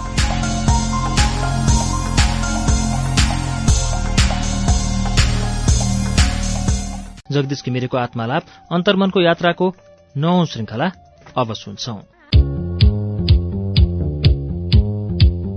तासेस बाहिरबाट रामेछापमा विकासका कनिका छरिटो बोल्न आएको मौसमी टुरिस्ट संस्था थिएन। तासेस यही जिल्लामा जन्मेको यहीँको आँधीबेहरी खपेर हुर्केको यहीँका पाखा पखेरामा जरा गाडेर झाँगिन लागेको यही जिल्लामा दिगो विकास गरी छाड्ने अठोटका साथ लागि परेको यही जिल्लाका मान्छेले नेतृत्व दिएको संस्था थियो। र जसले यसको कामलाई आफ्नो स्वार्थ अनुरूप नहुने देखे ती सबैले यसलाई बलियो सौदा देखे। नेताहरूसँग गाउँलेलाई दिने कोसेली जाली आश्वासनहरू मात्र थिए। मसँग ठोस काम थिए। मसँग खानेपानी पानी बन्द चर्पी साना सिँचाइ स्वास्थ्य शिक्षा बचत ऋण सहकारी आय आर्जन महिला परिचालन लगायतका हाताहाती कार्यक्रमहरू थिए। मेरा जेल मात्र होइन नेल पनि भोगेको एक खली राजनीतिज्ञ मित्र छन् जो बराबर भन्छन् धेरै पछि मात्र मैले बुझेँ सफल राजनीति कि सुवर्ण शमशेर जस्ता सम्पन्नले कि फलानु जस्ताले गर्ने कुरा हो। हामी जस्ता बिचकाले होइन। राजनीतिमा लागेपछि आकाङ्क्षा बढ्छ घर व्यवहार भत्कन्छ दुवै थ्याक्न सम्भव हुँदैन अनि चरित्रको किनबेच हुन्छ। नेपालको राजनीतिमा त्यही भएको छ। मन्थलीमा पुरै समय दिएर काम गर्न थाल्दा म त्यसरी दसैँ दिशाहरूबाट शत्रुहरूले घेरिन पुगेको थिएँ। रामेछापमा मेरो एकलव्य जस्तो समानान्तर उपस्थिति नेताहरूलाई द्रोणाचार्यलाई जस्तै असह्य भएको थियो। एनजिओ आइएनजिओहरूमा काम गर्दा मैले कसैलाई शत्रु बनाएको थिइनँ। मेरो पदका आकाङ्क्षीलाई मैले पद नै सुम्पिदिने गरेको थिएँ जस्तो गैर सरकारी संस्था महासङ्घमा। तर जब रामेछापमा शत्रुहरू मिलेर मलाई अभिमन्युलाई जस्तो घेरेर प्रहार गर्न लागे म पनि सबै केलामा एकैपटक युद्धरत पाएँ। म एक्लो अभिमन्यु भए पनि अन्ततः मैले उनीहरूको चक्रव्यूह भेदन मात्र गरिनँ त्यसबाट विजयी पनि भएर निस्केँ। मैले उनीहरूलाई ढालेँ गालेँ भन्न मिल्दैन तर उनीहरूले मलाई ढाल्न गाल्न सकेनन् भन्दा हुन्छ। म झाङ्गिएँ र बेला बेलामा उनीहरूलाई रुखले जस्तो छारी समेत दिएँ। शत्रु नहुनेको भविष्य पनि हुँदैन। रामेसापमा मेरो भविष्य बनाउने मेरा शत्रुहरू नै हुन्। ती थिए सबै दलका भारीभुरीदेखि सांसद प्रत्याशी तहसम्मका नेताहरू। काङ्ग्रेसका केही उग्र विरोधीहरूले मेरो विरोधमा छौडा छोडे डोबाटा र भट्टीमा मेरो विरोध फलाक्न लगाए। उनीहरूको मुख्य आरोप थियो मेरो उद्देश्य समाजसेवा नभएर सांसद हुने हो। मेरो जवाफ थियो राजनीति उनीहरूको मात्र पेवा होइन हरेक नागरिकको अधिकार हो। उनीहरूले राजनीति गर्न हुने मैले किन नहुने? उनीहरूले सांसद हुने उद्देश्य राख्न हुने मैले नहुने किन? उनीहरूले राजनीतिका उधारो बाचा गर्न हुने मैले सामुदायिक विकासका नगदी काम गर्न किन नहुने? यो जिल्ला के उनीहरूको मात्रै हो मेरो होइन? ठिक छ जुधौँ। दुई हजार सडचालिस सालदेखि दुई हजार पचास सालसम्म रामेछापका सक्कली नेताहरू र तिनका नन्दी भृङ्गेले मलाई रामेछापबाट ठाडो पुच्छर लगाएर भाग्नुपर्ने बनाउन सबै थोक प्रयोग गरे। साम दाम दण्ड भेद कल बल छल। तर झिङ्गाको शराबले डिगो नमर्ने हुनाले म आफ्नो लक्ष्यबाट दृढ पाइला चाल्दै गएँ। यसरी नचाहेरै पनि म राजनीतिमा मुच्छेँ। यी सबै विरोधसँग जुझ्न मैले पनि छौडा छोड्नु पर्यो। मैले पनि सामदान दण्ड भेद कल बल छलको फोरी खेल खेल्नु पर्यो। मजासँग खेलेँ। र अन्तत उनीहरूको जस्तो कुराले होइन कामले सबको मुखबुझो लगाए। सदरमुकाम भएकोले मन्थली जिल्लाको राजनीतिको केन्द्रबिन्दु थियो। म रैथाने भएकाले स्वाभाविक रूपमा मन्थलीमा मेरा धेरै आफन्तहरू थिए। तीमध्ये केहीलाई उनीहरूले चर्कै मोल तिरेर किने तर कति किनेका मान्छे पनि पुरा बिकेनन्। उनका प्रत्येक गोप्य योजनाको मलाई तात्तातै जानकारी दिए। कतिले मुखै फोरेर भने यस्तै चुनाव चुनावको मुखमा गाह्रो पर्दा त हो नि नेताहरूले हामी जस्ता कार्यकर्तालाई सम्झने। अरू बेला त प्राणै जाओस् सुखको चुहाउँदैनन् यसो नुन भुटुनको गर्जो टर्छ कि भनेर तिनको ढोका चिया त्यो पनि जस्केलो। मूल ढोका कहाँ हो र? नेताहरूले मलाई काङ्ग्रेस पार्टीको चुनावमा बुथ र गाउँ तहदेखि नै हराउन सक्दो परिश्रम गरे। पैसा बगाए। नेपाली काङ्ग्रेस जिल्ला कार्य समितिको निर्णय विपरीत। एक चैत्य काङ्ग्रेसले मेरो मन्थली बुथमा केही मान्छे किनेर मेरा विरुद्ध भोट हाल्न क्रियाशील सदस्यहरू तयार पारेछन्। मलाई पार्टीको चुनावमा ओडामा नै हराउने उनको गोप्य चाल मैले बेलैमा थाहा पाएँ। मैले पनि चुनावको अघिल्लो रात उनको बुथमा उनले बनाएको भन्दा दोब्बर क्रियाशील सदस्य बनाए। त्यो उनलाई अन्तिम घडीसम्म थाहा भएन। यसरी उनको विरोधीलाई धेरै बढी मत पारेर उनलाई उनकै बुथमा हराइदिए। मलाई ओडामा हराउन तम्सेका उनी आफ्नै ओडामा हारे। बुथको चुनावपछि मलाई महाधिवेशनमा हराउने एउटा प्यानल नै लाग्यो। त्यसको नेता उनै चैते भए। अघि सरकारी कर्मचारी हुँदा उनले निकै कमाएका रहेछन्। काङ्ग्रेसको सांसद भई अझ निकै थप्ने सुरमा रहेछन्। मैले बुथमा हराएर उनको सपना महल ध्वस्त पारिदिएपछि उनी रिसले आगो भए र मलाई महाधिवेशन सदस्य हुन नदिने एक सूत्रीय अभियानमा लागे। महाधिवेशनका सदस्यलाई पैसाले किन्न सकिन्छ भनेर पैसा बाँड्न लागे। निकै बाँडे रे मेरा मतदाताहरूलाई मैले उनीसँग सकेको ल्याऊ भने। लिएछन् पनि। बाबा बिरामी भएकाले चुनावमा म मन्थली पुग्न सकिनँ। काठमाडौँमै बसेँ। काठमाडौँमा नै बसेर एक पैसा नबाडिकनै मैले चुनाव जितेँ। उनको प्यानलका कतिले हारे। केही पछिको कुरा हो। काठमाडौँ बन्दको दिन थियो। म बत्तीस पुतली बस्थेँ। त्यहाँबाट रामेसापका परिचित काङ्ग्रेसहरू ध्रुव सुवेदी र युवराज भट्टराईसँग बन्द हेर्दै मैती देवीतिर जाँदै थिएँ। पद्मशङ्कर अधिकारी भेट पाए मलाई देख्ने बित्तिकै रिसले आगो हुँदै भने मैले चाहेँ भने तामाकोशी सेवा समिति बन्द गरिदिन सक्छु। के फुर्ती गर्नुहुन्छ? सक्छु भनेर जे पनि गर्न सक्नुहुन्छ।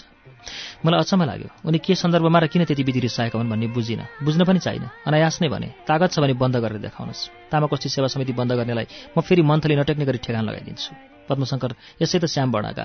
रामेसापका काङ्ग्रेस कार्यकर्ताहरूको मुखेन्जी मैले उनलाई त्यसरी हाँक दिँदा झन् भएर बाटो लागे। कारण पछि थाहा पाएँ। मैले बुथमा हराइदिएका ती चैते काङ्ग्रेस पद्मशङ्करका भक्त रहेछन्। कति चिनिएका पुराना काङ्ग्रेसहरू आफ्नो फिस लिएर चैते काङ्ग्रेसहरूलाई हात समाएर पार्टीमा बामेश्वर आउने व्यवसाय गर्दा रहेछन्। मलाई त्यो थाहा थिएन। पार्टीको कठिन उकाली चढ्न मद्दत पुग्छ भन्ने आशले ती चैते पार्टीको देउरालीमा धुनी जगाएर बसेका पद्मशङ्करलाई बेला बेला सुका मोहर भेटी चढाउँदा रहेछन्। भेटी चढाउने उनको त्यस्तो भक्तलाई मैले त्यसरी बुथमा नै पछारेपछि पद्मशङ्कर मसँग आगो हुनु स्वाभाविक थियो। उनले बुझेका रहेछन्। रामेसापमा मेरो शक्ति भनेको तासेस हो। त्यो बन्द भएपछि म समाप्त हुन्छु। हुन पनि हो। न कश्चित कश्यचिन मित्रम न कश्चित कश्यचित रिपु। व्यवहारेण देव जायन्ते मित्राणी रिपवस्तता। कोही कसैको मित्र वा शत्रु हुँदैन। व्यवहारले गर्दा नै कोही कसैका मित्र वा शत्रु हुन्छन्। पद्मशङ्करसँग मेरो यस्तै भयो। दुई हजार एकाउन्न सालको चुनावमा तिनै पद्मशङ्करलाई जिताउन मैले मेरो प्रतिष्ठाको बाजी थापेँ। बालुवा पेले भन्दा हुन्छ। नेताहरूले उनलाई नजित्ने ठहराएका थिए। उनले जितेकोमा सबैलाई अचम्म लाग्यो। सबैले उनलाई के काकताली परेर जित्यो भनेर सोधे। उनले मेरो मुखेन्जी नै किसुनजीलाई भने जगदीशजीको सहयोग नभएको भए म जित्ने थिएन। उनले यो कुरा मेरा पछाडि पनि किसुनजी गिरिजाप्रसाद र अरू नेताहरूलाई पनि भनेको थाहा पाएँ। जे होस् मैले आफ्नो दुर्वाच्यको प्रायश्चित गर्ने मौका पाएको थिएँ। सदा चाहिँ यो चुनावमा पनि केही वामपन्थी दलहरू बीच नराम्रो फुट थियो। त्यो फुटले पनि उनलाई सघाएको हो तर त्यति मात्र होइन। सांसदको टिकट टिकट पाउनु चन्दा मागेर र जोगाएर घर गृहस्थीको सुती थाती मिलाउने मेलो पनि हुँदो रहेछ। त्यो मलाई थाहा थिएन। पद्मशङ्करले मसँग पनि चन्दा मागे। मैले भने म तपाईँलाई कि चन्दा दिन्छु कि सहयोग? दुवै दिन सक्दिनँ एउटा छान्नुहोस् उनले सहयोग छाने। अनि भने म तपाईँको टोलीमा हिँड्दिनँ उनले त्यो पनि माने। मैले बाचा अनुसार गर्न मिल्ने सहयोग गरेँ। उनको भाग्यले जिते। बित्नु अघि सांसद हुने धोको पुऱ्याए जीवनभरि राजनीतिले बिगारेको गृहस्थीको केही सुती थाती पनि मिलाए। तासिसले लगातार आफ्नो कार्यक्षेत्र बढाउँदै लग्यो। मैले वा मेरो कारणले तासिसमा आर्थिक हिनामिना हुनुपर्छ भन्ने उनीहरूको पूर्ण विश्वास थियो। त्यो सार्वजनिक गर्न पाए म बेजत भएर रामेसापबाट भाग्नुपर्छ भन्ने उनीहरूको आशा थियो। उनीहरूको पछि जे पर्छ त्यो टर्छ। पाएको बेलामा लापलुप बजाइहाल्नुपर्छ भन्ने संस्कार थियो। मलाई पनि त्यस्तै गर्छ भन्ने ठाने। तर तासेस स्थापना भएको दिनदेखि लगातार एउटा नीति लागू छ। तासेसका सबै कार्यक्रमहरूको आमदानी खर्च तलब भत्ता आदि आर्थिक कारोबारको दिनदिनैको अध्यावधिक अभिलेख छ जुन कुनै पनि जायज मान्छेले मागेर हेर्न र त्यसमा प्रश्न गर्न पाउँछ। कसैलाई कुनै पनि बेला तासेसको कार्यक्रम बजेट वा सबै खातापाता हेर्न खोल्ला निम्ता र हात छ। यी कुराहरू धेरै निकाय र संस्थाहरूमा गोप्य हुन्छन् प्रमुख जिल्ला अधिकारीहरू भन्छन्। काठमाडौँबाट आउने टुरिस्ट एनजिओले जिल्लामा सञ्चालन गरेको कार्यक्रमको बजेट र खर्चको कुनै पनि विवरण प्राप्त हुँदैन। तासिसका ती विवरणहरू। पछि माओवादीले पटक पटक मागेर लगे र त्यसको क्रस चेक गरे। ती विवरणहरू झुटा ठरिएका भए माओवादीका जनअदालतले तासिसका कार्यकर्तालाई ज्यान सजायसम्म दिन सक्थे। तासिसामा बम पड्काउन सक्थे। तिनले देशैभरि त्यस्ता काम नगरेका होइनन्। मेरा जिल्लाका सक्कली नेताहरूले त्यसरी मेरो खेदो नखनेको भए मलाई तासिस त्यति पारदर्शी बनाउने प्रेरणा मिल्ने थिएन। उनीहरूले मलाई त्यसरी सहयोग गरे जसले जे जानेको छ त्यही गर्ने हो। म उनीहरूको कृतज्ञ छु। रहिमन ओछे नर नसौँ बैर भली न प्रीत। काटे चाटे स्वान के दुहु भाँति विपरीत। रहिमन भन्छन् घटिया मान्छेसँग न शत्रुता ठिक हुन्छ न मित्रता। कुकुरले चाटे पनि टोके पनि विपरीत नै हुन्छ। राजनीतिको अग्रपङ्क्तिमा ओछे नरनकै घुइँचो हुन्छ। तर राजनीति अति महत्वपूर्ण कुरा हो। यो ओछे नरनको भरमा छोड्नै हुँदैन। गतिला मान्छे ओछे नरनको चेपोमा परेका हुन्छन्। रामेछापको राजनीति नेपालको राजनीतिको सानो संसार माइक्रोकजम हो। त्यति सङ्घर्ष गरेर विजयी भएपछि भने मलाई राजनीतिबाट परै बस्न मन लाग्यो। काङ्ग्रेस पार्टीको सदस्यता नवीकरण गरिन। पूर्व राज्यमन्त्री लक्ष्मण घिमिरेले क्रियाशील सदस्यताको म्याद सकिन लाग्यो भनेर सम्झाए। विचार गर्छु भनेर टारे। जिल्ला सभापतिले आग्रह गर्दा भने हेर भाइ कसैको धोतीको वा फरियाको फेटा गुत्नुपर्ने पार्टीको कार्यकर्ता हुन सक्दिनँ। पार्टी फुटेपछिका प्रजातान्त्रिकहरूको आग्रहलाई पनि टाटुर गरे। पछि सहायक कृषि मन्त्री हुने रामहरी ढुङ्गेलले मेरो कार्यालयमा आएर भने आज क्रियाशील सदस्यताको अन्तिम दिन पछिको पनि अन्तिम दिन हो। तपाईँ पार्टीमा पुरा निष्क्रिय हुनुहोस् तर क्रियाशील सदस्यता कुनै पनि हालतमा नछोड्नुहोस्। मेरो बिन्ती छ। आग्रहपूर्वक उनीहरूले मेरो क्रियाशील सदस्यता रिन्यू गरे। त्यसपछि पार्टीको कुनै चुनाव लडिन कुनै पदमा पनि बसिन। आफ्नो राजनीतिक जीवनको सीमा अवलोकन गर्दा म आफैलाई सोध्ने गर्छु मलाई पद चाहिएको थिएन र कमाउनु थिएन भने म किन काङ्ग्रेसमा लागेको त? पार्टीमा लाग्नेहरू थेगे जस्तै गरी भन्थे। भन्छन् जोगी हुन राजनीति गरेको होइन। जोगी नहुन राजनीति गरेको कुरा त पञ्च बौद्धलवादी माओवादी र त्यसपछि पर्दामा आएका पहाड मधेसका अनेकौं दलहरूले जनताको रगत मासु र पसिनामा मोज र भोज गरेर देखाएकै छन्। कसैले घुस खाएर कसैले भ्रष्टाचार गरेर कसैले स्वेच्छाले यति चन्दा देऊ नत्र भन्ने पिस्तोलको मोहरीले लेखेको पत्र देखाएर। कसैले जे जे सके त्यो सबै गरेर। मलाई यस्ता तानासा र भ्रष्ट राजनीतिक संगठनहरूसँग घृणा थियो र छ। किनभने ती सत्ताका पुजारी हुन्। म सत्ता निन्दक अराज्यवादी साहित्यकर्मी हुँ। त्यसपछि परिस्थितिवश सामुदायिक विकासको सोझो बाटोमा हिँडेको मान्छे। मेरो र राजनीतिको भेट हुने कुनै चौतारो थिएन भन्ज्याङ थिएन। तर त्यो भेट मन्थली नामक भन्ज्याङमा भयो। त्यो भेट नगर्ने हो भने मैले मन्थली र रामेसापको माया मार्नुपर्ने भयो। मैले त्यसो गर्न सकिनँ। मैले मन्थली र रामेसाप त्याग्न सकिनँ। मेरो अराज्यवादी लेखकले त्यही आत्मसमर्पण गर्यो। काठमाडौँको संसारमा म साहित्यिक थिएँ बौद्धिक थिएँ सामाजिक कार्यकर्ता थिएँ स्वतन्त्र बौद्धिक थिएँ। तर मन्थलीको संसारमा म केवल सामन्तको सन्तान माइला जिमवालको छोरो साइलो जिमवाल थिएँ। मन्थलीमा मेरो बौद्धिक वृत्तमा साहित्यमा कुनै भूमिका छ भनेर जान्ने सिंगै एकजना नारायण सुवेदी थिए। उनकै शब्दमा तपाईँको प्रभावमा परेर मैले पनि एक दुईवटा कथा लेखेर अभिव्यक्तिमा पठाएँ छापिए पनि। त्यसबाहेक मन्थलीमा मेरो सामाजिक काम थियो जसबारे पहिले लेखिसकेँ। दुई हजार छप्पन्न सालको चुनावको मनोनयन हुने अन्तिम दिन रामरी ढुङ्गेलले बिहानै फोन गरेर भने आज उम्मेद्वारको नामावली फाइनल हुन्छ। रामेछापको दुई नम्बर क्षेत्रमा धेरै केरमेट गरेपछि नेताहरूले सबको नाउँ काटेर तपाईँको नाममा गम्भीरतापूर्वक विचार गर्दैछन् भन्ने कुरा विश्वस्त सूत्रबाट सुने। हेर्नुहोस् धेरै घमण्ड नगर्नुहोस्। एक वचन आफ्नै मुखले किसुनजीलाई भेटेर टिकट माग्नुहोस्। म पनि सिफारिस गर्छु। मैले तपाईँका लागि टिकट मागेको तपाईँले आफैले मागेको जस्तो हुँदैन। काङ्ग्रेसमा नमागी टिकट पाइँदैन राम्ररी किसुनजीका प्रिय थिए। उनका धेरै मित्रहरू किसुनजीका सहायक र निकटस्थ थिए। त्यसैले पनि उनी त्यस वृत्तका धेरै भित्री कुराहरू थाहा पाउँथे। मैले हुन्छ जाउँ भने म र राम्ररी भैँसीपाटी पुग्यौँ। किसुनजी निस्किने बेला भएको थियो। टिकट माग्न आउने कार्यकर्ताहरूको भुइँचोलाई पन्छाउँदै हप्काउँदै किसुनजी गाडीतिर आए। हामी गाडीको ढोकानिर थियौँ। किसुनजीले मलाई अन्ततः टिकट माग्ने नै आयो भनी छानिहाले। टिकट नमाग्नेको त्यहाँ जाने काम थिएन। मलाई देखेर किसुनजीले परैबाट भने जगदीश बाबु ए तपाईँ पनि आउनुभयो? किसुनजी सूत्र त बोल्छन् बोल्छन् कुट पनि बोल्छन् बक्र पनि बोल्छन् श्लेष पनि बोल्छन् व्यङ्ग्य पनि बोल्छन् आदर र अनादर पनि बोल्छन्। मैले टिकटको लहर चलेपछि उनलाई भेटेको थिइनँ मैले उनीबाट सधैँ माया र उचित मान पाएको थिएँ। म राजनीतिबाट परै र टिकटको राजनीतिबाट झन् परै बसेको थिएँ। उनले जे बोलेको भए पनि मसँग जवाफ तयार थियो। मैले भने आउन त आएँ तर म मेरो लागि टिकट माग्न आएको होइन। म रामरीजीको लागि टिकट माग्न आएको रामेछापको दुई नम्बर क्षेत्रमा जसलाई उम्मेद्वार बनाउनु भए पनि म सहयोग गरिहाल्छु। तर कदाचित मेरो नाम कन्सिडर हुँदैछ भने मेरो बिन्ती छ। मेरो नाम काटेर रामरी ढुङ्गेरको नाम राखिदिनुहोस्। उहाँलाई जिताउन मैले सकेको सहयोग गर्छु। किसुनजीको मोटरभित्रका गोडामा सकि नसकी छाद हाल्न खोज्दै किसुनजीभन्दा केही कम उमेरका एक मधेसी टिकट माग्दै थिए। उनलाई हप्काउँदै किसुनजीले भने के सुनि शैली भर्खर? जगदीश घिमिरे चाहिँ मलाई टिकट चाहिँदैन मेरो छोटा राम्ररी ढुङ्गेलाई टिकट दिनुहोस् भन्ने।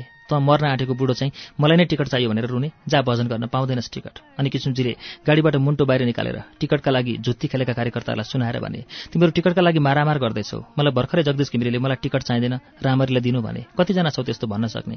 त्यो सुन्नेहरू जिल्ल परे। खास गरी ती जो टिकटका लागि प्राण दिएर लागेका थिए। किसुनजी बाटा लागेपछि सिराका रामदाल यादव ठुल्ठुलो स्वरमा कराएर परपर छरिएका कार्यकर्तालाई सुनाएर भन्न थाले। अरे बाप रे बाप जगदीश घिमिरेले अहिले किसुनजीले मलाई टिकट चाहिँदैन। मेरो बदला राम्ररी ढुङ्गेलाई दिनुहोस् भने सुन्यौ मैले आफ्नै कानले सुने अहिले भर्खर। राम्ररीले हताश हुँदै भने जगदीशजी तपाईँले आज ठुलो गल्ती गर्नुभयो। बनिसकेको कुरा बिगार्नुभयो। तपाईँलाई त्यसै भन्नुभएको थियो भने भन्नु थियो भने मसँग किन एक वचन सल्लाह गर्नु भएन। मेरो नाम त लेखेर पनि काटिएको हो। अब फेरि लेखिने कुनै सम्भावना छैन। म त टिकट पाउन्न पाउन्न। तपाईँ पनि पाउनुहुन्न।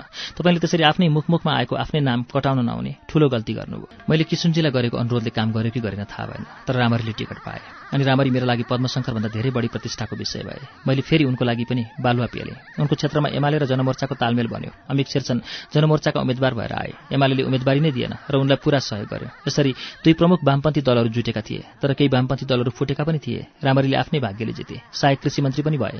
संविधान सभाको निर्वाचन नभएसम्म सांसद भएर संविधान सभाका लागि पनि टिकट पाए। म रामेछापमा खुद्दा खुद्रा युद्धरत भएका दिनहरूमा दुईटा बाटा प्रष्ट थिए एक सरकारतिरको र अर्को गैर सरकारतिरको। गैर सरकारतिर लाग्ने हो भने पार्टीको पुच्छर समाएर चुनावको बैतरणी तर्ने लक्ष्य राख्नु पर्थ्यो। टिकटका लागि मरिमेट्नु पर्थ्यो। त्यो बाटो मैले पछ्याइन।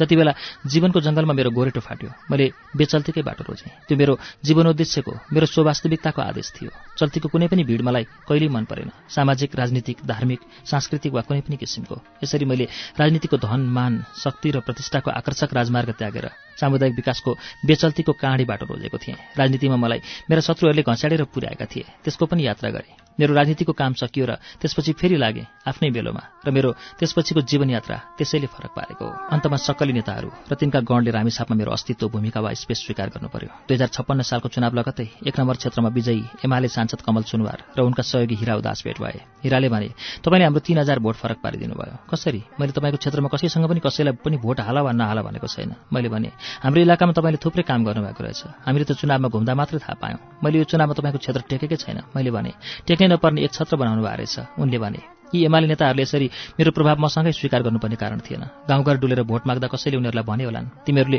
विकासको के काम गरेका छौ र अहिले भोट माग्न आएका? कुरा मात्र गर्ने नेताहरूलाई जनता अब यसो भन्न थालेका छन्। हिराले साँचो बोलेका थिए। सबै दलका नेताहरू चुनावको बेलामा मात्रै त्यो पनि भोट माग्न गाउँघर डुल्थे। म चुनावमा बाहेक सधैँभरि विकासको कार्यसूची बोकेर गाउँघर डुल्थेँ। दुई हजार छप्पन्न सालको चुनावमा म एक महिना मन्थली बसेको थिएँ। मेरो गोडा काटेको थियो। मलाई हिँड्न गाह्रो थियो। चाहेको बेग घोडा चढेर डुल्न सक्थेँ तर चुनावमा डुल्दै नडुल्ने निदो गरेको थिएँ। अब मलाई रामेछापमा मान्छे र ठाउँ चिन्नु थिएन। राम्ररी नै चिनिसकेको थिएँ। तासिसको कार्यक्रम चलेका गाउँठाउँहरूमा मात्र जान्थेँ। दुई हजार छप्पन्न सालकै कुरा हो। म संसदको निर्वाचनमा मत हाल्न खोच्याउँदै भए पनि आकाशी विमानस्थलको बुथसम्म गएँ। मतदान सकिएर फर्काँदा दुई नम्बर क्षेत्रका जनमोर्चाका टुरिस्ट उम्मेद्वार अमिक शेरचन पनि मेरो डफासँगै परे। परिचयपछि उनले भने यो जिल्लाको विकासको काममा जताततै तपाईँ र तपाईँकै संस्थाको नाम सुने। अब तपाईँ कहिले चुनाव लड्दै हुनुहुन्छ? मैले भने खै अहिले त्यस्तो केही योजना छैन। उनको आशय थियो। तिम्रो यो सबै तयारी चुनावकै लागि हो। नत्र यत्रो दुःख र समयको लगानी कुनै सध्य मान्छेले किन गर्छ? उनी पनि विचारको त्यही पासोमा परेका थिए जसमा सबै पर्छन्।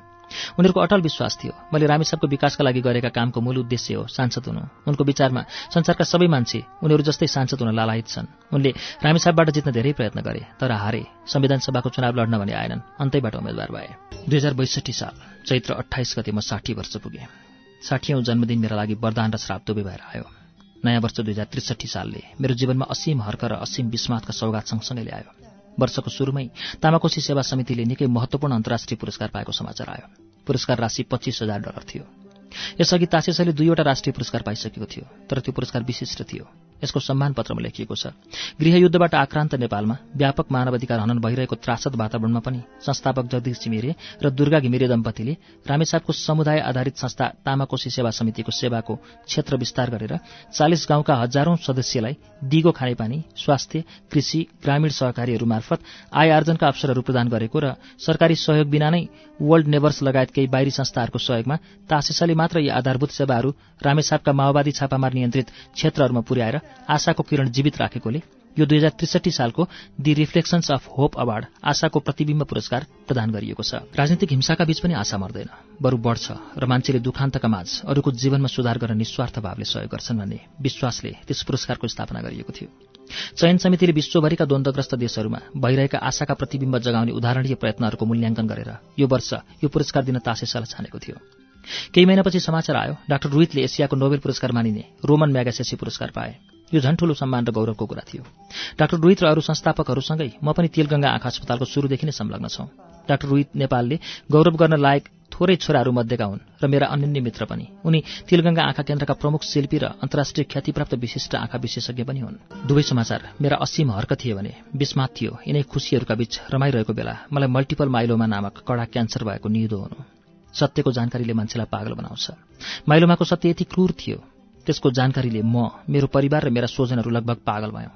म यी दुवै संस्थामा यिनको गर्भावस्थादेखि आजसम्म संस्थापकका अतिरिक्त पनि कुनै न कुनै हिसाबले संलग्न छु। दुवै संस्थामा मैले मन वचन कर्मले जे जति थोरै तिनु गरेँ त्यही नै मेरो भाग्य हो।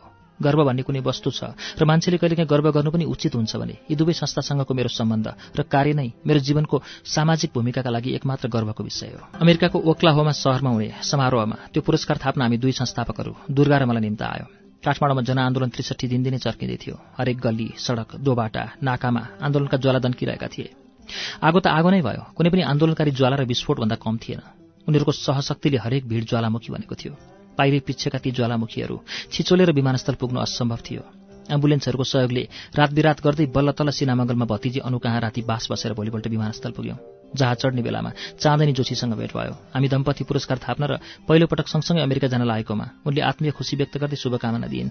Make best out of it. यस यात्राको सकेको सदुपयोग गर्नुहोस्। यी साहसी नारीका पति मोहन जोशी र बिहा गर्ने निदो भएकी छोरीको घोप्टे भिरमा भएको थाई एयरवेजको दुर्घटनामा निधन भएको थियो। त्यस दुर्घटनामा कोही पनि नबाचेको पुष्टि भइसकेको केही दिनपछि दुर्गा र म सहानुभूति व्यक्त गर्न उनी कहाँ गएका थियौँ। त्यसबेला अँध्यारो मुख लिएर सहानुभूति व्यक्त गर्नेहरूलाई उनले आफ्नो स्वाभाविक मुखमुद्रा कायम राखेर भनेको बारम्बार सम्झन्छु। उहाँ छोरीलाई लिएर आउनुहुन्छ अवश्य आउनुहुन्छ। उनलाई त्यो दुर्घटनामा परेर आफ्ना पति र छोरीको निधन भएको कुरामा पटक्क विश्वास थिएन जस्तो लाग्थ्यो। उनले त्यसबेला त्यस सत्यलाई स्वीकार गर्न मानेकी थिएनन् तर सत्य सत्य थियो जसलाई कुनै एकान्तमा अन्तर्मनमा स्वीकार गर्न उनी बाध्य भएन्। दुर्गा र म कम्तीमा दस बाह्र पटक अमेरिका गयौँ होला तर सधैँ बेग्ला बेग्लै निम्ता आउँथे बेग्ला बेग्लै जान्थ्यौँ। अमेरिका नदेखेको भए गाँसिने रहर हुन्थ्यो होला। कहिले काहीँ सँगसँगै जान नजुरेको होइन। तर घरमा बुढी आमा र बालकका छोराछोरीलाई सकेसम्म एकजनाले नछोड्ने स्थिति बसाएका थियौँ। यसपालि भने अपवाद जस्तै सँगसँगै जाँदैथ्यौँ सँगसँगै मात्र होइन विशिष्ट अतिथिको रूपमा निम्त्याइएर जाँदैथ्यौँ हाम्रो सम्पूर्ण यात्रा बास र समारोहहरू विशिष्ट थिए। अरू बेला जस्तो कामको बोझ थिएन। सम्मान समारोहहरूको मात्रै बोझ थियो। अथवा हामी पनि मेक बेस्ट आउट अफ इटको मुडमा मनस्थितिमा आशा र उत्साहमा थियौँ। अमेरिकाको हामीहरू जाने ठाउँमा इष्टमित्र र साथीहरूको कमी थिएन। फेरि यसरी दम्पति नै अमेरिका आइएला जस्तो पनि लागेन। त्यसैले पनि अमेरिकामा थप केही दिन बसेर नयाँ ठाउँहरू हेर्ने रमाइलो गर्ने मुड बनायो। साथीहरूले दोस्रो हनिमुन भनेर जिस्काए। मैले भने यो हामीहरूको पहिलो हनिमुन हो। दोस्रो भए त फिका भइहाल्छ नि। त्यो पनि आफूले कुनै लगानी नगरिकन त्यस यात्रालाई हामीले अर्काले पूरा खर्च बेहोरेको हनिमुनको रूपमा लिएका थियौँ। हाम्रो भर्खर बिहा भएको बेला सघन जीवन सङ्घर्षका दिन थिए। हामीलाई ती दिनहरूमा हनिमुन मनाउने जस्तो विलासिताको लागि समय र प्राथमिकता थिएन। अब बिहा भएको बत्तीस वर्ष भइसकेको थियो। छोराछोरी ठुला भइसकेका थिए। वृद्ध आमालाई हेरचाह गर्ने पूरा जिम्मेवारी भतिजा निरज र बुहारी लक्ष्मीले लिएका थिए। डाक्टर मधु घिमिरेले आमाको स्वास्थ्य मेरो जिम्मा भयो भनेका थिए। त्यस्तो सुल्टो परिस्थिति भएकाले हामी हनिमुन मनाउने मनस्थितिमा अमेरिका गएका थियौँ तर समयलाई त्यो मन्जुर रहेनछ। दुई हजार त्रिसठी साल वैशाख एक गति मेरा पुराना मित्र टम एरेन्सको निम्ता मान्न सान्टारोजा क्यालिफोर्निया पुग्यौँ। त्यसै दिन म ढाड दुखेर हलचल नै गर्न नसक्ने भएर थला परेँ। भोलिपल्ट बिहान ओछ्यानबाट उठेर दस पाइला पर खाजा खाने टेबलसम्म पनि जान नसकेपछि मैले दुर्गालाई भने तिमी एक्लै ओक्लो हामा गएर पुरस्कार समारोहमा भाग लिऊ म यहीँ उपचार गराएर बस्छु। सके भने मुख्य समारोहको लागि चार गतेसम्म आउँला। सकिन भने लस एन्जलसमा फर्कने फ्लाइटमा भेटेर सँगै गएर फर्काउँला। दुर्गाको मन झन भाँचियो। भनिन् मैले रातभरि भगवानको पुकारा गरेँ। सपनामा साईबाबाले मलाई अभय मुद्रामा आशीर्वाद दिनुभयो। तपाईँलाई ठिक हुन्छ। अरू केही उपाय नदेखेर मैले त्यो योजना बनाएको थिएँ। तर टम कहाँ थप एक दिन एक रात आराम गरेपछि ओक्लो आमा सहर जान सक्नेसम्म भएँ। ओक्लो आमा सहरको होटेलमै थन्किएर मेरो उपचार सुरु भयो। मैले एउटा मुख्य समारोह बाहेक अरू दर्जनौं महत्वपूर्ण आयोजनाहरूमा भाग लिन सकिनँ। पुरस्कार समारोहको समग्र आयोजना हामीले सोचेभन्दा भव्य एवं विशिष्ट रहेछ। सम्भवतः यो ओक्लो आमा राज्यको सबभन्दा विशिष्ट पुरस्कार हो। सबै समारोहहरूमा दुर्गाले बोलिन् द्वन्द्वका बीच तासिसको काम नेपालमा मानवाधिकारको स्थिति र आफ्नो मानवाधिकारका कामको अनुभव नेपाली राजनीतिमा महिलाको सहभागिता आदि। पहिलो दिन ओक्लाहामा सहरका मेयरले स्वागत समारोह आयोजना गरेर सम्मान पत्र दिए। दोस्रो दिन ओक्लाहामा राज्यकी गभर्नर पत्नी प्रथम महिलाले दिवाभोज आयोजना गरिन्। तेस्रो दिन दिउँसो ओक्लाहामा राज्यका सभामुखले संसदमा आयोजना गरेको समारोहमा दुर्गालाई सांसदहरूले स्ट्यान्डिङ ओभेसन दिएर स्वागत गरे। सभामुखले सम्मान पत्र दिए। चौथो दिनको रात्रिभोज मुख्य समारोह थियो जसमा म बाङ्गो ढाड लाएर भए पनि गएँ। ओक्लोहामा सहरस्थित ओक्लोहोमा राज्यको मुख्य सरकारी कार्यालय भवन। दुई हजार बाहन्न साल वैशाख छ गते टिमोथी म्याकभे नामक अमेरिकी नागरिकले बम पड्काएर ध्वस्त बनाउँदा एक सय अडसठी जनाको ज्यान गएको थियो। त्यो कार्य अमेरिकाको स्वदेशीले गरेको सबभन्दा भयंकर आतंक थियो। त्यस समारोहमा सहभागिताका लागि केवल एक सय अडसठीवटा कुर्ची राखेका थिए जुन ती एक सय अडसठी मृतकहरूको प्रतीकात्मक सम्झना थियो। सहभागिता र रात्रिभोजका लागि सहयोग मूल्य पनि एक सय अडसठी डलर नै राखिएको थियो। जुन अवसर छानिएका विशिष्ट व्यक्तिहरूलाई मात्र उपलब्ध गराइएको थियो। त्यहाँ दुर्गाले द्वन्द्वका माझ तासेसले गरेका विभिन्न कार्यक्रमहरूबारे बोलिन्। समारोहमा ओक्लो आमाका गभर्नरकी पत्नीले दुर्गालाई सिल्ड दिइन् र पुरस्कार समिति अध्यक्ष लिन्डा ल्याम्बर्टले लकेट। औपचारिक पुरस्कार सम्बन्धी कार्यक्रमहरूका अन्तरालमा आयोजित अनेक सानातिना अनौपचारिक भ्रमण दृश्यावलोकन र समारोहहरूको लेखा भएन। दुर्गालाई बिहानैदेखि रातिसम्म व्यस्त राखे। म भने ती कुनैमा पनि उपस्थित हुन सकिनँ। समारोहहरू सकिएपछि म ओक्लो आमामा उपचार गर्दै ओछ्यानमा कैदी भएका दिनहरूमा जनआन्दोलन त्रिसठी उत्कर्षमा पुग्यो। उपचारकै लागि हाम्रो ओक्लो आमा सहरको बसाई तन्किँदै गयो। रुसमा जारका विरुद्ध सड़कमा ओर्लेका जस्तै जनतालाई लेनिनले जार शाही विरुद्ध गोडाले भोट हाल्न आएका भनेका थिए। त्यसको नब्बे वर्षपछि नेपालमा कर्फ्यू तोडेर र गोली वर्षाको प्रवाह नगरी काठमाडौँका मूलबाटाहरूमा लोकतन्त्र गणतन्त्रका पक्षमा गोडाले मत हाल्न आएका त्यस्तै लाखौं विद्रोहीहरूलाई हामीले तीन दिनभरि वेबमा हेऱ्यौं। मलाई सबभन्दा पहिले सिभियर ओस्टोपोरोसिस अत्याधिक खिएर हाड कमजोर हुने र मक्किने रोग भएको पत्ता लाग्यो। यो रोग अमेरिकामा पचास वर्ष पुगेका पचास प्रतिशत नारीलाई हुन्छ। नेपालमा पनि बाक्लै हुन्छ तर पुरुषलाई निकै कम हुन्छ। कसै गरी पनि मेरो दुखाइ नघटेपछि एमआरआई गरे अनि मात्र मेरुदण्ड बनाउने उन्तिसवटा हाडका ठुनका मध्ये टी बाह्र नामक ठुनको चर्किएर त्यस्तो विधि ढाड दुखेको रहेछ भन्ने पत्ता लाग्यो। वैशाख एघार गते भर्टिब्रोप्लास्टी भयो। यो ठूलो चिरफार नगरिकनै सियो छिराएर चर्किएको हाडको उपचार गर्ने आधुनिकतम प्रविधि थियो। मैले त्यो गर्न विशेषज्ञलाई सोधेँ अब कहिले घर फर्किन सक्ने हुन्छु? उनले भने भोलि सात दिनमा गल्फ खेल्न सक्छौ। रोगमुक्त भएँ भनेर मेरो खुसीको सीमा रहेन। तर भोलिदेखि नै दुख्न एक ठाउँमा छोड्यो अर्को ठाउँमा थाल्यो। थप जाँचहरू सुरु भए। अमेरिकामा अन्तिम परीक्षणपछि डाक्टरले भने तिम्रो स्वास्थ्यका सबै सूचकहरू एकदम ठिक छन्। एकदमै ठिक छन्। कतै केही समस्या देखिएन। एउटा इलेक्ट्रोफोरासिसको परिणाम ठिक छैन। त्यो एउटा मात्रै ठिक छैन। तर म तिम्रो लागि धेरै दुःखी छु। एक दिन पनि ढिलो नगरी कति चाँडो सक्छौ उपचार थालिहाल।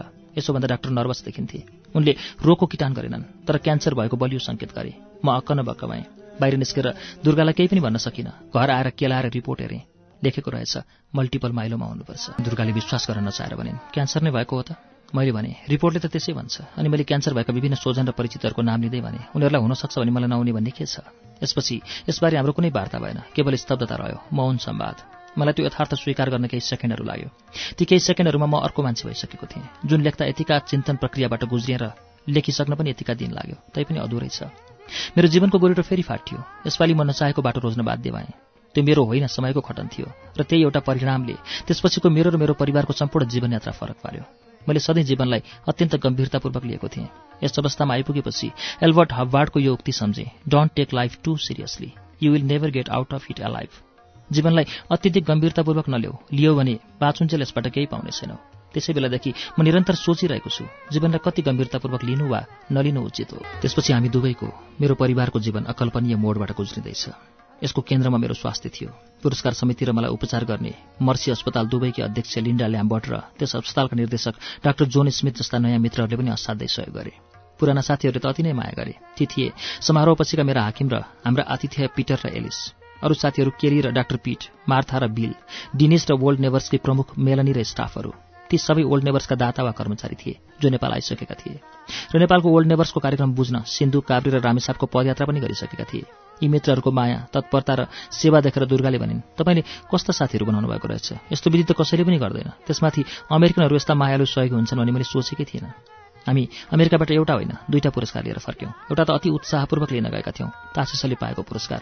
त्यसमा समयले मलाई रोगको पुरस्कार पनि थपिदियो। त्यो पनि बोकेर आएँ। मानमाथि भुक्तमान नबोकी सुखै थिएन। अमेरिका जाँदा हामी जति उत्साही थियौँ त्यहाँबाट फर्किँदा त्योभन्दा हजारौँ गुणा दुखी थियौँ।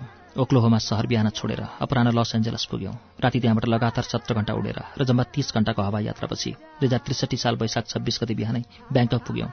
त्यो अत्यास लाग्दो लामो उडान बिजनेस क्लासमा भएकाले अलिक सुविधा त थियो तर मलाई औषधिले नथक्ने शारीरिक वेदना थियो दुर्गाको मानसिक वेदनाको सीमा थिएन ओक्लोहोमा सहर पुगेदेखि नै मलाई ढाड अति दुखेर खान थालेको मर्फिन लगायत अत्यन्त कडा औषधिहरूका उच्चतम मात्रा चालु थिए। ती आधुनिक विज्ञानले बनाएका सबभन्दा कडा औकति थिए। तैपनि तिनी मेरो पीडा विशोक पारेनन्। त्यसैले डाक्टरले असह्य दुख्यो भने बाह्र बाह्र घण्टाको साटो आठ आठ छ छ वा चार चार घण्टामा खानु भनेका थिए। उभिन र बस्न समेत गाह्रो भएको थियो। सुत्नै पर्थ्यो। बिजनेस क्लास लाउन्जहरूमा जान पाउँथेँ। पाएसम्म ढल्किन्थेँ। एकपटक हवाईजहाजमा पस्ने ढोकानी र भुइँमा नै सुतेर पनि पर्खेँ। त्यस यात्रासम्म मलाई र दुर्गालाई व्हीलचेयर माग्ने बुद्धि आएन। जीवनमा पहिलोपटक बिरामी भएर यात्रा गर्दै थिएँ कसरी ब्याङ्कक पुगिएला?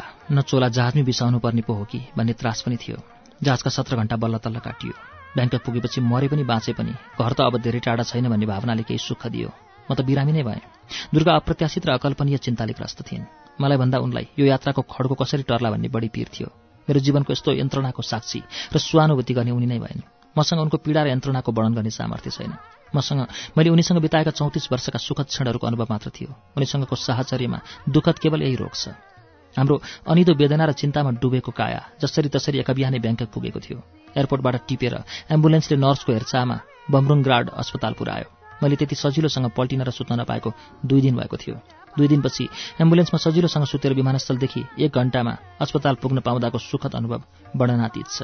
अब राम्रो उपचार गर्ने अस्पतालमा पुग्यो जहाँ विशेषज्ञ डाक्टरहरू र अत्याधुनिक अस्पतालका सबै सेवा सुविधाहरू पाइन्छन् भन्ने आशाले पनि ठूलो सान्त्वना दियो। बिहान दस बजे विशेषज्ञ डाक्टर नोरन साकले जाँचे र ढाडबाट बोन म्यारो झुके। उनी फेरि चार बजे आए। बोन म्यारोको रिपोर्टले मल्टिपल माइलोमा क्यान्सर निदो भएको बताए। भरेदेखि किमो उपचार थाल्ने भने। साँझ छ बजे भ्याड नामक किमो उपचार सुरु भयो। उनले ढाड दुख्नाको मूल कारण त्यही रोग भएको र किमो उपचारले रोग घट्दै गएपछि ढाड दुख्न समेत घट्दै जाने पनि बताए। केही राहत मिल्यो। आधुनिक चिकित्सा पद्धतिमा सुई वा इन्जेक्सनको ठूलो भूमिका छ। भ्याड किमो उपचार गर्दा नसामा सुई रोपेर त्यसमा गाँसेको नलीबाट रगत झिक्ने र हाल्ने अनि ओखती पानी र कतिपय बेलामा भोजन समेत दिने काम पनि त्यसैबाट गर्नुपर्दो रहेछ। त्यस प्रक्रियालाई मैले यहाँ सुली नली भनेको हुँ। परेपछि राम्ररी बुझेँ। मेरो उपचारमा त पाइलैपछि सुली रोप्नु र सुलीमा नली गाँच्नु पर्दो रहेछ। बढीमा तीन दिनमा सुलीको डोप फेर्नु पर्दो रहेछ। त्योभन्दा पहिले नसाबाट औषधि बग्न छोड्यो भने कुनै पनि बेला डोप फेर्नु पर्ने रहेछ। मलाई कुनै बेला उही सुलीले एक वा दुई दिन दिन काम दियो भने कुनै बेला एक दुई घन्टा पनि काम दिएन। उपचार मर्मत हो। ठुलो उपचार ठुलै मर्मत हो। ठुलो उपचारले ठुलै र नपुरिने खत छोड्छ। कहिलेकाहीँ जगैदेखि भत्काएर नयाँ जग हाल्नुपर्ने पनि उपचार हुन्छ। नयाँ जग अडिने वा नअडिने पनि उपचार हुन्छ। कहिलेकाहीँ रोगभन्दा उपचार खतरनाक हुन्छ। मेरो उपचार पनि त्यस्तै खतरनाक थियो। मलाई कडाभन्दा कडा बिखले उपचार गर्न थालियो। भिक्टर युगो भन्छन् men become accustomed to poison by degrees मान्छेको तहैसँग बिखमा पानी बानी पर्छ। मेरो तहैसँग किमो भन्ने बिखमा पानी पर्ने मेला लाग्यो। म देश देशान्तर डुली हिँड्ने चरो जस्तो मान्छेको अस्पताल वा घरको कोठा र ओछ्यानको हदबन्दी जीवन सुरु भयो। हँसिलो रसिलो स्वस्थ मान्छे बिरसिलो चिडचिडा रोगी भए। एकान्त र सोजन मेरा सर्वस्व भए। आफ्नो जीवनको अभिनेताबाट एकाएक मै आफ्नै जीवनको रमिते हुन पुगेँ। आफ्नै जीवनको फुटपाथमा उभिएर आफ्नै जीवनको रमिता हेर्न लागेँ लाग्थ्यो मैले जीवनका सबै रसहरू पान गरिसकेको छु रमिताहरू हेरिसकेको छु यातना रस अझै बाँकी नै रहेछ जुन हेर्दैछु पान गर्दैछु बाँच्दैछु। किमो उपचार सुरु भएको भोलिपल्ट दुर्गा नभएको मौका पारेर मैले मेरा प्रमुख चिकित्सक डाक्टर नोरेन साकलाई सोधेँ मेरो जस्तै स्वास्थ्य सूचक भएका माइलोमाका रोगीहरूको औषध आयु कति हुन्छ? उनले भने औषध तिन चार वर्ष तर यो औषध हो घटी बढी पनि हुन्छ। आधा जति रोगीहरू त्यसको आधा समयमै जान्छन्। हिमाल सुनिरहेको थियो। उसको आँखाबाट ठुल्ठुला आँसुका थोपा झरे र ऊ बाथरुमतिर लाग्यो। मलाई यही कुरा अरू दुई विशेषज्ञहरूले पनि भने। मैले हिमाललाई भने यो कुरा तँ र मलाई मात्र थाहा छ कसैलाई नभन्नु। अर्को सल्लाह लिन।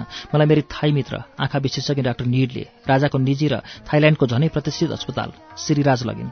त्यहाँ उनकी सहपाठी र रक्त क्यान्सर विशेषज्ञ डाक्टर चिरायुलाई भेटे। उनले मेरा रिपोर्टहरू हेरेर भनिन् तिम्रो रिपोर्ट राम्रो छ।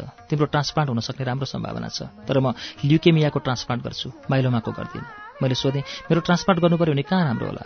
भनिन् ब्याङ्ककमा तिम्रो जस्तो ट्रान्सप्लान्ट एक दुई ठाउँमा भर्खर भर्खर गर्न थालेका छन्। वर्षको एक दुई गर्छन् होला।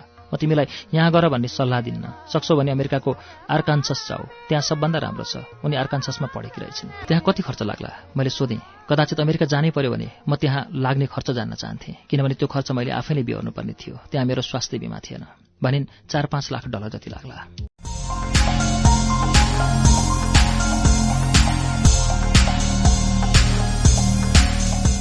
जगदीश घिमिरेको आत्मालाप अन्तर्मनको यात्राको दशौं श्रृङ्खला अब सुन्छौं। मेरो भ्याडकीमा उपचार थालेपछि भनियो यसको एक चक्र दिन चार पाँच दिन लाग्छ। त्यो त्यतिन्जेल हातमा सुलिन अलि अटुट रूपमा उनेको उनी राख्नु पर्दो रहेछ। यो क्रम निको नहुन्जेल हरेक तीन साता बिराएर दोहोऱ्याइ रहनुपर्ने रहेछ। प्रारम्भिक नियन्त्रणको लागि सामान्यतया छ चक्र दिनुपर्ने। अत यस उपचारमा मैले आगामी महिनौ महिना ब्याङ्कक नै बस्नुपर्ने भयो। सुलिनली उन्नु पर्दा अस्पतालभित्र र तीन साता पर्खेर बस्दा अस्पताल बाहिर। सुलिनली उनुन्जेल ओछ्यामै सुतिरहनु पर्ने रहेछ। मेरो त ढाडको पीडाले यसै पनि ओछ्यानकै बास थियो। सक्ने बिरामी बाथरुम जाँदा सुलिनली समेतै ओखती झुन्ड्याउने पाङ्रा लागेको थाङ्रोलाई गुडाएर आफूसँगै लैजाँदा रहेछन्। बमरुङगाड अस्पतालमा पाँच सय मिटर लामो सोझो कोरिडोर छ। त्यहाँ रोगीहरूले सुलिनली समेतै ओखती झुन्ड्याउने पाङ्रे थाङ्रो गुडाउँदै हिँडेर व्यायाम गर्दा रहेछन्। केही हिँड्न सक्ने भएपछि मैले पनि त्यसै गरेँ।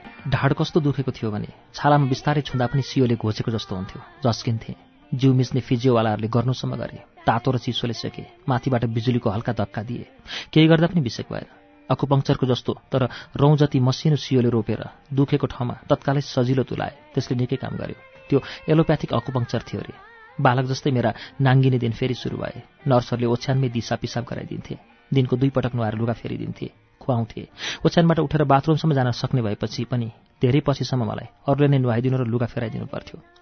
त्यही बेलादेखि म महिनौसम्म अस्पतालका र घरका सहायकहरूमा अगाडि निर्वस्त्र भएँ। बमरुङ गार्डमा मलाई एमआरआई एक्सरे गर्न ओछ्यानबाट अर्को गुड्ने स्ट्रेचरमा राख्दा ती दुईलाई जोडेर बीचको प्लास्टिकको फलेक राखेर मेरो जिउ पल्टाएर चार्नु पर्थ्यो हलचल गर्न खोज्दा दुखेर असह्य हुन्थ्यो।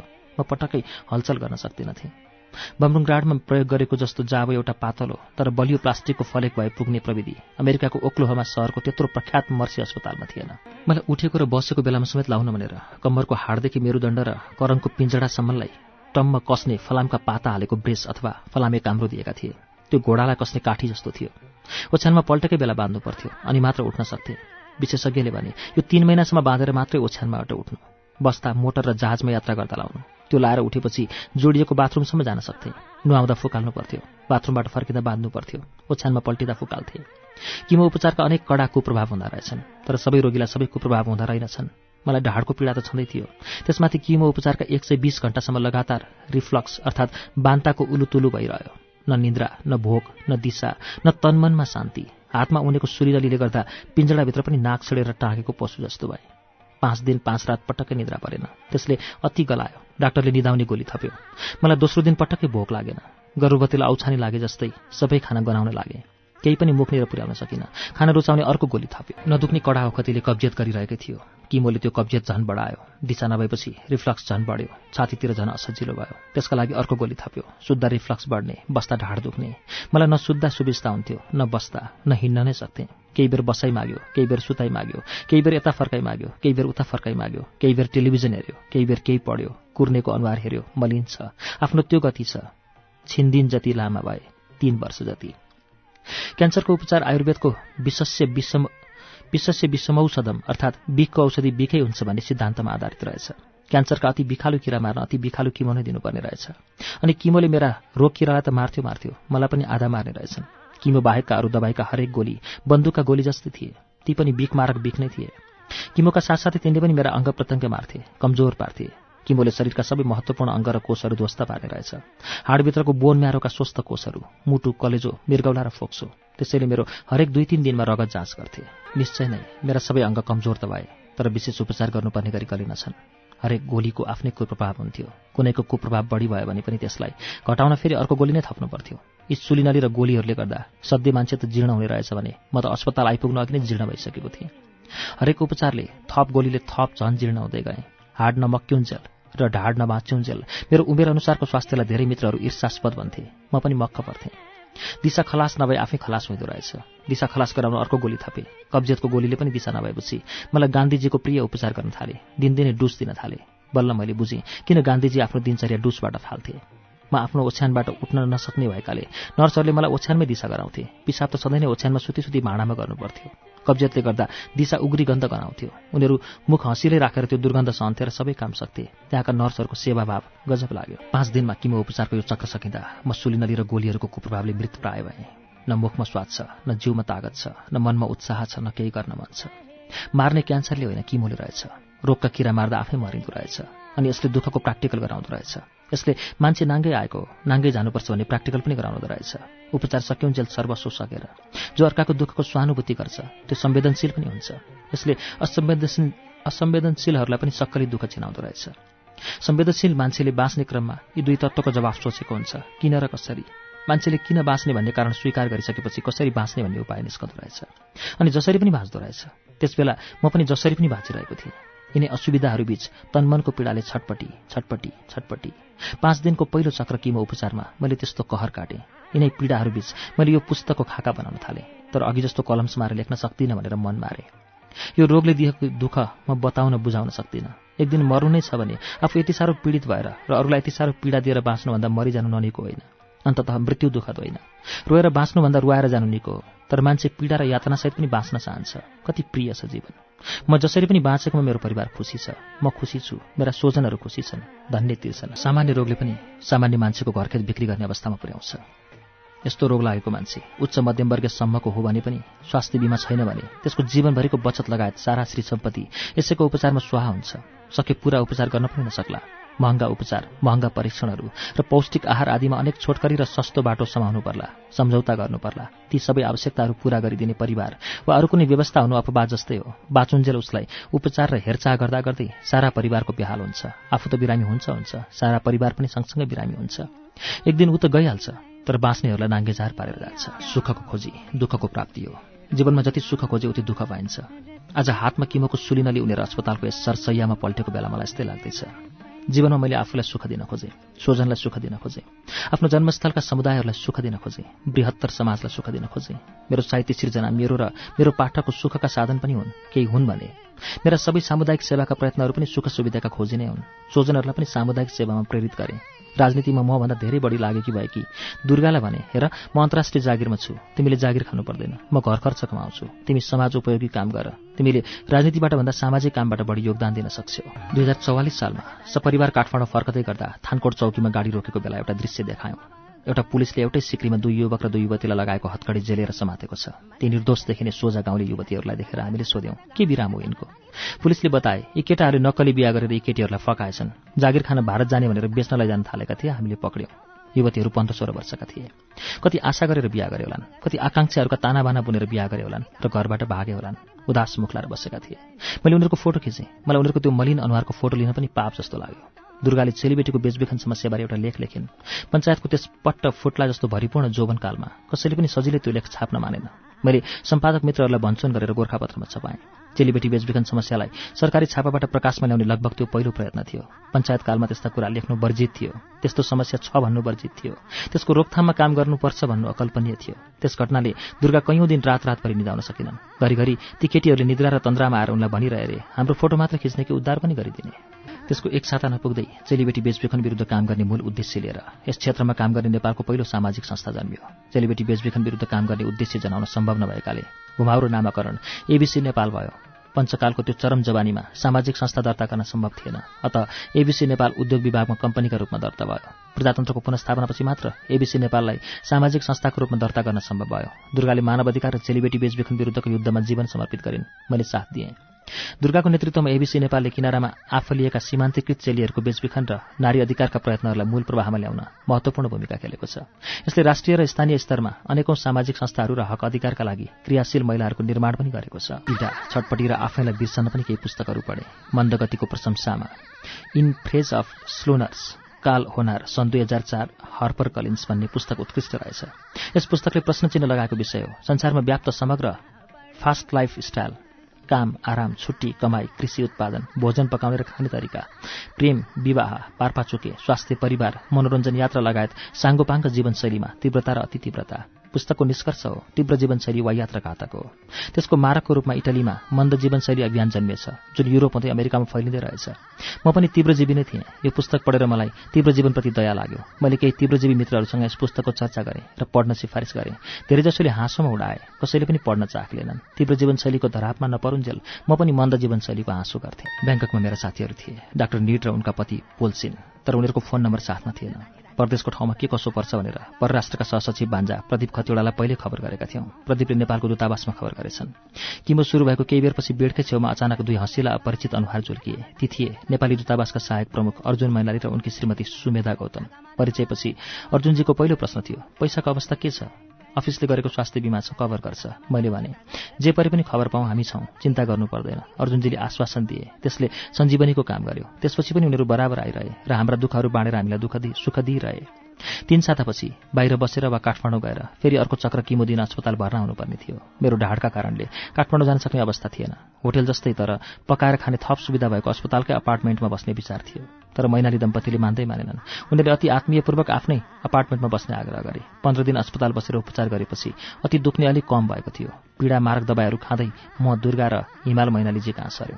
पाउन पाल्न सजिलो हुँदैन। अनेक चाँजो मिलाउनुपर्छ। अनेक असजिलाहरू सहनुपर्छ। उनीहरूले त्यो सबै गरे। आफूले सारा असजिलो सहेर हामीलाई न्यानो माया दिए। उनीहरूको आत्मीयता र पारिवारिक वातावरण अनि लामो समयदेखि नपाएको घरको भोजनले किमो उपचार र अनेकौं गोलीले गालेको ज्यान बौरायो। त्यसबेला हप्तौं र त्यसपछिका ब्याङ्ककमा उपचारको लागि भएका सबै यात्रामा उनीहरूको अपार्टमेन्ट हाम्रो स्थायी बास मात्रै होइन दोस्रो घर नै भएको छ। उनीहरूको परिवार हाम्रो दोस्रो परिवार भएको छ। मैनाली बन्धुहरू हाम्रो लागि ब्याङ्ककमा फरिस्ताका जोडी भए। ती मेरा जीवनका सबभन्दा दुःखका प्रारम्भिक दिनहरू थिए। उनीहरूको चारजनाको परिवारमा धेरै पटक हामी दुई तिनजना पाउन थपियौँ। त्यो पनि हप्तौँ हप्तासम्म। उनीहरूका छोरा अतल र छोरी स्तुतिको पढाइमा पनि असजिलो पार्यौँ ती बालकहरूले पनि बिर्सिन सक्नु माया दिए। म उनीहरूप्रति पनि आभारी छु। उनीहरूलाई हामीबाट भएको असजिलोको लागि क्षमा याचना बाहेक मैले गर्न सक्ने केही छैन। मैले दुर्गाले र मेरा सन्तानले जे जति गरे पनि ती दिनहरूमा र पछि पछि पनि उनीहरूले गरेको माया ममता र सहयोगको गुण र ऋण तिरिसक्नु सम्भव छैन। मसँग उनीहरूलाई दिने केही छैन। अफिस आशिक बाहेक मेरो र मेरो परिवारको अन्तरात्मा सदैव भन्छ। उनीहरूको सदा भलो होस्। मैनाली बन्धु कहाँ सरेको एक हप्तापछि बिहाको तयारीका लागि दुर्गा काठमाडौँ गइन्। हिमाल र म दोस्रो किमो उपचार कुरेर बस्यौँ। पहिलो चक्र किमो थालेपछि छोरा हिमाल डाक्टर मधु घिमिरे भाइ सुरिदलाई फोन गरेका थियौँ। मलाई माइलोमा क्यान्सर भएको सुनेर सब स्तब्ध भए। मधुले भने पहिले किन नभन्नु भएको? भने आफैले त भर्खरै थाहा पाएँ। उनले भने राम्रो ठाउँमा उपचार हुँदैछ। सब ठिक हुन्छ आत्तिनु पर्दैन। छोरी जुन लन्डन स्कुल अफ इकोनोमिक्सको अन्तिम वर्षमा थिए फाइनल नजिकै थियो। उसलाई अहिले खबर गरिहाल्ने कि जाँच सकिएपछि मात्रै गर्ने भन्ने दुधारमा थियौँ। तर उसले अरूबाट थाहा पाउनुभन्दा हामीले नै बताउनु उचित लाग्यो। फोन गऱ्यौँ सुरित पर्सिको दिन ब्याङ्कक आए। हिमाल र निरज पनि नेपर्सी आए। यिनीहरू कुदाकुद गरेर मेरै लागि आएका थिए। नआएको भए पनि हुन्छ भनेको थिएँ तर उनीहरूको मन मानेन। हामीभन्दा उनीहरू व्याकुल थिए। तर मलाई देखेपछि उनीहरू केही आश्वस्त भए। म ओछ्यानमा सुतेको बेला त लगभग पहिलेको जस्तै स्वस्थ देखिन्थे। रगत मात्रै विकृत भएको थियो। जुन अनुहारमा देखिँदैन थियो। अस्पतालको कोठा घरै जस्तो भयो। पीडै पीडाले पोलेको मेरो मनलाई पनि कता कता शीतल भयो। ओक्लोहामा सहरदेखि नै तनमन गलित पलित भएकी दुर्गालाई छोरा र भतिजाले पारो दिए। केही राहत भयो। मेरो सुद्धा सुद्धा दुखेको मांसपेशीलाई गोडा मिचेर सुख दिए। यसअघि मैले कहिले पनि गोडा मिचाएको थिइनँ। सुद्धा सुद्धा दुखेको मांसपेशीलाई मिचेको अति आनन्ददायी हुँदो रहेछ। ओछ्यानबाट हलचल गर्न गाह्रो भए पनि सूर्यले चार दिनसम्म पीडा र रोगको चिन्ता बिर्साउने रमाइलो वातावरण बनाए। जति दुःखमा पनि हाँस्न लगाए प्रोत्साहित गरे। जीवनमा बाँचुन्जेल हाँस्नुपर्छ भन्ने बुझाए। दुर्गा र म धेरै दिनदेखि हाँसेका रहेनछौँ। सुरितसँग खुब हाँस्यौँ पीडा र दुःख बिर्स्यौँ। छ महिना अघि सुरिद र म अमेरिकामा दिप्ती भान्जीको बिहामा सँगै थियौँ। केटाकेटी दुवै अमेरिकामा पढेका र काम गरेर बसेका थिए। वर र बधु दुवै पक्षका स्वजनहरू काठमाडौँबाट गएका थिए। मान्छे सीमित थियौँ। एउटै मोटेलमा बसेका थियौँ। सबै औपचारिक अनौपचारिक अवसरहरूमा सँगै भएकाले दुवै पक्षमा यति राम्रो घुलमिल भयो कि औपचारिकताको ठाउँ हाँसखेल ठट्टा र रमाइलाले लियो। एक साता खुबै रमाइलो गऱ्यौँ सुरुद भेटेपछि मैले ती सात दिन सम्झिएर भने बाबु मेरा त दिन गए। तिमी जीवनमा अरूलाई हानि नगरिकन रमाइलो गरेर बाँच। परिवारका सबैको राम्रो स्वास्थ्य बिमा गरिराख्यो भने काम लाग्दो रहेछ। हेर मलाई अहिले कति मद्दत पुग्यो सो यो उपचार गर्न सुरुदले भने तपाईँले कसैको कुनै अपकार गर्नुभएको छैन। सबैको सकेको उपकार गर्नुभएको छ। तपाईँलाई केही हुँदैन। सब ठिक हुन्छ। केही समयको दुःख हो। भगवान्ले न्याय गर्छन्। हामी फेरि त्यस्तै रमाइलो गरौँला। अब त झन् बढी गरौँला। चाँडै निको भएर आउनुहोस्। त्यसपछि बाटो घुमाएर भेट्न आइपुगेका मित्रहरू शरद नेौपारी र रामकृष्ण नेौपानेको आत्मीयताले म विभोर भएँ। डाक्टर विश्वम्बर प्याकुरेल त्यही अस्पतालमा मेरुदण्डको ठूलो शल्यक्रियापछि आराम गरिरहेका रहेछन्। खबर पाएर पत्नी ज्योतिसँगै उनी आए। विश्वम्बर ढाडमा मेरो जस्तै फलामे काम्रो बाँधेर बिस्तारै हिँड्दा रहेछन्। उनले आफ्नो कुरा यसरी बताए। हेर जगदीश म काठमाडौँकै डाक्टरहरूको घरमा बसेको भए मरिसक्ने थिएँ। छ महिना अघि मेरो पिसाबमा रगत देखियो। डाक्टर भोला जोशीले सिस्टोस्कोपी गरेर मेरो पिसाब थली सफा गरे। तीन महिनापछि फेरि पिसाबमा रगत देखियो। ब्याङ्कक आएर यही अस्पतालमा देखाएँ। यहाँ पनि फेरि सिस्टोस्कोपी नै गर्यो। यहाँसम्म त ठिकै रहेछ। त्यसको दुई महिनापछि मलाई सिभियर ब्याक पेन भयो। हलचल नै गर्न नसक्ने भए। नर्विकमा भर्ना भएर डाक्टर उपेन्द्र देवकोटाको नेतृत्वमा मेरो उपचार सुरु भयो। मलाई कडाभन्दा कडा पेन किलर दिएर कम्प्लिट बेड रेस्ट गराए अनि तीन महिना कम्प्लिट बेड रेस्ट गर्नुपर्छ भनेर घर पठाइदिए। घर गएर एक महिना कम्प्लिट बेड रेस्ट गरेँ तर म झन्झन गल्दै गएँ र मेरा गोडा पनि नचल्ने हुन थालेपछि डाक्टरहरूको होइन साथीहरूको सल्लाहमा यहाँ आएँ। यहाँ जाँच्ने बित्तिकै भने ढाडको हाडमा कडा इन्फेक्सन भएकाले तिम्रो ढाडमा सिभियर ब्याक पेन भएको तिम्रो आजै मेजर अपरेसन नगरे कि शरीरको तल्लो भागको कि मास्लो भागको पक्ष पक्षघात हुन्छ। कति लाग्छ भनेर सोधेको त्यही अठाइस लाख रुपियाँ जति लाग्छ पो भने। हामी त्यो तयारीमा आएका थिएनौँ। आपत पर्यो। एक त रोगको पिर अर्को उपचार गर्न लाग्ने त्यत्रो रकम परदेशको ठाउँमा तुरन्त जुटाउनु पर्ने टेन्सन। आधा जति पेस्की आफूले ल्याएको रकमबाट दिएँ। काठमाडौँका इष्टमित्रहरूको सहयोगले पैसा जुटाएर बाँचियो। तिम्रो के छ नि स्थिति? मैले आफ्नो राम कहानी उनलाई बताएँ। संसार दुःखले भरिपूर्ण छ तर सुखका ससाना छारी फाटाफुट्टा नै भए पनि पाइन्छन्। बमरुङगाड अस्पतालमा एक सय बिस घण्टाको मरणासन्न पार्ने दोस्रो चक्रको भ्याड किमो उपचार सकेर निस्केपछि म र हिमाल एक रात मैनाली बन्धुहरूसँग बस्यौँ। भोलिपल्ट ब्याङ्कक छोड्यौँ। जहाज काठमाडौँ पुग्न लागेपछि झ्यालतिर सरे र नेपालको धरातल हेर्न लागे। बितेका दुई महिनामा बारम्बार अब नेपाल देख्न पाइने हो कि होइन जस्तो लागेको थियो। पाइयो। लेखेको रहेछ देखियो। असार दिए पनि असार भए पनि दिन खुल्ला थियो। जहाज जति ओर्लँदै गयो उति राम्रो लाग्दै गयो। हरिया वन हरिया मैदान र हरिया डाँडामाथि उड्दै उपत्यका देखेपछि लाग्यो स्वर्ग यही हो। पन्ध्र दिनका लागि घर छोडेको पचहत्तर दिनमा फर्केको थिएँ। अनेक अप्रत्याशित आपतहरू यातनाहरू भोगेर। हिजो मात्र मेरो किमो उपचार सकिएको थियो। बिहान हवाई अड्डामा व्हील चेयरमा गुड्दा गुड्दै रनाहा लागेर बाटैमा बमन गरेको थिएँ। जहाजमा दिएको भोजन पनि रुचेको थिएन। किमोले डढेर मुख रातो भएको थियो। विमानस्थलमा मलाई मेरा मायालीहरूले घेरेर निहालेर हेरे। म बदलिएको देखेँ। म बाँचेर आएको देखेर खुसीले रोएँ रुवाए। मैले भने चिन्ता नगर मेरो जहाज घोप्टे भिरमा ठोकिसकेको होइन। वार्निङ मात्रै आएको हो। म अझै दुई चार वर्ष तिमीहरूका माझ हुन्छु। चक्रपथ हुँदै घरतिर लाग्यो। यो बाटोमा अफिस समयमा सधैँ ट्राफिक जाम हुन्थ्यो। तर आज दिउँसो बाटो खुलै थियो। वा म संसारको नामी ट्राफिक जाम हुने ठाउँ ब्याङ्ककबाट भर्खरै आएकाले। यतिको यातायात खुकुले त्यस्तो लागेको थियो। ब्याङ्कको ट्राफिक जाम र सडक छेउका खाँदाखाँद गरेर बनेका अग्ला घरहरूको घुइँचो सम्झँदा यहाँ कुनै पार्कको बीचबाट हिँडेको जस्तो लागिरहेको थियो। सोचेँ चक्रपत्र यति खुक्लो र सजिलो हुँदैन थियो। आज किन यस्तो लागिरहेको छ? घर पुगिन्जेलको आधा घण्टाको यात्रा रमाइलो भयो। घर पुगेपछि सबभन्दा पहिला थला परेकी आमाको दर्शन र भलाको सारी गरे। म बिरामी भएको आमालाई भनेको थिएन। हिँडिरहने छोरो यसपालि अलि लामो यात्रापछि आयो भनी ठान्नु भयो होला। अनि आँगनमा डुल्दै चारैतिरको दृश्य हेरेँ। मैले दुई हजार चौवालिस सालमा यो जग्गा किन्दा र त्यसको छ वर्ष पछिदेखि बसोबास गर्न लाग्दा समेत यहाँबाट वर्षको चार पाँच महिना हिमाल खुला देखिन्थ्यो। त्यही हिमाली दृश्य र वरिपरिको वन वनस्पतिको मोहले मैले यो जग्गा किनेको थिएँ। अचेल काठमाडौँमा विकार यति बढिसकेको छ कि यहाँबाट वर्षमा दुई चार हप्ता मात्र हिमाल खुला देखिन्छ। राति पानी परेर बिहानदेखि मात्रै उब्रेकाले आज हिमाल छ्याङ्ग देखिन्थ्यो। आफ्नै हातासँग जोडिएको पूर्वपट्टिको आदिनाथको सल्लेनी वनलाई अभिवादन गरे बितेका बीस वर्षदेखि यो वनका प्रत्येक रुखसँग मेरो मितेरी चाहिनु छ। हरेक बिहान यिनको छायामुनिबाट हिँड्दा मैले यिनीहरूसँग भलाकुसारी गर्थेँ। आज परैबाट गरे। उनीहरूले आफ्ना सुइरे पातहरू हल्लाएर मलाई स्वागत भने र शीतल हावा पठाइदिए। एक वनबाट थालेर मैले मेलैसँग पूर्वतरतिर हेर्न थालेँ। क्षतिजमा छ सात आठ हजार मिटर अग्ला गौरीशङ्कर श्रृङ्खला र पश्चिमतिर क्रमशः चोबा भाम्रे फुर्बी छ्याचु दोर्जे लाक्पा सिसापाङमा लाङटाङ गणेश हिमाल हुँदै उत्तर पश्चिममा मनास्लोसम्मका सेता निला चुचुराहरू देखिए। करिब एक सय साठी डिग्रीको क्षतिज र दुई सय किलोमिटरको दूरीपछि हिमश्रृङ्खलाको दृश्य टुङ्गियो। त्यसमुनि क्रमशः पहाडका तरेलीहरू। अनि पूर्वोत्तरमा नै रेमरेम देखिने चाँगुना र डाँडाको नाक। उत्तर पश्चिमको एउटा टाकुरामा स्वयम्भूनाथको मन्दिर जुन हरेक साँझ बत्तीले जगमगाएको हुन्छ। त्यो जगमग मेरो आँगनबाट मात्र होइन सुत्ने कोठाबाट पनि छ्याङ्ग देखिन्छ। मैले ती सबैलाई अभिवादन गरेँ। उनीहरूले मलाई आशिक दिए। अनि काठमाडौँको ठूलो भागमा देखिने समय असङ्गत एनोक्रोनाटिक र बत्तीसवटा दाँत अटाउने गिजामा छत्तीसवटा दाँत जस्तो खाँदाखाँद गरेर र खप्टेर बनाएका जस्ता क्लस्ट्रोफोबिक घरहरू फेदीमा बागमती नदी र त्यसमाथिको एक सय वर्षभन्दा पुरानो झोलुङ्गे पुलले मन्थली घाटमा तामाकोसीमाथिको झोलुङ्गे पुलको जझल्को दियो। रमाइलो लाग्यो। सोझे मुनतिर हरियो बागवानी र पारिपट्टि ट्याङ्ला फाँटको दक्षिण पाखो। घरै मुनिका खेतको रोपाइँको तर्खर पश्चिममा भाँजगालको पाखामा बाँसघारी र उत्तिसका रुखहरू आफ्नै बगैँचामा फुलेका रङ्गीचङ्गी फुलहरू र हरियो बारी जताततै हरियो। यी दृश्यहरूसँग म सधैँ वार्तालाप गर्थेँ। आज पनि गरेँ। मेरो बिसन्चो उनीहरूलाई ननिको लाग्यो। एक्काइस वर्ष अघि बेलायतबाट फर्कने बित्तिकै म पछिसम्म काम लाग्ने घडेरीको खोजमा लागेँ र मैले यो ठाउँ र यी दृश्यहरू अति नै मन पराएर घडेरी जोडेको थिएँ। बेलायतको घर बेचेको नाफाबाट यो घडेरी किनेर यहाँ घर बनाउन थालेको थिएँ। यो बनाइ सकुन्जेल कुमारीगालको छ रोपनी जग्गा र बत्तीस पुतलीको एक रोपनी जग्गामा बनेको घर पनि बेचिसकेको छु। तैपनि यो पुरा बनिसकेको छैन। भन्दा भन्दैको घरमा दुई हजार एकाउन्न साल वैशाखमा सायद गर्न मात्रै भनेर तीन रातको लागि सुत्न आए। तीन रातपछि दुर्गालाई भने अब त्यो साँगुरो बत्तीस पुतली फर्कन्न तिमीहरू जे मन लाग्छ गर। अनि उनीहरू पनि यहाँ सरे। यो ठाउँ राम्रो लाग्थ्यो त्यति हो। परदेश विदेशका लामा लामा यात्राहरूबाट फर्केर आउँदा पनि आजभन्दा पहिले कहिले पनि मलाई यो ठाउँ त्यति राम्रो लागेको थिएन।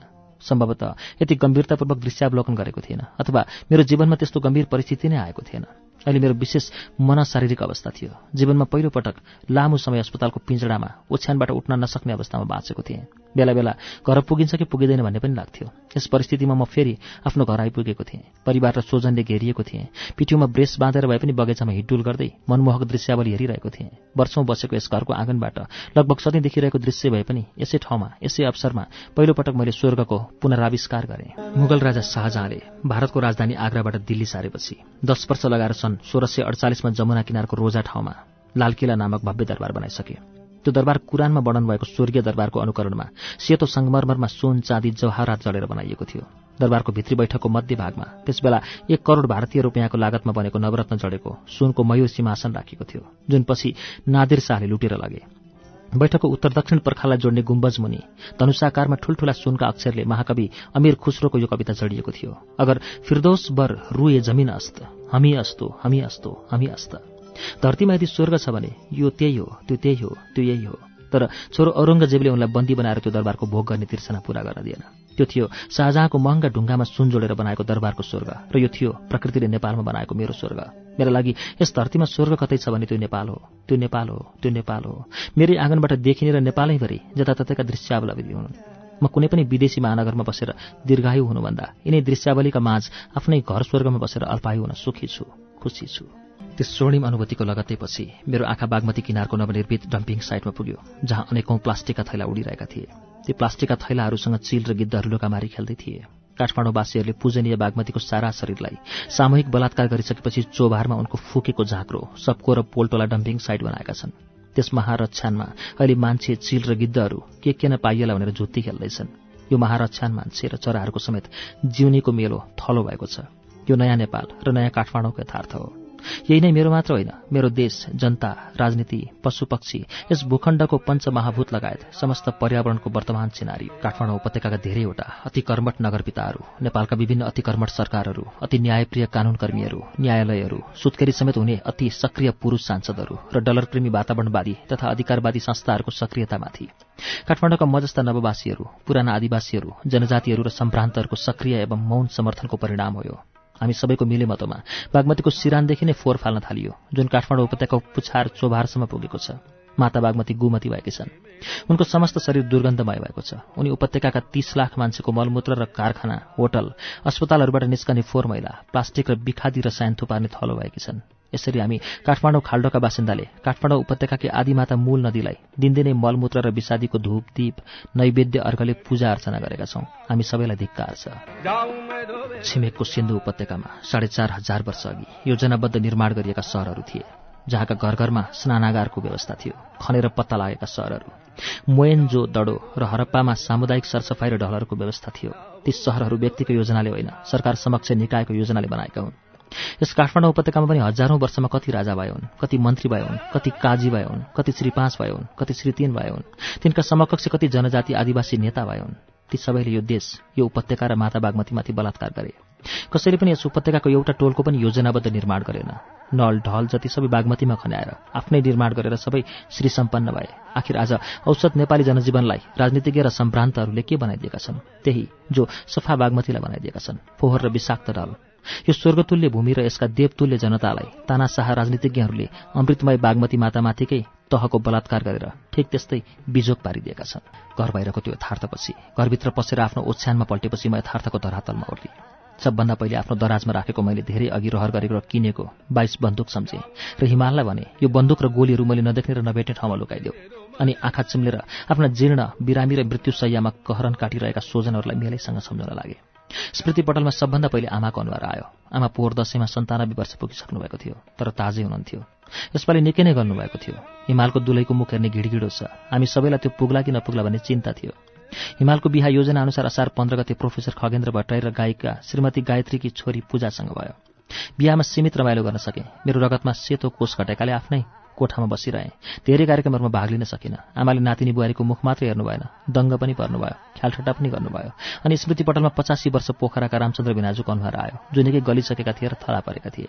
अनि छयत्तर वर्ष रमेश भिनाजुको अनुहार देखेँ जो पाँच महिनादेखि प्याङ्क्रियाजको क्यान्सरबाट पीडित थिए। उनी पनि निकै गलिसकेका थिए। त्यसपछि सडसठी वर्षीय मित्र र छिमेकी वैद्यको अनुहार देखेँ जो तीन वर्षदेखि थला परेका थिए। अनि सम्झे क्यान्सर पीडित अरू आफन्त र मित्रहरूलाई पूर्व प्रहरी महानिरीक्षक अच्युत खरेलकी श्रीमती मीना केही वर्षदेखि पाठेघरको क्यान्सरले ग्रस्त थिइन्। ओम सिटौलाकी श्रीमती माया पनि केही वर्षदेखि मेरो जस्तै रोग मल्टिपल माइलमले पीडित भएकी थिइन्। आफू यसरी रोगग्रस्त भएपछि यी अनुहारहरू यिनीहरूसँग भएका मेरा बसुटहरू र यिनको मैले जानेको जीवनशैलीका मेरा एकान्तका साथी भए। म ऐनामा आफ्नो अनुहार हेर्दा उनीहरूको अनुहार देख्न थालेँ। म उनीहरूको स्वास्थ्यको बढी चासो राख्न थालेँ। मेरो लागि त्यो कुरा प्राथमिक भयो। सक्दा भेटेर र नसक्दा फोनबाट उनीहरूको हालखबर बुझ्नु मेरो दिनचर्या भयो। त्यो मेरो स्वानुभूति भयो। यस परिस्थितिमा मात्र मैले स्वानुभूति के हो भन्ने बुझेँ। छापामा छापेर कार्ड पठाएर वा वक्तव्य दिएर गरेको सहानुभूतिमा स्वानुभूति हुँदैन। होसमा भएकाहरूको म प्रति उत्तिकै सहानुभूति भयो। अझ बढी पनि भयो। रमेश पिनाजुले गह बिजाउँदै भने म त छयत्तर वर्ष लागे। बरु तिम्रो जस्तो क्यान्सर मलाई भएको भए पनि त्यति पिर लाग्ने थिएन। जति तिमीलाई हुँदा लागेको छ। मेरो त यो संसारमा काम सकिसक्यो। सबै छोराछोरी आफ्नो मेलोमा लागेका छन्। उनीहरूको घरबार राम्रो छ। तिमीले समाजका लागि धेरै काम गरेका छौ। अझ धेरै गर्ने उमेर छ। साठी वर्षमा त मान्छे जवान हुन्छ। तिमी जवान मान्छे सर काम गर्दै थियौ। यो के भयो? बिचरा उनलाई के थाहा?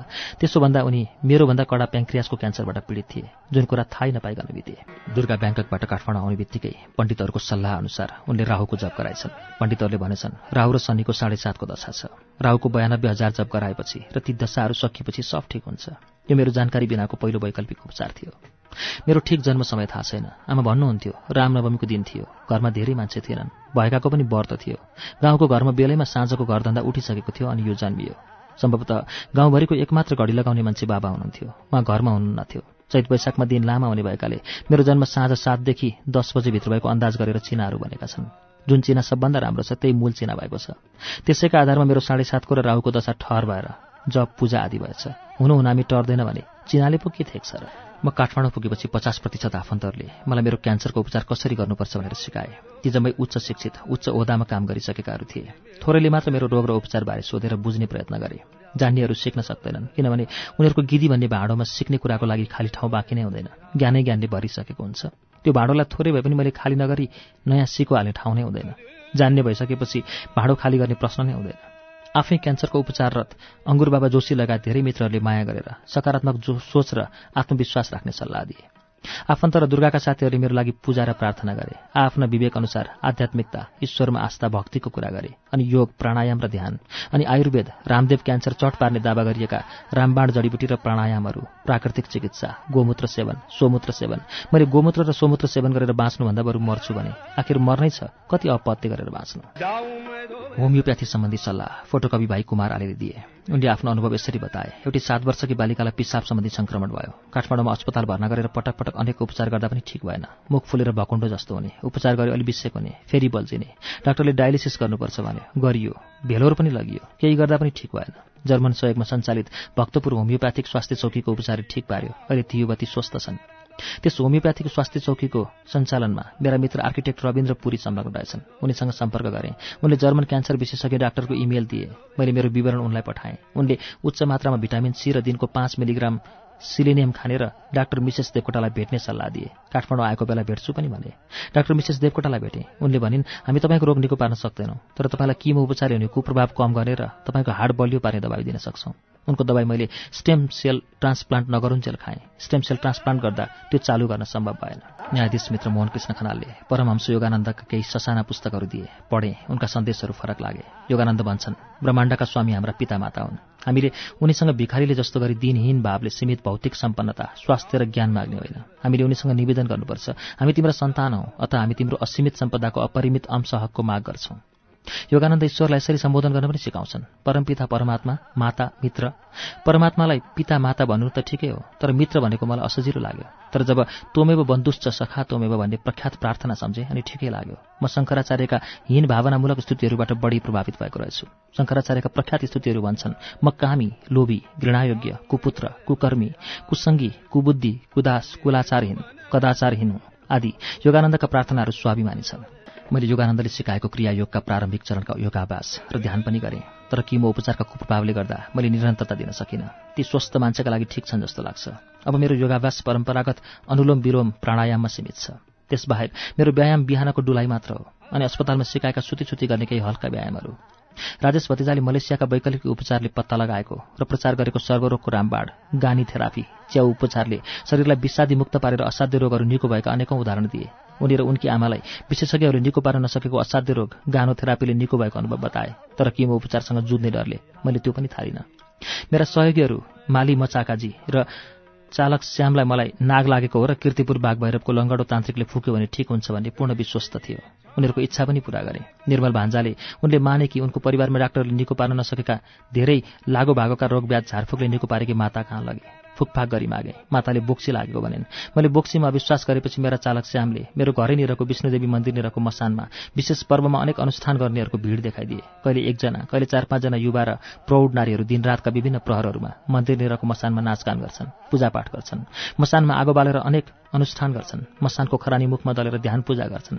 विष्णुदेवी मन्दिरमा सूक्ष्म शक्ति जागरण भन्ने ब्यानर लगाएर हप्तौँ बस्छन् र अनेक अनुष्ठान गर्छन्। मैले अचम्म मान्दै भने कि यिनीहरू साँच्चै बोक्सी विद्या सिक्ने हुन् त? श्यामले भने बोक्सी विद्या नसिक्ने भएछ मसानमा किन नाचगान ध्यान पूजा गरेका त? यतिका दिनसम्म यो मन्दिरमा बसेर। यिनीहरूले यो मसानमा के गरिरहेका छन् भन्ने यिनका घरका मान्छेहरूलाई थाहा छैन होला? मैले सोधेँ। थाहा भएर के गर्ने? घरकी आए मैले आँटेको कुरा कसले रोक्न सक्छ? साहेबले पनि सक्दैन।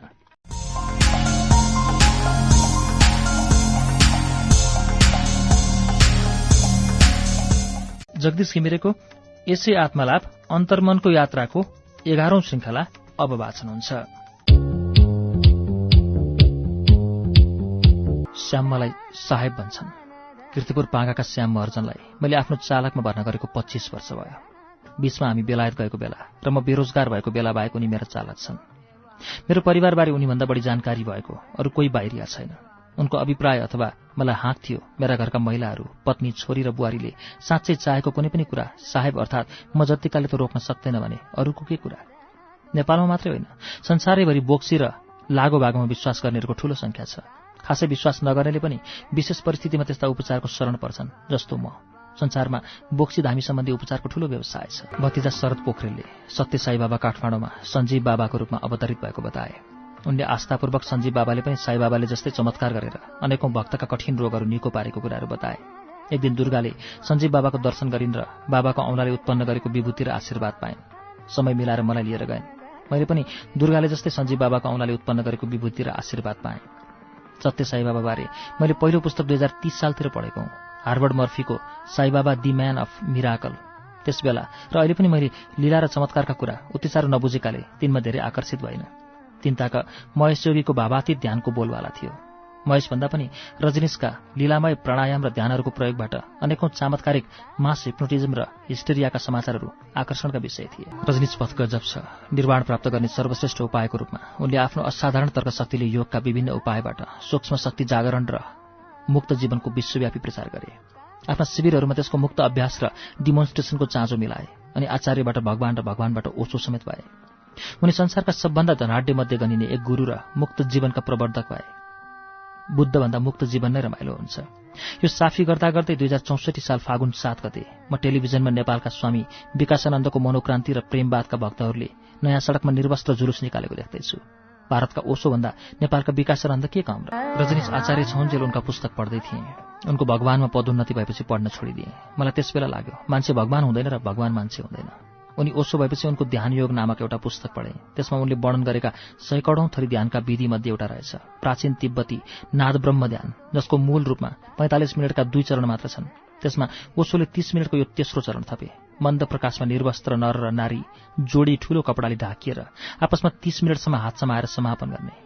अब म त यस मादक निर्माण मार्गको अभ्यास गर्न सक्षम छैन। यो सक्षमले अभ्यास गर्ने कुरा हो भनेर त्यो किताब आधै पढेर थन्क्याएँ। मलाई नेपाल साप्ताहिकमा स्तम्भ लेख्न सुरु गराउने सम्पादक विजय कुमारले केही वर्ष अघि भनेका थिए। म त साईबाबाको भक्त भएँ। तपाईँ नि?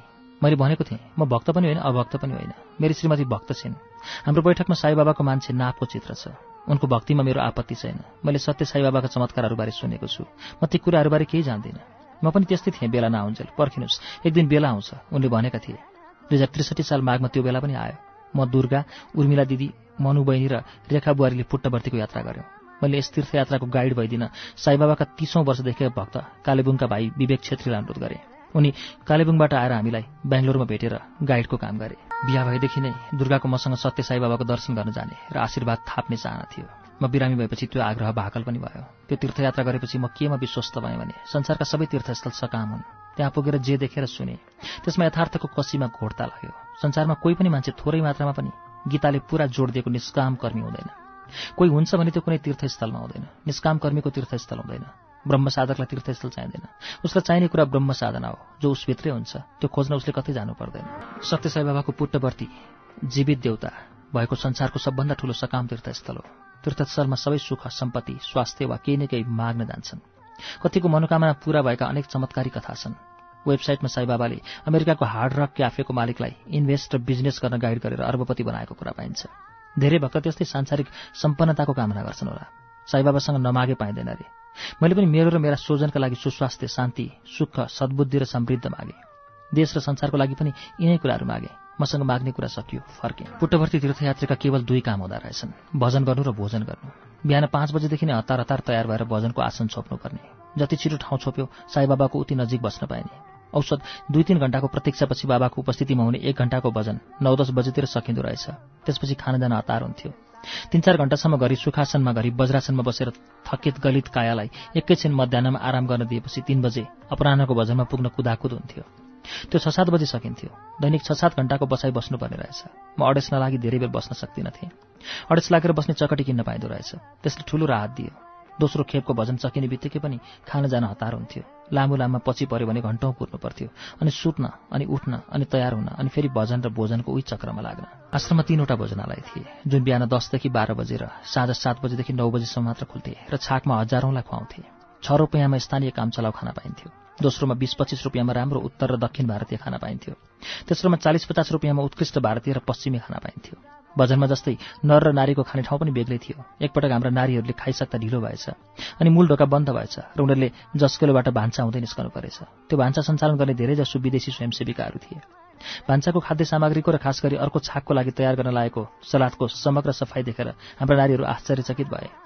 विदेशी महिलाहरूले सलाद बनाउने सबै सागसब्जीहरूलाई सफा पानीले धोएर सफा टावेलले पुस्दै गरेको देखेछन्। छोटो वर्णन गरे। त्यसको तुलनामा हाम्रा भान्सा त रछ्यान हुन्। हाम्रो चार दिने बसाइमा बाबाको उपस्थितिमा भएका भजनहरूमा हामी छ खेप सहभागी भयौँ। मेरो भिजिटिङ कार्डको वजनले गर्दा पहिलेका तीन खेप सबभन्दा अगाडिको पङ्क्तिमा बाबानेर बस्ने टिकट पाएँ। पछि रेखा बुहारीले बाबाको गौशालामा राम्रै रकम दान गरेपछि त झन् बढ्यो र बाँकी खेपहरूमा पनि अगाडि बस्ने टिकट पायौँ। त्यो मात्रै होइन दानको गहकिलो रकम पाएपछि पहिले राम्ररी नबोल्ने वास्ता नगर्नेहरू अति नम्र भएर मानमनितोसित समेत गर्ने भए। भने किन बाहिर होटलमा बसेको? सोझै यहाँ आएर आश्रमको सुविधायुक्त आवासमा बस्नु पर्दैन थियो।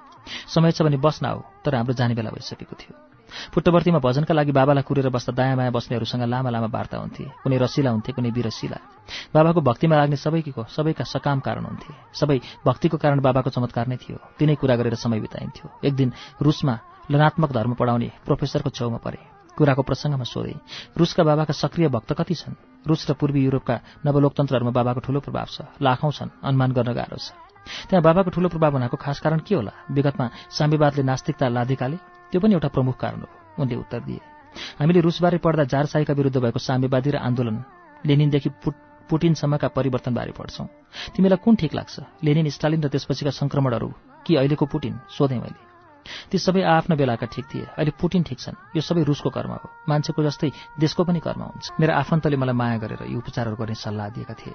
मलाई कसैले पनि अक्षता मन्त्रेर हिर्काएको थिएन। तापनि ती उपचारका क्रममा म दन्ते कथाको त्यो राजकुमार जस्तो भएको थिएँ जसलाई टुनामुना गरेर मन्त्रीको अक्षताले हिर्काएर भेडो बनाइएको थियो। अनि त्यो राजकुमार एकरिएर टुना गर्नेको पछि लागेर हिँडेको थियो। मेरो पनि कर्मकै कुरा हो। त्यही भेडो जस्तै खुरुखुरु मानेर मैले थरीथरीका उपचार गरेर सबैको चित्त बुझाएँ। मेरो चित्त भने समयले नै बुझाउनेछ। तीन सातापछि किमो उपचारको लागि बर्मुङग्राड जाने मेरो योजना यथावत थियो।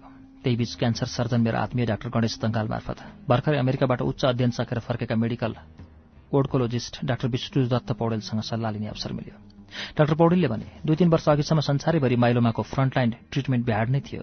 अहिले पनि यसलाई गलत उपचार मानिँदैन। तर आज संसारैभरिका लिडिङ अथोरिटीहरू माइलोमाको फ्रन्टलाइन ट्रिटमेन्टका लागि घरै बसेर खाने थालिडोमाइन डेक्सामेथासन दिन्छन्। डाक्टर पौडेलले अमेरिका बसेर काम गरिरहेका अनुभवी माइलोमा विशेषज्ञ सहकर्मीहरू र सियाटल स्थित फ्रेड हचिन्सन क्यान्सर सेन्टरका प्रोफेसर डाक्टर विलियम बेन्सिनगरको समेत सल्लाहमा मलाई ब्याडको तेस्रो चक्रको सट्टा थ्यालडेक्सा सिफारिस गरे। हामीलाई दुविधा भयो। एकातिर प्रख्यात बमरुङग्राडको उपचार पनि उचित नै हुनुपर्छ भन्ने लागेको थियो। अर्कातिर संसारका विख्यात अतिथिले दिएको सल्लाह नमान्न पनि गाह्रो थियो। मेरो आत्मीयहरू डाक्टर मधु घिमिरे डाक्टर चान्दुक रोहित भाइ सुरिद र डाक्टर पौडेलसँगको सल्लाहमा तेस्रो विचार लिन सिङ्गापुरको माउन्ट एलिजाबेथ अस्पताल गएँ। त्यहाँका ओङ्कोलोजिस्टले सबै जाँचेर भने तिमी यहाँ आउनै नपर्ने। म पनि तिमीलाई तिम्रो नेपालको ओङ्कोलोजिस्टले प्रेसक्राइब गरेको थ्यालडेक्सा रेजिमेसन नै प्रेसक्राइब गर्छु। तिम्रो फ्रन्टलाइन ट्रिटमेन्ट नै त्यही हो। हामी यहाँ भ्याट चलाउँदैनौँ। थ्यालिडोमाइटका निकै कडा कुप्रभावहरू हुन्छन्। तर ती सबै सहेर पनि खानै पर्ने भयो। डाक्टर पौडेलबाट थ्यालिडोमाइटको काम गर्ने तर कुप्रभाव निकै कम भएको लिनोरिलामाइड नामक नयाँ औषधिको जानकारी पनि भयो। भारतमा बनेको थ्यालिडोमाइट खान महिनाको पाँच हजार रुपियाँ जति पर्थ्यो भने अमेरिकामा त्यसको विकल्पमा बनेको नयाँ पुस्ताको दबाई लिनोरिडामाइट खान महिनाको सत्तरी लाख रुपियाँ जति पर्ने रहेछ। लिनोरिडामाइट चार महिनादेखि छ महिनासम्म खानुपर्ने रहेछ। मेरो स्वास्थ्य बिमा गर्ने कम्पनीसँग सम्पर्क राख्दा उसले मलाई छ महिनाको लागि लिनोरिडामाइट खाएर उपचार गर्ने स्वीकृति दियो। हामी उत्साहित भयौँ। भान्जा डाक्टर प्रणव गेवाली लन्डनमा विशेषज्ञको रूपमा काम कार्यरत छन्। उनी मार्फत लन्डनमा लिनोरिडामाइड किन्ने बिमाबाट शोध भर्ना लिने र हरेक महिना त्यो किन्ने र शोध भर्ना लिने चक्र चालू राख्ने योजना बनाए। लिनोरिडामाइडको युरोपको एकमात्र वितरक एउटा स्विस कम्पनी रहेछ। त्यसैले निर्मातासँगको अनुबन्ध अनुसार लिनोरिडामाइड युरोप बाहिर पठाउन नमिल्ने बतायो। एक त त्यति महँगो दबाई दोस्रो बिमाले हुन्छ भन्दा पनि युरोप अमेरिकामा नबस्ने भएकाले म त्यसबाट वञ्चित हुनु पर्यो। म मात्रै होइन युरोप अमेरिका बाहिर परेकाले पहिलो विश्वको युएनडिपीको मानव विकास प्रतिवेदनमा पच्चिसौँ स्थानमा भएको सिङ्गापुरमा पनि यो दबाई पाइँदैन थियो। सिङ्गापुरवासी पनि यो सुविधाबाट वञ्चित थिए तर एसियाकै जापान र अस्ट्रेलिया वञ्चित थिए वा थिएनन् थाहा भएन। सिङ्गापुरबाट काठमाडौँ फर्केपछि मेरो थ्यालडेक्सा उपचार सुरु भयो र चार महिना चल्यो। ब्याडका कुप्रभावहरूको तुलनामा।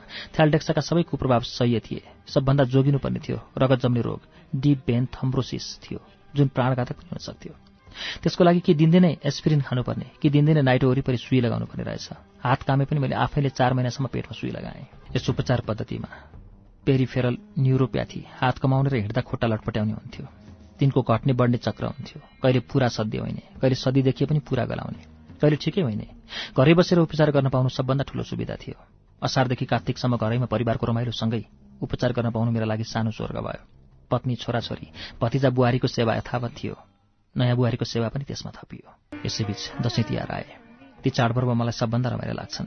मादक शरद ऋतु र हाम्रो संस्कृतिमा त्यसका पहिचान बनेका दसैँ र तिहारका जस्ता चाडहरूको छाप मेरो स्मृतिमा बाल्यावस्थादेखि गढेर बसेको छ। बालापनको गाउँले दसैँ तिहारको मादकता कहिले पनि घटेन। शरद सर्वश्रेष्ठ ऋतु हो। हाम्रो संस्कृतिमा सय शरद बाँचा भनेर आशीर्वाद दिइन्छ। अरू पाँच ऋतुहरूको नाममा होइन। मौसमको हिसाबले त योभन्दा राम्रो रमाइलो समयहरू कुनै छैन।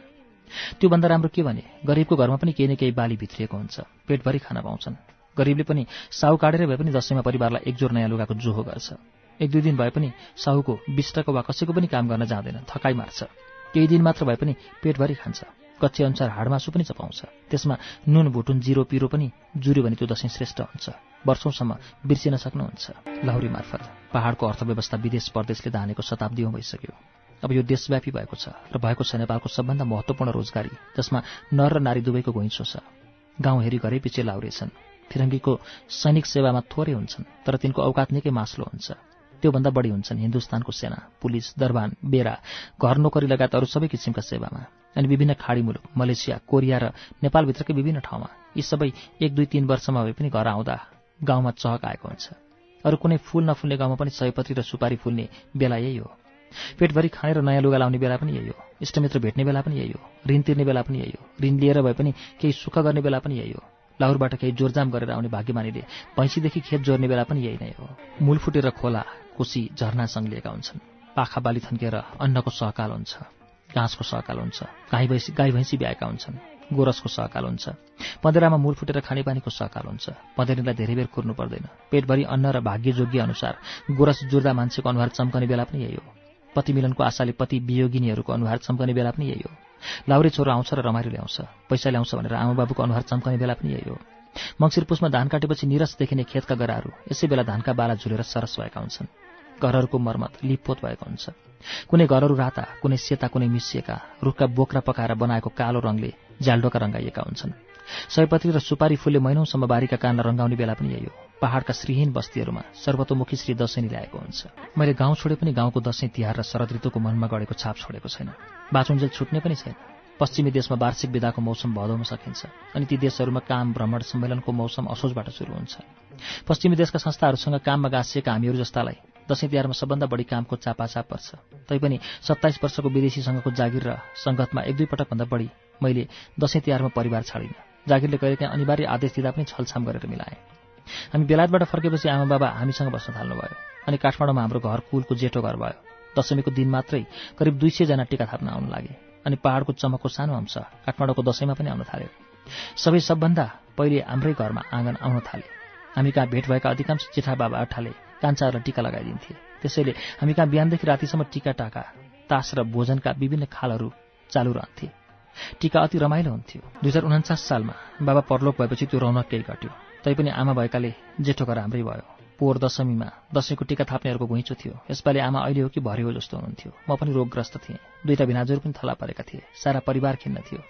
खिन्न मनले टिका टाँसेर दसैँ विदा गरियो। अनि तिहार आयो। तिहारमा दिदीबहिनीहरू आफ्ना घरमा आलो पालो गरेर निम्त्याउँथे। तापनि तिहारको मूल रमाइलो गर्ने ठाउँ उर्मिला दिदीको घर हुन्थ्यो। टिका सकिएपछि रातिसम्म भोजन र मनोरञ्जनका खालहरू खुला रहन्थे। यसपालि त्यो घरको मूली रमेश पिनाजु प्याङ्क्रियासको क्यान्सरले थला परेका थिए। तिहारको टिका डालो पनि खिन्न मनले भयो। दसैँ तिहारको पारिवारिक रमाइलो मेरो सधैँको धपेडीमय तीव्र जीवनशैलीका सर्वश्रेष्ठ आराम र मनोरञ्जन हुन्। आराम र मनोरञ्जनलाई अङ्ग्रेजीमा rest and recreation R R भन्छन् जुन उनीहरू घर छाडेर कम्तीमा पनि केही दिन टाढाको कुनै रमाइलो ठाउँमा गएर गर्छन्। मेरो सर्वोत्कृष्ट आर एन आर घर परिवारसँगका दसैँका पन्ध्र दिन र तिहारका पाँच दिन हुन्। तिनमा पनि दसैँको दशमी र तिहारको भाइटिका जस्तै पर्दा पनि छुटाउन चाहन्न। एकपटक बेजिङबाट फर्काँदा अचानक बिरामी भएर हङकङमा तीन दिन अस्पतालबाट आउनु पर्यो। वञ्चकभित्रै आइपुग्ने भनेको भाइटिकाको भोलिपल्ट आइपुगे। पर्सिको दिन सबै दिदीबहिनीहरूका हातबाट टिका लगाएर भव्य भाइटिका बनाए जहिले दिदीबहिनी भेट्छु तैले मेरो तिहार हो र भाइटिकाको साइत पनि हो। त्यो तिहार पनि रमाइलो भएको थियो तर यसपालिका दसैँ तिहार मनै खिन्न पारेर गए चार महिना खाने किमो उपचार चलेपछि पुरा जाँच गर्न र हुने भए स्टेम सेल ट्रान्सप्लान्ट समेत गर्न युरोपको सबभन्दा ठूलो र गतिलो क्यान्सर उपचार केन्द्र मानिएको लन्डनको रोयल मार्सटन अस्पताल जाने सल्लाह भयो। मैले बेलायतको भिसाको लागि निवेदन दिएँ। उपचार खर्चको प्रमाणका लागि मैले मेरो स्वास्थ्य बिमा गर्ने लन्डनको एएक्सएपीपी नामक कम्पनीको आधिकारिक पत्र पनि नथी गरेँ। अमेरिका र क्यानाडा बाहेक संसारको कुनै पनि देशमा गरेको मेरो सम्पूर्ण उपचार खर्च सो कम्पनीले एक वर्षमा दस लाख बेलायती पाउन्ड अहिलेको सटाई दरमा करिब बाह्र तेह्र करोड रुपियाँसम्म बिहोर्ने कुरा सो पत्रको पेटबोलीमा खुलाइएको थियो। मेरो श्री सम्पत्ति मेरो खेती घरबहाल र अन्तर्राष्ट्रिय जागिरबाट समेत हुने वार्षिक आएको समस्त प्रामाणिक विवरणमा आफ्ना सबै गोप्यतालाई निर्वस्त्र र उदाङ्गै पारेर फिरङ्गीलाई देखाइदिएको थिएँ। तर फिरङ्गीले मसँग अन्तर्वार्ता नै नगरी तलका कारण दिएर मेरो भिसा निवेदन अस्वीकृत गरे। कारण एक प्रस्तावित उपचार निश्चित अवधिका लागि हो भन्ने प्रमाण पेश गर्नुपर्छ। कारण दुई। निजी खर्चमा सल्लाह र उपचारको व्यवस्था गरेको छ भन्ने सन्तोषजनक प्रमाण पेश गर्नुपर्छ। कारण तीन सल्लाह र उपचारका लागि अनुमानित खर्चको सन्तोषजनक प्रमाण पेश गर्नुपर्छ। र कारण चार भ्रमणको सम्भावित अवधिको सन्तोषजनक प्रमाण पेश गर्नुपर्छ। यीमध्ये कुनै पनि प्रश्नको जवाफ दिन मैले बेलायती विशेषज्ञलाई भेटेको हुनुपर्थ्यो जसका लागि पहिले भिसा नै चाहिन्थ्यो। मलाई लन्डन जानै नदिए ती कुराको जवाफ खोज्नु कुरियत थियो। मेरो सामाजिक आर्थिक पृष्ठभूमि भए पनि उपचारको औचित्य र उपचार गर्न सक्ने हैसियतको जतिसुकै प्रमाण भए पनि म उनीहरू कहाँ भाडाका सेना भर्ती गर्ने देशको नागरिक थिएँ। फिरङ्गीको आँखामा म मान्छे थिइनँ। के प्रष्ट छ भने फिरङ्गीसँग मानवता छैन केवल स्वार्थ छ। त्यसको साक्षी तिनले संसारैभरि गरेको अत्याचार शोषण र तिनको बन्धु हत्याको इतिहास हो। सुगौली सन्धिपछि नेपालका पहाडी तन्नेरीहरूलाई आफ्ना सिपाही बनाउन थालेदेखि नै फिरङ्गीहरूले नेपालीहरूको सबभन्दा ठूलो शोषण गरेका छन्। पहिलो र दोस्रो दुवै विश्वयुद्धमा फिरङ्गीले दुई दुई लाख नेपाली सेनालाई संसारैभरि लड्न मर्न पठाए। नेपालको युवा जनसङ्ख्याको अनुपातमा त्यो ज्यादै ठूलो सङ्ख्या थियो। त्यसबेला नेपालका कति गाउँ ठाउँमा जम्मै युवाहरूले गाउँघर छोडेका थिए। औपचारिक तथ्याङ्कहरू अनुसार पहिलो विश्वयुद्धमा बिस हजार र दोस्रो विश्वयुद्धमा चौबिस हजार नेपालीहरू बलिका बोका भएका थिए। बाँकी रहेका मध्ये पनि धेरै उतै बिलाए। नेपालमा खेती गर्ने युवा शक्तिको अभावमा अनिकालको स्थिति आयो। अनौपचारिक तथ्याङ्क अनुसार कति मरे कति।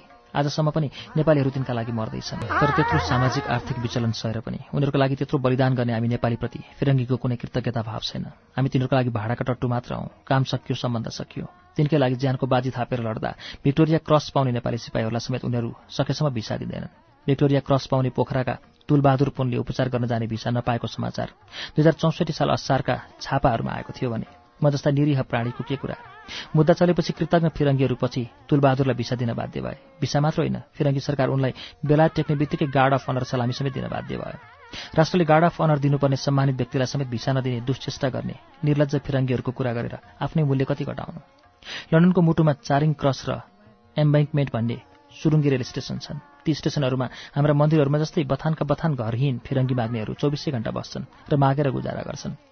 तिनै माग्नेहरू पनि नेपाल आयो भने उनीहरूले उहीँबाट नेपालको भिसा लिएर आउनु पर्दैन। आफ्नै बाबुको बिर्तामा आएको जस्तै गरी सुई सुई आयो हुन्छ। त्रिभुवन विमानस्थलमा तिनका लागि रातो गलैँचा ओछ्याइएको हुन्छ।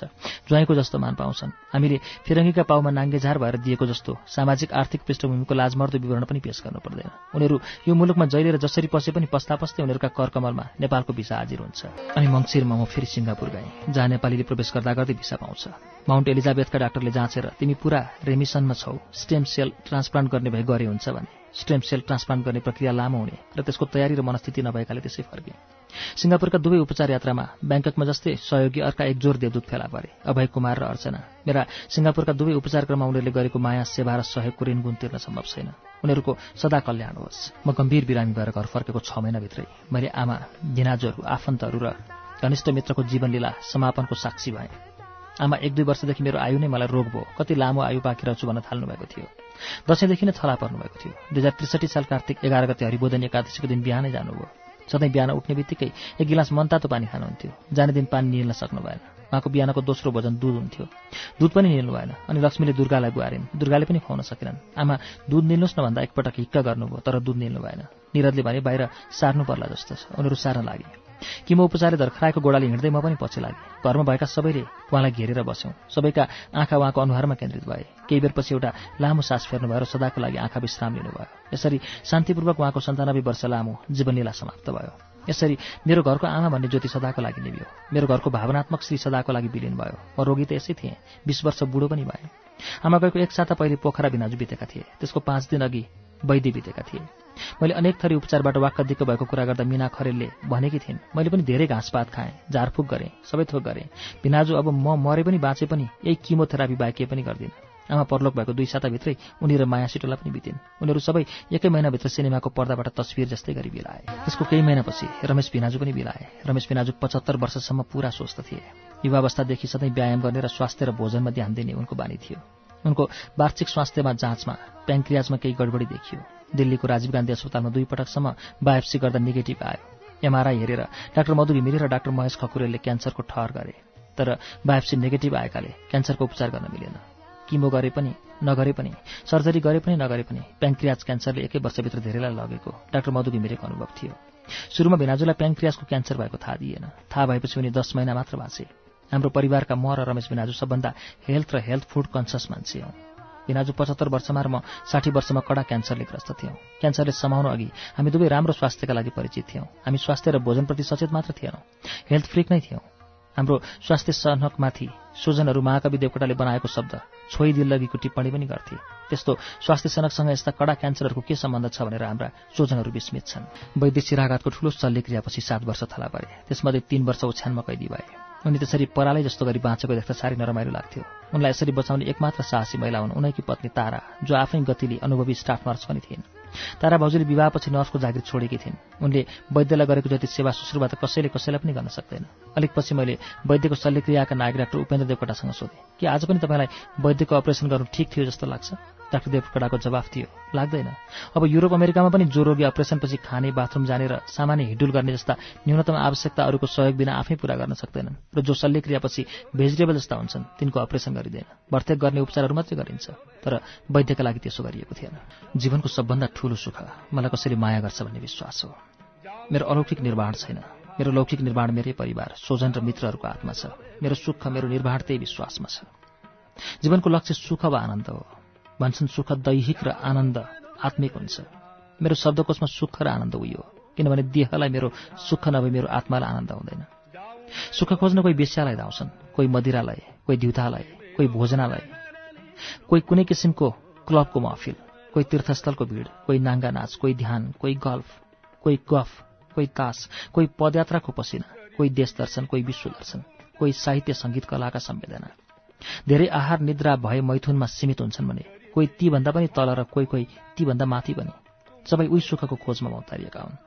जसको तनमनमा सुख छ त्यसले सुख खोज्न कहीँ जानु पर्दैन। ऊ जहाँ छ त्यहीँ सुख छ। जसको तनमनमा सुख छैन त्यसले जहाँ गए पनि जे गरे पनि अरू सबै थोक पाउला। सुख पाउँदैन। परिवार मेरो सुखको आधार हो। मान्छेले जीवनमा गर्ने सम्पूर्ण कार्य तन र मनलाई सुख दिने प्रयत्न हुन्। गृहस्थीका पनि भोगीका पनि जोगीका पनि। वेदान्त भन्छ मान्छे शरीर होइन आत्मा हो। सदा सच्चिदानन्द परब्रह्म परमात्माको अंश हो। यस भावमा बाँच्नेलाई शरीरको पीडाले केही असर पार्दैन अरे त्यो सिद्धहरूको सन्तहरूको अवतारहरूको योगीहरूको कुरा म जस्तो सामान्य रोगी भोगीमा लागु हुँदैन। म जस्तो संसारीले त्यो दावा गर्छ भने गीताले भनेको मिथ्याचार त्यही हो। त्यो दुःख भोग्ने परमेश्वरै हो। यो देह उसको रहने घरै हो। मरणासन्न भएको बेला यसो भन्ने कवि शिरोमणि लेखनाथ पौडेलको जस्तो ज्ञान विवेक र सामर्थ्य ममा छैन। म जस्ता अज्ञानी मनुवाको तनलाई सुख नभई मनलाई सुखाउँदैन। मनलाई सुख नभई तनलाई सुखाउँदैन। म तनमन हुँ मान्छे तनमन हो। तनमन दुवैलाई सुख नभई मान्छेलाई सुखाउँदैन काम गर्नको दुःखले भए पनि मुक्ति कामनाले भए पनि जोगीले खोजेको र भोगीले खोजेको कुरा उही सुख हो।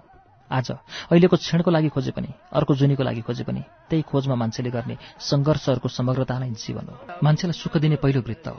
लोकले सामान्यतया कुकर्म भनेको कुरा नगरिकन पारिवारिक आधारभूत आवश्यकताहरूको हुने चाँजो त्यो बिरलै हुन्छ। मान्छेले आफैले निदो गरेका औकात अनुसार आफ्नै हिसाबले आफ्ना आधारभूत आवश्यकताहरूको पनि निदो गर्छ र आफूमाथि थोपर्छ। तिनको परिपूर्तिमा ऊ स्वाभाविक रूपले खुसी हुन्छ। मान्छेको सुखको प्रमुख आधार र मायाको पहिलो वृत्त परिवार हो। परिवारको माया नपाउने टुरो हुन्छ।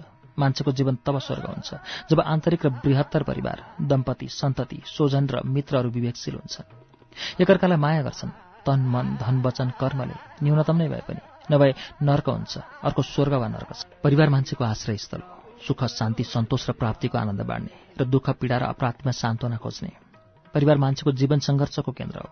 मान्छेले जे जति कर्म वा कुकर्म गर्छ आफू र आफ्नै परिवारको लागि गर्छ। कसैले परिवार बाहिरका लागि पनि गर्छ भने त्यो पनि उसको बृहत्तर परिवार नै हुन्छ। त्यो चाहे राजनीतिक पार्टीका सहयोद्धा साथीहरूका लागि होस् वा पार्टीमा सँगै सुत्ने साथीहरूका लागि वा डाका माफिया वा सन्त दलका लागि होस्। मिठो बोली वचनले सोधपुछ गर्ने मनले मात्रै होइन कामले माया गर्ने जागरिलो स्वस्थ सक्षम शरीर अनुहार बोली आँखामा सधैँ आत्मीयता आदर भाव र माया छचल्केका तन मन धन वचन र कर्मले सदैव सहयोग तत्पर परिवार र सोझन मान्छेका स्वर्ग हुन्। त्यसको न्यूनता पीडादायक हुन्छ र अभाव नर्क। यो रोगले मबाट मेरो सम्पूर्ण स्वाभाविक सुख शान्ति खोसेर लग्यो। ओछ्यान मेरो सर्वस्व भयो। मेरो एकाकीपनका खेलौना काखे कम्प्युटर टिभी र पुस्तकहरू भए। काखे कम्प्युटरले मलाई पिञ्जडाभित्र बाँच्न सजिलो तुलाएको छ। यो नभए मेरो आयु झन् थियो। यही भएकाले मैले यो आत्मालाप लेख्न पनि सकेँ। थोरोले डेढ सय वर्षभन्दा अघि भनेका थिए मान्छे आफ्नो औजारको औजार भएको छ। यतिपछि अब मान्छे आफ्नो औजारको कति र कस्तो औजार भइसक्यो होला? निस्सन्देह। म मेरो काखे कम्प्युटरको औजार भएको छु र मेरा अरू सबै आवश्यक आधुनिक औजारहरूको पनि औजार भएको छु। औजारको मात्रै होइन म मेरा आश्रितहरूको पनि आश्रित औजार भएको छु। म संसार डुल्ने चरो कोठा रूपी पिञ्जडाको महिना भएपछि आफ्ना काम आफै गर्न नसक्दा बसेर ट्याउ ट्याउ गर्नुपर्छ काम हराउनुपर्छ बातै पछि मद्दत माग्नुपर्छ।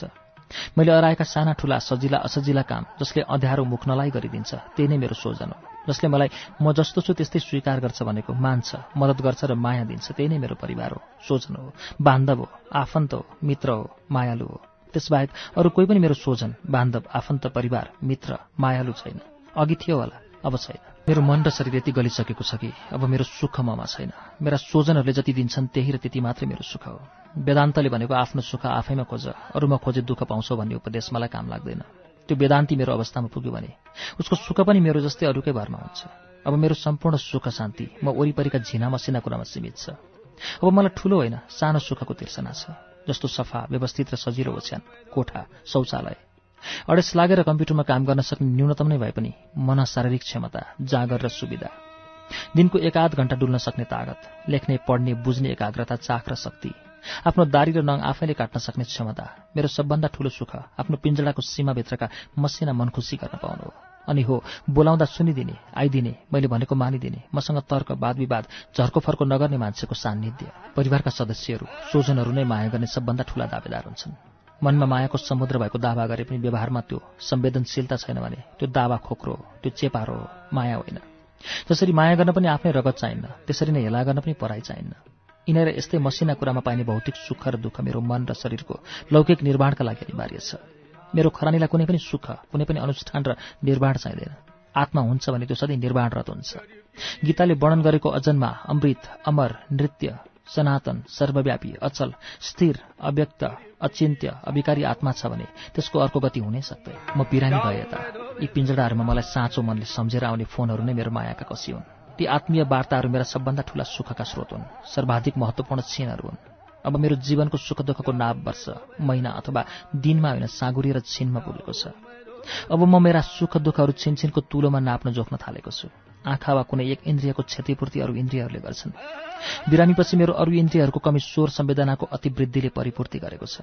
म फोनको स्वर कम्पनबाट आत्मीयता थाहा पाउन लागेको छु। यो मुगलकालका हकिमले खोपीकी बेगमको नारीमा बाँधेर पर ल्याएको धागो छामेर रोग निदान गरे जस्तै हो। म पनि मान्छेको स्वर कम्पन र शब्द स्पन्दनबाट आत्मीयताको नाप तौल गर्न गर्छु मायाको कसी लगाउँछु। म ब्याङ्ककमा अनेक उपचार गरिरहेको बेला टाढाका भनी नचिताएका मान्छेहरूबाट आत्मीय स्वर कम्पन सहितका फोन र शुभकामनाहरू पाएँ। ती मेरा धरोहर हुन्। काठमाडौँमा पनि कति नचिताएका मान्छेबाट त्यस्ता आत्मीय स्वकम्पनहरू पाउँछु। कति चिताएकाबाट पाउँदिनँ। ती सबैले आफ्नो स्वर कम्पनको उपस्थिति र अनुपस्थितिबाट समेत मलाई आत्मीय भावना दिएर मान्छेको जीवन कति क्षणभङ्गुर छ कति भावुक छ भनेर फकिरको जस्तो अवस्थामा पुगेको मेरो मनलाई सम्झाए। सम्झाउँछन् तिनको भलो होस्। हाँ भला कर तेरा भला होगा और दरवेश की सदा क्या है? गालिब। भलो गर तिम्रो भलो हुन्छ। फकिरको पुकार अरू के हुन्छ? कोही स्वजन नभएर एक्ला हुन्छन् कोही स्वजनहरूको बोझले दबेर पिल्सेर एक्ला हुन्छन् जस्तो जीवन र मृत्युको दोसाँधमा बसेर असाध्य रोगसँग सङ्घर्षरत को कहिले एक्लिन्छ बेग्लिन्छ र मेरै हाराहारीमा पुग्छ त्यो समयलाई मात्रै थाहा हुन्छ। अन्तमा सबै एक्लिनुपर्छ एक्लिन्छन् बेग्लिनुपर्छ बेग्लिन्छन् सबै तिरस्कृत हुने स्वजनहरूबाट र आफ्नै सन्तानहरूबाट पनि। मान्छे तिरस्कृत नहुन्जेल तिरस्कार हुनु कस्तो हुन्छ बुझ्न चाहँदैन। मृत्युको न्यानो छायाबाट मैले सिकेको एउटा यथार्थ हो यो।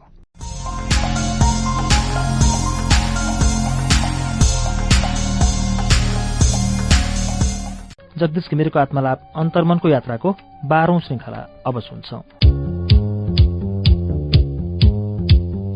सुख भन्ने कुरा विपनाभन्दा बढी सपना र यथार्थभन्दा बढी कल्पना हो। दुःख मूल प्रवाह हो सुख अपवाद हो। मान्छेको सबभन्दा ठूलो दुःखको स्रोत पनि पराई होइन शत्रु पनि होइन उसैका परिवार स्वजन र मित्र नै हुन्। टल्स्टाएको यो उक्ति लोकोक्ति भइसकेको छ। सबै सुखी परिवार उस्तै हुन्छन्। प्रत्येक दुखी परिवार आफ्नै हिसाबले दुखी हुन्छ। यसकारणले पनि यो यति प्रख्यात छ कि विश्वविख्यात लेखक र चिन्तक टल्स्टाय पारिवारिक रूपमा विश्वविख्यात दुखी पनि थिए। दुःखैमा बाँचे दुःखैमा मरे। दुखी त धेरै हुन्छन्। टल्स्टाय जस्तो विश्वविख्यात मात्रै हुँदैनन् जस्तो मेघराज सुब्बा ठुलाबाले सुनाएको राणाकालीन विचित्र तर सत्य कथा सुब्बा ठुलाबा सन्त जस्ता थिए सत्यवादी थिए। उनको जीवन राणाकालीन जागिरमा बित्यो। उनकै अड्डाका मुखिया काठमाडौँ नक्सालका बेखालालले एक दिन सायद पारेर पत्नी दान गरेछन्। उनी पत्नीदान अनुष्ठान सकेर सधैँ चाहिँ अड्डा गए तर झोक्राएर बसे। साथीहरूले सोधे के भयो बेखालाल? बेखालालले त्यो पत्याइन सक्नुको कथा बताए। कथा यस्तो थियो। मेरी स्वास्नीको पुरेतसँग लसपस छ भन्ने मैले थाहा पाएको आज महिना दिन भयो। यो एक महिना मलाई एक सय वर्ष जस्तै भयो। त्यो स्वास्नीलाई मैले सकेको सबै थोक दिएको थिएँ। तर त्यसलाई त्यो वर्म मन परेनछ ठिकै छ। भगवान्को लीला यस्तै रहेछ भनेर चित्त बुझाएँ। आज सङ्क्रान्तिको सिधा लिन पुरेत आयो। मैले उसलाई एकछिन यहाँ काम छ भनेर मूल ढोकामा नै रोकेँ। स्वास्नीलाई बोलाएर उसको चुल्टो समाएर घरको ठेलामा छुवाएँ अनि पुरेतलाई भने म तिमीलाई यो घर स्वास्नी र मेरो सारा सर्वस्व दान गर्छु। मलाई तिमीहरूको सबै कुरा थाहा छ। अब तिमीहरूले लुकीछिपी केही गर्नु पर्दैन। हाका हाकी लोग्ने स्वास्नी भएर बस। अब मन्त्र पढ। उसले मन्त्र पढ्न मानेन। स्वास्नी पनि हकमकाई स्वास्नीले पनि दान भएर जान्न भने। मैले भने हेर स्वास्नी तैँले यसमा लाज मान्नु पर्दैन। मैले तँलाई तेरा बाआमाले दिएर पाएको। मसँग तेरो चित्त बुझेन। तैँले यो बर्मालाई रोजिस्। अब यसैसँग जा। लुकेर जान लाज भएन। देखा परेर जान किन लाज मान्छेस्? तँ यो बर्मासँग सल्किसकेकी छस्। छैनस् भने भन्। बाजेले पनि भन। त्यसरी मैले मेरो सर्वस्वसहित तँलाई यही बाजेलाई दान गर्न लागेको हुँ। बाजे तिमी चुपचाप मैले गरेको दान ल्याउ र तिमीहरू खुसीसँग बस। तिमीहरूसँग मेरो केही रिस राख छैन। अनि बल्ल बल्ल बर्माले मन्त्र पढ्यो। म स्वास्नी र सर्वस्व दान गरेर सरासर अड्डा आएको हुँ। खाएको पनि छैन। अब मेरो केही पनि छैन। भरे जाने बस्ने खाने ठाउँको ठेगान पनि छैन। यो विचित्र कथा सुनेर सबैको स्वस्फूर्त सहानुभूति बेखालालमा खनियो। उनलाई खाना बस्न निम्त दिनेको साधी भएन। भने बेखालाल टल्स्टाइभन्दा कम दुखी थिएनन् होला। तर कसलाई थाहा हुन्छ? उनी जस्ताको पीडा। त्यस्ता बेखालाल धेरै हुन्छन्। कारण जे होस् बेखालालकी पत्नीको विवाहेत्तर सम्बन्ध थियो। विवाहेत्तर सम्बन्ध राख्ने पुरुषहरू झन् बढी हुन्छन्। तर धेरैले त्यही कारणले दाम्पत्य सम्बन्ध तोड्न सक्दैनन्। दान नै गरिहाल्नु त उल्कै हो। सहेर बस्छन्। त्यो जीवन होइन यातना हो। टल्स्टाइले भने जस्तै यस्तो यातनामा बाँच्ने सबै दुःखी परिवारको आफ्नै राम कहानी हुन्छ। पछि राणाहरूले बेखालालको कथा थाहा पाएर उनलाई नयाँ घरजम गर्न मद्दत गरे। ठुलो विपत्ति नसोचेको बेलामा आउँछ। अचानक यत्रो र यस्तो रोग लाग्नु मेरो जीवनको जहाज दुर्घटनाग्रस्त हुनु हो। त्यो जहाजबाट उछिटिएर म मेरो परिवार उपचार स्वजन र मित्रहरूको पोल्टोमा पर्न बाँचेको छु। मेरी पत्नी छोरा छोरी भतिजा बुहारीहरूको सेवा र स्वजन र मित्रहरूको मायाले बाँचेको छु। मेरो क्षमता अचानक सयबाट शून्यमा झऱ्यो। त्यसभन्दा तल झर्ने ठाउँ छैन। दुर्गा आफ्ना स्वयंसेवाका सामाजिक कामहरू घटाएर मसँग महिनौ ब्याङ्कक बसिन्। अमेरिका र बेलायतमा पढेका छोराछोरी उतै बस्न लोभिएनन् म जस्तै नेपाल फर्केर यहीँ कामको मेलोमा लागेका छन्। सत्र महिना लामो उपचारका क्रममा म नौ महिना ब्याङ्कक बसेँ। यस अवधिमा दुर्गा धेरै जसो मसँग रहेन्। दुर्गा धेरैवटा संस्थाहरूमा स्वयंसेवी नै भए पनि अति व्यस्त थिइन्। उनी भन्न सक्थिन् तिमी पो बिरामी भयो। मेरो करियर छ। मेरो आफ्नै जीवन छ र आकाङ्क्षाहरू छन्। के म पनि तिम्रो रोग सँगसँगै सती जाउँ तर त्यसो गरिनन्। उनले मेरो स्वास्थ्यलाई प्राथमिकता दिइन्। बिरामी त बिरामी भइहाल्यो। अस्पतालको बिरामी कुरो आफै पनि झन् गलित पलित हुने रहेछ। एकजनाले थेग्न नसकेर मसँग सधैँ जस्तो दुईजना बसे। परिवारको जस्तो माया पाउने म भाग्य मान्यौँ बैङ्कको जागिर छोडेर हिमाल महिनौ ब्याङ्कक बस्यो। नेपालको विश्व ब्याङ्कमा जागिर छोडेर जुन पनि मसँग ब्याङ्ककमा बसी भतिजा निरज आफ्नो बित्ने काम छोडेर मसँग ब्याङ्ककमा बसे। बुहारीहरू पूजा र लक्ष्मीले मेरो सकेसम्म हेरचाह गरे यसरी मैले परिवारबाट ठुलो भर्थेक पाएँ तैपनि बेला बेलामा मेरो चित्त बुझ्दैन धन्य चित्त। ब्याङ्ककका लामा बसाइहरूमा मेरा लागि सबभन्दा बढी दुःख गर्ने प्रेमपूर्ण पारिवारिक वातावरण दिने र मेरा कुरुवाहरूका भिसाको म्याद बढाउनका लागिदेखि लिएर।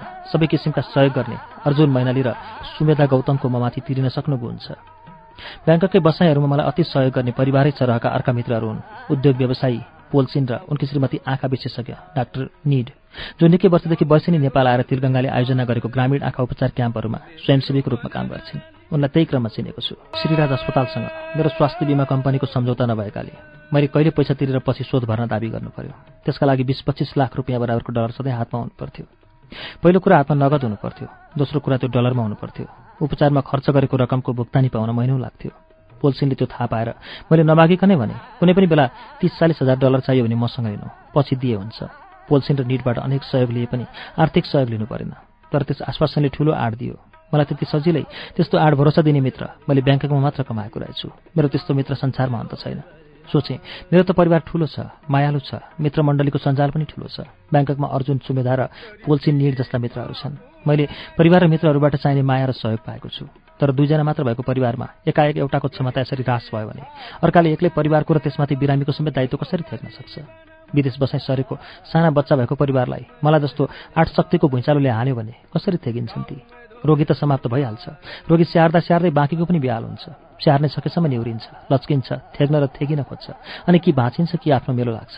अझ विवाहित एकल कसरी बाँच्छ होला? म भाग्यमानी रहेछु। मेरो परिवारले यति ठुलो यो घात थेग्न सकेको छ। भनाइ छ जो राजद्वार र मसानमा सँगै हुन्छ त्यो बान्धव हो आशय हो विपत्तिमा नपरी मान्छे त्यहाँ पुग्दैन। त्यसबेला त्यो निर्दो हुन्छ। अथ जसले विपत्तिमा निर्दो भएको बेला मद्दत गर्छ माया गर्छ सुख दिन्छ त्यही बान्धव हो त्यही साँचो परिवार हो। भतिजा निरजकी छोरी जुहीले बोली फुट्दा उसले मलाई सबैले भन्ने बुवा भनेर चिने। तर उसले त्यो बेला बु मात्रै भन्न सके। पछि पनि बु मात्रै भन्न लागे। अनि म बुवाबाट बु भएँ।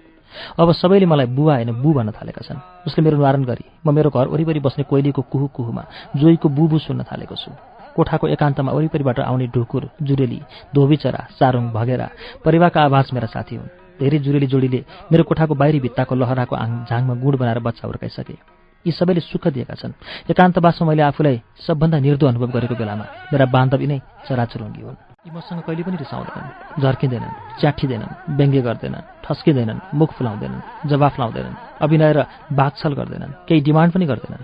अरूसँग जस्तो यिनीहरूसँग मैले आफ्नो बोली व्यवहारमा तलमाथि पर्ला कि रिसाउलान् कि भनेर डराउनु पनि पर्दैन। कुनै मान मर्यादा पुर्याउनु पनि पर्दैन। जुन हावा थियो मित्र पोल्दा जङ्गल अग्निको। जुन हावा थियो मित्र पोल्दा जङ्गल अग्निको। त्यही गर्छ दीपको नाश निर्धाको मित्र हुन्छ को? पञ्चतन्त्र अनुवाद लेखनाथ। बतासले डढेलोलाई जन्काउँछ त्यही बतासले दिएको निर्दो बत्तीलाई निभाउँछ। अर्थात् निर्धाको मित्र को हुन्छ? कोही हुँदैन। सबैले बोलेकै आगो ताप्छन्। रोग नलागुन्जेल म पनि डढेलो जस्तै बलियो थिएँ। उन्चासै वायुका आदि बतास मेरा मित्र थिए। कति त तराईको उखान चाहिँ मेरा आगा पिछा गर्थे। अर्थात् मेरो अघिपछि लाग्नुमा आफ्नो सार्थकता ठान्थे। बिरामी हुनु अघि मसँग परम मित्रताको दावा गर्ने काम लिने कति मित्रहरूले म बिरामी भएको थाहा पाएपछि बोल्न पनि छोडे। मान्छे स्वार्थी र निच प्राणी हो। तर महान पनि मान्छे नै हुन्छ। मलाई यस रोगले निच र महान मान्छेहरू चिन्ने अवसर दियो। रोग लागेपछि म दिएको बत्ती जस्तै निर्दो भएको छु। सास फेर्न चाहिने भन्दा अलिकति बढी वायुको धक्का सहन नसक्ने अवस्था छ। म जस्तो निर्धोको मित्र को हुन्छ? भए यिनै हुन्छन् नभए कोही पनि हुँदैनन् सामर्थ्यले सहित मालिक सच्चरित्र आत्मीय वृत्त अनुरक्त कलत्र मित्र यी चार मूर्तिसँग दुःख सबै कहेर दुखी मनुष्य सुख पाउँछ एक फेर पञ्चतन्त्र अनुवाद लेख्न मेरो यो आत्मालाप यिनै चार मूर्तिसँग मेरो दुःख कहने बेलो यिनीहरूले मेरो कुरा सुन्यो भने म फेरि एक फेर सुख पाउनेछु। मेरो रोजगारदाता ओल्ड नेभर्स सामर्थ्यवान भएकाले गतिलो स्वास्थ्य बिमा गरिदिएको थियो। त्यसैले मेरो जटिल र महँगो उपचार सहज भएको छ। ममा अनुरक्त पत्नी परिवार र आत्मीय मित्रहरूले मेरो वेदना बाँडेर सुख दिएका छन्। जो मेरो आजको अवस्थालाई बिर्सेर बेला बेलामा अघिको मसँग जस्तो व्यवहार गर्न खोज्छन् तिनलाई भन्छु अब म लोकका मान्छेसँग गरिने जस्तो व्यवहारको योग्य छैन। मेरो एउटा खुट्टा पारी पुगिसकेको छ। दुई हजार एकतिस साल वैशाख छब्बिस गते उन्नाइस सय चौहत्तर मई नौमा विराटनगरमा दुर्गासँग रोजी र माघी बिहा भएपछि मेरो दाम्पत्य जीवन सुरु भयो। दुर्गा त्यस बेलासम्म नेपाल विद्यार्थी सङ्घको स्थापनाको सिलसिलामा तीन पटकमा तेह्र महिना जेल परिसकेकी थिइन्। पछि दुर्गाले जेलको टिपोटमा आधारित जेलको सम्झना नामक मार्मिक पुस्तक लेखिन्। त्यो दुई हजार पचास सालमा प्रकाशित भयो र दुई हजार एकाउन्न सालमा उत्तम शान्ति पुरस्कार पायो। मेरा धेरै साहित्यिक रचनाहरू र दुई पुस्तक छापिसकेका थिए। उनी राजनीतिमा परिचित थिएन म साहित्यमा। यसरी हामी एक किसिमले एकअर्कासँग भेटपूर्व नै परिचित थियौँ भन्दा हुन्छ। चिन्जान भएको वर्ष दिन जतिपछि हामीले बिहा गर्ने निर्णय गऱ्यौँ आफ्नो निर्णय आफ्ना परिवारलाई बतायौँ परिवारले माने। दाम्पत्य जीवनको सुरुतिर दुर्गाले भनिन् म तिमीलाई असीम माया गर्छु।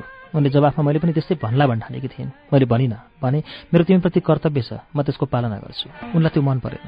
मैले भने तिमीले पनि म प्रति पनि कर्तव्यको पालना गरे पुग्छ। सबै कुरा त्यसैभित्र पर्छन्। मेरो मेरा परिवारका सदस्य मात्र होइन जगतप्रति पनि कर्तव्य छ। मैले मात्र होइन सबैले केही मात्रामा भए पनि त्यही पालना गर्न सक्दा हुन्छ। मसँग बिहा गरेपछि दुर्गालाई उनका काङ्ग्रेस साथीहरूले भने वामपन्थीसँग गई बर्बाद भयो। वामपन्थी पत्रकार टिआर विश्वकर्माले मलाई भने तपाईँ वामपन्थी दुर्गाजी डेमोक्रेट कसरी होला तपाईँहरूको एडजस्टमेन्ट बिहाको लगतैपछि दुर्गा र म पूर्व प्रधानमन्त्री नगेन्द्र प्रसाद रिजालको एक पारिवारिक भोजमा गएका थियौँ। त्यहाँ नेपाली विद्यार्थी सङ्घको ऐतिहासिक मुद्दामा बहस गरेर सङ्घलाई जिताएका एक वरिष्ठ वकिल पनि थिए। दुर्गाले बडो उत्साहका साथ उनीसँग मेरो परिचय गराउन लागिन्। उनले मतिर हेर्न र मसँग बोल्न इन्कार गरे। बिहा गर्ने अपराध गरेकामा दुर्गालाई धिक्कार्दै उनले भनेका शब्दहरू यिनै हुन्। हेर्नुहोस् दुर्गाजी बिहापछि मेरो राजनीति समाप्त भयो। नत्र यो देशको यस्तो गतिले हुने थिएन। तपाईँले बिहा गरेर आफ्नो राजनीतिक भविष्य र यो देशमा तपाईँले गर्ने राजनीतिक योगदान पनि समाप्त पार्नुभएको छ।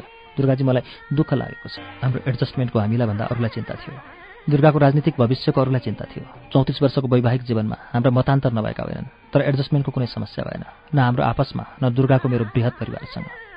हामीहरू बेलायतबाट फर्केपछि बाबा आमा मन्थली नबसेर काठमाडौँमा हामीसँगै बस्न थाल्नुभयो। आमाले भन्नुभयो छोरा त सबै बराबर हुन् म सबभन्दा शीतल बुहारीसँग बस्छु। बटारिएका घिमिरेहरूको पारिवारिक सद्भाव वृद्धिमा दुर्गाको असाधारण भूमिका रह्यो। दुर्गासँगको दाम्पत्य मेरो जीवनको वरदान हो। पारिवारिक मान्छेको दाम्पत्य सम्बन्ध नै सबभन्दा आन्तरिक वृत्त हुन्छ। त्यही सम्बन्ध सबभन्दा चराउने घाउ वा सबभन्दा शीतल मलम पनि हुन्छ। सबभन्दा ठुलो सुख र दुःखको स्रोत पनि त्यही हुन्छ। यसमा धनको सीमित भूमिका हुन्छ। औला दौला धन हुनेहरूको दाम्पत्य र पारिवारिक जीवन पत्तै नपाई निम्न कोटीको हुन पुगेको हुन्छ। धनको तुजुक र झिलिमिलीमा रमाउन्जेल त्यो यथार्थ थाहै हुँदैन। थाहा हुँदा ढिलो भइसकेको हुन्छ। प्रेमको अपार ऊर्जाको केही अंश नवदम्पतिमा पनि सर्छ। माघी बिहाका नवदम्पतिमा पनि प्रेममा भएको त्यो ऊर्जा भरि भरिएपछिका दिनहरू प्रेममय हुन्छन्। प्रेमी वा नवदम्पतिबीच प्रगाढ प्रेम हुन्छ र आफू र आफ्नो प्रेम बाहेक संसारमा अरू कोही केही देख्न सक्दैनन्। एकअर्काका लागि नै मर्ने बाँच्ने र जुन तारासम्म झार्ने बाचा गर्ने बेला पनि त्यही हुन्छ। त्यसको रङ बिस्तारै सन्तान वा समयले अर्थात् जीवनयापनको कठोर यथार्थले खोइलिँदै जान्छ। जुन खोइलिन्छ त्यो प्रेम हुँदैन। त्यो ऊर्जा हो जसलाई ब्रह्मस प्रेम भनिन्छ। त्यो ऊर्जा परिस्थिति अनुसार बढ्छ घट्छ। ऊर्जा खुइलिएका दम्पतिहरू थकित गलित प्रेमीका अवशेष मात्र हुन्। सफल दाम्पत्यका लागि जीवनभरि उनै व्यक्तिबीच बारम्बार प्रेम परिरहने ऊर्जा सदैव कायम रहनुपर्छ। प्रारम्भिक ऊर्जाको दशांश दशमांश मात्रै आजीवन कायम रह्यो भने पनि त्यो दाम्पत्य सधैँ सुखमय हुन्छ। संसारको कुनै पनि सम्बन्धको आधार प्रेम होइन। आकर्षण हो विकर्षण हो माया हो दया हो घृणा हो चाहना हो बासना हो यौन हो। तर जुन युवा युवती वा कसैबीच प्रेम भनिन्छ त्यो हुँदैन। संसारको कुनै पनि सम्बन्धको दिगो र टिक्ने आधार कि स्वार्थ हो कि दायित्व। दाम्पत्य वा पारिवारिक सम्बन्धको आधार त प्रेम हुँदै होइन। दायित्व र मर्यादा हो।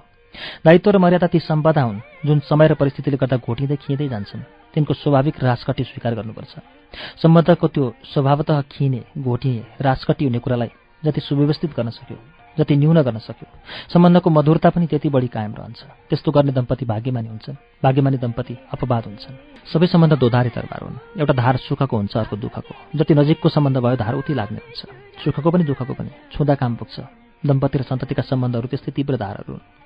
दम्पति सन्तति र जीवनका सम्बन्धहरूमा सुखी भनिएका र सुखी देखिने मान्छेहरू दुःखी हुन्छन्। देखेका सुखीहरू पनि दुःखी हुन्छन् भने। दुःखीहरू त दुःखी नै भए। सम्बन्धहरू जटिल छन्। वेदना दुख्नेलाई थाहा हुन्छ देख्नेलाई होइन मर्का परेलाई थाहा हुन्छ पार्नेलाई होइन रमिता हुनेलाई रमिता हुनुको पीडा थाहा हुन्छ दर्शक रमितालाई होइन एउटा पट्यार लाग्दो यात्रामा चालकसँग ठट्टा गर्न मन लागेर सोधे नानीकाजी तिम्रो श्रीमतीसँग कतिको झगडा पर्छ? पर्दैन सर। कहिले पनि पर्दैन उनले भने। कहिले पनि झगडा नपर्ने कोही लोग्ने स्वास्नी हुन्छन् र मलाई अचम्म लाग्यो। लाग्यो नानीकाजी सन्दर्भमा अति भाग्य मानिरहेछन् उसले जे भने त्यो म मानिदिन्छु। अनि कसरी झगडा पर्छ? पर्दै पर्दैन। यो गजबको सूत्र थियो। मलाई जोडसँग हाँसो लाग्यो। लाग्यो उनी ठट्टा गर्दैछन्। सोधे जे पनि भनी मानिदिन्छौ? मानिदिन्छु। के तिमी सधैँ उनले भनेको मान्छौ त? म तिस वर्षको हुन्जेल उसले भन्दा बाहेक कुनै केटीले पनि मसँग बिहा गरेर मानेन। त्यसले मात्रै मान्यो। त्यसैले म सधैँ उसले भनेको मान्छु सर। नानीकाजी महर्जन राम्रै थिए चालकको जागिर थियो वजन चाहिँ एक सय किलोग्रामभन्दा बढी थियो। उनी अस्वीकृत हुने मूल कारण त्यही हुनसक्छ। उनले ठट्टा गरेको होइन रहेछ।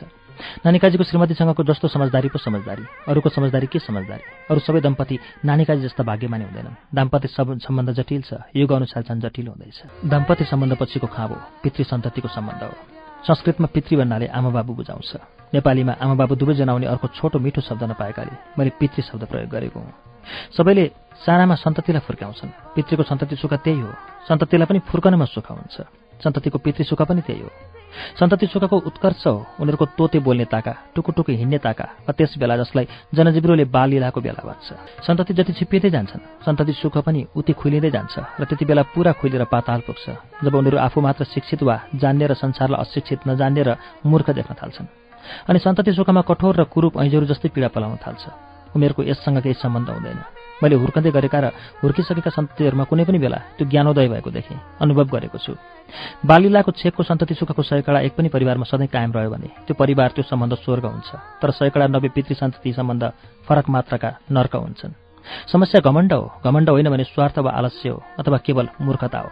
आमा बाबु हुँदाहुँदै पनि कति सन्तान टुरा हुन्छन् भने कति टुराहरूले पनि पितृ सुख पाउँछन् कति दम्पति सन्तान भएर पनि निसन्तान हुन्छन् कति सन्तान नभएर पनि सन्तानवान हुन्छन्।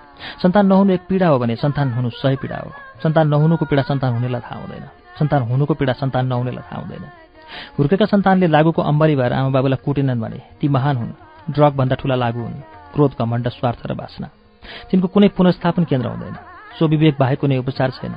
आमा बाबु परिवारका अरूहरू र स्वजनहरूसँग राम्रो मुखले बोल्छन् र स्वमतिलो व्यवहार पनि गर्छन् भने ती सन्तान पाइन सक्नु सज्जन हुन्। राम्रो बाटो समाएका छन् र पर्दा आमाबाबु परिवार र स्वजनलाई आत्मीय सहयोग पनि गर्छन् भने ती देवदूत हुन्। हाम्रा कति समकालीन पुस्ता दोहोरो मार खेपेर खेपेका त्रिशङ्कु हुन्। सन्तानलाई अदबमा राखेर अथवा कुटेर हुर्काउनुपर्छ भन्ने हामीभन्दा मास्लो पुस्ताको मान्यता थियो। मास्लो पुस्ताले हाम्रो त्यो पुस्तालाई कुटेर हुर्कायो। तर हामीभन्दा तल्लो पुस्ता हाम्रो पुस्तालाई नटेरेर हुर्कियो। त्यो बीचको हाम्रो पुस्ताले नमाथिल्लाले जस्तो आदर पायो न मुनिकाको जस्तो स्वच्छन्दता। त्यो पुस्ताले माथि र तलको बिचमा परेर चेप्टिने पीडा मात्र भोगेन। उसका मान्यताहरूले त्रिशङ्कु जस्तै उदोमुन्टो लागेर बाँच्नु पनि पर्यो। ट्रान्जिसन समयान्तरण वा सन्ध्याको यो यथार्थ ढिलो चाँडो सबै पुस्ताले खेप्नुपर्छ मानव जीवनको दुखान्त के हो भने उठान्छ वा अरूलाई सिकाउन सक्छ खास गरी सन्तानलाई। तथ्य के हो भने संसारमा कसैले कसैलाई केही पनि सिकाउन सक्दैन। सिक्नेले आफै सिक्छ सो प्रेरणाले सिक्छ। कसैले पनि परिवारबाट वा कतैबाट पनि केही पनि सिक्दैन जबसम्म ऊ स्वयं अति प्रेरित हुँदैन र कठोर परिश्रम गरेर सिक्दैन। जसलाई जे मनपर्छ त्यही सिक्छ। सिकेको मध्ये पनि जे अति मनपर्छ त्यही दुःख गरेर थेक्छ अभ्यास गर्छ सिकेको बिर्सन्छ थेकेको रहन्छ। जसले जे थेक्छ त्यही उसको बानी हुन्छ व्यक्तित्व हुन्छ। कुनै पनि राम्रो बानी थेक्न मरिमेट्नुपर्छ। जसका लागि ऊ स्वयं प्रेरित हुनुपर्छ र कसैले अति बढी परिश्रम गर्नुपर्छ। यो समस्त प्रक्रिया अरू कसैको कर बल र इच्छाले हुने होइन। मान्छे भन्छ। म त यसै थाङ्ने भएँ अम्मली भएँ असफल भएँ तर सन्तानलाई महान बनाउँछु सिकाउँछु सघाउँछु असल बनाउँछु सफल बनाउँछु यस्तो र उस्तो बनाउँछु आकाशभन्दा माथि पुर्याउँछु त्यो उसको सपना हो। तर मूर्खता हो पितृले सन्तानलाई शिक्षा दिन सक्छ स्वस्थ भोजन दिन सक्छ मायालु वातावरण दिन सक्छ संस्कार दिन सक्छ। पितृले सन्तानलाई गर्ने त्यति मात्र हो सन्तानले बाँकी आफैले जे मन लाग्छ गर्छ। महान पनि आफ्नै बुताले हुन्छ पतन पनि आफ्नै मतिले हुन्छ। जब मान्छे बिग्रन्छ तब उसले दोष अरूलाई दिन्छ खास गरी पितृलाई। पितृको अभिशाप त्यही सन्तति हुन्छ। सन्तानको व्यक्तित्व स्वभाव स्ववास्तविकताको जग पहिले चिन जिन वा अनुवंशले हाल्छ अनि वातावरण लिएर अन्तमा उसैले र उसैले मात्र। वातावरण भन्नेको हुर्किँदै जाँदा उसले यस लोकमा चिन्नुपर्ने अनन्त अन्तर सम्बन्धका डोराहरूको सञ्जाल हो जुन उसले आफै उन्नु बुन्नु चिन्नु छिमल्नु छिचोल्नु र थिति बसाल्नुपर्छ। परिवार बाहिरका सञ्जालका ती डोरीहरू हुन् पाठशाला सञ्चार र सङ्गत। ती जम्मै एक्साइटिङ हुन्छन्। ती बाहिरी डोराहरूमध्ये कति उसलाई रिजाउँछन् कतिले बिजाउँछन् जतिले रिजाउँछन् उतिको प्रभाव उसले छानी छानी मन लागे जति लिन्छ र अभ्यास गर्छ। उसको रोलक्रममा पितृ नामक संवेदनहीन थाङ्ने गनगनी बुढाबुढी सबभन्दा पछि आउँछन्। उनीहरूका फतफत गनगन बगबास सबभन्दा रसिन र उराट लाग्दा डल र बोरिङ हुन्छन्। पितृले सन्तति सबभन्दा प्रिय भएको बेला पत्तै नपाई आपसी सम्बन्धलाई पुलपुलाएको हुन्छ। त्यो बेला पुलपुल्याउनु र पुलपुलिनु दुवै मादक हुन्छन्। त्यो मादक त सधैँ रहिरहन्न। कुनै पनि सदस्यमा समयअनुसारको विवेकशीलता भएन भने त्यो पुलपुलाइको धङधङ्गी कुन ठाउँमा पर्छ। त्यसको कुबेलाको अभिव्यक्ति बेसोमत हुन पुग्छ कुनै पनि बेसोमतीले आफ्नो बेसोमतलाई बेसोमत मान्दैन अनि आफ्नो दुर्व्यवहारको औचित्य पुष्टि गर्न खोज्छ। जसले आफ्ना मूर्खता र कमजोरीको जति औचित्य सिद्ध गर्न खोज्छ त्यसले आफूमा त्यति नै कमजोरी र मूर्खताहरू बढाउँछ। त्यो पुलपुलाई बढ्दै गएर दुर्व्यसन लागु पदार्थ सेवन शारीरिक र मानसिक पितृपीडन परिवार पीडन वा सन्तति पीडनसम्म पनि पुग्छ। अचेलका सन्तान अघिका हामीहरू जस्तो मजेरीभरि लडीबुडी गर्दै हुर्केका दर्जनौँ मध्येका होइनन्। अचेलका शिक्षित धेरै आमा बाबुका एक दुई सन्तान मात्र हुन्छन्। मैले यस्तै एक सम्भ्रान्त पिताले तीन वर्षको छोरालाई आफ्नो नाङ्गो हत्केलामा लगाएर समेत हगाएर समेत आनन्द लिएर लिएको देखेको छु। अचेल सबै आमाबाबुले लगभग त्यसै गरी सन्तान हुर्काएको देख्छु। त्यसरी हुर्काएका सुशिक्षित सन्तानले पनि आमाबाबुसँग मुख लगाएको देख्छु झर्को फर्को गरेको देख्छु अशिष्ट व्यवहार गरेको देख्छु। यो आजको यथार्थ हो। हरेक पितृले सन्तति सानै छँदादेखि नै त्यस यथार्थलाई आत्मसात गर्नु स्वीकार गर्नु बुद्धिमानी हुन्छ। मेरा एक अनुभवी मित्र बराबर भन्छन्। मेरा सन्तान मेरै मात्र होइनन्। भगवान्का पनि सन्तान हुन्। मैले मात्र तिनलाई बनाउन चाहेर हुँदैन भगवान्ले पनि चाहनुपर्छ। भगवान्ले उनीहरूलाई आफै बन्ने मती पनि दिनुपर्छ। त्यसैले म सन्तानको धेरै चिन्ता गर्दिनँ। सन्तान भन्ने जात सप्रे पनि नहुने बिग्रे पनि नहुने। सप्रे भने पनि आफूलाई चाहिँदा सके सात समुद्र पारीको जागिरमा होलान्। नभए समय दिन नसक्ने गरी करियर जागिर वा व्यवसायमा व्यस्त होलान्। र पल्ले कोठामा भए पनि उनान्सय प्रतिशत मान्छे कर्मरत हुने बेलामा बिहानैदेखि साँझ पाँच बजेसम्म सुतिरहेका होलान्। रातभरि जागेकाले। राति जाग्नु र दिउँसो सुत्नु नवसभ्यता हो। सन्तानका यी अवस्थाहरूमा म जस्तो पराश्रितले चाहिएको मद्दत पाउन सक्दैन। मेरो सन्तान यस्तो छ उस्तो छ सात समुद्र पारी बस्छ बेला बेला पैसा पठाउँछ हप्तैपछि फोन गर्छ भन्ने कुरा म जस्तो मान्छेका लागि बेकार हो। सप्रेका चाहिएको बेलामा सबै किसिमको सहयोग गर्न चाहने सक्ने र गर्ने पनि सन्तान पाउनु दुर्लभ हो। विग्रन्थले त आजीवन पीडा मात्र दिने हुन्। मेरो यो विचार सुनेर एक मित्रले भने के तिम्रो सन्तानको काम तिमीलाई मद्दत गर्नु हो? मैले भने काम होइन कर्तव्य हो। परेको बेलामा छिमेकी र अपरिचित पनि मद्दत गर्छन् भने परेको बेला सन्तानले आमाबाबुलाई र आमाबाबुले सन्तानलाई मद्दत नगरे त्यो सम्बन्धको के काम? उनले भने सन्तानले आमाबाबुलाई हामीलाई जन्माइदेऊ भनेका हुन्छन् र तिमीलाई मद्दत गर्ने ठेका लिन्छन्। आमाबाबुले चाहे सन्तान पाए सन्तानबाट कुनै पनि कुराको आशा गर्नु हुँदैन। अनि आमाबाबुसँग सन्तानले नि? मैले सोधेँ। त्यो त उनीहरूको हक हो। उनले भने मेरा मित्र ज्ञानी रहेछन्। म मूर्ख रहेछु। मैले सन्तानलाई सकेको गरेछु। र म चाहन्छु मेरा सन्तानले पनि मलाई सकेको गरून्। मेरो त्यो सोच मूर्खता हो भने मेरो मित्रको विद्वत उनीलाई लागोस् उनीलाई मुबारक। आहान छ आमा बाबुको मन छोराछोरीमाथि छोराछोरीको मन ढुङ्गा बुढामाथि बालाको हुन्जेल त ढुङ्गा मुढा खेल्नु नै ठिक उनीहरूको उमेर सँगसँगै नयाँ नयाँ ढुङ्गा मुढाहरू खेलौनाहरू बदिँदै जानु पनि स्वाभाविक हो। तर आमाबाबुको भने छोराछोरीको ढुङ्गा मुढा हुने पालो कहिले पनि आउँदैन। यो कुरा उनीहरू स्वयं आमाबाबु भएपछि र खास गरी सन्तान पीडित भएपछि राम्ररी बुझ्छन्। तैपनि सन्तानको चित्त आमाबाबुतिर बिरलै फर्कन्छ। छोराछोरी भन्छन् त्यो आमाबाबुले बनाएको उखान हो हाम्रो उखान त्यसको उल्टो हुन्छ। म आफ्ना सन्तानलाई भन्ने गर्छु। तिमीहरूमा जे जे गुण छ त्यो तिमीहरूले अरूबाट पाएका हो र जे वैगुण छ म र दुर्गाबाट। दुर्गाभन्दा पनि बढी मबाट किनभने ममा बढी दुर्गुण छन्। म दुर्गालाई पनि भन्ने गर्छु। सन्तानले तिमीलाई मेरो अभाव अनुभव हुन दिने छैनन्। तिमी जस्तै असल आमाको कोखबाट अभिव्यक्ति र दुच्छर सन्तान जन्मन सक्दैनन्। कदाचित अभिव्यक्ति र दुच्छर व्यवहार गरे भने त्यो उनीहरूले तिमीबाट होइन मबाट पाएको कुरा भनेर सम्झेर बिर्सेन र मलाई क्षमा गर्नु। मान्छेले सुखको खोजीमा सुखभन्दा बढी दुःख पाउँछ। कदाचित पाइहाल्यो भने सुखको भानसम्म पाउँछ। त्यही भानलाई सिरा हालेर निधाउँछ झल्याक झुलुक सुखको आभास वा भान पाउँदा ऊ खुसीले मक्क पर्छ। उमेरभरि उसले आफ्नो सम्पूर्ण सुखको साउ सुहाँचेर राख्छ। आफू दुःखै दुःखमा बाँच्छ र त्यो साउ भविष्यको लागि लगानी गर्छ। जुन अधिकार सन्तान हुन्छ अधिकतर सन्तान हुन्छ। जनजीवले भनेको जस्तो यो छोरो वा छोरी बढ्ला कमाई गर्ला दुध भात देला मलाई। त्यो लगानीपछि साउ दोब्बर र ब्याज चौबरसहित फिर्ता पाउने आशामा उसले सुखको भ्रम पाउँछ। भ्रम सबभन्दा सर्वश्रेष्ठ सुख हो। मान्छे भ्रमलाई सुख ठान्छ र सुखी हुन्छ। आखिरमा सुखको ब्याज त डुब्छ डुब्छ। जब सुखको साउ पनि डुब्छ अनि उसको सोच बदलिन्छ। भ्रम निवारण सबभन्दा ठुलो दुःख हो। जब भ्रम निवारण हुन्छ तब ऊ अर्कै मान्छे हुन्छ। भ्रम निवारण भइसकेपछि पनि कोही दुःखी हुँदैन भने त्यो ज्ञानी हुन्छ सन्त हुन्छ। भ्रमबाट बिउजेपछि कोही कोही आफैले परिभाषित गरेको लोक कल्याणकारी मार्गमा लाग्छन् र सकेको गर्छन्। कोही यो लोक त यस्तै भयो अब परलोकमा वा अर्को जन्ममा सुख पाउँ वा अर्को जन्म नै नहोस् भनेर लागि पर्छन्। कोही भक्तिभावमा डुब्छन्। कोही बाबा मातामा कोही तीर्थाटनमा कोही देवघाट वृन्दावन पुट्टवर्तीमा डुङ्गिन्छन्। कोही जे हो यही जुनी हो भनेर रक्सी तासजुवा कन्याकुमार वा अन्य लतकुलतमा लाग्छन्। जो जेमा रमाउँछ त्यसको जीवनको सार्थकता त्यही हुन्छ। चाहे त्यो तासको कुनै खेल म्यारेज ब्रिज वा फरासमा होस् क्यासिनोको कुनै खेल ब्ल्याक ज्याक रुलेटमा होस् गल्फमा होस् गफमा होस् वा कुनै तीर्थस्थलमा होस् जसले जे गर्छ त्यही नै सर्वश्रेष्ठ मान्छ भन्छ दावा गर्छ। त्यस ऊ अभियानको सुनियुक्त अवैतनिक प्रवक्ता समेत भन्छ बुढेसकाल मान्छेको सबभन्दा गरिमामय बेला हो। जुन सबै हिसाबले सुखमय हुनुपर्ने हो। उमेरको गरिमाको चौरीले पुरिएका थोते बुढाबुढीको मुस्कान अति मिठो हुन्छ तर थोते बुढाबुढीको मुस्कान मिठो तब मात्र हुन्छ जब उनीहरूको मनमा आनन्द उर्लेको हुन्छ। त्यसको स्रोत परिवारको सेवा माया र श्रद्धा नै हुन्छ। त्यस्ता बुढाबुढी उमेर र स्वास्थ्यको सीमाभित्र सबभन्दा सुखी हुन्छन्। तर यथार्थ त्यसको विपरीत हुन्छ। बुढेसकालमा मान्छे विरक्तिन्छ वृद्धावस्था किन कष्टकर हुन्छ?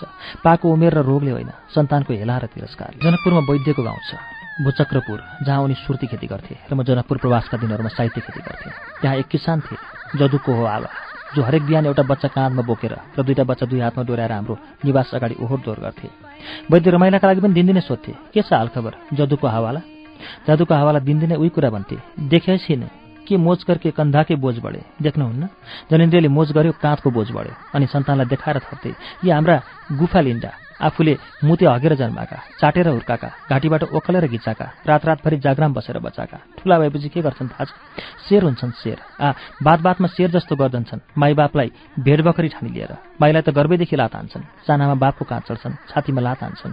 दिनदिनै काँध नचढी सुखै दिँदैनन् देखिहाल्नु भएको छ। ठुला भएपछि बापलाई पनि लात हान्छन्। पछि सर्वोच्च खाने पनि यिनै हुन्। मा बापलाई लात मार्ने पनि यिनै हुन्। आखिर आफ्नो भाग्यमा जे छ त्यही हुने हो। बुढेसकालमा एउटा न एउटाले त हेर्ला भन्ने आश छ। बुढेसकालमा सन्तानले हेर्ला भन्ने सोच हाम्रो संस्कृतिको सबभन्दा ठुलो विश्वास हो। आश हो र निराश पनि हो। पशु जगतलाई सहवासका लागि कुदकुत्याउने उमेर पुगेपछि शरीरमा बन्ने हर्मोन हो। हर्मोन र यौनाचारको कुदकुतीको निर्माण प्रकृतिले प्रजाति परम्परा कायम राख्न गरेको। त्यसको फल सन्तान हो।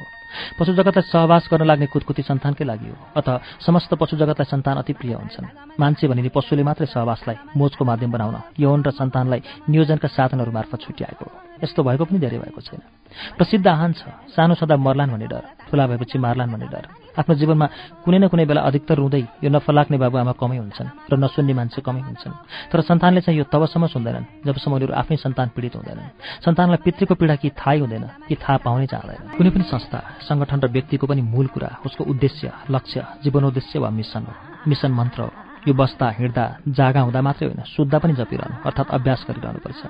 सपनामा जागै हुनु भनेको त्यही हो। कुनै पनि संस्थाको प्रत्येक सरकारवालाले आफ्नो जीवन उद्देश्य अति राम्रोसँग बुझेन आत्मसात गरेन र तन मचन मन वचन कर्मले अभ्यास गरेन भने त्यस्तो मिसनको कुनै अर्थ हुँदैन।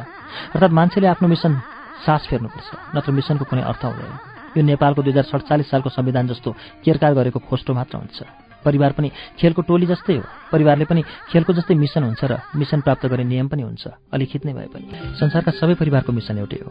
सबै सदस्यलाई आनन्द दिनु सुख शान्ति सन्तोष र समृद्धि दिनु। त्यसका लागि न्यूनतम विवेक समझदारी दायित्वबोध दया माया करुणा क्षमाशीलता त्याग अलोभ अक्रोध निरहङ्कार नम्रता मिठो बोली र सबभन्दा महत्त्वपूर्ण कुरा अहिंसा अनिवार्य हुन्छ। अहिंसा भनेको प्रचलित अर्थमा बुझिने जीव हत्या नगर्नु मात्र होइन। अहिंसा भनेको मन वचन कर्मले कसैलाई पीडा नदिनु हो। सके कसैलाई पनि वातावरण लगायत चराचरलाई पीडित नगर्नु त्यो नसके पशु जगतलाई पीडित नगर्नु त्यो नसके मान्छेलाई पीडित नगर्नु त्यो पनि नसके स्वजनलाई पीडित नगर्नु आफूलाई पीडित नगर्नु स्वजनको पीडाले आफैलाई पनि पीडित तुलाउँछ कुनै पनि परिवारको मिसन प्राप्त गर्ने रणनीति हुन्छ त्यो पनि एकै हुन्छ। परेको बेला परिवारको एक सदस्यलाई अर्कालाई कभर गर्ने भर्थे गर्ने मद्दत गर्ने कमजोरलाई अशक्तलाई चाहिएको मद्दत गर्ने तन मन वचन धन र कर्मले।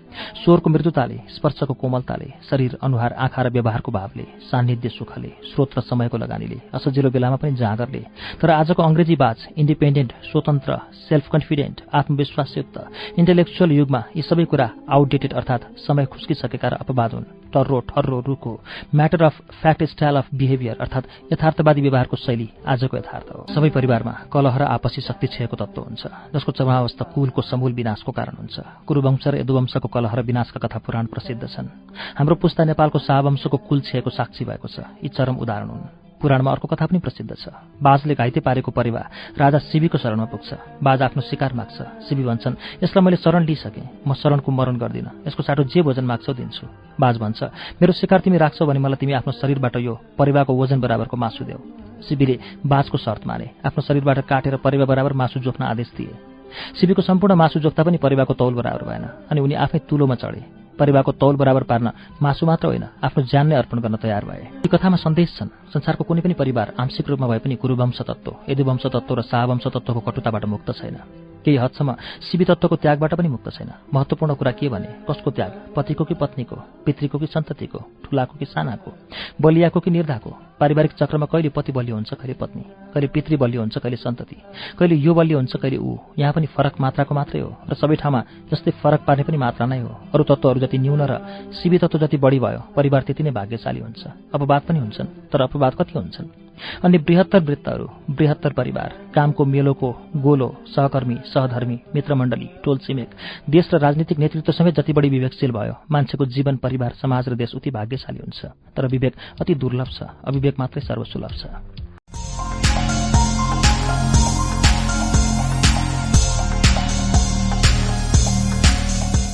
अन्तर्मनको यात्राको तेह्रौं श्रृङ्खला वाचन अब सुनौ पृष्ठ दुई सय चारबाट।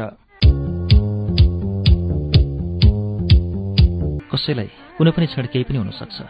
त्यो नभइकन कसैले त्यस्तो कुरा सोच्दैन। रोग्न लागि स्वास्थ्य चिनिँदैन। जीवनमा स्वास्थ्य नै सबै थोक होइन तर स्वास्थ्य छैन भने अरू सबै थोक केही होइन। स्वस्थ मन र स्वस्थ शरीर नै जीवनको बसी हो।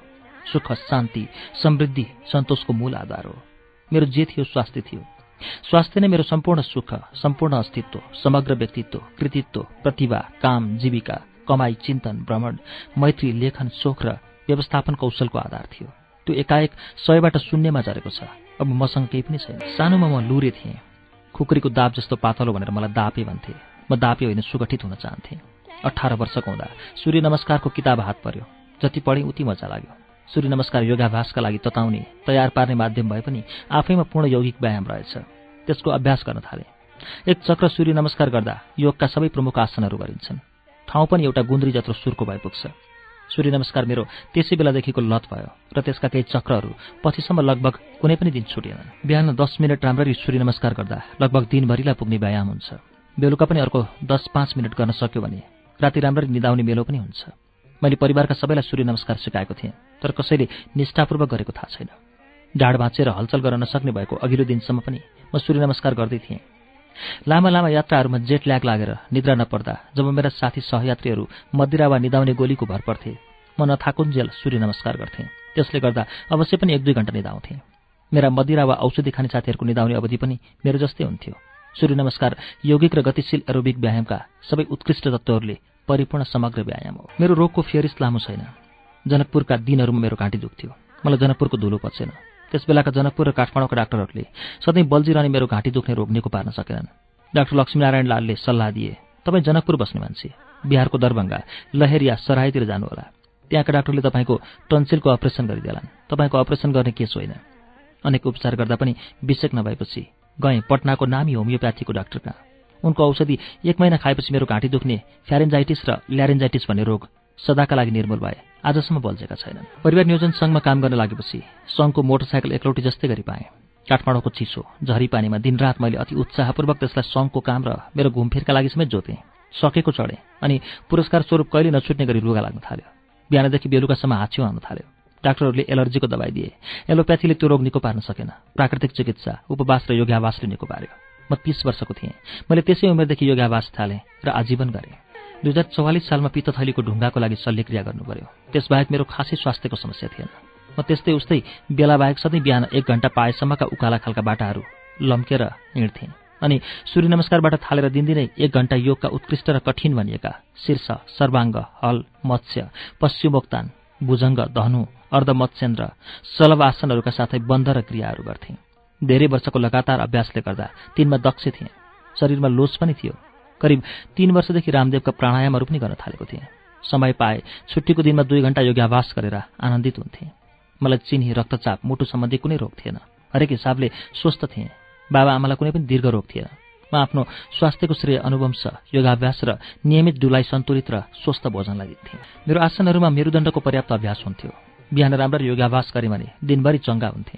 बाह्र घण्टा शारीरिक र मानसिक काम गरेको थाहा पाउन्नथे निद्रा पनि राम्ररी पर्थ्यो। व्यायाम प्राणायामको कमी भएर होइन। ती पर्याप्त हुँदाहुँदै पनि मलाई रोग लागेको थियो। मेरो ढाड योगका कारणले चर्किएको थिएन। रोगका कारणले प्याथोलोजिकल फ्र्याक्चर भएको थियो। मैले किर्तिपुरमा आदिनाथ वन निरै घर बनाएर बसेको एउटा कारण त्यो वनमा डुल्नलाई अति राम्रो उकालो र तर्पे बाटा गोरेटाहरू भएकाले पनि हो। सम्भवतः काठमाडौँ सहरको त्यति नजिक त्यति राम्रो डुल्ने ठाउँ कतै पनि छैन। निकै नाक्ने गरेर र खोजेर स्वास्थ्यकर सन्तुलित बनिने र पाएसम्म जैविक अर्ग्यानिक खानेकुराहरू खान्थे। जैविक तरकारीहरू आफ्नै बारीमा उमारिन्छन्। अपुग मात्रै बजारबाट ल्याइन्थ्यो। बिरामी भएपछि वेबसाइटमा स्वस्थ भोजनबारेको खोजी लत जस्तै भयो। के बुझ्यो भने जैविक भोजन सर्वश्रेष्ठ हो। पूर्ण अन्न र पूर्ण फलफुलमाथि वनस्पतिमा लसुन सर्वश्रेष्ठ हो। मसलामा बेसार सर्वश्रेष्ठ हो। सब्जीमा ब्रोकोली सर्वश्रेष्ठ हो। पेयमा ग्रिन टी सर्वश्रेष्ठ हो। पशुमा चिसो पानीको माछा सर्वश्रेष्ठ हो। लेहनमा तेलहनमा काँचो आलस सर्वश्रेष्ठ हो। ओखर र हाडे बदामभन्दा आलस काँचै खाँदा आलसको तेल होइन दसौँ गुणा बढी स्वस्थकर हुन्छ। सबै प्रचलित मसलाहरूमा राम्रा तत्त्वहरू छन् तर जाइफलमा विष हुन्छ। तर मेरो स्वास्थ्य सनकले माइलोमा नथकेपछि मलाई स्वास्थ्य सनक औचित्यहीन जस्तो लाग्न थालेको छ। तीस वर्षको स्वास्थ्य सम्बन्धी त्यो मेहनत लगन र सनकको फल वा पुरस्कार स्वरूप मैले साठी वर्ष हुँदा माइलोमा पाएँ। तैपनि लाग्छ जैविक र पूर्ण खाद्य नै श्रेष्ठ भोजन हो। व्यायाममा योग श्रेष्ठ नै हो। चीन र आधुनिकताको बाटोतिर लगाउने चौरासी वर्ष पुगेका डेङ सियाओ पिङलाई पत्रकारले सोधे तपाईँको सुस्वास्थ्यको रहस्य के हो? चेन स्मोकर ङेङले पिराखेको हातको चुरोट देखाएर भनेका थिए अरे यो हो एक सय छत्तिस वर्ष बाँचे भनेका मोरङका वीरनारायण चौधरी पनि सुर्ती अम्बली थिए। जापानीहरू प्रशस्त मात्रामा रक्सी र चुरोट खान्छन् र संसारमा सबभन्दा बढी बाँच्छन्। सतासी वर्ष बाँचेपछि बाबाको हातखुट्टा चल्दा चल्दै जाने रहर पुग्यो। बाचुन्जेल तेल मसला टन्न हालेर भुटेको खसीको मासु हातबाट तर चुइने गरी भुटुन हालेको पिरो नुनिलो तरकारी अमिलो अचार र गुलिया मिठाईहरू पनि मजासँग खानुहुन्थ्यो। जाने अघिल्लो दिनसम्म केही भएको थिएन। बेलुका सधैँ जसो डुलेर आउनुभयो डुल्दा ठेस लागेर लड्नुभएछ। यो दुई हजार उन्चास सालको जनै पूर्णिमाको अघिल्लो दिनको कुरा हो। भोलि बिहान डोरो बाँध्न आएका पण्डितलाई देख्ने बित्तिकै सुती सुती नारी थापिदिनु भयो। बिहान डाक्टर मधुले हेरेर अस्पताल भर्ना गर्ने सल्लाह दिए। चार घण्टापछि डाक्टरले अब आश छैन भने। आर्यघाटमा पुऱ्याएको एक घण्टामा शान्तिपूर्वक सदाको लागि आँखा चिम्लन भयो। हाम्रो घरको बत्ती निभ्यो। हामी टुरा भयौँ। आमा पन्चानब्बे वर्षको उमेरसम्म पनि चामलका ढुङ्गा अन्नका घुन र तरकारीका किरा आफै खेलाउनुहुन्थ्यो। पछिसम्म पनि खसीको बोसी आन्द्रो पोलेर खान मन पराउनुहुन्थ्यो। उहाँले कहिले पनि मुख बार्नु भएन। बाथरुमजेल हप्ताको एक दुई पटक खसीको मासु खानुहुन्थ्यो। सन्तानब्बे वर्ष नाग्नुभयो मेरा आमा बाबु त्यति लामो उमेरसम्म कुनै दीर्घ रोगबाट पीडित नभइकन बाँचेकाले मलाई पनि आश थियो। म पनि सत्तरी वर्षसम्म त स्वस्थ नै भएर बाँचुला। साठी वर्षसम्म कुनै अदीर्घ वा दीर्घ रोग लागेन तर त्यसपछि महारोगको पनि महारोग लागेको छ।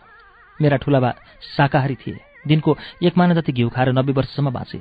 कुनै व्यथा बिना फुस्स गए। साइलाबा पचासी कान्छाबा अस्सी र फुपू नब्बे वर्षसम्म बाँचेर लगभग थला नपरिकन गए। मेरो जेठो दाजु दिनेशले कहिले व्यायाम गरेनन् कहिले मुख पारेनन् खानपिनमा कहिले पनि मध्यमार्ग अप्नाएनन्। दिनको जम्मा एक गिलास पानी खान्छन् होला। उनीभन्दा कान्छा भाइ बहिनीहरू सबै रोगी छन्। बहत्तर वर्षमा उनै हामी सबैभन्दा स्वस्थ छन्। मलाई ब्याङ्ककमा अर्जुन मैनालीलाई चिनाउने प्रदीप भान्जा केही महिना अगाडि बङ्गलादेशको राजदूत भएर गएका थिए। यो साफी गरिरहँदा उनको फोन आयो भने मामा मेरो नाकमा ट्युमर पलाएर अपरेसन गर्नु पर्यो क्यान्सर रहेछ। कि उपचार गर्न दिल्ली आउँदैछु? तिनै ताका मैले आफन्त रामकृष्ण खरेललाई गर्दनमा क्यान्सरको ट्युमर भएर किमो उपचार हुन लागेको पनि सुने। यसैबीच साहित्यकर्मी मित्र घटराज भट्टराई पनि मथिङ्गरको क्यान्सर भएको छ। म छ महिनाभित्रै बितेका थिए। यी सबै समाचारहरूले मलाई स्तब्ध पारेका थिए। स्वास्थ्य र रोगका यस्ता अनगिन्ती कथा सबैले सुनेकै छ स्वास्थ्य जीवनको मूलाधार हो। स्वास्थ्य सबै थोक हो भन्ने विवेक कदाचित बेला नबित्दै उदाइहाल्यो भने पनि अल्छी र लोभ नगरिकन स्वास्थ्यका सर्वमान्य सिद्धान्तहरूको सामान्य पालनालाई चाहिने भोजन र व्यायाम सम्बन्धी न्यूनतम अभ्यास निष्ठापूर्वक गर्ने मान्छे अपवाद हुन्छन्। तालुदेखि पैतालासम्मका सबै अङ्ग र उप अङ्गका विशेषज्ञ डाक्टरहरू छन्। ती कसैले पनि आफ्ना रोगीलाई आफ्नो जे उपदेश वा सल्लाह दिन्छन् त्यसको थोरै पनि अभ्यास गर्दैनन्। त्यो निष्काम कर्मयोगको उपदेश जस्तै दिन सजिलो तर अभ्यास गर्न साँच्चै गाह्रो छ। सबैले मुखछाडाहरू स्वस्थ र मुखबा मुखबाराहरू अस्वस्थ भएको नजिकैबाट देखे सुनेका छन्। कमजोर स्वास्थ्य हुनेहरू स्वास्थ्यको बढी चिन्ता गर्न बाध्य हुन्छन् तैपनि कमजोरी रहन्छन्। बलियाहरू स्वास्थ्यको उति चिन्ता गर्दैनन् र पनि बलियै बस्छन्। बलियाहरू भन्छन् व्यायाम व्यर्थ हो स्वस्थले गर्नु पर्दैन अस्वस्थले गर्न सक्दैन। भोजले भोजन जसले पचाउँछ त्यसले बजाउँछ। जसले पचाउन सक्दैन त्यसले पो खानु हुँदैन। भोजन संयम पनि व्यर्थ हो। पचाउन सक्नेले मुख बार्नु पर्दैन पचाउन नसक्नेले मुखमा लाउनै हुँदैन। हो पनि। यी तर्कहरूमा पनि दम छ। आफ्नै सन्दर्भमा सोच्दा मलाई पनि व्यायाम व्यर्थ रहेछ जस्तै लाग्छ। अन्तमा जीवन उही समयको खटन हो। तैपनि सकेसम्म सन्तुलित जीवनशैली स्वस्थ भोजन उचित व्यायाम गर्नु ठिक हो। यी सबै गर्दा गर्दै मलाई यस्तो रोग लागेपछि मेरो अनुभव त अनुकरणीय रहेन। आज ज्ञान विज्ञानलाई धेरै रोग किन लाग्छ भन्ने थाहा छ। र पहिले नै रोकथाम गर्न धेरै प्रभावकारी उपायहरू पनि छन्। तर मलाई यस्तो रोग लाग्यो जुन किन हुन्छ भन्ने आजसम्मको ज्ञान विज्ञानलाई थाहा छैन। यो रोगको मेरो जीवनशैली अनुवंश र आहार विहारसँग कुनै सम्बन्ध छैन। कारणै थाहा नभएपछि रोकथामका लागि पूर्वाभ्यास गर्ने कुरा पनि भएन भने मैले यसलाई समयको खेल मानेको छु। आँखा चिम्लेर विचारमा डुबेको बेला म हुर्केको संस्कृतिका अति महत्त्वपूर्ण आयामहरू धर्म अर्थ काम मोक्षका तरङ्गहरूले पनि मलाई जिस्काए महात्मा गान्धी भन्छन् संसारमा यति साह्रो भोका मान्छेहरू छन् जो रोटी बाहेक अरू कुनै पनि रूपमा ईश्वर देख्दैनन्। बालक अँध्यारोसँग डराउँछ प्रौढ उज्यालोसँग। उज्यालाले सत्य कुरा प्रकाशमा ल्याइदेला भनेर। महात्मा गान्धी जस्ता कोही कोही मात्र सत्य कुरासँग डराउँदैनन् र त्यसो भन्न सक्छन्। आदर्श महान हुन्छ तर जब मान्छेको पेटमा चारा हुँदैन तब सबै आदर्शहरू व्यर्थ हुन्छन्। बिसौँ शताब्दीमा महात्मा गान्धीले भनेको यही हो। उन्नाइसौँ शताब्दीमा कालमार्क्सले भनेको पनि यही हो। हजारौँ वर्ष अघि वेदहरू उपनिषदहरू र महाभारतले भनेको पनि यही हो। शाश्वत सत्य भनेको यस्तै हुन्छ होला। संसारका सबै ग्रन्थ र गुरुले भनेको पनि यही हो। लज्जा स्नेह स्वर मधुरीमा बुद्धि ढाँचा जवानी कान्तासँग सोजन ममता शास्त्र आपत्ति हानी धर्म श्रद्धा सुरुगुरु विषय शौच आचार सारा। त्यही बेला हो जब उदरले पाउला पूर्ण चारा पञ्चतन्त्र अनुवाद लेखनाथ। सनातन धर्मले जीवनको लक्ष्य धर्म अर्थ काम र मोक्ष तोकेको छ। धर्म मूल हो। यी सबैको चुरोमा धर्म हुनुपर्छ। सबै कुरा धर्म प्रेरित हुनुपर्छ।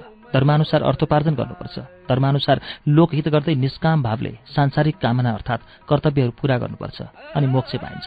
सनातन धर्मले सम्पूर्ण धर्मको सार भनेका दुईटा सूत्र यी हुन्। आत्मनह प्रतिकूलानी परेशाम न समाचरित। आफूलाई प्रतिकूल हुने कुरा अरूलाई नगर्नु। र परोपकाराय पुण्यय पापाय परपीडनम।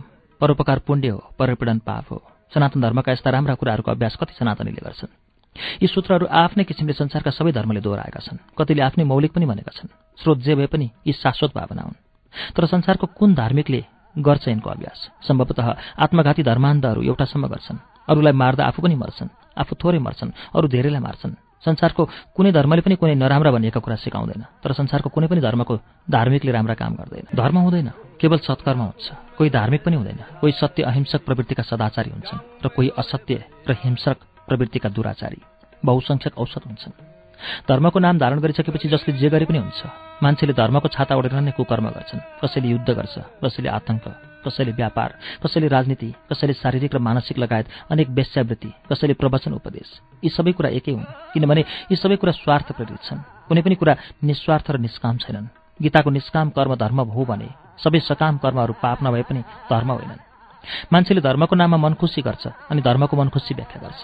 बिन लादेन र जर्ज बुसले गरेको कुकर्म र हत्या पनि धर्मकै नाममा हो। भगवान्ले उनीहरूलाई ती कुकर्म गर्ने आदेश र वारिसनामा दिएका छन् रे। गौतम बुद्ध र महात्मा गान्धीले गरेको कर्म पनि धर्मकै नाममा हो। धर्मको प्रमुख लक्ष्य समाजको व्यवस्थापन हो तर आज धर्म छल भएको छ। सबैभन्दा ठूलो झल धर्म परिवर्तन हो। धर्म परिवर्तनकारीहरूको तर्क हो। उनीहरू मात्रै ठिक अरू सबै बेठिक। उनीहरूले पुजेका मात्रै भगवान् अरू सबैले पुजेका शैतान। उनीहरूलाई मात्रै बेठिकहरूलाई ठिक पार्ने दैवी आदेश प्राप्त छ अरे कुरो युद्धबाट सुरु भएर धर्मयुद्धमा टुङ्गिन्छ। कारण केवल दुई छन्।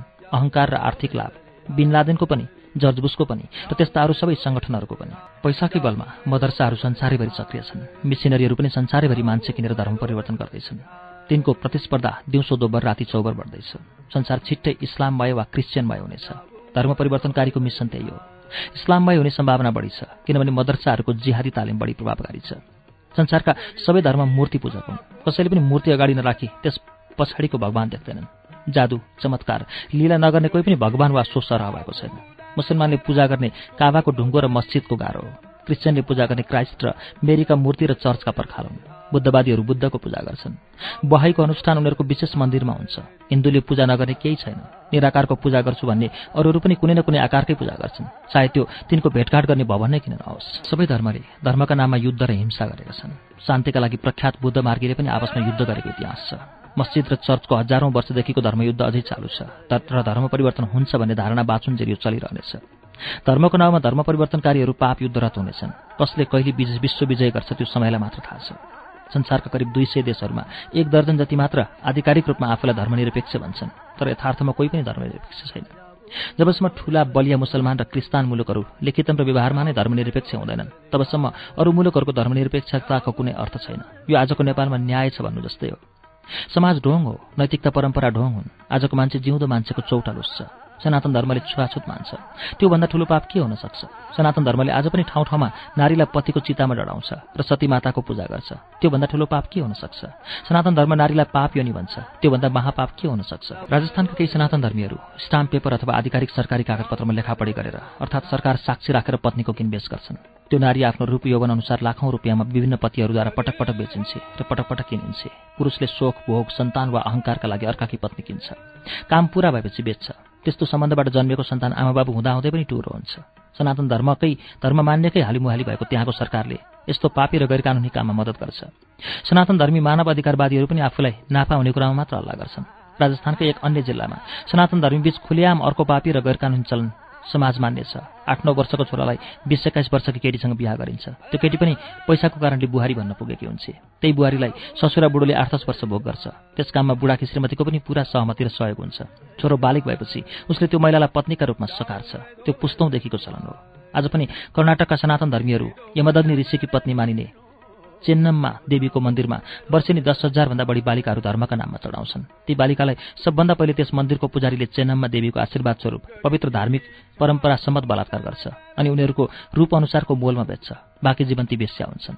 मैले तिनीहरूलाई आश्रयरहित अर्थरहित स्वजनरहित वृद्धावस्थामा बेग्लै परिधान र पहिचानमा चेतन्नम्माको मन्दिर परिसरमा डुलिरहेको देखेको छु। चेन्नममा देवीका भक्तहरू चिनको तिनको आदर गर्छन्। उनीहरूको सास धान्ने मेलो त्यही आदर भाव हुन्छ। त्यहाँ अघि सत्ययुगमा झन् धेरै बालिकाहरू चढाइन्थे अरे कस्तो थियो त्यो सत्ययुग? धनी मान्छेहरूले भाकल गरेका हुन्छन्। त्यो भाकल गरिबका चेलीलाई किनेर र देवीको बलिवेदीमा चढाएर पुरा गर्छन्। गरिबले पनि भाकल गरेर आफ्नै नाबालक छोरी चढाउँछन्। पश्चिम नेपालको देउकीको चलन पनि यस्तै हो। अरूका आफ्नै पनि नाबालक छोरा छोरी पत्नी प्रेमिका बान्जा भान्जी किनबेचको विश्वव्यापी बजार छ। सनातन धर्मीहरू आज पनि पुण्य लाभ गर्न कन्यादान गर्छन्। के छोरी दान गर्न र छोरा मान गर्नका लागि हुन्? बिक्री भनेको पैसाको लोभले गरेको दान हो। दान भनेको पुण्यको लोभले गरेको बिक्री हो। दुइटै एकै हो। छोरी दान गर्नेले बेचे पनि हुन्छ। नगद हाताहाती हुन्छ पुण्य उदार हो। सबै धर्ममा यस्तै ढोङहरू व्याप्त छन्। कतिमा यीभन्दा पनि अति छन् तर यी सब धर्मकै नाममा छन्। लोकमा अर्थको अर्थ छ। खोक्रो आदर्श व्यर्थ छ। यो लोक त स्वार्थी भयो भयो। परलोक साधना पनि अर्थ बिना सम्भव छैन। दान पुण्य यज्ञ तीर्थ सबैका लागि पैसा चाहिन्छ। जति धेरै खर्च गरे स्वर्ग जान उति राम्रो क्लासको टिकट पाइन्छ। संसारका एउटा अति प्राचीन सभ्यताको ज्ञानको भण्डार लिपिको आविष्कारभन्दा पनि पुरानो र संसारका सबभन्दा पुराना ग्रन्थहरूमध्ये एक। सनातन धर्मीले परमात्माको सार मानेको ग्रन्थ ऋग्वेद र ऋग्वेदको पनि सार मानिएको पहिलो उपनिषद। ईशावास्यको पहिलो मन्त्रले कम्तीमा चार हजार वर्षदेखि भनेको भनै छ ईशावास्यमिदम सर्वम यत्किञ्च जगत्याम जगत। तेन त्यक्तेन भुन्जिथा मा गृध कस्य स्विधनम जो ब्रह्माण्डमा जे जति चराचर जगत छ सबैमा ईश्वर व्याप्त छ। त्यस जगतलाई ईश्वरको सम्झेर निराशक्त भावले त्यागपूर्वक भोग गर। धन कसको हुन्छ र? यसबाट थाहा हुन्छ त्यसै कालमा धनको कति केन्द्रीय भूमिका रहेछ। त्यसै कालमा पनि धन कलहरको कत्रो कारण रहेछ। धन र त्यसको आसक्तिले निम्त्याएको कलह र द्वन्द्व नै त्यस बेलाको सबभन्दा ठूलो समस्या नभएको भए त्यसरी सम्झाउनु पर्ने थिएन। हे मनुवा धनमा आसक्त नहो। यो नै सबै सबै परमात्माको यो सबै परमात्माको हो। त जाँदा केही लिएर जाँदैनस्। निरासक्त भावले सबै ईश्वरमा समर्पित गरेर आफ्नो भागमा परेको धनको भोग गर। संसारका सबै नयाँ पुराना लौकिक अलौकिक गुरु र ग्रन्थले दिएको धन सम्बन्धी शाश्वत सनातन उपदेश पनि यही हो। यी सुविचारहरू लोकको मूल प्रवाहले अलिअलि पनि अभ्यास गर्ने भए संसार धेरै राम्रो हुने थियो। लोक व्यवहारले अस्वीकार गरेको विचार निरर्थक हुन्छ। लोक धनार्जनमा लिप्त छ। धनका लागि मान्छेले जे कुकर्म पनि गर्छ गरेको छ। यी महाकविहरूले धनबारे यस्ता विचार सानो तोडले त लेखेका होइनन्। यस्यास्ति वित्तम स नरह कुलिनः स पण्डित स श्रुतवान गुणज्ञ स एव भर्ता स च दर्शनीय। सर्वे गुणा काञ्चनमाश्रयन्ते भर्तृहरी। पैसावाल मान्छे नै कुलिन पण्डित शास्त्र र गुणको पारखी मालिक र दर्शनयोग्य हुन्छ सबै गुणहरू सुनमा आश्रित हुन्छन्। लेखनाथको धनमहिमाको पात टिप्पणीमा बालकहरूका लागि लेखेको छ यो राणा शासकहरूसँग जोगिन गरेको ठट्टा हो। यथार्थमा यो कविता बुढाहरूको लागि हो। यसका अति मिठा बत्तीस श्लोकहरूमा धनको यथार्थ छ। त्यसका चार श्लोक यी हुन्। विचार विद्या विनयादि जानी हुँदैन कोही पनि भाग्य मानी। यथार्थमा भाग्य भनेर नित्य पुकारिने वस्तु छ एक वित्त धनै भए लक्ष्य छ घाँसबास धनै मात्र भए रहन्छ सास। धनै छ सर्वोत्तम सार जे छ सबै धनैमा लट्किरहेछ। स्वरूपधारी छ गुणी युवा छ प्रवृत्ति लोकोत्तर कर्ममा छ परन्तु पैसा नभए अभागी गनिन्छ छोटो मतिहीन दागी।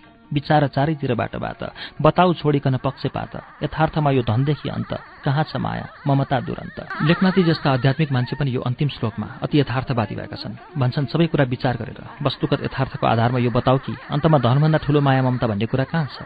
म जस्ताले यही कुरा लेख्दा निहिलिस्टको आरोप लाग्छ।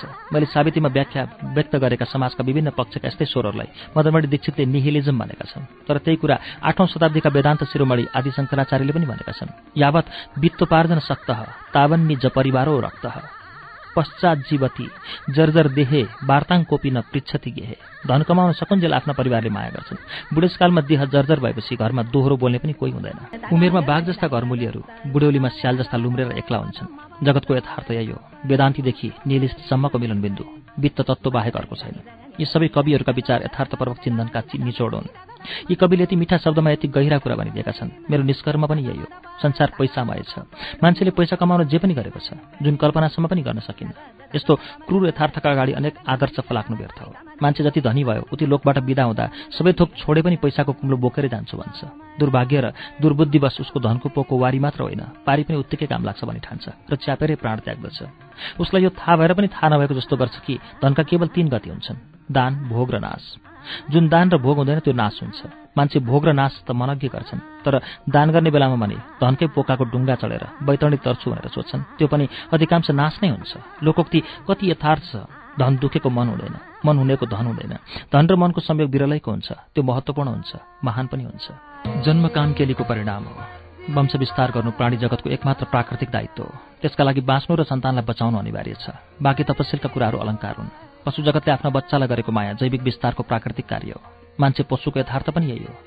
प्रकृतिले पशु जगतमा सन्तानप्रति अन्धमोह हालिदिएको छ तर प्रकृतिले नै सन्तानमा पितृप्रति अन्धमोह हालिदिएको छैन। सतर्क र शङ्कालु आँखा हालिदिएको छ। किनभने वंश विस्तारका लागि पितृमोह आवश्यक छैन। सन्तानलाई बचाउने काम पितृले गरिसकेको हुन्छ। हुर्केको सन्तानको काम आफ्ना सन्तानलाई बचाउने हुन्छ पितृलाई बचाउने हुँदैन। प्राणी जगतमा खास गरी आमाले सन्तानको प्राण जोगाउन आफ्नो प्राणको बाजी लगाउँछन्। संसारको कुनै पनि प्राणीले पितृको प्राण जोगाउन आफ्नो प्राणको बाजी लगाउँदैन। सुल्टो त्यही हो। पुराणमा कथा छ समुद्रको छालले साना चरीजोडीले मायाले हुर्काइरहेका बच्चालाई गुण समेत बगाइदिएछ। क्रुद्ध चरीजोडी समुद्रलाई सुकाएर बदला लिन्छौँ भनेर कम्बर कसे। अनि आफ्नो एक थोपा पानीले भरिने चुच्चामा समुद्रको पानी ओसार्दै बालामा फ्याँक्न थाले। यो हो पितृको सन्तानप्रतिको अगाध माया मोह। तर मान्छे सन्तानबाट अप्राकृतिक र उल्टो माया खोज्छ। त्यही नगरोस् भनेर सनातन धर्मले मान्छेको जीवनको तेस्रो चौथाइका लागि बानप्रस्थ तोकेको छ। त्यसले भन्छ जति लालसा बाँकी भए पनि त्यो चटक्कै त्यागेर घर गृहस्थीको सबै लन्ठा टन्टा सन्तानलाई सुम्प। घर बसुन्जेल साधना गरेर सन्तानको सल्लाहकार भएर चित्त बुझाऊ अनि सन्यासको अन्तिम चौथाइ मेटेपछि सन्तानले निकालावास गर्नुभन्दा अघि नै घर त्यागेर मर्नैका लागि वनवास गर।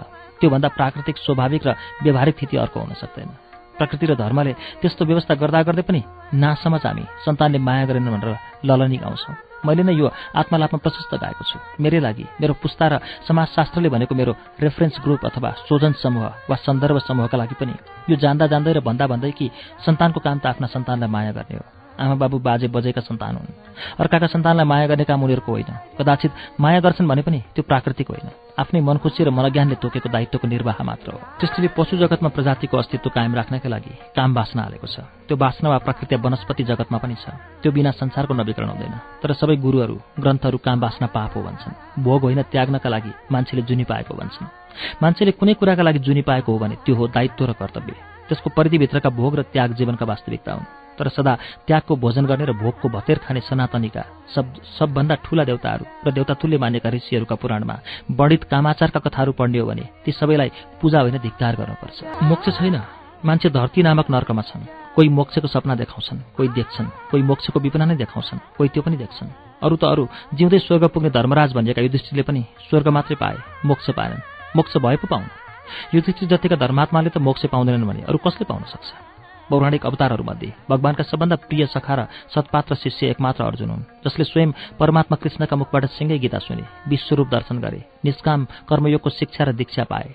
उनले भगवानको आज्ञाअनुसार पूर्ण निष्काम भावले आफ्ना आदरणीय गुरु प्रिय पितामह अनेकौं बन्धु बान्धव र लाखौं गरिब सैनिकहरूको ज्यान लिए भगवानकै आदेश अनुसार कतिलाई धर्मयुद्ध विपरीत झुक्क्याएर पनि मारे तैपनि स्वर्ग मात्रै पाए मोक्ष पाएनन्। अर्जुन जत्तिका निष्काम कर्मीले मोक्ष पाएनन् भने अरू कसले पाउँछ? बाटबाटैमा गलेर ढलेका पाण्डवका सिनाहरू स्यालगिद्धका आहार भए तैपनि सबै स्वर्ग पुगे। भने सनातन धर्मका क्रिया बार्ने र मरेको मान्छेलाई चाहिन्छ भनेर खाने लाउने सुत्ने आदि कुराको दानका नाटक के हुन्? यी सबै चाहिने भए परलोकमा पनि पत्नी परिचारक र भन्सार छुटको गाडी चढ्ने सांसद हो भने त्यो र चालक पनि चाहिने हो। त्यसैले होला अघि अघि धनीहरूका लाससँगै गरिब जिउँदा दास पनि गाडिने प्रथा थियो। त्यसैले अवशेष स्वरूप इन्डोनेसियाको बाली भन्ने ठाउँका हिन्दू सामन्तको लाससँगै उसको सबभन्दा प्रिय नोकरलाई पनि गाड्ने चलन। लुकेछिपी भए पनि अझै पनि छ। यो चलन पचास साठी वर्ष अघिसम्म व्यापक थियो अरे म तीन वर्ष अघि त्यहाँ जाँदा मित्रहरूले बताए अचेल त्यसरी जिउँदै गाडिने नोकरका पक्षबाट ज्यान मुद्दाहरू पर्न थालेकाले। यो चलन निकै घटेको छ तर बन्द भएको छैन। स्वर्ग र मोक्ष बेग्लै हुन्। गीता भन्छ स्वर्ग जानेले फेरि जन्मनुपर्छ मोक्ष पाउनेले पर्दैन। युधिष्ठिर र अर्जुनले त फेरि जन्मनुपर्छ भने अरूले फेरि जन्मनुपर्छ भन्ने के को पिर? उपनिषदको सार गीता हो भने महात्मा गान्धीको विचारमा गीताको सार निष्काम कर्मयोग हो। गीताले सर्वश्रेष्ठ जीवन पद्धति र मोक्षको सर्वश्रेष्ठ उपाय निष्काम कर्मयोग हो भनेको छ। कृष्णले अर्जुनलाई गीतामा बताएका निष्काम कर्मयोगीका लक्षण शब्दसह यिनै हुन्। भोग ऐश्वर्यमा हर्ष शोक द्वेष लाभ हानि जाडो गर्मी दुःख सुख सिद्धि असिद्धि हारजित अभिमान दम्ब ममत्व ममता सन्ताप पाप रहित। मित्र शत्रु निन्दा स्तुति जीवन मृत्यु शुभ अशुभ समभावी। मन बाणी शरीरले कसैलाई दुःख नदिने मृदुवासी क्षमाशील धैर्यवान सलज्ज कोमल सात्विक अहिंसक दानी तपी आसक्ति निवृत्त भयराग क्रोधमुक्त इन्द्रियजित परमात्मा स्थित। कर्ममा अकर्म देख्ने र अकर्ममा कर्म देख्ने। सबै कर्म गर्दा गर्दा केही पनि नगर्ने। सांसारिक आश्रय रहित परमात्मामा नित्य तृप्त इन्द्रियसहित शरीर जितेको। कर्ता भाव त्यागी इन्द्रिय मन बुद्धि र शरीरबाट आसक्ति त्यागेको। अन्तरात्मामा सुखी युक्त कर्म चेष्टावान सबै प्राणीमा परमात्मा देख्ने। आत्मरमणशील आत्मज्ञानी जिउँदै संसार जितेको ब्रह्मचर्य व्रति तृप्त युक्त आहार देहाभिमान मुक्त ब्राह्मण गाई हात्ती कुकुर र चाण्डाललाई सम देख्ने शुद्ध अन्तस्करणवान समस्त कर्मलाई परमात्मामा अर्पण गरेको विवेकी श्रद्धालु संशयमुक्त इच्छा नगरी स्वत प्राप्त पदार्थमा सदा सन्तुष्ट सम्पूर्ण कर्म परमात्मामा अर्पण गरेर आशारहित स्थित प्रज्ञा प्रज्ञा प्रतिष्ठित योग कर्म कुशल निष्काम कर्मयोगी वितरागी। अर्थात् निष्काम कर्मयोगको अभ्यास मान्छेले गर्नै सक्दैन देउताले गर्नै पर्दैन। कुनै पनि अवतारी पुरुष नारी देउता वा ऋषिमुनिहरूले पनि निष्काम कर्मयोगको अभ्यास गरेको देखिँदैन। दैवको लीला पनि निष्काम होइन प्रशस्त कामना छ त्यसमा। नभइकन लीला गर्नु पर्यो वनस्पतिमा पनि सकेसम्म र जसरी भए पनि बाँच्ने र वंश विस्तार गर्ने कामना देखिन्छ। पछि पतञ्जलीले योगलाई अष्टाङ्ग योग भनेर सूत्रबद्ध गरे। यम नियम आसन प्राणायाम प्रत्याहार धारणा ध्यान र समाधि। प्रत्येक अङ्गका अनेकौं उपअङ्ग र व्याख्या छन्। अष्टाङ्ग योग सनातन धर्मको सार र निष्काम कर्मयोग अभ्यासको हाते किताब हो। यसको पहिलो अङ्ग यमका पाँच उपअङ्ग हुन्। अहिंसा सत्य अस्तेह ब्रह्मचार्य अपरिग्रह। त्यही एउटा यमको केही अभ्यास गर्ने व्यक्ति त महात्मा गान्धी हुन्छ भने सम्पूर्ण अष्टाङ्ग योग अभ्यास गर्ने मान्छे कस्तो होला? होला वा नहोला यस लोकमा? सबै प्रमुख धर्महरू मान्छेको जुनीको अन्तिम लक्ष्य मोक्ष ईश्वरमा विलय हुनु भन्छन्। तर औषध मान्छे मुक्ति वा निर्वाण चाहँदैन। मान्छेले मुक्ति चाहने भए यो जुनीमा जसरी भए पनि बाँच्नैको लागि यत्रो विधि आसक्त हुने थिएन। यो जुनीमा मान्छे आसक्तिले गर्दा नै बाँचेका छन् र मरेपछि फेरि जन्मेर त्यो आसक्तिलाई निरन्तरता दिन चाहन्छन्। मोक्ष पाएर सांसारिक भोगको ढोका बन्द गर्न चाहँदैनन्। मोक्ष ग्रन्थको चाहना हो। सामान्य मान्छेका त के कुरा? ऋषिमुनिहरू गुरुहरू देउताहरू पनि भोग चाहन्छन्। यस लोकमा पनि र परलोकमा पनि। पुराणका कथाहरूले त्यसै भन्छन्। उनीहरूको चरित्रले त्यसै भन्छ। स्वर्गको कल्पना पनि त्यही हो। देउता स्वर्गमा भोग गर्छन्। मान्छे भोग गर्न स्वर्ग जान चाहन्छन्। मान्छेले भोगकै लोभले तीर्थ व्रत तप अनुष्ठान आदि सकाम कार्य गर्छ। सकाम कार्य भोगको लोभ हो। संसारमा भोगको लोभ नभएको मान्छे हुँदैन। हुन्छ भने पागल हुन्छ। मान्छेले आजसम्म आविष्कार गरेका सम्पूर्ण परम पद प्राप्ति मोक्ष वा निर्माणका धारणाहरू पनि आफू नहुने सिद्धान्त हुन्। सबै धर्मले हुनुलाई अभिशाप ठहराएका छन् तर कोही पनि मान्छे आफू नभएको हुन चाहँदैनन्। उपदेशकहरू पनि चाहँदैनन् तर उपदेश दिन्छन्। त्यो उनको व्यवसाय हो। हुँदै नभए के को समस्या? हुँदै नभए यसै मोक्ष भइहाल्यो नि। हुँदै नभएर समस्याको समाधान गर्नु रोगीलाई मारेर निको पार्नु जस्तै हो। गालिब लेख्छन् नथा कुछ त खुदा था नथा कुछ त खुदा था कुछ न होता त खुदा होता। डुबया मुसको होने नि। न होता मै त क्या होता? केही नहुँदा पनि दैव थिए। केही नभए पनि दैव हुन्छन्। हुनुले नै म डुबेँ बर्बाद भएँ। म नै नभएको भए के हुन्थ्यो? के हुन्छ? म नामक जन्तु नभए। उसको लागि न यो लोक हुन्छ न परलोक न पितृ हुन्छन् न नातागोता न पत्नी न सन्तान न पुण्य न पाप नहुनु परमात्मा हुनु हो। त्यसैले सबै धर्मले नहुनुलाई मोक्ष परम्पर निर्माण भनेका छन्। सबै समस्याको जरो म नामक जन्तु हुनु हो नहुनु होइन। परमात्माको सारा वेद हो। वेदको सार वेदान्त हो। वेदान्तको सार शङ्कराचार्यका त्रोत्रहरू हुन्। तिनको पनि सार उनको कौपिन स्तोत्र हो। अर्थात् सनातन धर्मको सार लङ्गौटी हो। सनातन धर्मीले मोक्ष प्राप्त गर्ने यही नै सर्वश्रेष्ठ उपाय हो। कौपिन स्तोत्र भन्छ वेदान्त वाक्य सुसदा रमन्तो भिक्षान्न मात्रेण च तुष्टिमन्त अशोकवन्त करुणैक वन्त कौपिनवन्त खलु भाग्यवन्त। सधैँ वेदान्त वाक्यमा रमाउने भिक्षान्नले मात्र सन्तुष्ट शोकरहित करुणवान कौपिनदारी नै भाग्यमानी हो। वेदान्त शिरोमणि भन्छन् मोक्ष पाउने सर्वश्रेष्ठ बाटो लङ्गौटीको पहिरन भिखको गाँस र रुखमुनिको बास हो। कति सनातनी छन् त्यसको अभ्यास गर्ने। मान्छेले आफ्नो अनुहार र व्यवहारका आधारमा भगवान र भगवतीहरूको मूर्ति र उनीहरूको व्यवहारको निर्माण गर्यो भन्दैमा मान्छेले आफ्नो बुद्धिले गर्दा चराचर जगतमाथि शासन र शोषण गर्यो भन्दैमा नरले नारीलाई समेत बाहेक गरेर आफूलाई मात्र संसारका अरू प्राणीभन्दा श्रेष्ठ र आफू मात्र हुँदै नभएको मोक्षको एकल अधिकारी ठान्नुभन्दा ठूलो मूर्खता के हुन सक्छ? कहिले पनि कुनै पनि अपराध नगर्ने गीताले भनेका जस्ता निष्काम कर्मी वितरागी त वनस्पति मात्र हुन्छन्। मोक्ष छ भने केवल प्रकृतिको नियममा जन्मिने बाँच्ने र मर्ने निरपराध वनस्पतिले सबभन्दा पहिले मोक्ष पाउनुपर्छ। असीमित अपराधी मान्छेभन्दा पहिले नै जलचर नवचर र स्थलचरहरूको मोक्षमा अधिकार हुनुपर्छ। पशु जगतमा मान्छे मान्छेमा पनि नर र नरमा पनि आफूलाई श्रेष्ठ दावा गर्ने सबभन्दा पापी प्राणी हो। नर पाप यो नि हो। अरू होइन पापै पापले पुरिएको अपराधी मान्छे र मान्छेमध्ये पनि नरलाई मोक्षको अधिकार छैन। जसले मार्दैन त्यसले मलाई झन बलियो पार्छ। मलाई मिल्ने यो कुरा नेतसेले भनेको हो। सयकडा पाँचजनालाई मार्ने र बाँच्नेले पनि कठोर अग्नि परीक्षाबाट उत्तीर्ण हुनुपर्ने स्टेम सेल ट्रान्सप्लान्ट उपचारले मलाई मारेन। त्यसैले म झन् जियालो भएर फर्केँ। स्टेम सेल ट्रान्सप्लान्टले मेरो कायाकल्प भयो। कायाकल्प शब्दभित्रको पीडाबोध र स्वानुभूतिको सानो भए पनि इतिहास छ। दुई हजार सत्ताइस सालतिर बासु शशीले मलाई फ्रान्स काफकाको उपन्यास मेटामर्फोसिस पढ्न दिए। असाध्यै मन पर्यो। धेरै सोचेर र सल्लाह गरेर मेटामर्फोसिसको अनुवाद रूपान्तरण होइन। कायाकल्प गरेँ र बासु शशीको सञ्जय डाइजेस्टका लागि सार संक्षेप तयार गरेँ। सञ्चय समयमा ननिस्केको हुनाले त्यो दुई हजार अठाइस सालको अभिव्यक्तिमा छापियो। त्यसको नायक ग्रेगर र साम्सा बेलुका सध्य सुतेको थियो। एक रात उसको हलचल नै गर्न नसक्ने साह्रै अशक्त किराका रूपमा कायकल्प भएको थियो। दुई हजार त्रिसठी साल वैशाखमा ढाडको हाड फ्र्याक्चर भएपछि मेरो पनि ग्रेगर साम्साको जस्तै कायकल्प भएको थियो। म पनि ओछ्यानबाट हलचल गर्न नसक्ने अवस्थामा पुगेको थिएँ। स्टेम सेल ट्रान्सप्लान्ट भएपछि म एकपल्ट फेरि बौरेको छु हिँडुल गर्न सक्ने भएको छु र यसलाई पनि कायाकल्प नै भनेको छु। यस उपचार पद्धतिमा रोगीको आफ्नै वा रोगीको सहोदरको रगतबाट स्टेम सेल अथवा बीजकोष सङ्कलन गरिन्छ र त्यही स्टेम सेललाई रोगीको शरीरको शुद्धिकरण गरेर त्यसमा हालिन्छ। प्रतिस्थापन गरिन्छ। मेरो रोगको आजसम्मको सबभन्दा अन्तिम र प्रभावकारी उपचार त्यही रहेछ। सिङ्गापुरमा जचाएर फर्केपछि र बेलायतको भिसा नपाएपछि स्टेम सेल ट्रान्सप्लान्ट गर्ने आश मारेर बसेको थिएँ। त्यही बेला डाक्टर रोहितले मेरा मेडिकल रिपोर्टहरू उनका सहकर्मी अमेरिकाका डाक्टर म्याट ओलिभा कहाँ पठाइदिए? म्याटकी श्रीमती डाक्टर डेभिस ओलिभाले ती रिपोर्टहरू आफ्ना सहकर्मी र मल्टिपल माइलोमाका एक विशिष्ट authority Fred Hutchinson Cancer Centre सियाटलका विख्यात प्रोफेसर डाक्टर विलियम बेन्सिङ्गरलाई देखाइन्। उनले मेरा रिपोर्टहरू हेरेर मेरो स्टेम सेल ट्रान्सप्लान्ट गर्ने सम्भावनाबारे थप अनुसन्धान गर्नु उचित बताए। उनले स्टेम सेल ट्रान्सप्लान्टका लागि प्रतिष्ठित उनका मित्र ब्याङ्क श्रीराज अस्पतालका प्रोफेसर सुरापोल इसाराग्रिसिललाई भेट्ने सल्लाह दिए। यसरी फेरि मेरो उपचारको अर्को चरण सुरु भयो।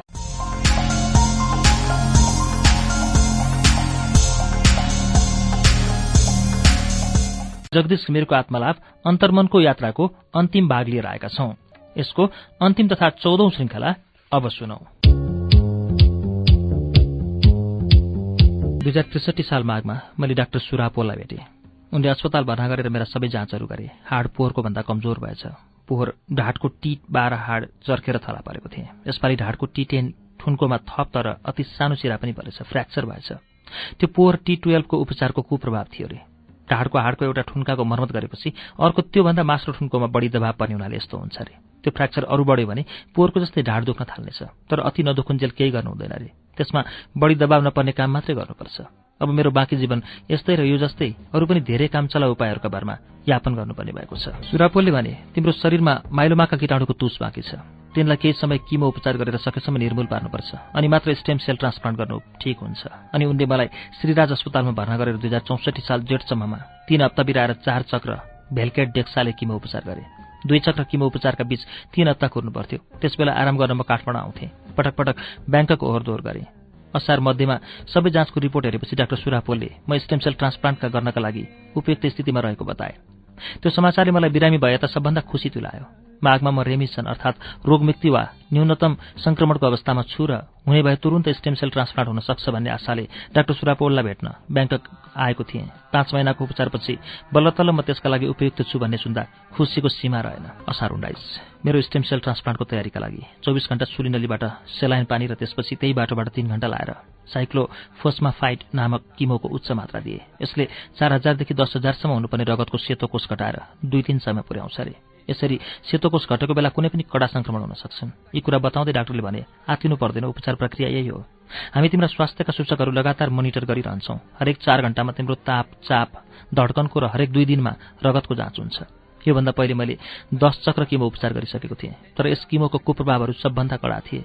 साँझको खाना सधैँ झैँ रुच्यो अनि सुरु भयो यस किमोको कुप्रभावको चमत्कार। निद्रा नलाग्ने बेचैनी हुने कमजोरी हुने भोक नलाग्ने कब्जियत हुने औछानी लाग्ने झुसिलो डकार आउने जस्ता सबभन्दा पहिला लिएको भ्याड किमो उपचारका सबै कुप्रभाव अति धेरै बढी मात्रामा दोहोरिए। यी सबै कुप्रभाव हटाउन अनेक कडा दबाईहरू पनि दिए यसको थप र सबभन्दा खराब कुप्रभाव थियो असह्य पिसाब पोल्ने। पिसाब एक सेकेन्डमा एक थोपा झर्थ्यो भाडो थापिरहनु पर्थ्यो पिसाबको नलीमा सियोले घोचे जस्तै पोल्थ्यो। जिउमा पानी कम भयो कि भनेर खुब पानी पिएँ जति खाँदा पनि घटेन। डाक्टरले भने यो किमोले गर्दा भएको इरिटेबल ब्लाडरको समस्या हो। क्रमशः ठिक हुन्छ। चौबिस घण्टा न निद्रा न भोक न तिर्खा हुने गरी मरण चान्न गराएपछि दुख्न बिस्तारै कम भयो। भोलिपल्ट दिउँसो पेट ढाडिएर असह्य भयो। एक पाथी जति उल्टी गरेपछि जिउ अलि हलुका भयो। पर्सिको दिनदेखि एक दुई चम्चा भात खान थालेँ। एक सातापछिदेखि क्रमशः कुप्रभावहरू घट्दै गएर तङ्ग्रिन थाले। असार बत्तीस। बिहानै डाक्टर भोराकनले स्टेम सेल झिक्नका लागि भनेर मेरो घाँटीको दाहिनेपट्टिको इन्टरनल ज्यागुलर भेन भन्ने नसामा नलिछिराउन लागे। त्यसरी घाँटीको नसाबाट डबल लिमिनेसन क्यामेथेटर नामक पन्ध्र सेन्टिमिटर लामो र एक पोइन्ट तिन मिलिमिटर मोटो नली छिराएर मुटु र फोक्सोको बीचमा पुर्याउनु पर्थ्यो ठिकसँग घुसारेन भने दायाँ र बायाँमा पर्ने मुटु वा फोक्सो छोयो भने समस्या हुन्थ्यो अरे। एक दुईवटा मासु लठ्याउने सुई दिएर पन्ध्र मिनटमा सकिनुपर्ने यो काम। फत्ते गर्न पन्ध्र बिसवटा सुई दिएर एक घन्टासम्म कोसिस गर्दा पनि नसकेपछि ती डाक्टर लज्जित हुँदै सकिन सरी भनेर गए। डाक्टरले त क्षमा मागेर गए भयो। दुःख पाउने रोगीले हो। डाक्टरको अक्षमता र गल्तीले कति रोगीको कति कन्त बिजोक हुन्छ होला कतिको ज्यान जान्छ होला के लेखा? स्टेम सेल जसरी भए पनि झिक्नै थियो नत्र मेरो स्टेम सेल ट्रान्सप्लान्ट नै हुन सक्दैन थियो। त्यसका लागि नर्सहरू हातको नसा पाल पार्न लागे एक त हातका सय सबै नसामा सयौँ पटक सुलिनरी रोपेर घन्टौँ र धेरै पटक धेरै दिनसम्म दबाई दिइसकेकाले कति नसा फाइब्रोसिस अर्थात् काँठिएर गाँठा परिसकेका थिए। कति नसामा हालसालै सुलिनली उनेका आला निलडाम र दुखिरहेका थिए जसमा मलम लगाइरहेको थिएँ। त्यही काममा सबभन्दा अनुभव भएका नर्सहरूले नयाँ नसा खोज्दै पाल पारे। हातमा तीनवटा नयाँ ठाउँमा पाल पारे तर चाहिने जति रगत आएन। अनि दुवै गोडाका गोलीगाठानिरका टाठै देखिने नसामा पल पारेर त्यहाँबाट रगत झिकेर स्टेम सेल सङ्कलन गर्न सकिने ठहर गरे। मलाई अस्पतालकै रगत बैङ्ककमा लगेर दिशा पिसाबको लागि डाइपर लगाए जीवनमा फेरि बालक भएँ गद्दादार कुर्सीमा बसाए चार घण्टा लाग्छ भने अगाडि टिभी खुला थियो। नर्सले स्टेम सेल सेपरेटर नामक यन्त्रमा मेरा दुवै पाल परेका नसा जोडे अनि ती मध्ये एक नसाबाट मेरो रगत यन्त्रमा जान थाल्यो र स्टेम सेल छानिसकेपछि अर्को नसाबाट मुटुमा फर्कन थाल्यो। एक घन्टापछि नर्सले भनिन् यी नसाहरूबाट रगत थोरै आइरहेको छ यसरी हुँदैन। तिमीले भोलि ठुलो नसामा नयाँ पाल पारेर आउनुपर्छ अनि जिकाउला। मलाई फिर्ता पठाइदिन्। फर्किँदा सोचेँ अब भोलि उनीहरूले हुँदैन भएको कुन नसामा पाल पार्ने होलान्। साउन एक। अनि अर्का डाक्टर भोराकन आए। तिनले भने अब दुईवटा उपाय छन्। एउटा देब्रेपट्टि गर्दनको त्यही नसामा पाल पार्ने जुन मलाई अलिक गाह्रो हुन्छ तर यसलाई तिमीले एक सातासम्म पनि राख्नु पर्न सक्छ। त्यस बेला चाहिँ तिमीलाई सजिलो हुन्छ। दोस्रो र अन्तिम उपाय हो ग्रोइन तिग्रा र भुँडीको जोर्नीको नसामा पाल पार्नु जुन मलाई सजिलो हुन्छ तर तिमीलाई हिँड्न दिशा पिसाब गर्न र नुहाउन गाह्रो हुन्छ। अब भन तिमी के चाहन्छौ? मैले गर्दन रोजेँ। यी डाक्टरले चिने ठाउँको मासु लठ्याउने एक दुई सुई दिएर मसँग गफ गर्दा गर्दै दुई मिनटमै नलिछिराए। पन्ध्र मिनट लाग्छ भनेका थिए। पन्ध्र मिनटमा सब टाकटुक सके अब मेरो गर्दनका दुवैतिर घाउ थिए र पट्टी टाँसेको थियो। एकातिर नली घुसारेको थियो जसका दुईटा लुरु लुरु हल्लिने सिङ जस्ता एन्टेना कानमाथि आइपुगेका थिए।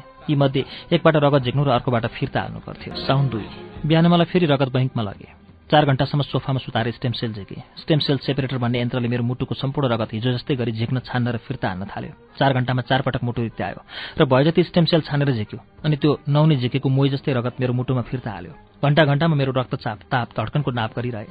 त्यस प्रक्रियामा रक्तचाप निकै घट्दो रहेछ। बिहान सुक्खा खाजा खाएर केही पनि झोल नखाइकन गएको भए पनि म तीन घण्टापछि डाइपर भिजाउन बाध्य भएँ। भाग्यले दिशा आएन। साँझमा डाक्टर पचरावतीले भनिन् सरी आज तिम्रो लागि राम्रो समाचार छैन। तिम्रो स्टेम सेलको सङ्ख्या एकदमै कम छ। नर्मल्ली दस बाह्र लाख हुनुपर्नेमा एक लाख साठी हजार मात्रै छ। किन त्यस्तो भयो त? तिम्रो स्टेम सेल झिक्न ढिला भयो अनि हरायो। मेरो रगतमा बिहिबार सेतो कोष पुरा थियो। त्यही दिन झिक्न भ्याइएन। शुक्रबार राष्ट्रिय विदा पर्यो। अनि शनि र आइतबार रगत बैङ्क बन्द भयो। सोमबार डाक्टरले घाँटीमा हालेन अलि हाल्न सकेन। गोडाको नसाबाट झिकेको रगतले पुगेन। मङ्गलबारसम्ममा सबै चाँजो मिल्यो। तर त्यतिन्जेल मेरो स्टेम सेल रगतमै हराइसकेछ। स्टेम सेल पनि नौनी जस्तो हुँदो रहेछ। मोही पार्दा ठिक्क बेलामा नौनी झिकेन र माथि रह्यो भने लस्किन्छ। अर्थात् बनिसकेको नौनी फेरि मोहीमा नै मिसिन्छ। नौनी निकै कम लाग्छ। अब के गर्छौ त? मैले सोधेँ। भोलि एक दिन फेरि झिकिएर। आजको लक्षणले त भोलि धेरै बढिहाल्ला जस्तो छैन। केही लागेन भने पहिले जस्तै एक दुई हप्तापछि फेरि सबै प्रक्रिया दोहोऱ्याउनुपर्छ। फेरि साइक्लोफोस्मामाइड दिएर स्टेम सेल हार्भेस्ट गर्नुपर्छ। यसरी नसोचेको व्यवधान आयो। जे परे पनि सहनुपर्ने रहेछ। एक त कम्तीमा दुई हप्ता ढिलो हुने भयो। दोहोरो दुःख पाउने भयो। फेरि साइक्लोफोस्मामाइड दिनुपर्छ सुनेर त्यसका उग्र कुप्रभावहरू र खास गरी पिसाब पोल्ने सम्झेर आङसेरिङ्ग भयो। कति दुःख भोग्नु लागेको रहेछ। फेरि रगत बैङ्कमा लगेर हिजोको प्रक्रिया दोहोऱ्याए। गर्दनको नसाबाट पुरै चार घण्टा रगत जिगे साँझमा सहायक डाक्टरले भने आज जम्मा पाँच छ लाख स्टेम सेल आयो। यतिले पुग्दैन प्रक्रिया दोहोऱ्याउनु पर्ने भयो। के कसो गर्ने? डाक्टर सुरापोले निर्णय गर्छन्। प्लेटफर्ममा रेल कुरेर बसेको जस्तो गरी कम्तीमा दुई सातसम्म त्यसै यही कोठामा लडेर स्टेम सेल सङ्कलन गर्ने दिन कुरिरहनु पर्ने भयो। म बिचरोसँग अरू कुनै उपाय थिएन। सुरोपालले भने अब तिमी दुई हप्ता रेस्ट गर। अस्पताल बसिरहनु पर्दैन। थप साइक्लोफोसमा माइट दिनु पनि पर्दैन। त्यसको फोर्स कोर्स पुगिसक्यो। दुई हप्तापछि पाँच दिन न्युपोजिन दिएर स्टेम सेल परिचालन गर्ने र फेरि स्टेम सेल बटुल्ने यसरी मलाई बिस लाख स्टेम सेल ट्रान्सप्लान्ट गर्छन् रे। बल्ल तल स्टेम सेलको मात्रा पुग्ने भयो। मलाई स्टेम सेल ट्रान्सप्लान्टको तयारीका लागि बोन म्यारो ट्रान्सप्लान्ट विभागमा सारे। त्यस वार्डमा जम्मा चारजना बिरामी थियौँ। एउटी नर्सले टुटे फुटेको अङ्ग्रेजीमा मलाई भने तिमी स्टेम सेल ट्रान्सप्लान्ट गराउने पहिलो मान्छे हो। के म परीक्षणको पहिलो मुसो त होइन भनेर तर्सेँ। नर्सले मलाई त्यस वार्डमा उपचार गराउने तिमी पहिलो नेपाली हो भन्न खोजेकी रहेछन्। यो वार्ड सघन उपचार कस्के जस्तै रहेछ। डाक्टरले तोकेको र नर्सले दिएको ओखती र खाने पिउने कुरा बाहेक केही पनि खान पिउन नपाइने हरेक पटक दिशा र पिसाब गएको लगत राख्नुपर्ने। पिसाब छुट्टै थापेर नाप्ने भाँडोमा हालिदिनुपर्ने। मेरो कोठामा बिहान एघारदेखि साँझ आठ बजेसम्म। एकपटकमा एकजना मात्र पस्न र बस्न पाउने रहेछ। राति कोही सुत्न नपाउने। आजसम्मको उपचारमा दुर्गा र अर्को एकजना छोरा छोरी वा भतिजा पनि सधैँ मेरो अस्पतालको कोठामा सुतेका थिए। ब्याङ्ककमा महिनौसम्म कुरेर बस्दा दुर्गाले मलाई कहिले पनि छोडेकी थिएनन्। आज छोड्न बाध्य भइन्। मलाई एक्लै छाड्नुपर्दा दुर्गालाई पिर लागेको प्रष्ट थाहा हुन्थ्यो। दुर्गा र हिमाल पोल्सिन र डाक्टर निड बास बस्न गए? उनीहरूको घर यो अस्पतालबाट नजिकै छ। मलाई पनि नरमाइलो लाग्यो। दुर्गा राति निकै रहेछन् हिमालले फुल्याउनु परेछ। एक दुई दिनपछि सबै सामान्य भयो। मलाई एक रात छोड्नु पर्दा त्यति पिर गर्ने दुर्गाले मलाई सदाको लागि छोड्नु पर्दा कस्तो होला? अस्पतालमा पश्चिमी र थाई खाना पाइन्थ्यो। अस्पतालको खाना राम्रै हुनुपर्छ तर किमोले स्वाद बिगारेकोले होला खानै सकिन। यहाँ रोगले होइन खाना नरुचेर मरिँदो रहेछ। डाक्टरहरू बारम्बार भन्छन् तिमीले बेसरी खानुपर्छ अनि मात्रै चाँडै तङ्ग्रिन्छौ। साउन पच्चिस डाक्टर सुरापोले दुर्गा र मलाई सँगै राखेर उपचार प्रक्रिया सविस्तार बताए भने धैर्य ल्याऊ केही चिन्ता गर्नु पर्दैन। यहाँ अब तिम्रा बचेकुचेका क्यान्सरका किरालाई समाप्त पारिन्छ। किमोको नर्मल मात्राले क्यान्सरका सबै किरा मर्दैनन्। सबै किरालाई समाप्त पार्न उच्च मात्रामा मेरफालान भन्ने किमो दिनेछौँ। त्यसका असुविधा छन् तर गर्नै पर्ने प्रक्रिया त्यही हो। उच्च मात्रामा किमो दिएपछि क्यान्सरका कोष त समाप्त हुन्छन् तर ती सँगसँगै तिम्रो रगतमा रहेका मित्र कोष पनि मर्छन्। डब्लुबिसी शून्यमा पुग्छ। नयाँ रगत बनाउने हाडको मजा हो। त्यो पनि समाप्त हुन्छ। अनि उच्च मात्रामा किमो दिएको पर्सिपल्ट हामी तिमीलाई तिम्रो झिकिराखेको स्टेम सेल हालिदिन्छौँ। त्यसबाट तिम्रो नयाँ रगत बन्न थाल्छ। सबै सूचकहरू नर्मलमा आउन कम्तीमा दुईदेखि तीन हप्तासम्म लाग्छ। त्यतिन्जेल तिमीलाई कुनै पनि रोग सर्न सक्छ। साउन एकतिस। आज चिर्ने ठाउँको मासु लट्ठ्याएर दाहिने कलर बोन र दुधको मुन्टो मुन्तिर दुईटा पाल पारे। तल्लो पालबाट एक दशमलव तिन मिलिमिटर मोटो र तिस सेन्टिमिटर लामो नली मुटुको सेन्ट्रल भेनमा उसारे त्यसको मुखलाई सिए जम्मा एक घण्टा लाग्यो। यो शल्यक्रियामा पाँच प्रतिशतलाई नलीको टुप्पाले फोक्सो घोचेर रगत निस्कन सक्छ अरे। मलाई त्यस्तो केही भएन। यसै नलीबाट त्यहाँ उपचार हुन्जेलसम्म स्थायी रूपमा औषधि खुवाउने रगत वा स्टेम सेल हाल्ने सेलाइन पानी हाल्ने दिनदिनै जाँच्नका लागि रगत झिक्ने र मुखबाट खान नसक्नेलाई भोजन खुवाउने काम हुँदो रहेछ। यो नली मान्छेको शरीरमा हप्तौँ महिनौ र वर्षौँसम्म पनि राख्नु हुने रहेछ। यसलाई नर्सले दिनदिनै साँझ बिहान सफा गर्नुपर्दो रहेछ। अब मेरो शरीरमा यो नली मेरो यहाँ उपचार हुन्जेल रहन्छ जुन कम्तीमा छ हप्ता भनेको छ। यसको सफाइमा कुनै पनि कमी भयो भने जटिल सङ्क्रमण हुन सक्छ। अपरेसनपछि चौबिस घण्टाको खाना एकैचोटि जस्तो गरी खाएँ। नदुख्ने र निदाउने थप गोलीहरू खाएर सुतेँ। भदौ दुई। बिहानै मलाई यस वार्डको एकमात्र थाइल्यान्डको पहिलो ल्यामिनार फ्लो फेसेन्ट इन्सुलेटर नामक हावाका किटाणु छान्ने उपकरण जडिएको सात फुट चौडा र बाह्र फुट लामो आइसोलेसन रुममा सारे। कोठामा दुई खण्ड रहेछन्। मेरो भित्री खण्डमा यस उपकरणले छानेको हावा मात्र छिर्दो रहेछ। त्यहाँ अपरेसन कोठाको परिधानमा डाक्टर नर्स र परीक्षागारिकाहरू मात्र पस्न पाउने रहेछन्। एकपटकमा एकजना मात्र आउन पाउने र अपरेसन कोठाकै परिधानमा बाक्लो प्लास्टिकले बारेर बनेको बाहिरी खण्डसम्म मात्र आएर त्यहीँबाट उभि उभि हेर्न र बोल्न पाउने रहेछन्। दुर्गा र हिमालले परबाट चियारे हेरे। उभि उभि अलिअलि कुरा पनि गरे। उनीहरू दिनदिनै बिहान दस बजी मेरो खाना लिएर आउँथे र बेलुका सात आठ बजीतिर फर्कन्थे। दिनभरि अस्पतालको हाता र बगैँचाका बेन्चहरूमा दिक्क हुँदै कहिले उघेर कहिले बसी बसी निधाएर समय बिताउँथे। दुर्गाले दिन दिनभरि भजन गाएर बिताइन्। भगवान नै उनका मन वचन र कर्मका सहारा भए। उनले बारम्बार भनिन् भजन गर्न जानेकाले मलाई दिन बिताउने सहारा भयो। भजन नजानेको भए कसरी समय बिताउँथे होला बौलाउँथे। बिहान दस बजे आधा घण्टा लाएर तिन सय साठी मिलिग्राम मेलफाला नामक किमोको उच्च मात्रा छातीको नलीबाट दिए। यो किमो दिन थालेपछि जति सकिन्छ उति छिटो छिटो गरी मलाई सकेसम्म धेरै बरफका टुक्रा खान लगाए। मैले अढाई घण्टामा डेढ किलो बरफ खाएँ। किमोको एक मुख्य कुप्रभाव मुख र घाँटीमा बिमिरा खटिरा आउने म्युकोसाइटिस नहोस् भनेर बरफ खुवाएको रे मेरो मुख्य अग्नि परीक्षा सुरु भइसकेको थियो। किमो दिइसकेपछि मलाई राग लुलुक परे। जिउ एक तमासको भयो। म बिरामी भएदेखि भिटामिनका तीन थरी गोली बाहेक अरू पाँच छवटा गोली खाइरहेको थिएँ। आजदेखि तीमाथि अरू पाँच छवटा थपे जसमा यस किमोका थप कुप्रभाव घटाउने र कडा एन्टिबायोटिकहरू थिए। धेरैजसो दबाईहरू छातीको नलीबाटै दिए।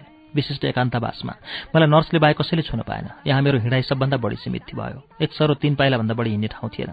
तैपनि पटक पटक गरेर दिनको तीस चालिस मिनट जति हिँड्थेँ यो सबभन्दा बैरागी हिँडाइ थियो। पहाडी पदयात्रा मेरो लत थियो। त्यसबेला अनन्त एकाङ्कीपनको अन्धकारमा डुबेर मैले जीवनका उज्याला रमाइला र उत्साहले भरिपूर्ण ती लामा लामा पहाडी यात्राहरू सम्झे र उत्तर राम उत्तर रामचरितमा भवभूतिका रामचन्द्रले जस्तै कल्पे बेला नै नभइकन मेरा कठै ती दिन गइ गए। विशिष्ट एकान्तवासको दिनचर्या बिहान पाँच बजे सुरु हुन्छ। सबभन्दा पहिले काम नर्सहरूले छातीको नलीको ब्यान्डेज फुकाएर सफा गर्छन् र नली खुला भए नभएको जाँच गर्छन्। त्यो काम बेलुका पनि गर्छन्। त्यसपछि दिनदिनै जाँच गर्नको लागि रगत झिक्छन्। दिनरात प्रत्येक चार घण्टामा ताप चाप धड्कन जान्छन् यही नलीबाट बिहानका दुई चार थरी औषधिहरू पनि दिन्छन्। किमोको कुप्रभावले खान नसक्ने बिरामीलाई पोसिलो तरल खाना दिने नली पनि यही हो।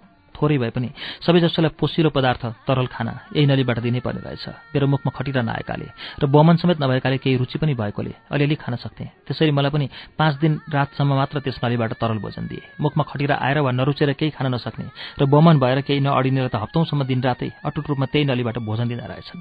हरेक दिन बिहान र बेलुका नुहाउनै पर्ने र लुगा फेर्नै पर्ने नुहाउँदा आफूले सके जति आफैले गर्ने र नसकेको नर्सले मद्दत गर्ने। मेरो अहिलेको जस्तो नुहाउने परिस्थिति नमिल्दा स्पन्ज बाथ गर्ने अर्थात् तातो पानीमा सानो तौलिया भिजाएर साबुन लाएर वा नलाएर अङ्ग प्रत्यङ्ग राम्रोसँग पुस्नै पर्ने नुहाएपछि अनुहार र जिउभरि लोसन लाउने नत्र किमोले बेसरी छाला फटाउँदो रहेछ चिलाउँदो रहेछ।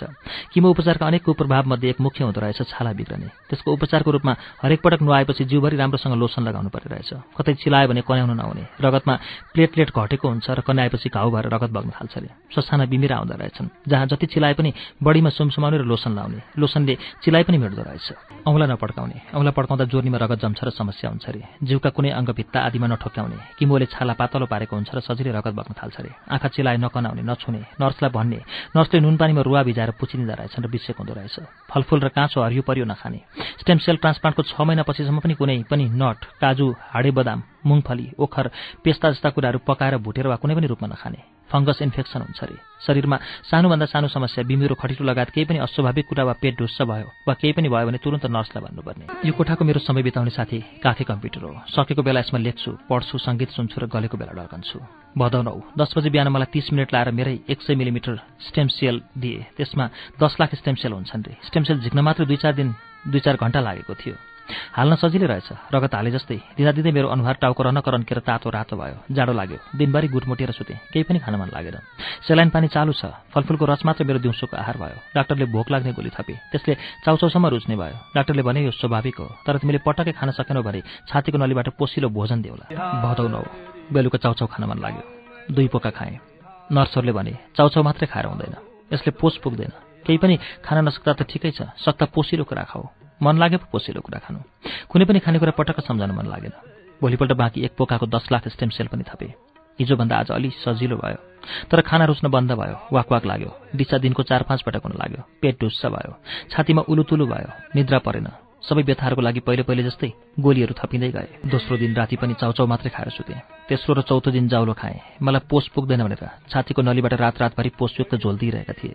छैठौँ दिन सुमेधा बहिनीको मायाले खसीको मासु र बासमती चामलको भात जोड्यो। यी बासहरूमा यो अहिलेसम्मको सर्वश्रेष्ठ भोजन थियो। एक दुई दिन बाहेक कुखुराको उसिनेको फुल लगभग दिनदिनै खाएँ। तर विशिष्ट एकान्तवास समेत मैले करिब छ हप्तासम्म दिनको दुईटा उसिनेको फुल पहेँलै समेत खाएँ। यस उपचार क्रममा उसिनेको फुल मेरो एकमात्र यस्तो भोजन हो जसको औछानी लागेन। भदौ पन्ध्र।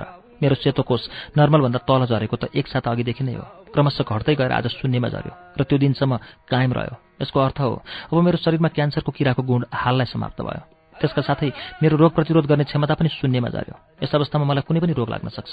बाहिरबाट सल्केर वा आफैभित्र दबेर बसेको बिउतेर वा पलाएर। त्यही नहोस् वा न्यूनतम होस् वा कदाचित केही भइहालेमा यथाशीघ्र त्यसको जानकारी होस् र व्यवस्थापन गर्न सकियोस् भन्ने प्रयत्न अहिलेको विशिष्ट एकान्तवास र यहाँ गरिने निरोधात्मक उपचारहरू। ट्रान्सप्लान्ट गरेको एक सातापछि मेरो स्टेम सेल पलाउन थाल्छ अरे सेतोकोष पलाएर मान्य स्तरमा पुगेपछि उपचारको यो चरण सकिन्छ। मलाई त्यतिन्जेल कुनै रोग सरेन वा निस्केन भने पहिलेको सामान्य एकान्तवासको कोठा सारिन्छ र त्यहाँ घर जाने बेलासम्म राखिन्छ। भदौ सोह्र। मेरो सेतो कोष बढेर चार हजार सात सय पुग्यो अनि सामान्य एकान्तवासमा सारे। दुर्गा र हिमालले पनि मजासँग बसेर गफ गर्न पाए। छ हप्तासम्म लाग्न सक्छ भनेको कोठाबाट दुई हप्तामा निस्कन पाउनु अपवाद जस्तै थियो। दुई सातासम्म मलाई कुनै संक्रमण भएन त्यो ठुलो कुरा थियो। आज बिहान अलि मिठो मानेर खाजा खाएँ। दुई सातामा आज पहिलोपल्ट खानेकुरामा स्वाद थियो।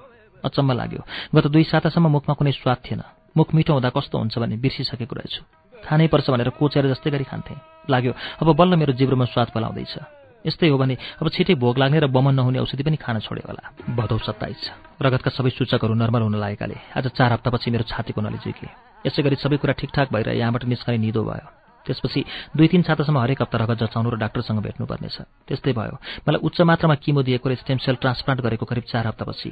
भदौ एकतिस गति मेरो रगतको रिपोर्टमा सबैजसो सूचकहरू लगभग ठिक देखिए। पूर्व योजना अनुसार अस्पतालले छुट्टी दियो। म बोन म्यारो ट्रान्सप्लान्ट विभागबाट पाँच छ हप्तामा छुट्टी पाउने थोरै रोगीहरू मध्येको थिएँ। असोज चौध गते जाँच्दा मेरो रगतका सबै सूचकहरू सामान्य वा सामान्य निकट देखिए। आगामी छ महिनासम्म मेरो प्रतिरोध क्षमता कम हुन्छ अरे। मान्छेको भिडभाडमा नजाने नबस्ने र कुनै पनि रोग लाग्न सर्न सक्ने स्थितिबाट जोगिन घरैमा पनि सकेसम्म सफाई र परहेजका साथ बस्ने सल्लाह दिए। चार छ सातामा जचाउन आउनु भने यसरी दुई हजार त्रिसठी साल वैशाख एक गतिदेखि ढाड भाँचेर थला परेर लडेको र त्यसको तीन सातापछि थालेको क्यान्सरको लगातार उपचारको यो श्रृङ्खला दुई हजार चौसठी साल भदौ एकतिस गति मेरो सफल स्टेम सेल ट्रान्सप्लान्ट सकिएपछि पूरा भयो। यसका साथै जीवनको यो भीषण रोग र उपचारको अग्नि परीक्षाको यो अध्याय समाप्त भयो भन्ने आशा छ। स्टेम सेल ट्रान्सप्लान्ट उपचार प्रक्रियामा जाने सयकडा पाँचमा नपरेर म बाँच्ने सयकडा पन्चानब्बेमा परेँ। त्यसरी मैले केही आयु फोसामा पाएको छु। सयकडा पाँचमा पनि पर्न सक्छु भनेर म मानसिक रूपमा तयार थिएँ। परिवारले पनि यो कुरा वेबसाइटमा पढिसकेका थिए। उनीहरू पनि मानसिक रूपमा तयार थिए। त्यसैले विशिष्ट एकान्तवासमा बस्ने अघिल्लो दिन भदौ एक गतेसम्म लेखेको अन्तर्मनको यात्रा रोचक घिमिरेर नगेन्द्र दाईलाई हेर्न पठाइदिए। छुट्टिने बेलामा डाक्टर सुरापोललाई धन्यवाद दिँदै सोधे म कति अवधिको लागि यो रोगमुक्त हुन्छु होला? भन्न सकिन्न जति पनि हुनसक्छ। तीन पाँच दस वर्ष उनले बारे। धेरै वेबसाइटहरूले तोकेको औषध पाँच वर्ष हो। मान्छे जन्मिने बित्तिकैदेखि आयुको काउन्टडाउन सुरु हुन्छ। कायाकल्प भएपछि फेरि एकपल्ट मेरा बाँकी दिन र छिनहरूको उल्टो गन्ती सुरु भएको छ। सोचेँ। परिस्थितिले मलाई यसरी फोसामा दिएको यो थप आयुका दिनहरू र छिनहरूको कसरी सदुपयोग गरौँ? अन्तर्मनले भन्यो त अब बाध्यता मुक्त छस्। यो फोसामा पाएको आयुमा त्यही गर जे गर्दा शान्ति पाउँछस्। अनि म लागेँ अधुरो साहित्य यात्रामा केही पाइला थाप्ने काममा। अक्षरको सन्धान र साधनामा यो आत्मालाभका अन्तिम शब्दहरूमा र अब लेख्ने उपन्यासको खाकामा ताना बानामा भर्दा भर्दै हजारौं विषय सुखघडा देह लमतन्न पर्दा झर्दा सम्पूर्ण सेखी तुजुक पवनले निस्कने जोड गर्दा। सर्दा आपस्त डर्दै पर पर धमिलो नाचको अन्त्य पर्दा गिर्दामा साथ जाने कुन कुन चिज हुन् सम्झती काम गर्दा। लेखनाथ जे हो समय हो जे छ समयमा छ बलवान त्यो हुन्छ जसको समय आएको हुन्छ। बुद्धिमान त्यो हुन्छ जसको समय आएको हुन्छ। विजयी त्यो हुन्छ जसको समय आएको हुन्छ। सबै समय हो समय चमत्कार हो। यो ब्रह्माण्डमा जे जति छ त्यो समयमा छ। समय नै अस्तित्व हो। सम्पूर्ण सृष्टि चमत्कारपूर्ण छ। ठूलोभन्दा ठूलो सौरमण्डल मात्र होइन सानोभन्दा सानो पात पतिङ्गर किरो बालुवा पनि उत्तिकै चमत्कारपूर्ण र रहस्यमय छ। सबै दृश्य अदृश्य ज्ञ अज्ञ समयकै चमत्कार हुन्। समयले जन्माउँछ त्यो समय साहित हुन्छ। समयले जियाउँछ त्यो समय जीवन हुन्छ। समयले मार्छ त्यो समय काल हुन्छ। जन्म बालापन यौवन प्रौढावस्था मृत्यु सबै उही समयका फरक नाम र पर्याय हुन्। सबै उही हो एकै हो। संस्कृत र नेपालीमा मात्रै होइन अरू भाषाहरूमा पनि समय वा कालको अर्थ जीवन पनि हुन्छ मृत्यु पनि हुन्छ। अर्थात् समय वा काल जीवन पनि हो मृत्यु पनि हो। अङ्ग्रेजी शब्द इन्टको अर्थ मृत्यु पनि हुन्छ लक्ष्य पनि हुन्छ। अर्थात् जीवनको बाँच्नुको लक्ष्य मर्नु हो मृत्यु हो अथवा माथि भने जस्तो समय अस्तित्व मात्र होइन सँगसँगै एकैपटक अस्तित्व र अस्तित्वहीनता समेत हो। समय कुनै राम्रो कुनै नराम्रो हुँदैन। जन्म सुसमय र मृत्यु कुसमय होइन। उही एउटै समय सृष्टि स्थिति र प्रलय अर्थात् जन्म जीवन र मृत्यु हो। यसमध्ये कुनै समय मान्छेको लागि उत्सव हुन्छ कुनै समय शोक कुनै सुख हुन्छ कुनै दुःख। सुखमय सुयोग हुन्छ कुसमय दुर्योग हुन्छ। समय आदिहीन र अन्त्यहीन लगातार हो। कन्टिन्युयम हो जसमा न सुख छ न दुःख छ न उत्सव छ न शोक छ न सुयोग छ न दुर्योग छ। समय यथार्थ हो यो सत्य हो यो केवल छ। समस्त चेतन र जडको जन्म जीवन र अवसान समयको खेल हो। मान्छेका समस्त उपलब्धि अनुपलब्धि सबै समयका खेल हुन्। मान्छे केवल कारण हो कर्ता होइन। कर्ता हुनुको भ्रम आनन्ददायी वा दुःखद हुन्छ। त्यसले अहंकार बोध वा हिंताबोध गराउँछ। म अहिले मेरो घरबाट उत्तर पूर्वमा छ्याङ्ग देखिने बागमती किनारको डम्पिङ साइट अथवा महारछ्यानबाट आकाशमा उडिरहेका खाली प्लास्टिकका थैलाहरू देख्दैछु जसमा सैकडौँ चिल गिद्धहरू झम्टा हान्दैछन्। मान्छे त्यही उडिरहेको प्लास्टिकको थैलो हो र मान्छेका आकांक्षा तिनी रित्ता प्लास्टिकका लागि जुत्ती खेलिरहेका चिल र गिद्धहरू हुन्। मान्छेको उपलब्धि हावाले आकाशमा पुर्याएको प्लास्टिकको थैलो जस्तै हो। ऊ ठान्दा ऊ आफै भएको हो। ऊ आफै आकाशमा पुगेको हो। ऊ जे भएको छ आफ्नै खुबीले भएको छ। ऊ जान्दैन यो सबै समयको खेल हो। उसलाई कसैले बनाएको हो कसैले उडाएको हो कसैले प्रयोग गरेको हो यस जुनीमा ती सबै कुरा जुन मैले यसो गरेँ उसो गरेँ म यस्तो म उस्तो म यति जान्ने उति जान्ने भन्थेँ त्यो सब मूर्खता रहेछ। हाड नमक्युन्जेल ढाड नभाच्युन्जेल माइलोमाले थला नपारुन्जेल म पनि सबै थोकौँ मैले नै सबै थोक गरेको भनी ठान्थेँ। अब त्यो भ्रमबाट मुक्त छु। यस्तो रोग नलागिकन त्यो विवेक पलाउने मान्छे अति थोरै हुन्छन्। ती धेरै सौभाग्यशाली हुन्छन्। तीभन्दा पनि सौभाग्यशाली हुन्छन्। तिनका वरिपरिका परिवार सोझन र निकटस्थहरू। जीवनमा पुग्नुको भन्दा यात्राको महत्व हुन्छ। मेरो साठी वर्ष स्वस्थ यात्राको आफ्नै महत्व छ भने त्यसपछि म माइलोमामा पुगेको छु। तैपनि यात्रा चालु छ तर यो यात्रा फरक छ। यो मेरो अन्तर्मनको यात्रा हो जुन सधैँ नयाँ हुन्छ। कुनै आनन्ददायी हुन्छ कुनै दुःखद। म अहिले दुःखद यात्रामा छु।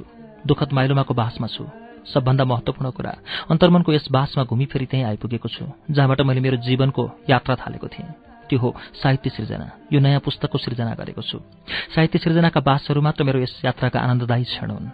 मैले अघि पढेका र अहिले पढेका अरूका र मेरा रचना नयाँ र पुराना साथी सम्पर्क सम्बन्ध परिवारका नयाँ र पुराना सदस्यहरू आत्मीयहरू सबै मेरो यस नयाँ पात्रका यात्राका नयाँ बासहरू हुन्। ती प्रत्येक नयाँ र पुराना सम्बन्धहरूमा प्रत्येक नयाँ र पुराना पुस्तकहरूमा नयाँ आयाम थपिएको छ। त्यो नयाँ आयाम तिनको होइन मेरो हो। परिवर्तित म भएको छु उनीहरू होइन। उनीहरू उस्तै छन्। माइलोमा लागेर म यसरी परिवर्तित भएकोमा साँच्चै माया गर्नेले मलाई अति माया गरे। माया नगर्नेले पनि अलि मिठोसम्म बोले। बाँच्नु अल्पकालीन समाधान हो मर्नु दीर्घकालीन। बिरामी भयो बाँच्नका लागि अनेक गर्नुपर्छ। उपचारका लागि यहाँ गयो उहाँ गयो यो डाक्टरलाई देखायो ऊ डाक्टरलाई देखायो यो उपचार भन्यो ऊ उपचार भन्यो। यस्तै रोगमा यसलाई यस्तो गर्दा यस्तो भयो भन्यो उसलाई उस्तो गर्दा उस्तो भयो भन्यो यो खायो ऊ नखायो यता गोज्यो उता पुग्यो। यता काट्यो उता जोड्यो उता डाम्यो उता विश्व पार्यो। यता पाल पारेर सुलिनली भिर्यो उता पालको सुलिनली झिक्यो बिख मार्न बिख खायो। यो रोग लागेपछि म ती सबै अग्नि परीक्षाहरूबाट गुज्रिसकेको छु। जीवन र जगतलाई कसैले दैवको लीला भन्छन् कसैले प्रकृतिको खेला। जसले जे माने पनि कुरा उयो। अर्थात् त्यो कुनै अर्कै शक्तिको खेल हो। जब मान्छे अर्कै शक्तिको अधीनमा छ भने जो र जे भए पनि लीला भए पनि खेला भए पनि तात्विक फरक केही छैन। मेरो दैव भने पनि प्रकृति भने पनि लीला भने पनि खेला भने पनि समय नै हो। अरू केही होइन। कसैले दैव छ भन्छन् कसैले छैन भन्छन्। भूषणाले भगवान छ भनेर हुने र छैन भनेर नहुने होइन। सत्य हुन्छ असत्य हुँदैन। दैव छ भने सत्य हो। सत्य समाधान हुन्छ समस्या होइन। छैन भने समस्या नै भएन। जसले जे सोचे पनि हुन्छ सोचले सत्य बदलिँदैन। सत्यले सोच बदलिन्छ।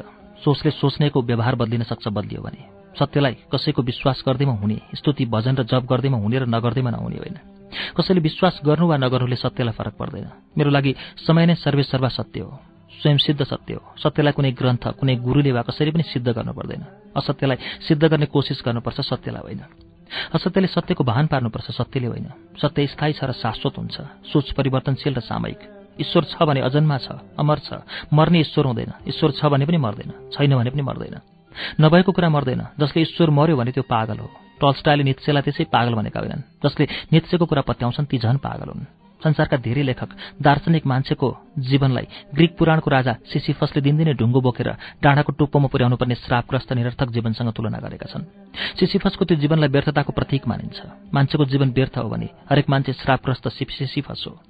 मान्छेको दैनिक जीवन सिसिफसले दिनदिनै विशाल ढुङ्गो बोकेर डाँडाको टुप्पोमा पुर्याएको जस्तै हो। कहिलेकाहीँ सबैलाई यस्तो लाग्छ होला। मलाई पनि माइलोमाले लडाएपछि त्यस्तो नलागेको होइन। मान्छेको जीवन व्यर्थ होइन भने कोही पनि सिसिफस होइन। मान्छेले जे गर्छ उसका लागि त्यही सार्थक हुन्छ। अरूको लागि निरर्थक नै भए पनि उसका लागि सार्थक हुन्छ किनभने उसले त्यो सार्थक देख्छ। सार्थक नदेखे पनि सार्थकताको दावा गर्छ। त्यो उसको इगो हो अहंकार हो। जति निरर्थक भए पनि सिसिफसले त्यो ढुङ्गो बोकेर डाँडाको टुप्पामा पुर्याउन सक्ने स्वास्थ्य त पाएको थियो। अहिले म सिसिफसको त्यो स्वास्थ्यको ईर्ष्या गर्छु। म जस्तो अस्वस्थ र दुर्बल मान्छेको लागि सिसिफसको स्वास्थ्य र सबलता पनि ईर्ष्या हुन्छ। मान्छे त्यो चाहन्छ जे उसँग हुँदैन। जीवन सार्थक छ भने हरेक दिन सार्थक छ। सिसिफसले दिनदिनै बोकेको ढुङ्गो पनि सार्थक छैन भने हरेक दिन निरर्थक छ। हरेक छिन निरर्थक छ। कसैको कुनै पनि क्रियाकलाप सार्थक छैन। जीवन सुखमा सार्थक र दुःखमा निरर्थक हुने होइन। जीवनको सार्थकता आफ्नो सुखमा होइन। अरूलाई सुख दिन सक्नुमा छ। संसारभरिका पुराना र नयाँ चिन्तकहरूले ठेलीका ठेली निस्सारवाद अस्तित्ववाद सिसिफसवाद शून्यवाद र के के वाद लेखेका छन्। पश्चिमी संसारले त्यो विचारलाई अति गम्भीरतापूर्वक पनि लिएको छ। तर त्यो पूर्वीय दर्शनका लागि नयाँ होइन। जुन लेखनाथजीले यी चार अर्पमा यसरी टुङ्ग्याएका छन् यो छाला हाडमासु रगतहरू सबै देखिने बाह्य बोक्रो। त्यो बोक्राभित्र अर्को अलिकति मसिनो प्राण दोस्रै छ बोक्रो। तेस्रो त्यही भित्र बोक्रो मन। अझ उसको भित्र आनन्द बोक्रो। बोक्राको तुच्छ धोक्रो लिइकन। म भनी बोल्छ को भित्र खोक्रो? कृष्णले गीतामा भनेको ब्रह्म निर्माण र त्यसको सयौं वर्षपछि बुद्धले भनेको निर्माणमा के फरक छ मैले बुझ्न सकेको छैन। बुद्ध भन्छन् निर्माण प्राप्त गर्न जीवन समर्पित गर। मरिसकेपछि डढेर भएको खरानी वा सडेर भएको माटोले निर्माण पाउने होइन होला। नभएको आत्माले पनि निर्माण पाउने होइन होला। निर्माण पाउने शरीर पनि होइन आत्मा पनि होइन भने बुद्धले भनेको त्यो निर्माण पाउनका लागि जीवन समर्पित गर्नुपर्ने तेस्रो निकाय के हो त्यो मैले बुझ्न सकेको छैन। यो कुरा मैले धेरै ज्ञानीहरूलाई सोधेँ तर कसैले पनि बताउन सकेनन्। यो सबै जीवनप्रतिका दृष्टिकोण हुन्। यीमध्ये यो ठिक वा त्यो बेठिक भन्ने छैन। जीवन सार्थक वा निरर्थक पनि होइन। जीवन जसले जे भनेर देख्यो चिन्यो जान्यो बुझ्यो मान्यो ठान्यो त्यही हो। मान्छेले जीवनको विश्लेषण गर्ने प्रयास नगरेको होइन तर आजसम्म सम्भव भएन। अन्तिम विश्लेषणमा जीवन दृष्टिकोण हो। त्यसपछि पनि विश्लेषणमा जीवन मृत्यु हो। जीवन क्वालिटी हो क्वान्टिटी होइन। रोग लाग्नु अघिको मेरो जीवनको गुणस्तरबाट म सन्तुष्ट छु। मेरो जस्तो रोगग्रस्त जीवन त अभिशाप नै हो। आफ्ना लागि पनि परिवार र स्वजनहरूका लागि पनि। यसमा कुनै पनि शङ्का छैन। बाँकी रह्यो छोटो भयो अचानक भयो दुःखपूर्ण भयो भन्ने कुरा। धेरैका जीवनयात्रा मेरोभन्दा छोटा अचानक र दुःखपूर्ण हुन्छ। प्रश्न हो कससँग तुलना गर्ने? मान्छेको मनले सुख जति आफूलाई र दुःख जति अरूलाई बाँडेको हुन्छ। त्यो तुलोमा भने म पक्कै ठगिएको ठहर्नेछु। जीवनको यात्रा सबैले गर्छन् तर कसैले बुझ्दैनन्। बुझ्ने भए त्यति विधि गल्ती गर्ने थिएनन्। जीवनको बाटोमा सबैले हिँड्छन् तर कसैले बाटो चिन्दैनन्। चिन्ने भए यति विधि बिराउने थिएनन्। बाँचुन्जेल जीवनलाई माया गर्नेले बेला भएपछि मृत्युलाई पनि माया गर्नुपर्छ। जीवन भएकाले मृत्यु भएको जीवन नभएको भए मृत्यु पनि हुने थिएन। हुनु दुःख हो। मान्छे दुःखमा जन्मन्छ दुःखमा हुर्कन्छ दुःखमा बाँच्छ दुःखमा मर्छ। बाँचुन्जेल सुख पाउँदैन। जो सुखसँग मर्छ त्यही सुखी हो। म केवल त्यस दिनसम्म मात्र बाँच्न चाहन्छु। जुन दिनसम्म म आफैले आफ्ना सामान्य कामहरू गर्न सक्छु। मेरो आफूले गर्न सक्ने कामको जाँच आफैले दारी खौरिन र नङ काट्न सक्नु हो। म चाहन्छु म त्यतिन्जेल मात्र बाँचौँ जतिन्जेल कम्तीमा यी दुई कामहरू सजिलै गर्न सकौँ। र सकौँ खाने बाथरुम जाने पढ्ने सामान्य डुल्ने बसेर होससहित कुरा गर्न सक्ने देख्ने लेख्ने कामहरू पनि गर्नु। जुन दिन म यी कामहरू सजिलै गर्न नसक्ने हुन्छु त्यसै दिनदेखि मैले घरैमा सन्यास आश्रम सुरु गर्नु ठिक हुन्छ। मैले उपवास गरेर प्राण त्याग्नु उचित हुन्छ। मेरो परिवार स्वजन र त्यस बेलाका चिकित्सकहरूलाई चेतना भए। हामी सबै त्यही हौ जुन लेखनाथजीको यो चतुष्पदी भन्छ। हड्डीको पिञ्जरा शरीर उसमा मैना म भन्ने चरो त्यो क्वाँ क्वाँ गर्दो छ शान्ति रसको पानी बिना भई खरो चार इन्द्रिय लभ्य यो विषयको लाखौं खने आए पनि। भित्री व्याकुलता र दाहा उसको छोड्दैन कति पनि। सबै कुराको समय हुन्छ। बाँच्ने समय थियो बाँचे। जे जे गर्ने समय थियो गरे। विषय बाँच्नाको सीमा छैन। नजाउन्जेलसम्म त्यो भित्री व्याकुलता र दाह छोड्दैन। कति बाँच्नु त्यो अतिविधि भित्री व्याकुलता र दाह बोकेर। जाने समय आएपछि जानुपर्छ। समयले मेरो जाने समयको घन्टी बजाइसकेको छ। संसारलाई कसैको खाँचो हुँदैन। गालिबले आफू मरेपछिको अवस्थाबारे भने जस्तो रोएर ललनी गाउनुको केही अर्थ छैन। गालिब वे खस्ता के बगैर कौन से काम बन्द है? गाली या खस्ता के बगैर कौन से काम बंद हैं? रोइए जार जार क्या कीजिए? हाय हाय क्यों? नाथे गालिब नभएर के काम बन्द भएको छ र किन बित्थामा यत्रो विधि रोइ कराई हाय हाय र हुइ हुइ गर्नु? महाभारतको लडाईँ सकिएपछि अर्जुनको प्रख्यात कपिध्वज रथबाट कृष्ण अन्तिम पटक ओर्लिए। अर्जुनलाई पनि उराले अनि रथ हुरहुर्ती बल्न थाल्यो। अर्जुन स्तब्ध भए सोधे के भएको यो प्रभु? कृष्णले भने ब्रह्मास्त्र लगायत धेरै अस्त्र शस्त्रहरू प्रहार भएकोले यो रथ जीर्ण भइसकेको थियो। यसलाई मैले युद्धभरि योग बलले थेगेर राखेको थिएँ। युद्ध सकियो अब यस रथको काम छैन। त्यसैले यसबाट मैले आफ्नो योग बल झिकिदिएँ अनि यो रथ यसरी बलेको हो। अनेकौं कडा विषौषधिको प्रभाव र कुप्रभावहरूले मेरो शरीर कपिध्वज रथ जस्तै जीर्ण भइसकेको छ। भीष्मले सरसैयामा सुतेर भए पनि काललाई पर्खाए जस्तै मैले पनि अस्पतालहरूका सुलिनली सैयाहरूमा सुतेर काल पर्खाएर जसरी भए पनि यो आत्मालाभ गरिसकेको हुँ लेखिसकेको हुँ। यो लेखी सकि नसकी कालले मलाई लान सक्दैन भन्ने आत्मविश्वासले गर्दा नै अहिलेसम्म म बाँचेको हुँ। अहिलेसम्म यो लेख्ने मिसनले नै थेगिएको हुँ। अब म कुनै पनि बेला समाप्त हुन सक्छु। परिवार स्वजन चिकित्सकहरूसँग मेरो बिन्ती छ। अन्तिम अवस्थामा मेरो नाक घाँटी नाइटोबाट पाइप छिराएर मेरो आयु जबरजस्ती नलम्ब्याऊ भेन्टिलेटरमा राखेर वा डायलिसिस गरेर पनि नबचाऊ मलाई गुन्द्रुक सिन्की जस्तो भएर पनि बाँच्न बाध्य नबनाऊ। म बेहोस भएपछि मेरो बेहोसीलाई तिमीहरू आफ्नो मन खुसी नगर। मेरो तन र मनको सुखको पनि विचार गरिदेऊ। पिंजडै पिंजडामा मैले सबै गरेका र नगरेका समेत पापहरूको दण्ड र यातना भोगिसकेँ। त्यसबेला मलाई थप यातना नदेऊ। मलाई एकपटक मात्र मर्न देऊ। खुसीसँग मर्नेछु। पटक पटक नमार। उर्वारु कमी बन्दानान मृत्यु मूर्छीय मातृनान ऋग्वेदको महामृत्युञ्जय मन्त्र भन्छ पाकेको काँक्रो भेट्न मुक्त भए जस्तै मृत्युबाट मुक्ति देऊ अमृतबाट होइन। चार हजार वर्ष अघि नै पूर्वका चिन्तकहरूले भनेका थिए मुक्ति मृत्युबाट चाहिन्छ। यसको अर्थ हो जीवन भनेको मृत्यु हो। आधुनिक अस्तित्ववादीहरूले बुझुन् मेरो सोजनहरू मेरो जीवनको काँक्रो पाकिसकेको छ। मलाई पाकेको काँक्रो जस्तै सबै बन्धनहरू छुनाएर फुत्रुक झर्न र बिलाउन सघाऊ मेरो अमृत त्यही हो मेरो मुक्ति त्यही हो। मेरो जीवन रोकी पाकेको काँक्रोलाई सिक लगाएर खल्पिहाल्न नसान्छ मलाई पराल सेन्की गुन्द्रुप भएर बाँच्न बाध्य नपार। मेरो जीवन काठमाडौँको फोहोरमा बित्यो भन्दा हुन्छ।